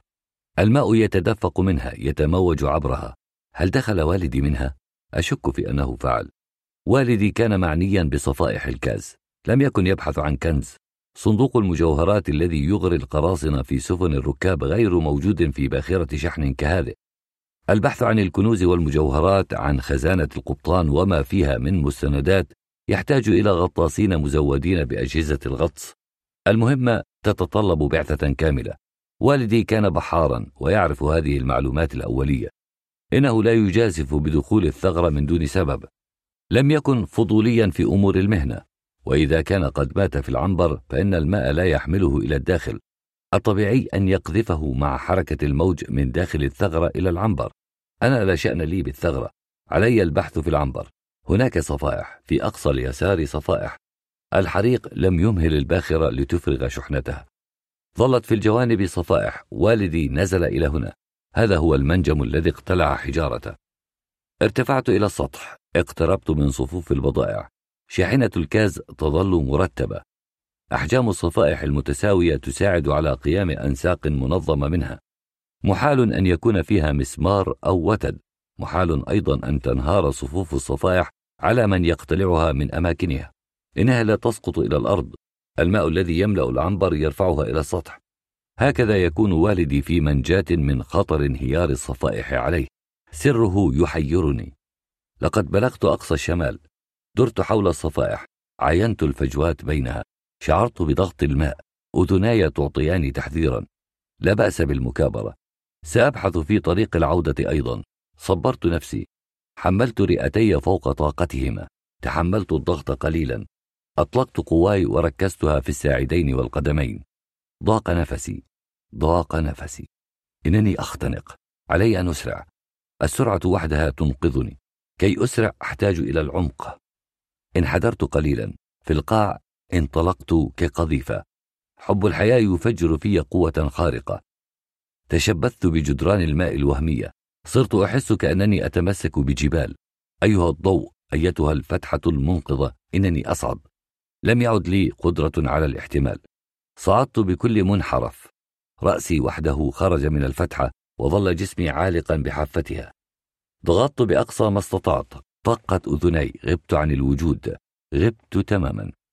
حين استعدت وعيي وجدت بعض البحارة من حولي. كان الخبر قد بلغ الحي وجاء بعض من أهله إلى الشاطئ ولم يصبر البحارة حتى يأتيهم خبر منا. فنزل ثلاثة منهم إلى البحر وسبحوا إلينا.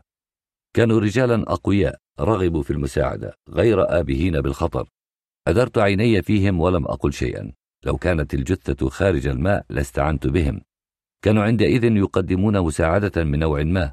غير أن الجثة في الباخرة وثمة خطر بأن يضيع الذي ينحدر إليها. لذلك فإن المهمة تبقى من نصيبي وحدي إضافة إلى أن الموضوع في الأصل يتعلق بالغوص وهذا يحتاج إلى نفس طويل وقدرة خاصة وقد لا يكون بين البحارة من هو صالح لذلك بصرف النظر عن الخطر ذاته. كل ما فعلوه أنهم تناوبوا في إسنادي. لقد انتشلوني من فتحة الباخرة قلقوا علي فغاصوا يبحثون عني. رابطوا عند باب العنبر وما إن ظهر رأسي حتى هرعوا إلي وسحبوني إلى الخارج ثم عوموني معهم وكنت في حالة إغماء. قال أكبر البحارة سنا لن ندعك تنزل اليوم مرة أخرى. فطافت على فمي ظلال ابتسامة ولم أقل شيئا. وقال بحار آخر سعيد ينتحر عامدا متعمدا. لا يستطيع الإنسان أن يقدر سلفا ما سوف يجري معه تحت اللعنة على هذه الباخرة. يجب أن نخبر السلطة لعلها تهتم وترسل غطاسا ليبحث معنا. السلطة لن تفعل شيئا سوى اعتقالنا واستجواء بنا حول الحادث. ستتهمنا بسرقة صفائح الكاز وتحاكمنا بتهمة السرقة والقتل. المهم أن نخرج الغريق من الباخرة. ليس لدى السلطة من هو أمهر من سعيد. قد يكون لديها جهاز للغوص. نحن لم نرى مثل هذا الجهاز في يوم من الأيام. قد تستعيره من إحدى السفن. لو كان الغريق ضابطا فرنسيا لفعلت. وعاد أكبر البحارة يقول إذا كان الأب قد غرق فلا داعي لأن نضحي بالابن أيضا لنمنعه من النزول. علينا أن ننصحه وهو يقرر ما يريد. النصيحة لا تكفي يجب منعه. امنعه إذا استطعت ها هو أمامك. ماذا تقول يا سعيد؟ كنت أسمع ولا أقوى على الكلام. كنت بحاجة إلى الراحة. تفرست في الوجوه من حولي عرفت الجميع. إنهم من الحي ومن أصدقاء والدي وهم يخافون علي. لو كنت مكانهم لقدمت نصائحهم ذاتها. إنهم معذورون. وقد سمعت كل ما قالوه ووجدت نفسي معذورا أيضا. أنا ابنه والجرح يؤلم صاحبه. جرحي في صدري ولن يشفيه الكلام. العثور على والدي سيخفف من ألمي. سيجعلني مرتاح النفس لأنني قمت بواجبي. البحث سيستمر إذا ولن أتراجع قبل العثور عليه وهذا قراري. عاد البحارة يسألونني ما رأيك يا سعيد؟ سأتابع البحث لكنك تحتاج إلى جهاز الغوص. جلدي يكفيني وهذا الإرهاق الذي يهد قواك سأتحمله. لا تكن عنيدا أقلع عن المحاولة. ليس قبل أن أعثر عليه. أنت بحاجة إلى الراحة أخرج من الماء. سأرتاح وأنا في الماء ثم أعود للغوص. أنت تخاطر بحياتك. لو كان والدي مكاني لفعل مثلي. وقال أكبر البحارة سنا هذا خطأ يا سعيد. اسمع نصيحتي. لا تجعلنا نستعمل القوة لمنعك من المجازفة. قلت بحسم اذهبوا جميعكم إلى الشاطئ. ودعوني وحدي. لن أترك هذه الباخرة حتى أعثر على والدي. وإذا لم أجده اليوم سأعود غدا وبعده. ولن تستطيع قوة أن تحول بيني وبين القيام بواجبي. اهتموا أنتم بأمي. امنعوها من المجيء إلى الشاطئ واحرصوا على كتمان الخبر حتى لا تأتي الشرطة وتفرض حراسة على الباخرة إذا كنت مصرا على البحث فسنبقى معك. قالها أحد البحارين اللذين نزلا معي إلى الباخرة منذ الصباح. قلت لكم لن أتراجع. ونحن لن نبرح الباخرة. يمكنك الاعتماد علينا. وقال البحار الآخر شرط ألا تجازف كما فعلت في المرات السابقة. ضع السلامة في حسابك. لا ترهق نفسك بغير طائل. أن تغوص على دفعات خير من أن تعرض حياتك للخطر في دفعة واحدة. أيد البحارة قول زميلهم. وجدت كلامهم معقولا. وعدت أن أحترس. كنت مندفعا في الصباح. خيل إلي أن في وسع العثور على والدي من النزلة الأولى. بددت قواي بغير اقتصاد. عرضت نفسي للخطر. كنت غرا وجاهلا. لو لم ينتشلوني من فتحة العنبر لغرقت أنا أيضا. أية فاجعة كانت تلحق بالعائلة؟ ينبغي أن أكون حذرا.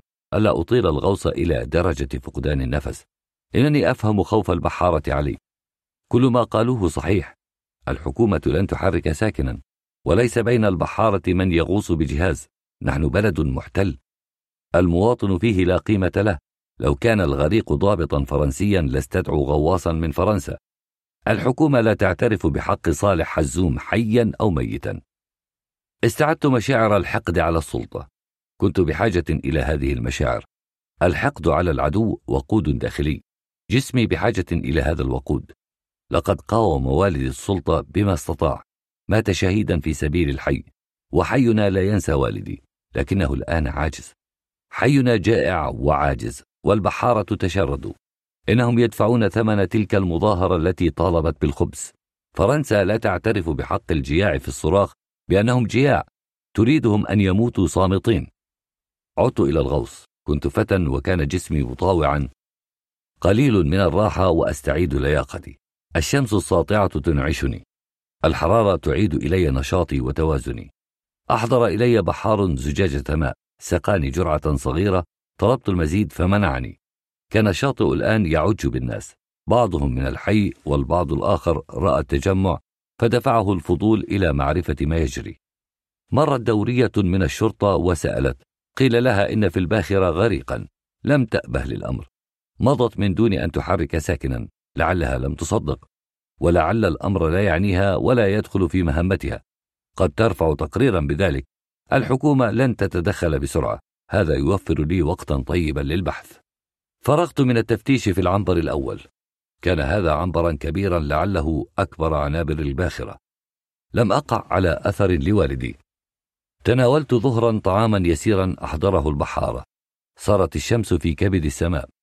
اغتنمت تدفق شعاعها بشكل عمودي لكي أبحث بسرعة أكبر. سطوع الضوء يسر مهمتي في قاع الباخرة. صرت أغوص وأخرج إلى السطح بسهولة. وتجرأ بعض البحارة فغاصوا أيضا. أصبحت قائد فريق من دون طلب. لم يقتنعوا مني بالكف عن الغوص. استأنست بهم. تشجعت أكثر بوجودهم. تركت لهم البحث في الأماكن القريبة. نشطنا جميعا. الفرد ينشط مع الجماعة. دبت فينا الحماسة كدنا ننسى الخطر. غدا التسابق إلى الغوص مباراة بيننا. ومضى وقت طويل من دون أن نعثر على الجثة. عند الأصيل بلغت حافة اليأس. مشطت عنابر الباخرة كلها تقريبا. أين ذهبت الجثة إذا كان والدي قد غرق في هذه الباخرة؟ لا شيء. على الشاطئ تولى بعض البحارة مهمة البحث على طول الساحل ولم يعثروا على شيء. الشحات لم تظهر في السماء أيضا.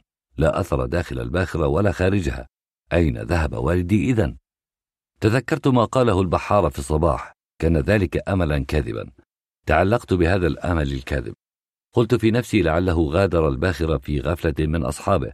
غاص في الماء ولم ينزل إلى العنبر. تجاوز سطح الباخرة ومضى في البحر إلى مكان ما إلى مركب ما إلى موعد ضربه مع البحارة للهرب. إذا فعل ذلك يكون قد نجا. باستطاعة والدي أن يقطع مسافات في البحر.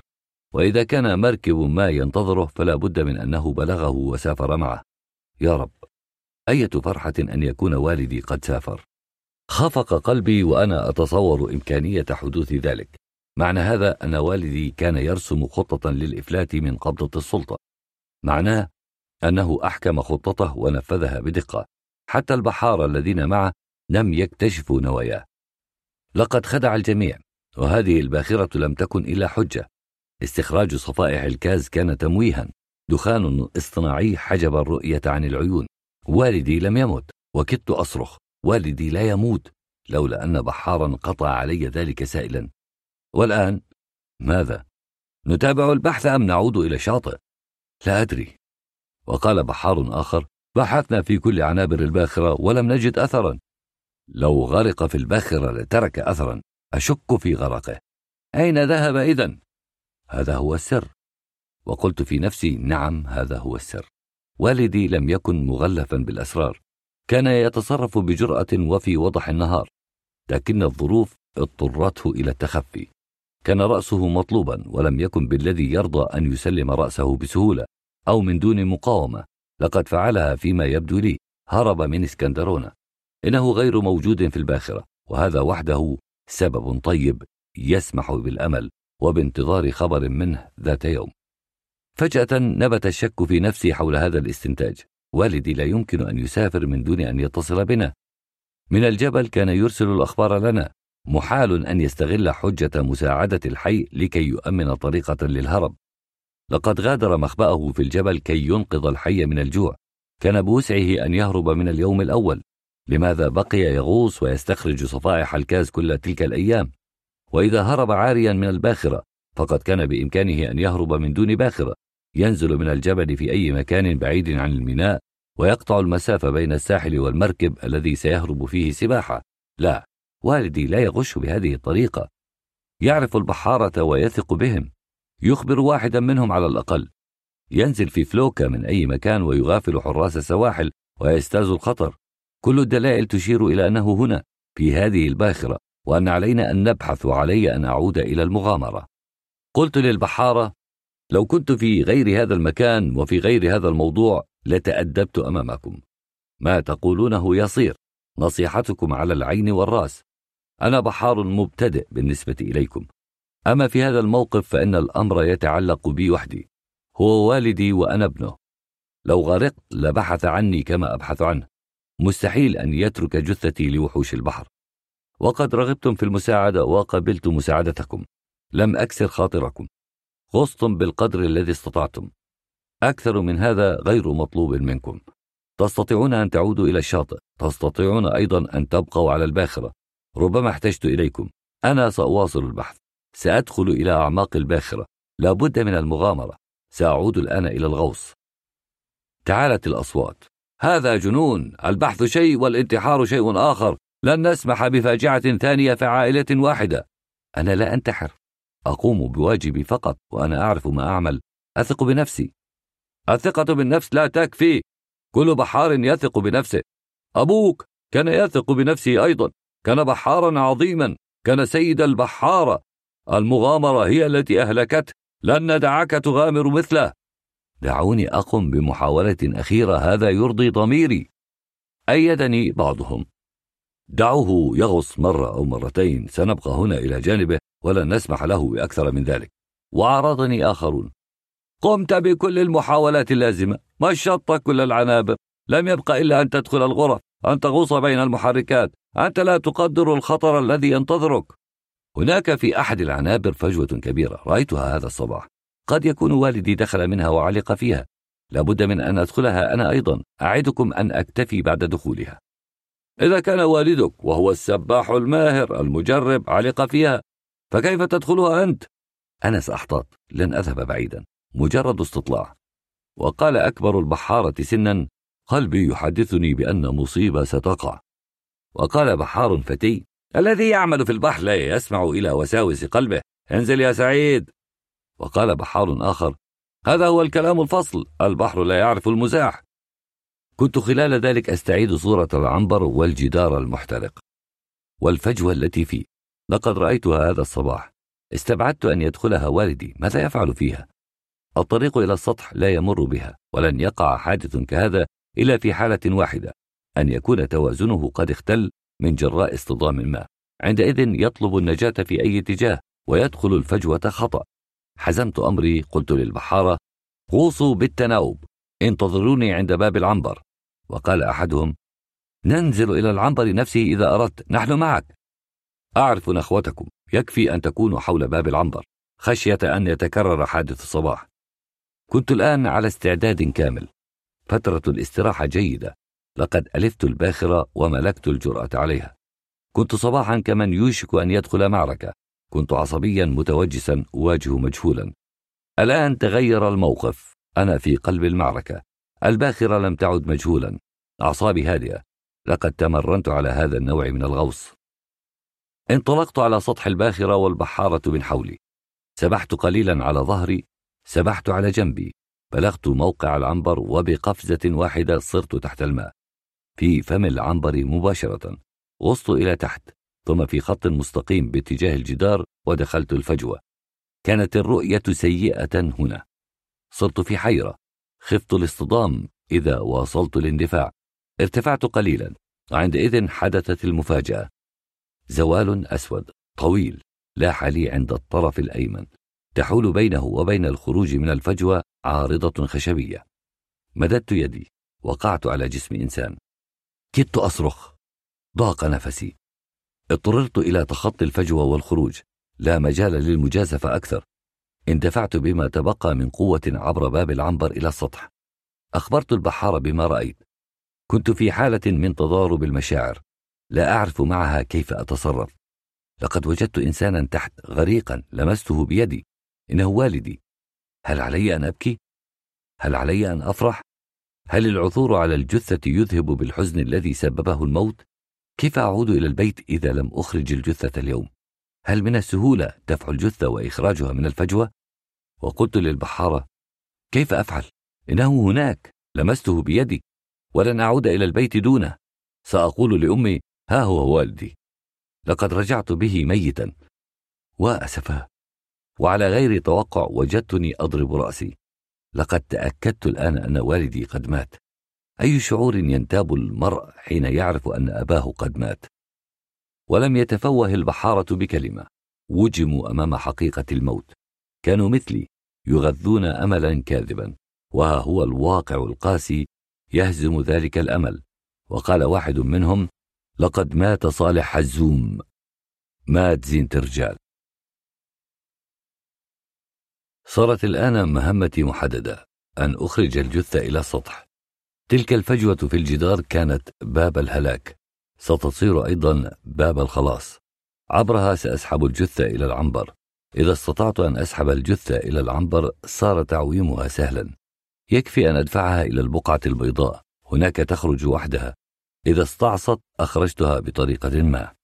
ينزل البحار ويساعدوني في سحبها. بعد ذلك نمضي بها إلى الشاطئ. أنا سأرتدي سروالي الداخلي المعلق على الصاري. لن أنسى ذلك بأي شكل. عريي سيذكرني بارتدائه. لا يمكن أن أبدو كما ولدتني أمي. موت والدي يجب ألا ينسيني ذلك. ينبغي أن أتماسك أن أبدو رجلا. ألا أدع الحزن يحيلني إلى خرقة. والدي كان يفعل هذا يرفض البكاء والعويل مثل النساء. أمي حرة أن تفعل ما تشاء لن أمنعها من شيء وستأتي النادبات أيضا. المخبرون سيدسون في المأتم ليتأكدوا أنه مات. هذا ضروري لهم. تقاريرهم يجب أن تثبت ذلك والأطفال سيتراكدون. إنهم يحبون الجنازات علي أن أفكر بالنعش والقهوة المرة ونفقات الدفن. يا رب من أين آتي بنفقات الدفن؟ أنا لا أملك شيئا لا شيء في بيتنا يباع. لا أحد يملك لنستدين. فضيحة. موت الفقير يتحول إلى فضيحة. لكنهم يعلمون. الحي كله يعلم أننا فقراء أننا جياع. لا بد من أن تأتي مساعدة من بحار ما. لا بد من أن يجمع البحارة بعض القروش. ليس لأن والدي ضحى في سبيل الحي ولا لأنه كان يهب نفسه للدفاع عنهم بل لأن إكرام الميت دفنه وسنتعاون على الدفن.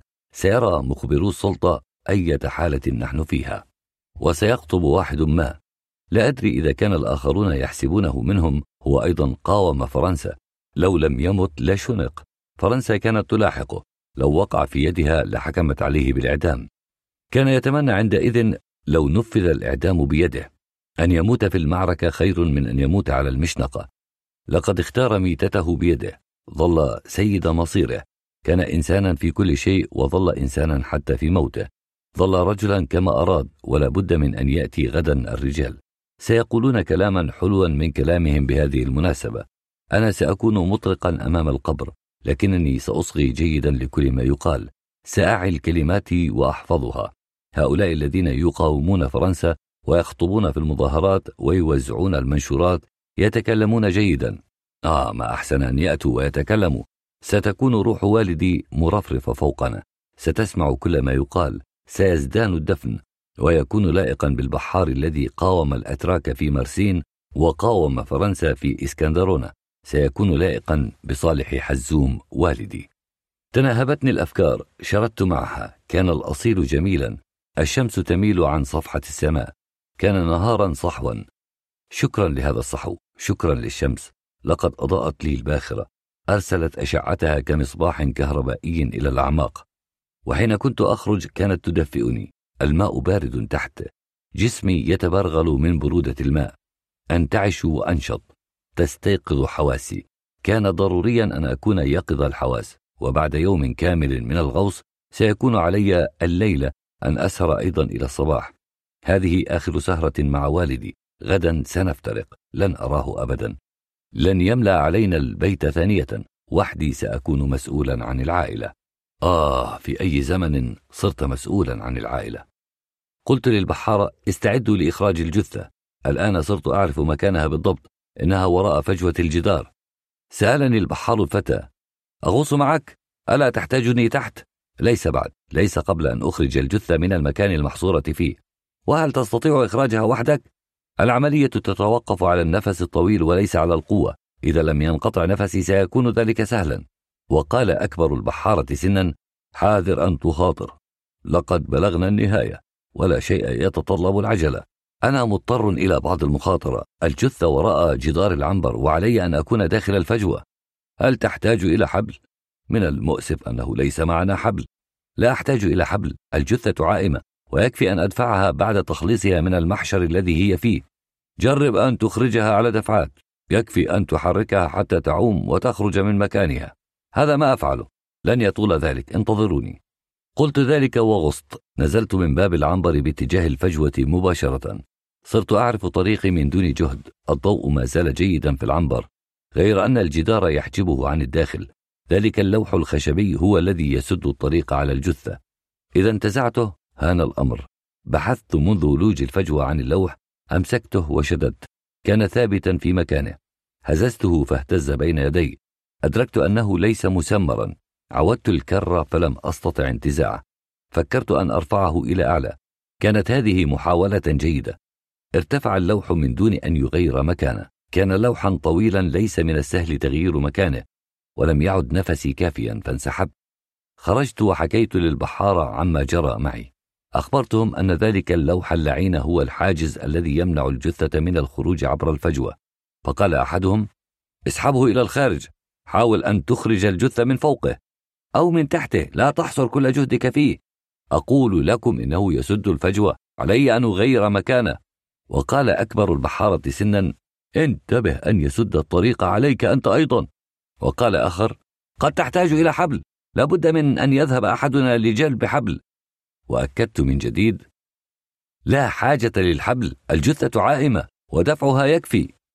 غصت من جديد من دون أي خطة لإزالة اللوح الخشبي. كلمات البحارة لم تجدي في شيء تكلموا على أمر مجهول.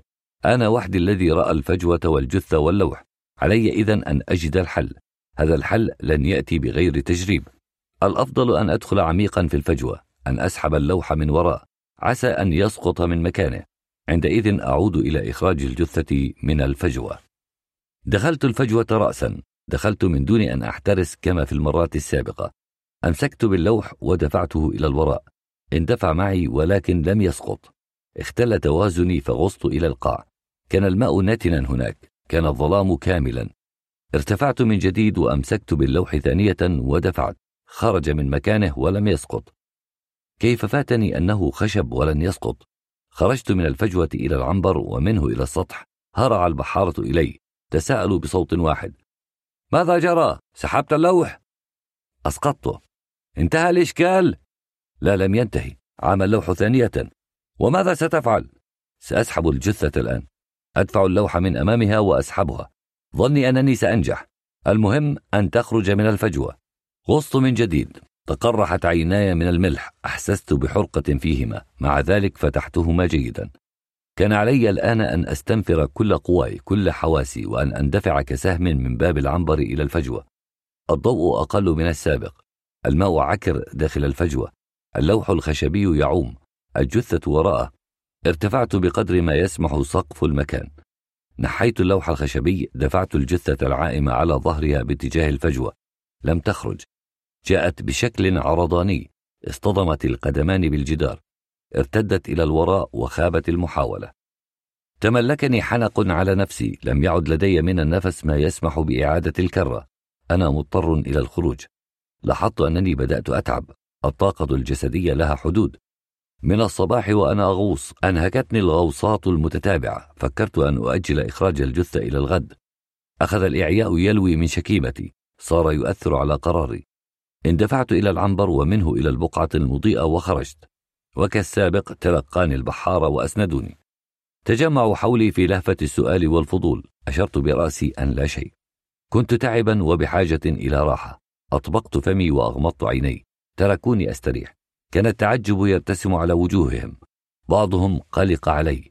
حين فتحت عيني رأيت أكبر البحارة سنا يضرب كفا بكف. كان يتألم لأن أحدا لا يسمع كلامه. مصيبته وهو البحار القديم أن أحدا لا يسمع كلامه كان هذا إيذاء كبيرا لمشاعره. سمعته يقول هذا لا يجوز. الغوص لأكثر من ساعتين لا يجوز. لو كنا على ظهر مركب لتصرفت بشكل آخر. لو كان والده حيا لتصرف بشكل آخر. إننا نسلمه إلى الموت انظروا. لقد هده التعب. صمت البحارة سمعت صأي النوارس في الجو. كان نورس أبيض يحط على رأس الصاري كان سروالي الداخلي على رأس الصاري أيضا. الشمس تميل نحو الغرب. بردت الريح قليلا. صرت أحس لذعها على جسمي. التعب يهدني فعلا. لكن ما العمل وجثة والدي هناك؟ كيف أعود إلى أمي من دونها؟ ماذا يقولون عن فشلي في إخراجها؟ هل أستسلم وأقبل بالهزيمة؟ يهزمني البحر في أول جولة معه؟ بعد ذلك كيف أنتصر؟ إذا تراجعت فلن أتقدم أبدا. يأخذ البحر ساحتي وينتهي الأمر. أصبح ضحكة للناس. ربما شكوا في أني ابن صالح حزوم حقيقة. وهذا البحر الأزرق الواسع المتموج الصامت المتكلم ماذا يظن بي؟ كيف يقبلني على متنه غدا؟ أي عار يلحق بي؟ أغمضت عيني من جديد. إنني أتعذب. ليتني على الشاطئ فوق الرمل. هناك كنت أستلقي أعانق الأرض. أضغط بجسمي على الأرض أدفن نفسي حيا وأستريح. آه ما أطيب الراحة. أن ننام ونكف عن الإحساس. أن نرقد بغير حراك بغير أحلام بغير ذكريات. ما أعذب ذلك. ما أشهاه بالنسبة إلي. في هذه اللحظة في هذه اللحظة بالذات. كان والدي يقول ليس المهم ألا نخاف. المهم أن نقاوم الخوف. ليس المهم ألا نتعب. المهم أن نقاوم التعب. ولقد قاومت الخوف والتعب. حافظت على نصيحة والدي. أثبتت أنني ابنه وأنني جدير أن أحمل اسمه. الإنسان يقدم أحيانا على عمل ما لإرضاء الآخرين. هذا لا يدوم. لا يتم إنجاز الأعمال وفي الذهن إرضاء الغير. يجب أن يكون الإنسان نفسه راضيا. الرضا ينشأ عن قناعة عن إيمان. عندئذ يعمل الإنسان بدافع من إيمانه. حين يجد الجد يلجأ الإنسان إلى إيمانه. إن لم يكن مؤمنا ضاع تراجع كف عن المقاومة ترك الأمر الذي يطلبه. هذا ما تعلمته فيما بعد. حين صرت بحارا صرت إنسانا حقيقيا. قبل ذلك كانت قوة المثل هي التي تحركني تدفعني تنمي روح التضحية في ذاتي. والدي كان مثلي كان النموذج الذي أرغب في أن أكونه. وفي كل عمل وكل موقف صعب وأمام أي خيار كنت أتساءل كيف كان يتصرف والدي لو كان حيا؟ هذا السؤال انبثق عشرات المرات في ذهني اليوم. الآن أيضا وأنا أكابد هما قاتلا لعجزي عن إخراج الجثة طرح السؤال نفسه علي. كيف كان يتصرف والدي لو كانت جثتي هي التي في الباخرة؟ من المستبعد أن يكون العناد هو الذي يحكم تصرفاته في مثل هذه المواقف. العناد لا معنى له إذا لم يقترن بموقف صحيح. والدي كان يؤمن بصحة موقفه ثم يعاند لأجله. في مرسين كانت له قضية في اسكندرونة صارت له قضية. النهر كان قضيته وكذلك البحر. كل عمل قام به انطوى على هدف وفي سبيل هذا الهدف كان عناده. كانت صلابته وشجاعته. يؤمن بشيء فيعطي نفسه له لا يسأل متى أموت. يسأل فقط لماذا أموت وفي نزوله إلى هذه الباخرة لاستخراج صفائح الكاز تساؤل لابد منه لماذا أقوم بهذا العمل؟ وهل يستأهل عملي هذه التضحية؟ وهل أموت لو مت في سبيل الحي أم في سبيل مغنم خاص؟ هل التضحية إذا كان لابد منها لأجل لقمة أطفالي أم لأجل لقمة جميع الأطفال؟ وحين تفحص ذاته واطمأن أقدم غير هياب أقدم بجسارة بالغة ومات مرتاحا كما لو مات على المشنقة أو برصاصة جندي فرنسي. العناد على هذا النحو يغدو مفهوما ومقبولا.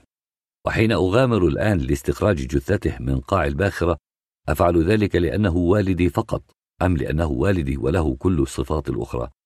وعلى فرض أنه كان والدي وكان جبانا نذلا خسيسا مع الأتراك في مرسين ومع الفرنسيين في إسكندرونة هل كنت أغامر على هذا النحو؟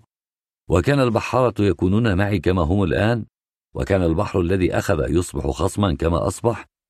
إن إخلاء جريح في ساحة معركة تكريم للجرح وصاحبه دفن ميت وفاء لحق الإنسان في حالة الموت أما استخراج جثة مناضل كما أفعل الآن فهو نضال أيضا هو تضامن مع الشيء الذي غرق لأجله إنني أنا أيضا أضحي لأجل الحي وأضحي لأجل الوطن ضد فرنسا. فتحت عيني وقد أفعمتني الأفكار حماسة. أنا إنسان قادر على أن أقيم حوارا مع نفسي في كل الظروف. هذه الخصلة أيضا ورثتها عن والدي. نمت في نفسي خلال الدراسة. كان البحر هناك أيضا. كان الشاطئ قبالة المدرسة. وعلى هذا الشاطئ كنت أقف وأفكر. كنت أعد نفسي لأكون بحارا. ومن عادات البحار أن يحاور نفسه ويكلمها. وهكذا تمضي نوبات الحراسة والوقوف وراء الدفة والمراقبة من أعلى الصواري من دون أن يحس بها. والدي تعلم الصمت من البحر لكنه كان يحاور نفسه في صمته. كان يقلب الأمور على كل وجوهها ثم يتخذ قراره اتخذت قراري مواصلة الغوص. إذا لم أخرج الجثة فسأظل معها في الباخرة. ربما قذفها الموج إلى الداخل غدا. ربما فرضت الشرطة حراسة على الباخرة عندئذ يضيع كل شيء. يتسبب ضعفي في فقدان جثمان والدي. علي أن أنجز مهمتي اليوم. البحارة أوكل إلي هذه المهمة وثقوا بي. لا لأنني ابن صالح حزوم بل لأنني بحار مثله ولأنني أعرف ما كان يعنيه والدي بالنسبة للوطن والناس. قلت للبحارة لن أبرح الباخرة قبل إخراج الجثة. أنت لا تستطيع إخراجها من دون مغامرة. لتكن المغامرة إذا. ومع هذا التعب أشعر أنني استرحت. تخدع نفسك. ربما. وقال أكبر البحارة سنا عنيد مثل والده. لنمنعه بالقوة. سرتني كلمة عنيد. هذا أول اعتراف بالشبه بيني وبين والدي. العناد في الصراع ضروري. أن يحرق المرء مراكبه ولا يبقى أمامه غير الإقدام يعني ذلك الموت أو الانتصار. أنا لن أموت سأنتصر سأنتزع الجثة وأخرجها. لا أتجبر لا جبروت أمام البحر. هو الجبار الأعظم كان يقول والدي لكنني إنسان أنا الآخر. الإنسان أقوى الكائنات. كما كان والدي يقول أيضا علي أن أغوص. أقاوم حتى النفس الأخير وليس من قوة يمكن أن تمنعني. أحترم هذا البحار لكنني سأخالفه. ليرجع إلى الشاطئ إذا مل الانتظار لينفض يديه من العملية إذا يئس منها. إذا كان يخاف على حياتي فشكرا عليه أن يخاف على مستقبلي. بحار ويخاف؟ بحار ويتراجع؟ هذا لن يكون أبدا. سأغوص الآن من جديد. اسمع يا بني. اسمع يا سعيد. العناد له وقت والفكر له وقت. لا تكن عنيدا حين يكون العناد ضارا. من يستطيع أن يحكم على الضار والمفيد غير صاحب القضية؟ ونحن من نحن؟ ألسنا معك في هذه القضية؟ ولماذا وجودنا على الباخرة منذ الصباح؟ أنتم على الرأس لكن الجولة مع البحر لم تنتهي. لا أريد الهزيمة لنفسي. تقول الهزيمة من يتجرأ على البحر وينزل إلى قاع الباخرة كل هذا الوقت؟ يكون مهزوما. الجثة هناك رأيتها بعيني. سحبت اللوحة من أمامها ودفعتها. كيف أتراجع إذا؟ تؤجل إخراجها إلى الغد التأجيل غير التراجع. التأجيل بداية التراجع. لن أؤجل. اليوم أو لا يكون أبدا. اللهم اشهد إنا نصحناك عنادك سيقضي عليك. ليكن. الموت ولا الهزيمة. سكت البحارة. انقطع الحوار. حسمت الأمر. سأنزل من جديد. أغوص إلى داخل الفجوة مباشرة. لن أخرج إلا والجثة في العنبر يكفي دورانا حولها. إذا لم أحزم أمري فلن أنتهي. أنا لا أشك بالبحر. لن يخذلني البحر والأمر يتعلق بوالدي. هو يعرف قيمة الوالد. ترى هل للبحر والد؟ أسلمت نفسي للماء. كان أزرقا فيروسيا الآن. أشعة الشمس المائلة إلى المغيب تنعكس في حزمة طولانية ذهبية على البحر. يتموج سطحه ومعه الأشعة الذهبية. فيبدو كأنه يلهو بذهب سائل. تحركه من أدنى أيد خفية وفي السماء على امتداد الأفق الغربي سحب بيض تتجمع تتشكل تتلون تغدو تراكمات قطنية رمادية أكثر فأكثر والقبة من فوق صافية ترقب بزوغ نجم بعيد والريح خفيفة باردة والطيور تحوم مودعة راحلة إلى المبيت. تخفق بأجنحتها في تكامل. وتفردها تاركة للريح أن تحملها على بساطها. والشاطئ على مرمى البصر. يحفل بجمهور صغير مبرقش وليس من صوت سوى اصطفاق الموج على جسم الباخرة. لقد كنت دائما على شيء من تهيب أمام البحر في الأصائل. إنه يتحدث كعجوز اقتعد كرسيا واطئا أمام بيته. يحكي عندئذ حكاياته الشعبية يدندن بأغاني أسوانا. يتنهد تاركا لأنفاسه أن تتصاعد بخارا سرابيا مع الأشعة التي تمتصه وترفعه إلى أعلى. يكون البحر طيبا وادعا مسترخيا عندئذ أو متموجا متدافعا يتكسر على صخور الشاطئ أو يخرخر في رتابة على رمله. إنني أستسلم للبحر أعطيه نفسي ليباركني هذا الأب الرحيم. ليكن معي وليس ضدي ليأخذني في أحضانه. وليتبنني من الآن وإلى نهاية العمر. فليكوي جبهتي بطغرائه كيا باقيا أبديا. ليختم على قلبي بختم مملكته الرابضة في الأعماق. ليجعلني بحارا من بحارته فارسا من فرسانه وليأمن من ثورتي عليه. وكذلك تحريضي فما جئته غازيا ولا ثائرا بل سائلا أن يرد لي أبي. أن يعطيني جثته لأدفنها في الأرض الطيبة. أن يعقد بيني وبينه ميثاق شرف. أن يؤمن بي أنا الإنسان وليكن بيننا سلام لا حرب وأخوة لا عداوة وتعاون لا خصام. ماذا تقول أيها البحر؟ كلمني أيها الصديق. قل إنك تقبلني في رحابك وتفتح لي أبوابك وتذلل لي متنك وترعى شراعي وتكرم وفادتي وتسقيني من خمرتك التي في قمقم مختوم. أجبني. فقد بح صوتي ووهنت قواي وارتجف جسمي العاري أمام محرابك العظيم. انطق كفاك صمتا منذ الدهور. واستجب لتضرعي. فقد تجرحت ركبتاي من الركوع أمام عرشك. ولم يقل البحر شيئا. هذا الواسع كالظن العميق كهاوية الخطيئة. الجائش كالنفس المطلوبة. الصامت كالجبل الأقرع. المهيب كالغابة. المخيف كوادي الجحيم لم يقل شيئا. ويا بني قال لي والدي يوما البحر يتكلم ولا نسمعه إلا في الألف عام مرة. محظوظ البحار الذي يخاطبه البحر. يتوجه ملكا على البحارة. يفتح له كنوزه من اللؤلؤ والمرجان. يسمح لملكة البحر أن تحبه. يقطع الموج لإرادته. يذلل الماء لمركبه. يظهر عرائسه له في الليالي المقمرة. يأمر موسيقى القاع أن تعزف له والمركب مسافر. يدخله ممالك لا عين رأت ولا أذن سمعت. يريه حدائق المحيطات من الخضرة الزمردية. ينفخ في روحه الشجاعة وفي زنده القوة وفي شراعه الريح المؤاتية. وقلت لأبي وهل رأيت بحارا كلمه البحر؟ قال لا وإنما سمعت ذلك من أشياخنا البحارة تناقلوه أبا عن جد وعرفوه بالتجربة وتمنوه كليلة القدر ودقوا صدورهم العارية في ابتهالات لا تنتهي كي يحدث ذلك لهم فلم يحدث.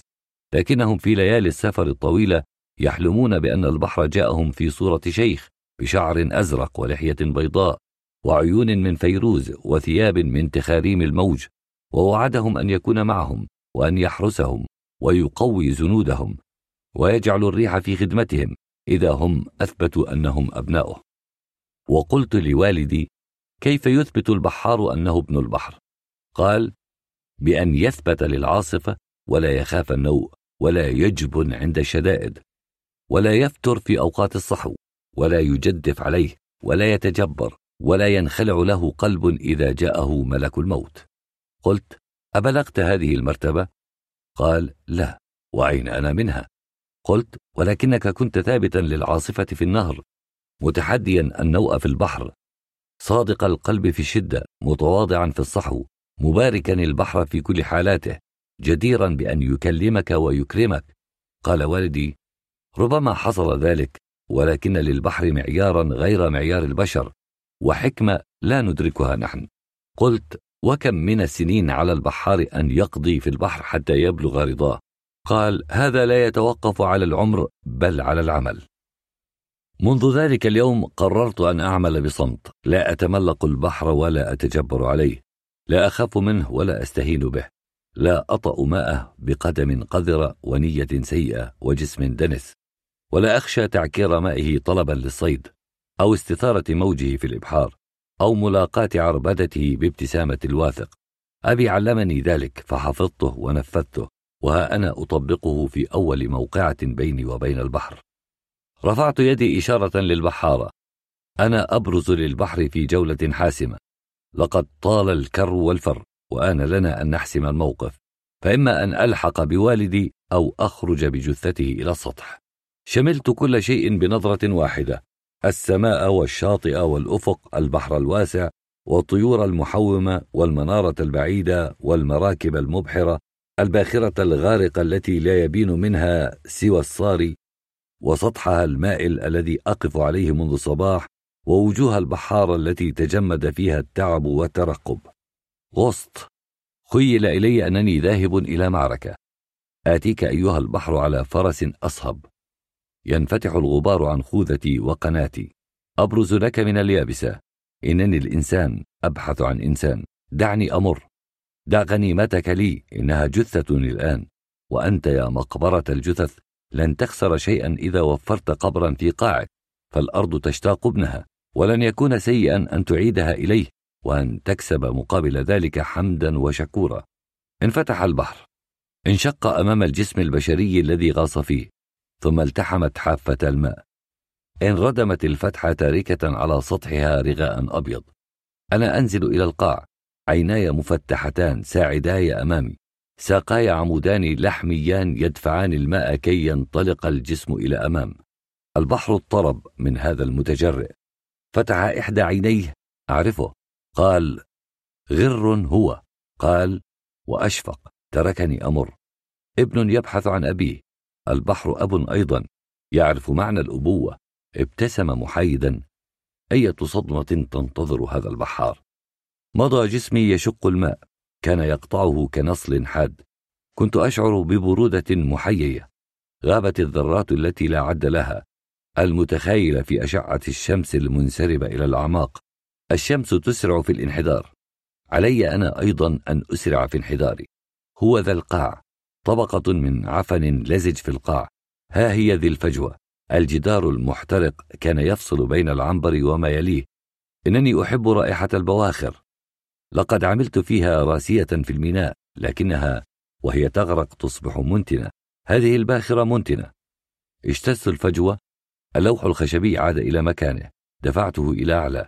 كان لصق السقف. مددت يدي وشددت الجثة. غاص الرأس. دفعته باتجاه الفجوة لم يصل إليها. أمسكت الجسم. جذبته إلى تحت. دفعته باتجاه الفجوة من جديد. ارتطم بالحافة. ارتفعت إلى أعلى وسحبته ورائي. أنا خارج الفجوة والجسم يتبعني. كنت أمسك من الشعر كان شعرا غزيرا. خفت أن يتقطع. أمسكت من الرقبة. وصلت السحب. صار الجسم طيعا. تخلص من ربقة الفجوة. أصبح في العنبر. تركته يعوم. ارتفعت إليه. وعمنا معا. ضاق نفسي. كبرت. ازداد ضيق نفسي. قررت الخروج. خرجت كسهم. تلقفني البحارة. وسمعت بعد قليل صراخهم. خرجت الجثة. ران علي ما يشبه الوجوم لأول مرة بعد غياب طويل ألتقي والدي. كنت أنتظر اللقاء على نحو آخر فإذا القدر يشاء أن ألقى جثته بدلا عنه. أصبحت يتيما فجأة. أحسست باليتم إحساسا مضنيا. هو ذا والدي أخيرا. لو لم أجده لعشت ولو أملا كاذبا. الآن أنا والحقيقة أنا والجثة وغدا أكون وحيدا. أفارقه إلى غير لقاء. خفت الاقتراب. تركت للبحارة مهمة إخراج الجثة من فوهة العنبر. صار بإمكانهم أن يغوصوا ويخرجوها. مهمتي في الباخرة انتهت. علي أن أستعد نفسيا للقاء أمي. سأقول لها جئتك بوالدي. ستبكي أمي وتولول. سيبكي إخوتي أيضا. وسيتراكد الجيران. هذه ليلة للسهر لا للنوم. سنمدد الجثمان وسط البيت نشعل من حوله الشموع. لن نخاف عليه من أحد. الحياة التي كنا نخاف عليها ضحى بها. صار الآن في عداد الأموات أدى دوره ورحل. دورة العمر بالنسبة إليه اكتملت. سبحت إلى الصاري كنت ما أزال عاريا تذكرت أن علي أن أواجه الناس خجلت. كيف أقف عاريا أمام أبي؟ وجودي في الماء أزال إحساسي بالخجل طول النهار. كان العري الكامل ضروريا للغوص. انتهى الغوص الآن. انتزعت من البحر فريسته راضي أخيرا أن يتخلى عنها. تقبل ابتهالاتي الصامتة. أدركته رأفة الأب بابنه. عرف أنني سأموت أو أخرج الجثة. أشفق علي. ادخرني ليوم آخر. أباح لي أن أكسب جولة. اللاعب المبتدئ يكسب عادة. البحار المبتدئ يكسب أيضا. يمد له البحر حبل النجاة يطمعه في نفسه يعجم عوده. من الصباح والبحر يعجم عودي. أيها البحر كيف رأيت عودي؟ تسلقت الصاري وأنزلت سروالي طارت النوارس وهي تصفق بأجنحتها. رأيت كل ما حولي. كان البحر مرجا مائيا أزرق يمتد بعيدا بعيدا إلى تخوم الأفق. المدينة تنتشر على الشاطئ تدور مع الشاطئ حول الجون. هذا خليج مدينتنا. في المدرسة علمونا أنه خليج الإسكندرونة. رسمنا خريطة وأبرزناه فيها. البيوت واطئة حمراء الأسطحة متناثرة. حينا يقبع على الشاطئ من جهة الشرق. ثمة جمهور مقابل الباخرة. أبناء الحي ينتظرون نتيجة البحث. هل شكوا في قدرتي على إخراج الجثة؟ هل استخفوا بي كبحار؟ الآن سيعرفون أني جدير بالاسم الذي أحمله. سيقول البحارة الذي خلف ما مات. من اليوم سأكون خليفة والدي. سأبرهن على أنني من صلبه. ارتديت سروالي المبلل أحسست بالبرد يلذع جسمي. تمنيت أن نسرع في الوصول إلى الشاطئ لارتداء ثيابي. الشمس توشك أن تغيب أشعتها تنسحب على الماء وتتبعها كذيول أميرة تدخل مخدعها. الأفق أرجواني. السحب البيض استحالت إلى جمرات قانية. أخرجت الجثة في الوقت المناسب. لو تأخرت أكثر لضاع جهد النهار سدى.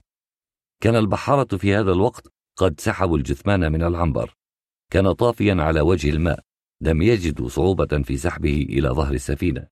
حملوه إلى قسمها الأعلى إلى حافتها التي ترتفع إلى سطح الماء وهناك أحاطوا به. ثم رأيتهم ينحنون فوقه ويتأملونه وصاح أكبرهم سنا سعيد! هل رأيت الجثة وأنت في العنبر؟ لا. إنها ماذا؟ لا شيء. خفق قلبي بشدة. لا أدري أي نوع من الشعور سيطر علي كان صوت البحار مرتعشا. كان محيرا. كان غريبا. وكان الصمت الذي تلاه أبعث على الحيرة والغرابة. فتساءلت في شيء من عودة الأمل. هل ما زال حيا؟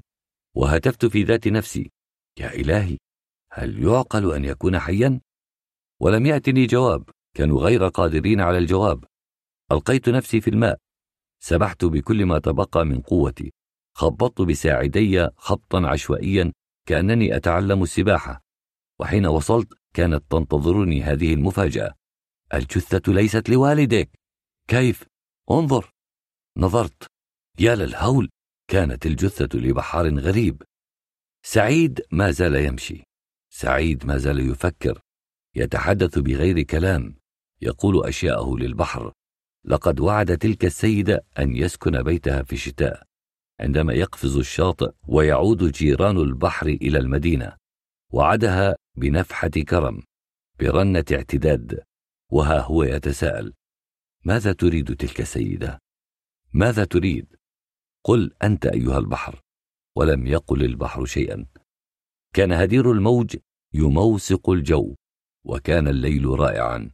كان ليلا منورا من ليالي الصيف الجميلة على البحر. استمعتم إلى حكاية بحار. تأليف حنا مينا بصوت جمال مرعي. صادر عن دار الآداب بيروت. تم إنتاج هذا الكتاب الصوتي من قبل Storyside سنة 2022 لمنصة Storytel جميع الحقوق محفوظة.